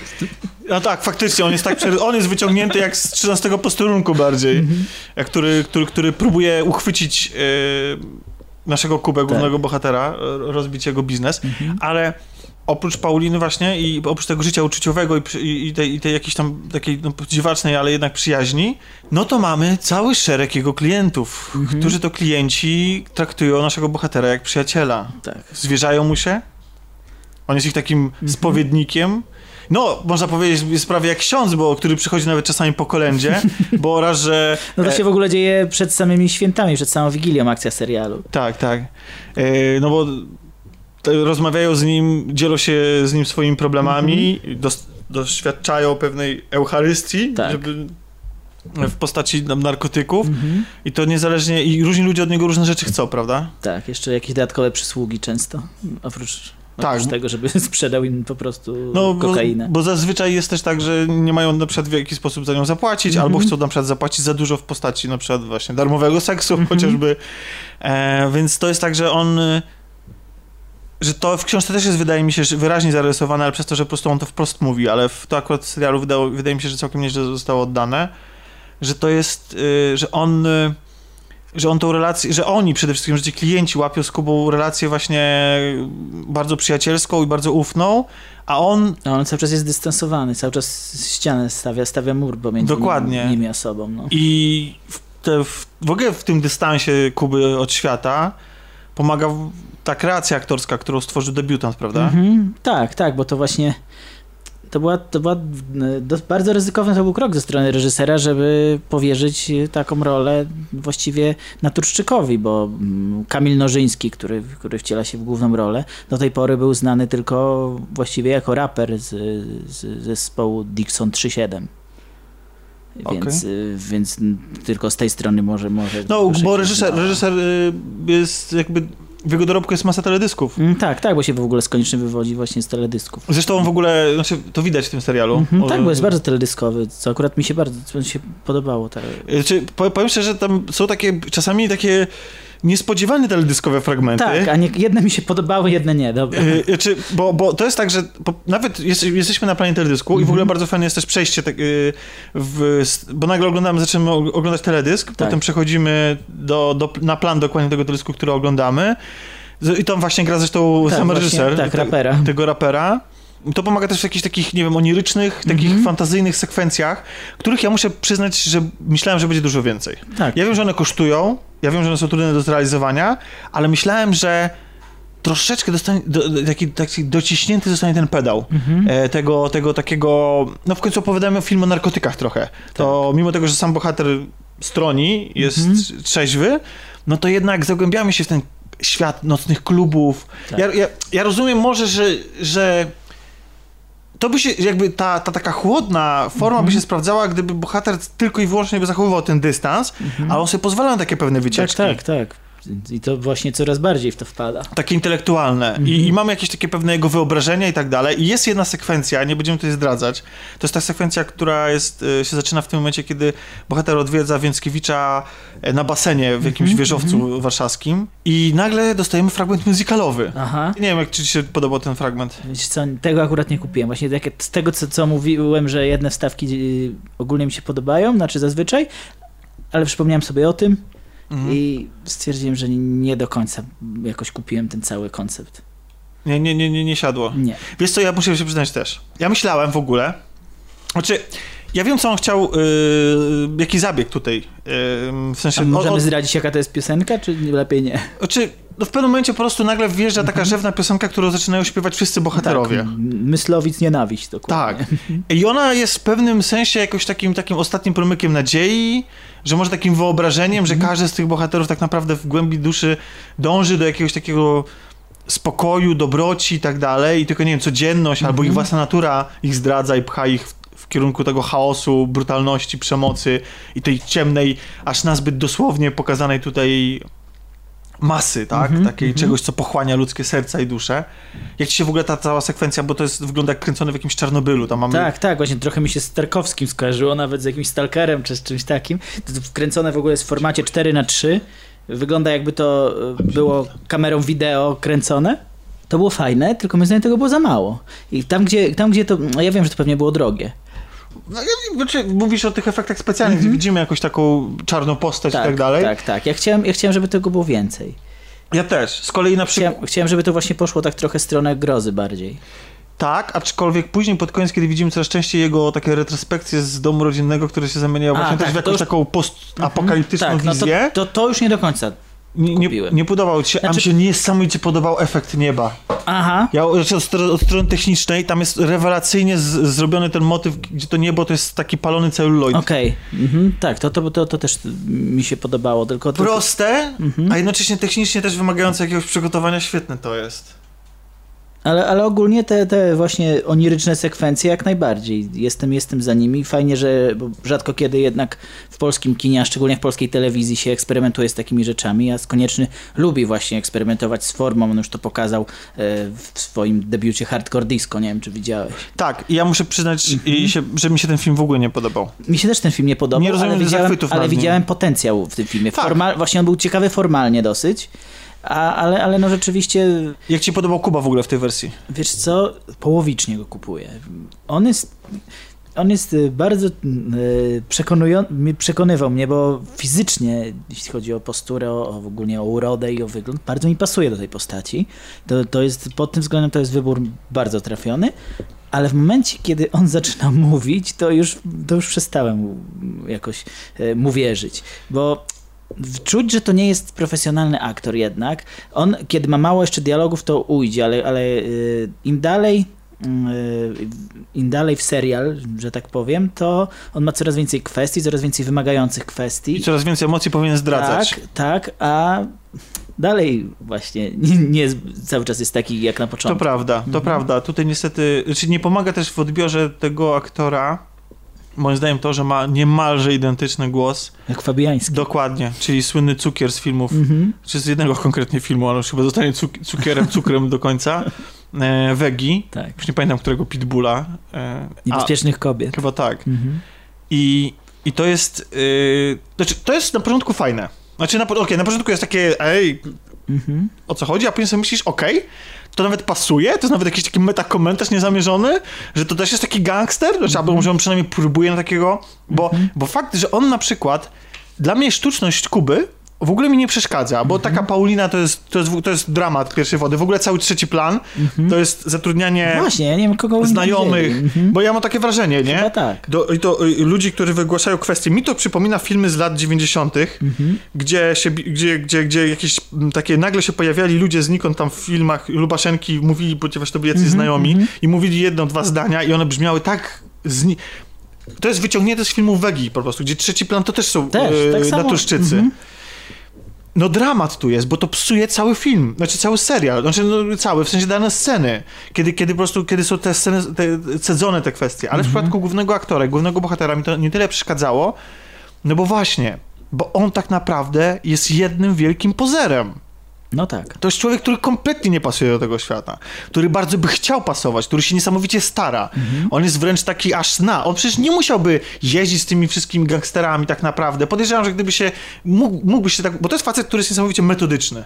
Strasznie dba o swoją prywatność. On jest taki poukładany, taki, e, Tak, to jest wręcz, wszystko... wręcz kompulsywnie to wszystko. Tak, taki Dexter trochę Mhm, serialowy też. To jest facet, który. I, i mam wrażenie, że to też nie jest element jego osobowości, no bo ja nie wierzę też, że malarz taki jest, że, że w malarzu musi być, y, bo jeżeli on ma wykształcenie No tak. ASP i jakaś tam, jak, jak, jakiś pewien chaos musi być, nie? A on tymczasem jest niemalże jak robot się zachowuje. I mi się to podobało. Po prostu, bo dla mnie sztuczność w tym bohaterze i w tej postaci jest jak najbardziej w to wpisana. I nawet to, kiedy coś mu się nie wiedzie, kiedy powinniśmy czuć od niego bardziej złość na przykład. No właśnie, kiedy, wtedy, kiedy on, kiedy on już nie musi udawać nikogo przed... to też się dla mnie broni, Mhm. dlatego że to, bo on wtedy jeszcze powinien jeszcze bardziej, ta postać dla mnie. Mhm. I więc to, że on cały czas jest taki sam, z jednej strony jest to aktorsko gdzieś tam porażka, Mhm. a z drugiej strony dla, ja to kupuję tą postać. Ponieważ cały ten serial i książka i w ogóle Ślepnąc od świateł jest właśnie o tym ślepnięciu od świateł. Jeden, jeden z bohaterów nawet wprost się pyta naszego bohatera, czy dość, do, doszczętnie oślepłeś. Mhm. Jest o pewnym takim zachwycie życiem i miejscem w świecie, do którego być może dążymy, Do którego nie należymy. do którego nie należymy. I myślę, że i, i- i w ogóle to jest tak, że ja nigdy nie handlowałem narkotykami. E, z nimi mam tyle wspólnego, że pracowałem przez chwilę w Monarze. Nigdy nie rozbijałem się z gangsterami, co nie znaczy, że gangsterzy się nie rozbijali o mnie, ale niesamowicie bliski mi jest ten film. I ja się jakby nie wiem, czy film to jest w ogóle cały ten koncept i książka i serial. Z jakiegoś powodu mam wrażenie, że on trochę opowiada o, o każdym z nas. Tak, tak. Ja też się właśnie potraktowałem i książkę, e, no i serial w sumie siłą rzeczy też, jakoś tak osobiście trochę. Rzeczywiście coś, coś dla siebie w nim odnalazłem, mimo wszystko. Mimo tych, mimo tych wad, no, no i tej formalnej popisówek, która akurat dla mnie jest tutaj w większości zaletą. Znaczy, dla mnie też, bo, bo brakuje w polskim, te, polskiej telewizji formalnej popisówek. Mhm. I ona czasami na przykład skręca w dziwną stronę, jak to na przykład mieliśmy w przypadku pierwszego sezonu Watachy, Mhm. który nagle był jakby najeżony mistycyzmem, ale ten mistycyzm był o niczym. Tak. Te, te wilki, jakieś sny. A w drugim chyba już od tego odeszli. Na szczęście, bo ja byłem strasznie nastawiony właśnie na serial taki wręcz mystyczny, który Mhm. będzie coraz bardziej zahaczał o jakieś takie dziwne elementy, być może nadprzyrodzone jakieś i Mhm. tak dalej, a tymczasem on skręcił w stronę takiego typowego kryminału, w, dos, w dodatku dosyć nieciekawego. Tak, ja, ja po trzech odcinkach drugiego sezonu już odpuściłem. Więc... A nie, ale drugi sezon mi się bardziej podobał. Mimo tego, że on jest gorszym serialowo, Mhm. to tam jest bardziej naiwny scenariusz i tak dalej, jest gorzej napisany, to mi się podobał, bo dlatego właśnie, że się oglądało go uczciwie. No tak. My- Mamy Kruka, ja widziałem tylko pierwszy A odcinek. tego nie widziałem niestety. Świetny jest ten pierwszy odcinek Kruka, to jest serial e, Kanal Plus Mhm. i muszę to nadrobić, bo on jest, to jest właśnie taki fo formalnie, tam jest bardzo dużo e, elementów związanych z, z widami głównego bohatera, on widzi pewne postacie i tak dalej, więc tam jest, tam jest tego bardzo dużo i to było bardzo ciekawie Ja zaprezentowane w raczej właśnie ciepło, ciepło o tym serialu słyszałem. Ja też, dlatego właśnie chcę kiedyś nadrobić, może na Mhm. święta. Tutaj ja bym docisnął jeszcze bardziej ten pedał. Jeszcze bardziej bym pokazał tą, tą Warszawę takim w krzywym zwierciadle, bo to się aż niemalże Mhm. prosiło. Bo zwłaszcza jak się pojawia sekwencja pod koniec pierwszego odcinka. Ta, ta, z- która później jest w czołówce występuje. która później jest w czołówce występuje. I ja byłem takim zawiedziony, że to po prostu będzie, będę oglądał teraz przez kolejne odcinki. E, i, I to, że to, że to nie, że to był po prostu jednorazowy taki popis, Mhm. e, no ale rozumiem, że to kosztowało bardzo dużo i tak się cieszę, że ona się tam znalazła. No tak. To, co jest dla mnie istotne w tym serialu, i czym on mnie kupuje, to kupuje mnie tym, że mimo pewnej sztuczności tego świata, bo tam wszyscy s- Mhm. są sztuczni. Wszyscy grają pewne role. Niektórzy są do nich urodzeni, a niektórzy sobie sami je wybrali. Jeszcze wspomnę, znaczy, no może, może dokończ myśl, bo chcę wspomnieć jeszcze o właśnie o jednej postaci, którą i w książce uwielbiam i w serialu, o Dario właściwie, Aha. y, którego gra Jan Frycz. Tak. I dla mnie to jest... To jest Najuczciwsza właśnie, postać. Tak, no tak, najuczciwsza w tym kontekście, że wszyscy czego, co, coś udają. Moim zdaniem on, on, on najmniej udaje albo wręcz nic nie udaje. To jest dla mnie taka personifikacja zła, taki, y, takie skrzyżowanie Jokera batmanowskiego z Kingpinem z Daredevila. I jeszcze z diabłem z y, Zagubionej Autostrady. O, może tak, tak, tak. W dodatku, no powiedzmy, że ma dużo szczęścia chłopak w swoim życiu, jeśli chodzi o to, że nie da się go być. Może on jest bardziej postacią metaforyczną. Właśnie ja też tak go traktuję. Go traktuję właśnie metaforycznie, bo, bo co najmniej dwie takie sceny mamy w serialu, gdzie... Powinno go już nie być tak, z nami. Powinno go już nie być. Na, I plus do tego on też wygłasza...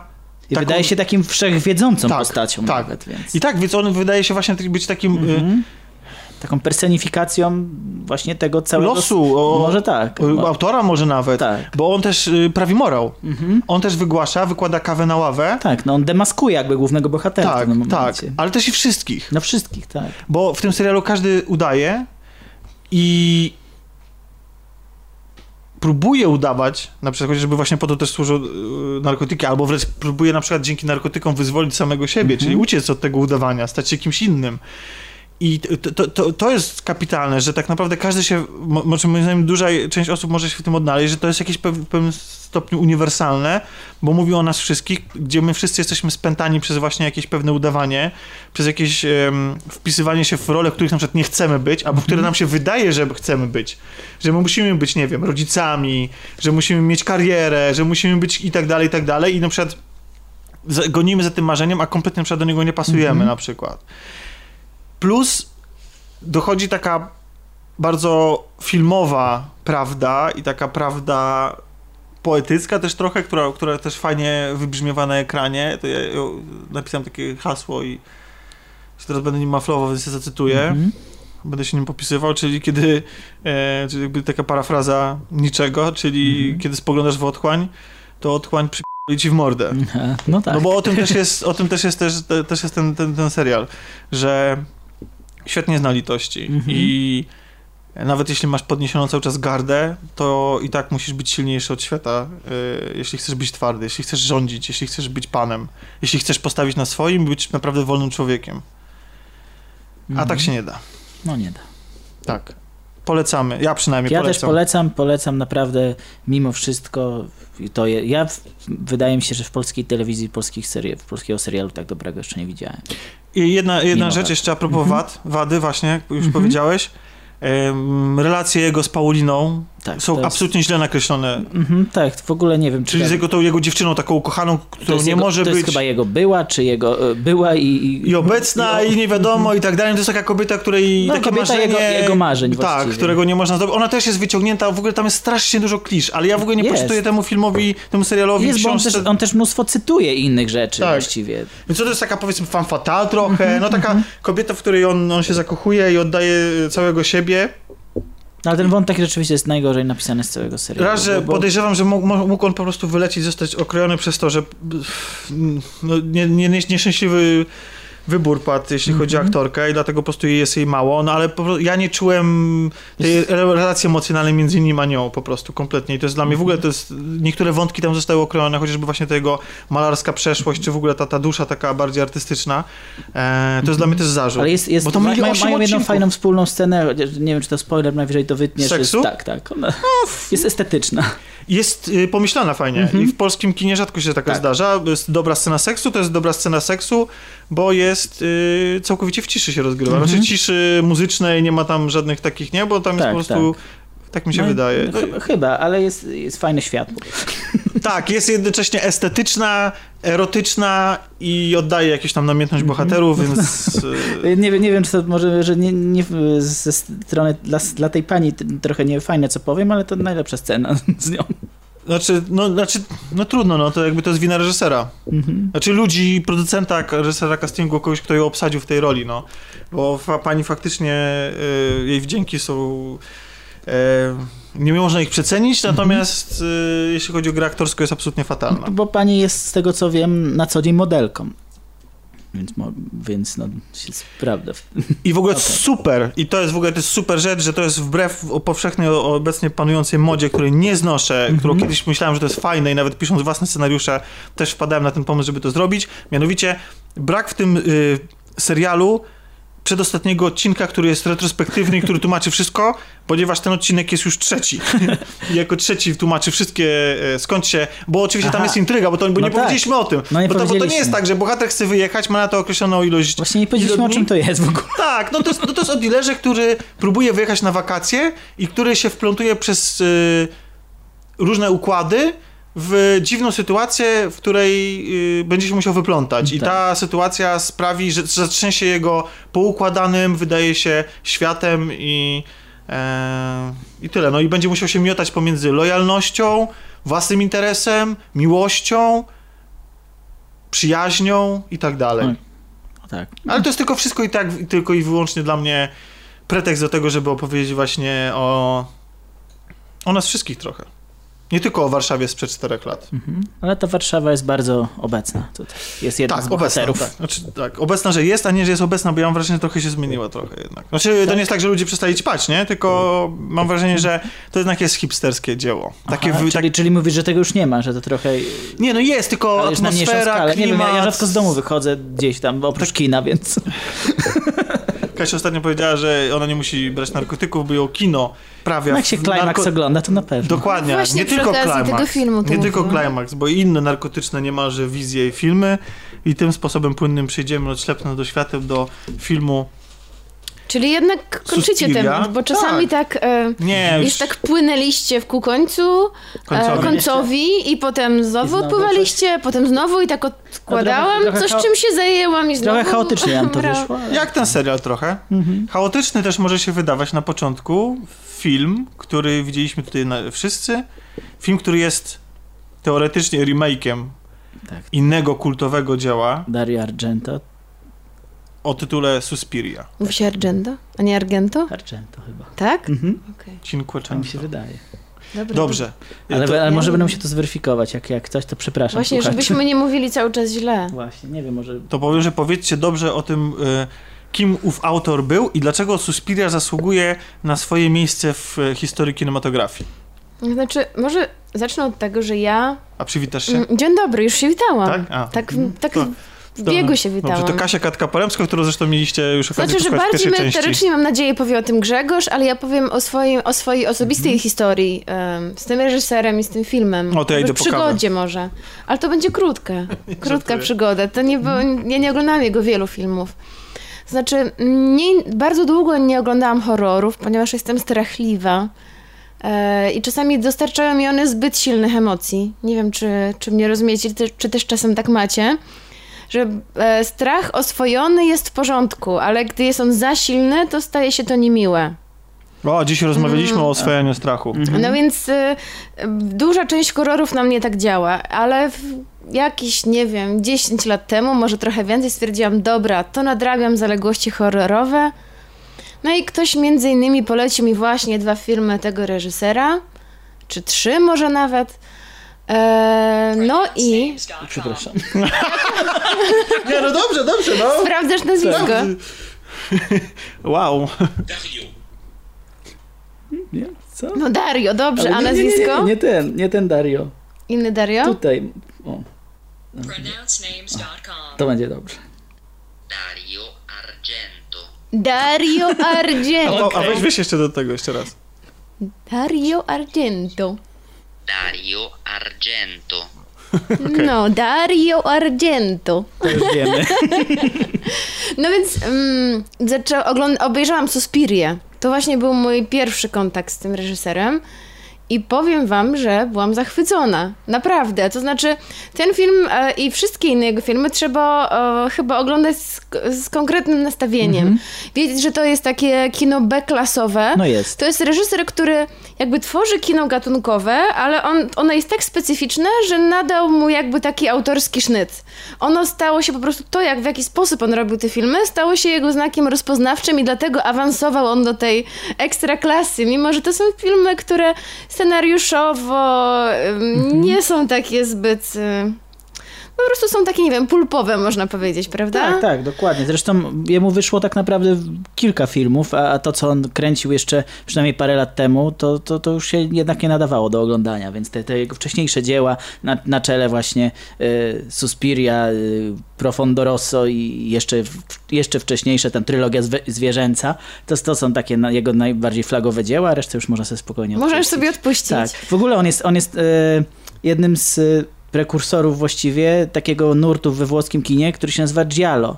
E, to, są, to są takie prototypy slasherów, można tak, powiedzieć. tylko- krwiste, tak, mięsiste tak, dzieła. Tylko, tylko bardziej estetyczne właśnie, które, które tam e, stawi- stawiają mocno na, na, na, na formę, na grę kolorów, świateł. No a nie masz wrażenia, że właśnie w Giallo ta krew jest taka jest nierealistyczna? Mhm. Jest, jest, E, Nie oczywiście. boisz To się tego, nie boisz się tego, bo to jest przestylizowane i właśnie to mi odpowiadało. Dzięki temu, że to, ta krew jest taka w kolorze po prostu e, jaskrawej, czerwonej farby, Tak.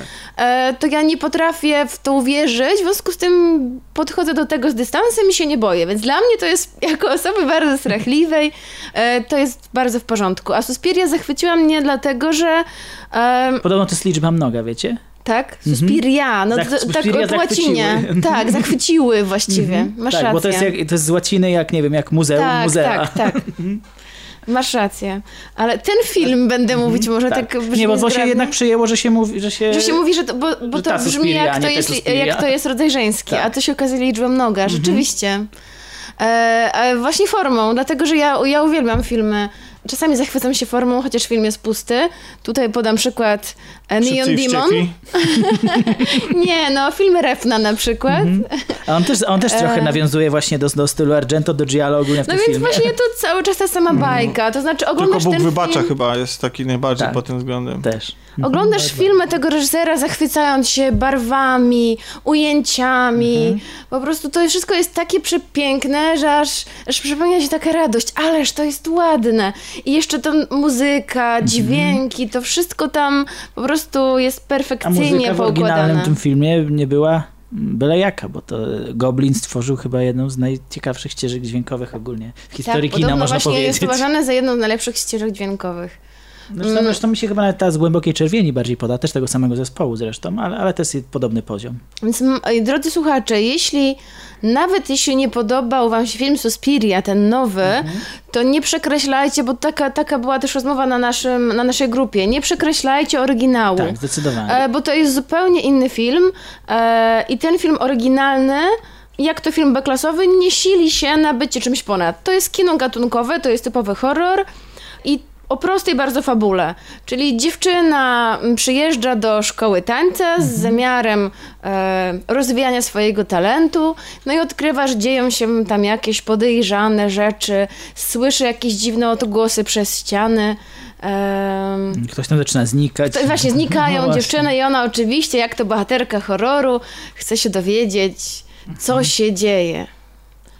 Więc no, I to jest takie właśnie zero-jedynkowe, takie I to bez, jest- bez, bez głębszej To jakiejś jest coś, filozofii. co można porównać do slashera? Tak, zdecydowanie tak, tylko bo takiego bardzo trochę krwawe, bardzo gore. I gore tam za dużo aż takiego nie ma? Jak na tamte lata Jak- no może, tak. ale nie do tu mówię o końca. gore. krwi. Ta- Tak, ale nie do końca gore, bo jest już trochę takie mistyczne. I dużo E, seksu.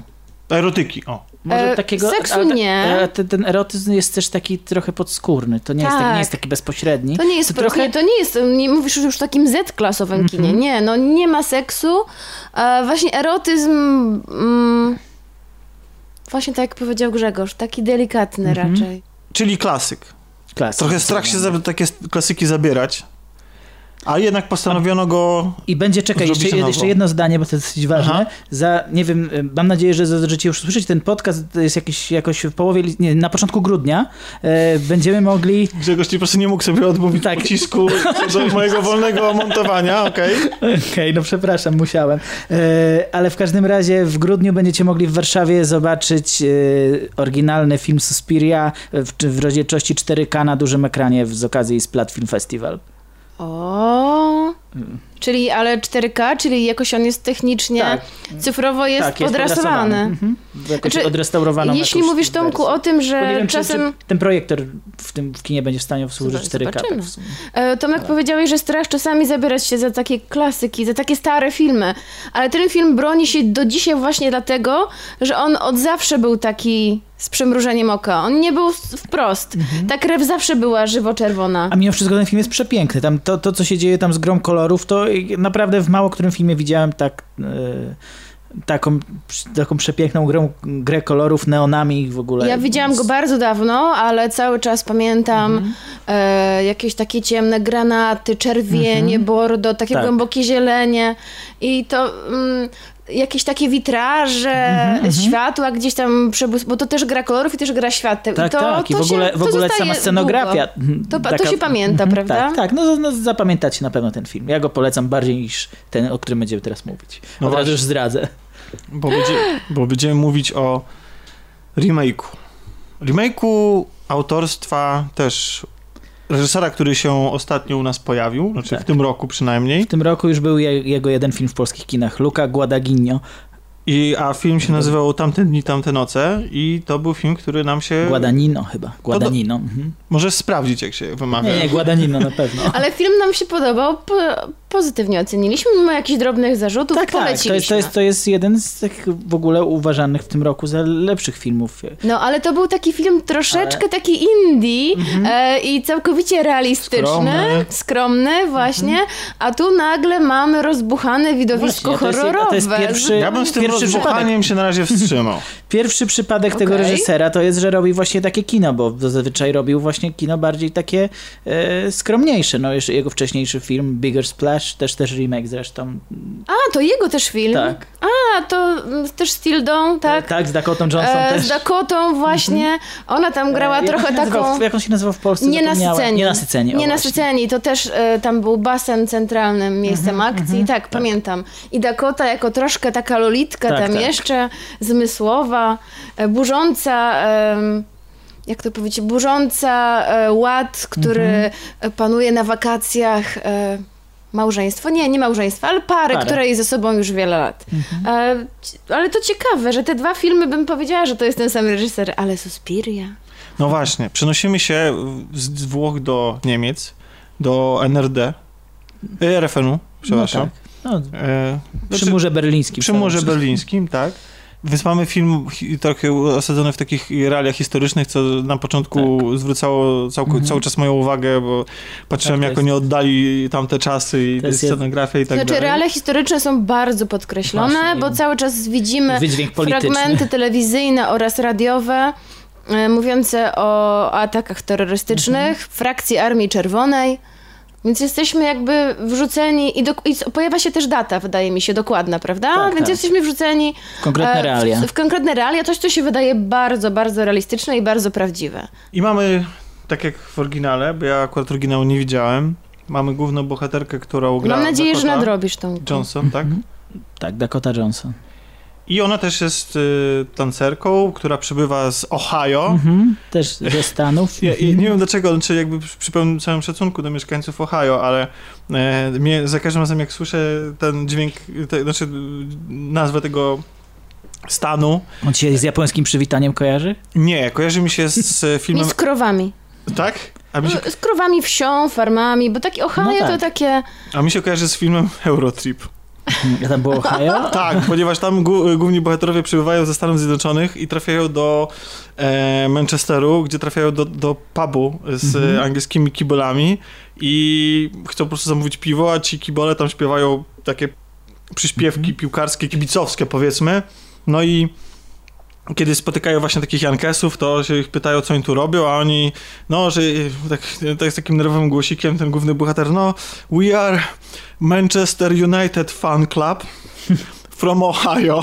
I po prostu jako za każdym razem mi się, mi się to strasznie przypomina ta scena. Ale pochodzenie bohaterki z Ohio nie jest przypadkowe, Mhm. no bo tutaj pokazane jest Ohio jako miejsce, gdzie e, jest dużo Amiszy e, i wydaje się, że ona też pochodzi z takiej rodziny, z tego co Tak. widzimy w jakichś przebitkach, retrospekcjach, więc no, jest, pojawia się to nieprzypadkowo. Tak. Ale całe życie marzyła o tym, żeby być tancerką, znaczy może nie całe życie, ale od jakiegoś momentu to marzenie się ziszcza, wyjeżdża do Berlina, zapisuje się, znaczy nie zapisuje się, na bezczel, tak jakby troszeczkę bezczelnie domaga się przesłuchania w bardzo uznanej szkole e, tanecznej, która od czasów II wojny światowej jest e, jakimś takim ośrodkiem kształcącym wysokiej klasy tancerzy, prowadzonym przez e, znaną na całym świecie, zdaje się, bo skoro ona e, ją znała i, Pewnie i tak, tak. dalej. bohaterka- Madame Blanc. Madame Blanc, którą gra... Bo to- Blond, no tak. Którą się gra Kate Blanchett. Nie. Tilda Swinton. Ale, ale, Blanc, Blanc. ale, ale w sumie tak sobie pomyślałem, wiesz, że, że Kate też mogłaby ją zagrać. E, Mogłaby, znaczy... Chociaż nie, nie mówię, że, że Tilda jest złą aktorką, wręcz przeciwnie, Nie, nie, tylko nie. że mówię, że to jest jedna z dwóch osób, które by mi pasowały do tej W postaci. każdym razie mamy tą panią Madame Blanc, która Mhm. e, widać, że nawet nie przesłuchuje takich osób z ulicy. A tu nagle pojawia się bohaterka grana przez Dakotę i mówi, że chciałaby być przesłuchana przez tę Mhm. właśnie e, nauczycielkę. Tak. No, ona w początku jest taką szarą myszką, ale pewną siebie, zdecydowaną, taką zdeterminowaną mocno. Tak. Nie? No i okazuje się, tu nie będzie dużym spoilerem, że okazuje się, że ma talent, który Mhm. i talent i pewną energię, którą w, wyczuwa sama pani Blon Mhm. i w związku z tym zostaje ona przyjęta do, do tej szkoły. No i gdzie ten I- horror, nie? I w przeciwieństwie, No. no. no ale w przeciwieństwie do oryginału, wydaje mi się, że to nie jest spoiler, bo to widać od pierwszych scen filmu. Mhm. E, od razu odkrywane są karty, kim Tak. są e, owe nauczycielki. Nie tak od razu. Znaczy nie kim są, Może nie ale od dokładnie kim razu są, ale widać, coś jest tam- że coś e, nie są do końca zwykłymi kobietami i że mają jakieś tajemnice i że coś dzieje się w tej szkole tańca dziwnego, zagadkowego. Grzegorz zapytał, gdzie ten horror. Mhm. Od samego początku niemalże ten horror jest, bo em, zarówno, bo film się w ogóle rozpoczyna prologiem, e, w, w ogóle wątkiem, który... W ogóle jest wątek, który jest doklejony, Doklejony. mnie trochę do filmu. Tak, o, i wiem, że go nie było w oryginale, Nie bo było. Kasia mi mówiła, ale też on w ogóle się wydaje taki naprawdę jakiś taki Mhm. jeszcze bardziej doklejony niż te wszystkie wątki polityczne, bo Mamy one... psychoanalizę, to znaczy psychoanalizę. Do psychoterapeuty czy psychiatry przychodzi była tancerka, tancerka ze straszliwymi zaburzeniami. Schizofrenią się wydaje. Tak, jakimiś schizofrenicznymi, też jakieś takie nerwice.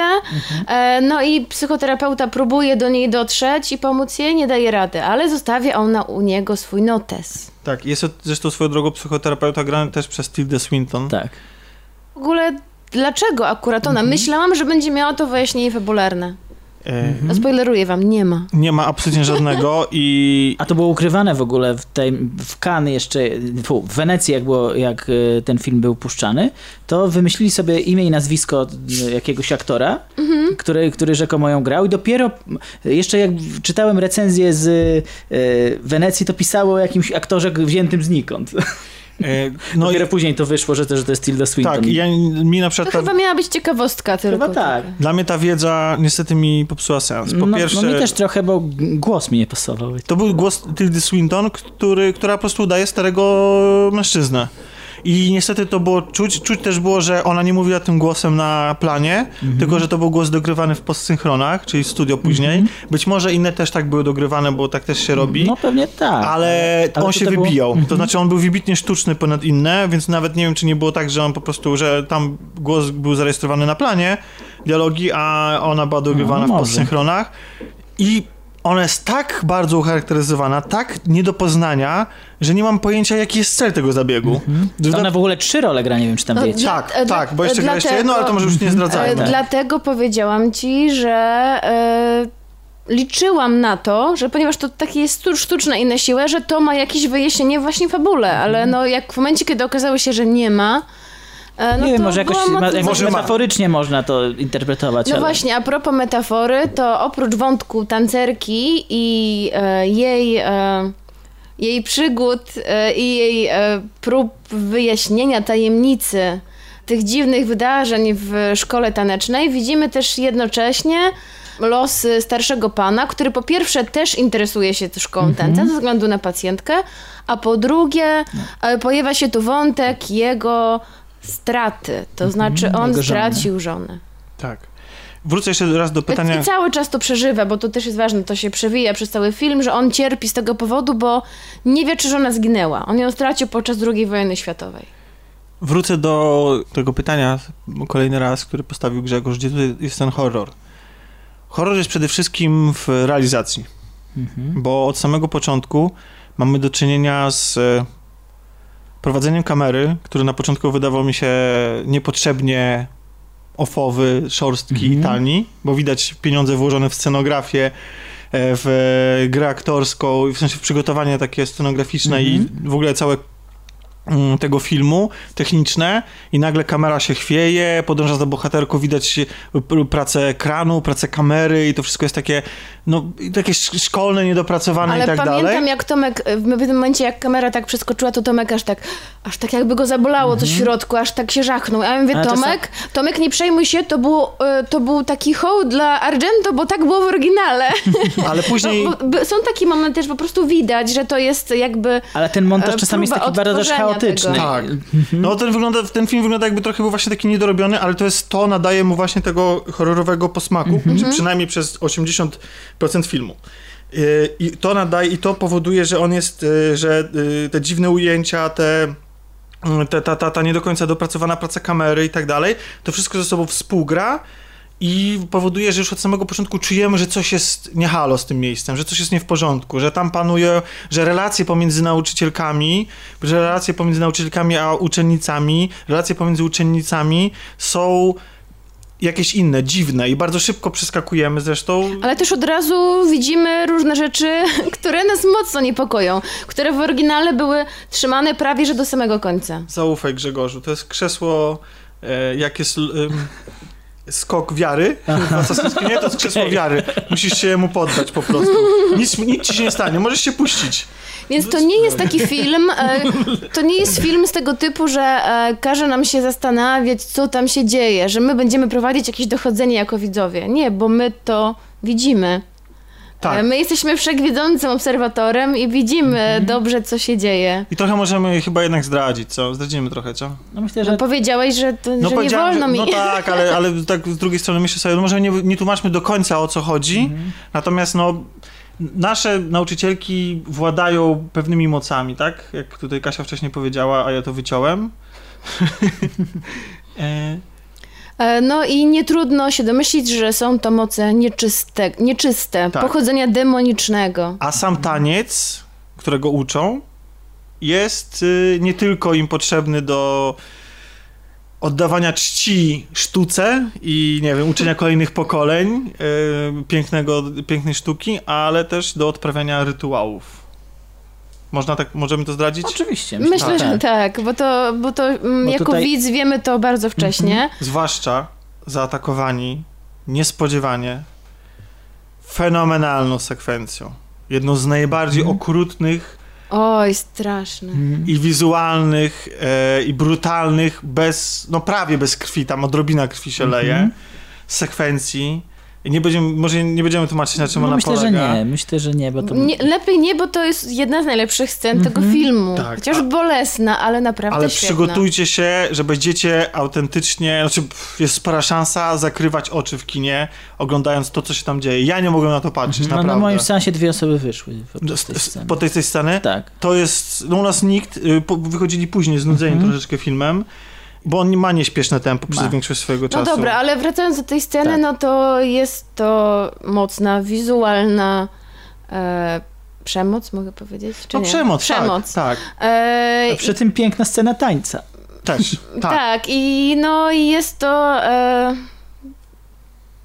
jak to mogę powiedzieć? Mocno to działa Mhm. e, na nasze zmysły i na, nas, na nasz umysł. Naprawdę ciężko było mi na to patrzeć, ale uważam, że jest zrobiona pomysłowo i naprawdę znakomicie. Nie wiem też, jak dużo było tam charakteryzacji efektów specjalnych Mhm.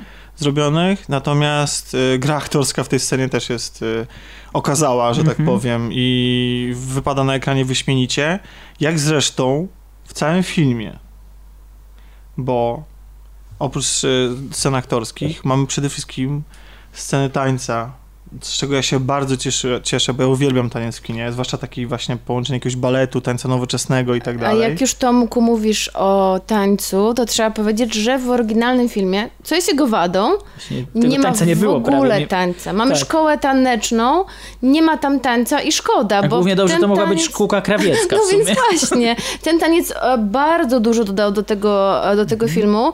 Bym bardziej powiedziała, że to jest taniec współczesny, bo nowoczesny to jest trochę co innego. Mhm. E, I którego nie jestem znawczynią, ale po tym filmie trochę tam poczytałam. I naprawdę praca choreografów uważam znakomita. E, Plus bardzo muszę pochwalić Dakotę. Mhm. Dakotę Johnson, która odwaliła kawał dobrej roboty.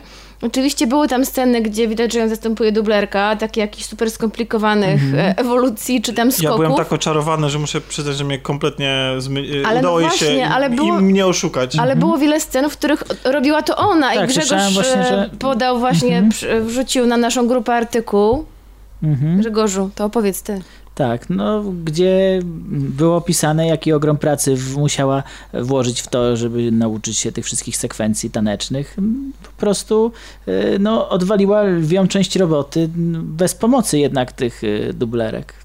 Tak, to znaczy, mm, to, a to nie jest takie proste. No nie. E, I co ciekawe, właśnie ona wcześniej nie miała żadnego No właśnie. przygotowania baletowego, Tak, tak. a podobno to była bardzo ciężka praca. Mhm. Tak jak Madame Blom w tym filmie mówi, że większość tego to jest praca mięśni i to jest wysiłek i to jest trening, to ona Mhm. Tak, po prostu ona- rzeczywiście widać, że te mięśnie mocno trenowała.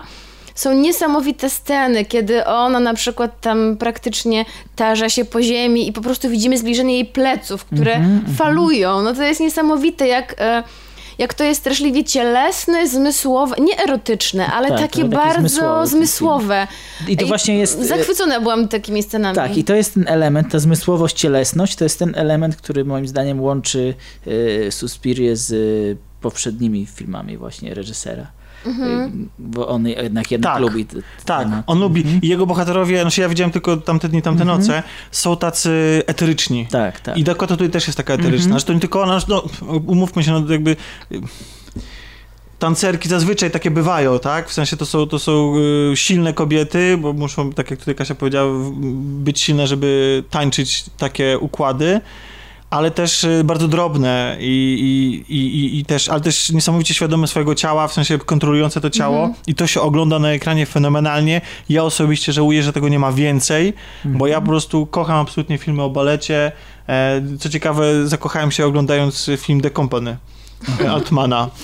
Ale wiecie co? Mam wrażenie, że mm, w tym filmie ten taniec, y, on bardzo dobrze został użyty w kontekście. To nie jest tylko sam taniec dla Tak, tańca. tak. Każda scena tańca niesie ze sobą jakieś znaczenie. My dowiadujemy się czegoś więcej o fabule. Tak. I on jest Mhm. bardzo y, osadzony właśnie w tym znaczeniu, w fabule. Bo jak już powiedzieliśmy, też jest y, elementem jakichś pewnych rytuałów, Tak, i tych, tak, ciemnych, horroru. i tych ciemnych mocy, właśnie. I po prostu my oglądając ten taniec, zastanawiamy się, co tam się naprawdę dzieje w tym Tak, bo to momencie. jest taniec, podstawowa warstwa jest taniec jako taniec, ale też taniec jako rytuał jakiś, nie? A jak już ogląda, jak już jesteśmy przy horrorze, no to oprócz tańca y, ten horror przejawia się i tam w prowadzeniu kamery i pewnej atmosfery Mhm. takiej, e, no to horror się tutaj przejawia e, w sposób y, bardziej dosłowny. Mamy nawiedzające dziewczęta, które śpią w tej Mhm. szkole koszmary, które są pewnie, troszeczkę są retrospektywne, trochę Mhm. są mm, trochę są e, Trochę surrealistyczne. surrealistyczne, trochę zdradzają z tego, co się będzie działo później. No oczywiście na początku nie wiemy tego i później próbujemy sobie jakoś wytłumaczyć. Dowiadujemy plus, się z nich też więcej o życiu bohaterki wcześniej. plus absolutnie koszmarny efekt jakiejś zjawy, zwidy, duszy, To, co na czegokolwiek. ścianie tam się wyświetla. I nie tylko. I ja uważam, że jest jeden, jeden, jedyny człowiek na świecie, reżyser, który może sięgać po tak proste zabiegi, żeby one miały David ręce i nogi. Dokładnie. Tylko on. Tylko on ma mm, patent i w ogóle prawo używać stroboskopu i rozmaitych takich najbardziej prostackich, ale jednocześnie w jego rękach działających e, elementów, takich trików e, filmowych. Natomiast w przypadku innych reżyserów, zwłaszcza filmu, który wydawałoby się, że jest tak subtelny jednak i tak i w momencie, kiedy z fabułą byliśmy na etapie właśnie tego tańca i tej pierwszej śmierci, którą oglądamy na ekranie, ja byłem wręcz zakochany w tym filmie. Bo, bo nie dość, że interesujący temat, ja myślę, że będziemy mogli o- obejrzeć, być może to będzie troszeczkę jak w Czarnym Łabędziu, może te relacje między tancerkami też będą powodowały jakieś pewne, mm, e, pewne jakieś niesnaski, jakieś takie elementy horroru, może jakaś zawiść się tam pojawi.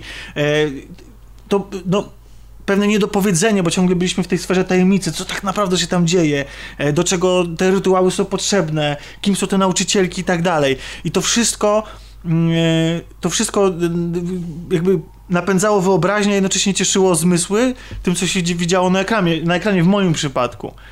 A potem niestety następuje finał. Długi finał i niestety dla mnie kompletnie nieznośny. E, W ja kontekście tego, co jest z tobą, wcześniej. Tomku.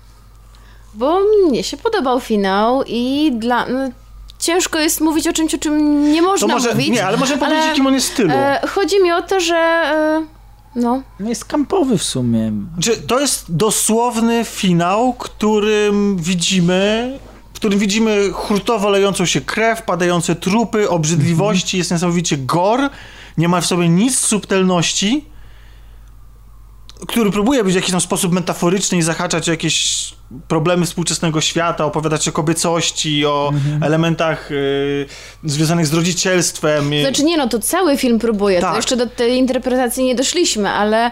E, Ale on wcześniej jest, co? Mhm. ale to wszystko to, co on robi wcześniej, działa y, bardzo y, na wyobraźnię, on jakby on, powod, Mhm. on, on, on powoduje, że, że ja chcę, y, że on mnie inspiruje do tego, No że, ja, dobrze, że, jestem, ale- że oprócz podziwiania tego, co, Mhm. co oglądam, to też jestem zmuszony do interpretacji. I ja się zastanawiam i, i to działa na pewno nie do powiedzeniu. Może to wszystko jest tylko wymysłem wyobraźni naszej bohaterki. Ale mam wrażenie, Tomku, że krytykowałeś z tego samego powodu e, film Hereditary, że chciałeś, żeby to było niedopowiedziane, a ktoś ci pokazał wprost, co rzeczywiście też w, ta, w przypadku tamtego filmu było wadą. E, a Ale tu mam wrażenie, nie chodzi o to, że ja to jest nie chciałam wprost. niedopowiedzenia Tylko to jest tak jakbyś, filmie. to jest tak jak to, o, jest jeden film, do No, którego mogę to porównać. mogę coś- tylko, tylko, tylko porównam to do jednego filmu. Dla mnie to jest od zmierzchu do świtu, tylko tyle, że w wersji e, arthouse'owej, nie? E, Tomku, ja w tym filmie nie chciałam e, za dużo niedopowiedzenia i metafory, bo było jej wręcz aż za dużo. E, cały wątek właśnie tego psychoterapeuty dziadka, Mhm. który został dodany, moim zdaniem niepotrzebnie, mnożąc jakieś właśnie wątki y, społeczno-polityczno-feministyczne. Tak, no, to mnie najbardziej Dla mnie niepotrzebnie właśnie. I dlatego finał mnie ucieszył. Ja się wręcz, ja patrzyłam zachwycona, bo myślałam sobie wreszcie, ucięto tą całą metaforę i wywalono kawę na ławę, tak jak chciałam i jak powinno być od początku. A to też z kolei jakiś, jakiś rodzaj, ja to traktuję jak jakiś rodzaj hołdu, bo jednak No właśnie, ten, film nawiązuje, ten, ten film nawiązuje nie tylko do e, oryginalnego filmu Suspiria, ale też, ale też, bo on stanowi taką, Argento zrobi taką nieformalną trylogię, e, w, której, na, w której skład wchodzi e, Suspiria, Inferno i Matka Łez. I tamte dwa kolejne filmy, one, one już były takie, e, tam było więcej gore, było, było dużo takiej dosłownej przemocy. Tu zresztą te rozdziały się zresztą- poszczególne tak nazywają. Tak, tak, tak. I, one, I on zresztą nawiązuje po, pod wieloma aspektami do tego, bo tam też, też jest motyw tych, bo właśnie u Argento był motyw tych trzech matek i tutaj też, są, też jest motyw Mhm. matek bardzo, bardzo mocno uwypuklony. Może po prostu inaczej na to patrzymy, bo patrzymy Mhm. pod względem właśnie Argento i właśnie oryginału. No, znaczy, No ale nie bolało was to, że film przez 3 czwarte jest zupełnie inny,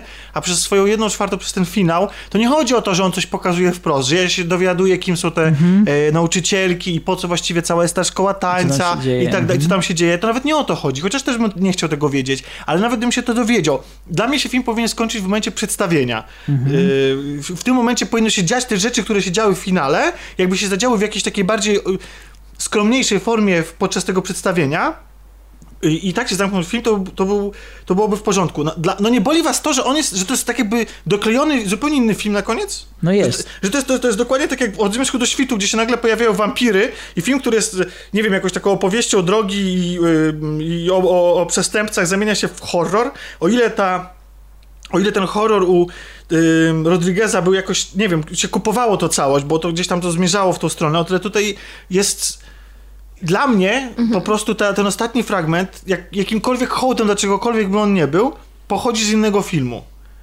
I jest takim odpałem i odle- odlotem, że ja się czułem oglądając go źle. Mimo rozumiem, tego, mnie się ten odlot podobał. Mimo tego, że jakbym oglądał sam ten odlot, to wcale bym go ta, tak źle nie oceniał.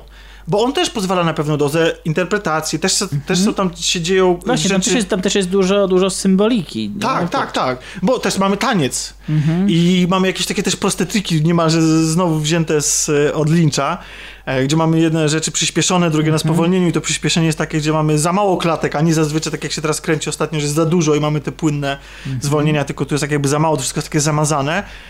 Tam ta krew, to wszystko jest, y, pewnych postaci mi było żal nawet, bo jakby, które ginęły tam, naprawdę, to, to nie jest tak, że ja się z tym emocjonalnie, bo ta pierwsza część filmu mnie do tych postaci przywiązała, więc okej, ja to rozumiem, Rozumiem też, że to się wpisuje troszeczkę w, to, w tą tajemnicę, która się skrywa za, to, za tym domem, em, za, za tą szkołą. Rozumiem, że to, że po prostu ta nie wiem, no ta, ta, ta brutalna prawda skrywająca się w podziemiach tego, tego, tego Więc gmaszyska. dok- e, dokładnie to chciałam ci powiedzieć, Tomku, że ja to tak rozumiem, e, że my tam mamy podczas filmu, mamy kilka takich scen, że widzimy tą prawdę, która się kryje pod podłogą i za ścianami, ale jakoś to są, widzimy to w, tak w ciemności, niewyraźnie, a tu nagle my razem z bohaterką po prostu jesteśmy świadkami, jakby wchodzimy w to rękoma i nogami, jakby, nie mogę zdradzić co się dzieje, Mhm. Jasne. ale by jakby my się temu oddajemy całkowicie, tak jakby, tak jakby bohater... Przekraczamy e, tą nie- granicę lustra. nie muszę mówić e, akurat o tej konkretnie bohaterce, ale tak jakby postać e, właśnie wcześniej miała tylko fragmenty czegoś, a tu nagle się rzuca się e, na głęboką wodę i ja to w ten sposób rozumiałam, że po prostu nagle przekracza jakąś granicę. I my jako widzowie razem z tą postacią tą granicę przekraczamy. Okej. Pewnie bym to kupił, gdyby nie to, że muszę się przyznać do czegoś. To znaczy, oprócz tych wszystkich oczywistych tropów, jak to, że film opowiada o kobiecości, o macierzyństwie, o pożądaniu, o, nie wiem, o władzy nad mężczyznami, bo i takie się tam Mhm. wątki pojawiają, o miłości, nie tylko romantycznej, to ja w pewnym momencie zgłupiałem po prostu i, i autentycznie nie wiedziałem, co oglądam. Tak, bo I- to też jest, ja też mam taki podobny problem z tym filmem, że tego, że, że tego jest za dużo. Ale myślę, że to zgubienie wynika właśnie z tego, że znaczy u mnie się to po, pojawiało nie podczas finału, tylko wtedy właśnie, kiedy zaczęliśmy zgłębiać wątki historyczne, właśnie z II wojny światowej, e, właśnie ta polityka, te akty terrorystyczne, w ogóle ja nie zrozumiałam powiązania. Znaczy, jak potem sobie zaczęłam myśleć, to sobie, a, to o to mogło chodzić reżyserowi, ale to jest naciągane. Znaczy, po prostu w ogóle nie kupiłam tego. Grzegorzu? No ja, ja uważam podobnie, ja tutaj wiele nie dodam, bo yy, znaczy, o ile ten sam finał, o którym, o którym mówisz, to jakoś yy, byłem w stanie go przetrawić, mimo że się zgadzam, że on był odklejony od całości, ale no tutaj po, stanę po środku was po prostu, jeśli, jeśli chodzi o ocenę, ocenę samego tego ostatniego aktu. Mm, A, a całość oceniam dość pozytywnie, ale mimo wszystko ja wolę, żeby, żeby to zostało, że jak, jak to było taką skromną, właśnie mroczną baśnią, niż, niż jakimś, jakimś, jakimś takim rozbuchanym manifestem, czy, czy, czy politycznym, czy feministycznym. Chyba po prostu reżyser chciał za dużo tutaj pokazać i ja jako widz poczułam się zagubiona. E, za dużo było wszystkiego i momentami, e, jak kiedy wychodziliśmy z kina, to e, dwie dziewczyny rozmawiały i mówią, no dobra, ale o co chodziło w tym filmie? Nie, no wiesz, no okej. A naprawdę, to taka też, była to, rozmowa. To, to po wielu filmach można wyjść i coś takiego powiedzieć, natomiast no, ja, jakby to nie jest tak, że, że my nie lubimy filmów, które nas y, zmuszają do interpretacji, do intensywnego Wiecie- myślenia już w trakcie oglądania, tylko y, jakby mnogość wątków, to co powiedzieliście, plus ten zaskakujący finał, w pewnym momencie było dla mnie tego tak dużo, że ja powiedziałem, się, że się poddaję. Ja, ja już nie wiem, o czym to jest i po prostu się męczę do samego końca. I jeszcze do tego mamy epilog. Tak, jeszcze epilog, który jest dosyć przeciągnięty. Te. jest przeciągnięty i który jeszcze dokłada jeszcze tam jakieś elementy. Mhm. I jeszcze mi się każe nad czymś za, e, zastanawiać, jak, kiedy ja jeszcze nie ogarnąłem tego, co się działo przed chwilą. Tak, pojawia się wątek kobiety, cierpienia, znowu rozstania. I być może to jest tak, że to jest jakiś, jakiś taki poziom poetyki filmowej, metafory. Dużo, dużo ludzi zarzuca temu filmowi y, podobne rzeczy, jakie zarzuca Aronowskiemu i jego Mother. Mother! Tak. To jest, to, to jest jak, Tak, jak, że, że Tomek, po prostu nadmiar... jak tam wpiszesz w tego, co to było? Y, Jak to się ta usługa nazywała? E, Nie wiem, coś... e, To chodziło o chrono- odczytywanie nazwisk, nie odczytywanie nazwisk. No to jak wpiszesz Mother, to on powi, powinien właśnie krzyknąć. powinna krzyknąć. No. No, ko- Okej. Tak, Także- tak, to jest bardzo podobne. Niestety, no muszę przyznać, Że, że... ten po, że podobny rodzaj reżyserskiej pretensji, no. Tak, tak, więc y, ym, może właśnie reżyser bał się, jest jeszcze młody, aspirujący Mhm. i może bał się, że będzie mu zarzucone, że to było takie puste i wprost. Więc No. może chciał dodać tak dużo znaczeń, żeby już nikt mu nie zarzucił, że to jest głupi film, że to jest zwykły pusty horror. Ale on ma coś z tym Berlinem na pewno i z tą polityką właśnie tych czasów, bo, bo nie wiem, czy wiecie, ale ma być sequel tamtych dni, tamtych nocy. Tak, Tak. Który będzie się dział w Berlinie z tymi bohaterami właśnie w tym podobnym okresie, co, co No Wiesz, Suspiria. jak już skoro podejrzewam, że jakby dekoracje, charakteryzatorzy, stroje są już były e, zamówione można to i s- wykorzystać. można to wykorzystać. Film jest wart obejrzenia mimo wszystko. Chociażby dla samej Dakoty i Tak, ja się zgadzam. Ona bardzo jest mocną stroną tego filmu. E, To Chociaż- znaczy, no to też trzeba uważać. Ja przestrzegam, bo zdarzyło mi się kiedyś, że napisałam, e, za, już pisałam to Grzegorzowi już, że zachwyciłam się jakimś filmem, e, to tam w tym wydarzeniu obejrzę tam ileś filmów. E, I jakaś dziewczyna potem strasznie na mnie wjechała, że poleciłam jej film, on był straszny, w ogóle niemoralny, obrzydliwy, okropny, Niemoralny brutalny był i i wszystko. No tak, no bo tam w Okej. tym filmie No ten też e, może być dzieci się brutalny. znęcały nad e, matką, więc to było bardzo zły ten film. Znaczy, był dobry, ale w sensie, no... Ale ona się prosiła, żeby się poleciła, był nie wiem, na wieczór z chłopakiem, czy... popołudnie. Znaczy, to nie wiem, po prostu przeczytałam moją zachwyconą e, recenzję, gdzie nie pisałam wprost o czym film jest, więc Nie od no- tej pory nauczyłam się przestrzegać. Przestrzegam, to nie jest film Dla e, każdego. dla każdego i nie w sensie, że nie Ale żaden film nie jest dla każdego. Ale dla ciebie są, nie są Znaczy, kom- komedie każdego, to romantyczne. przeważnie jest zły, no. Ale Nie, no ale chodzi mi o to, że jeśli jesteście wrażliwi na właśnie Ale taką tak. obrazową przemoc y, e, i tego typu rzeczy, no to zdecydowanie My, no myślę, że to, że my się czymś zachwycamy, nie oznacza, że przecież się naszym słuchaczom musi hurtowo podobać. E, Mam nadzieję, że ta, w ten sposób, w jaki my opowiadamy o tych filmach, nawet jeżeli czasami się wkrada chaos i chcemy opowiedzieć za dużo rzeczy naraz, to że jakiś tam obraz tych filmów kreujemy i że, że to jest, Suspiria jest horrorem, ale to nie jest horror w stylu Halloween, to nie jest horror, e, to jest horror, który jest, e, nawet mało tego, zaznaczyliśmy nawet, że odchodzi od swojej pierwotnej natury, w sensie pierwowzoru, z którego czerpie, który jednak ma dużo większe pretensje i ambicje do tego, żeby być czymś więcej. I te narzędzia, którymi operuje, no to one są, są artystyczne, no. I mam nadzieję, że, że tak samo jak opowiadałem o kinie komercyjnym, gatunkowym, nie wiem, rozrywkowym i też mówimy, że on jest, nie wiem, ja, znaczy staramy się przynajmniej, takie odnoszę wrażenie, że coś jest głupie, nielogiczne, puste, tak jak dzisiaj z Grzegorzem rozmawialiśmy o Venomie przez chwilę, ale nas bawi. Tak. No i jeżeli jakby, mam nadzieję, że to nas w jakiś sposób tłumaczy, tak, że, że jeżeli, że, że, że to jest jasne, że temu filmowi mamy do zarzucenia wiele rzeczy, ale jeśli ktoś oczekuje niezobowiązującej rozgryw, rozrywki, to może spróbować. Tak samo i w tym wypadku tego filmu. Zachwycamy się jego pewnymi elementami, ale jeśli ktoś oczekuje rozrywki, to raczej nie powinien próbować, powinien się nastawić raczej na pewien eksperyment filmowy i doznanie Jakieś kinematograficzne, właśnie, tak. tak. E, Więc jeżeli takie kino lubicie, to warto sięgnąć mimo tych wad, no bo chociażby dla, po to, żeby dla mnie, ja na przykład nie żałuję, że widziałem ten film i że doświadczyłem jego 3 czwarte, bo to jest naprawdę cudowne i mało tego, będę chciał sobie nawet do tego filmu wrócić. Właśnie po to, żeby podpatrzeć pewne rzeczy, żeby poczuć jeszcze raz tą atmosferę, żeby zobaczyć wdzięczną, piękną i dobrze grającą, ale też świetnie wyglądającą na ekranie e, Dakotę i jej koleżankę, przyjaciółkę, które e, też tam ma okazję tańczyć. I nie zobaczyć e, Tildę, tak?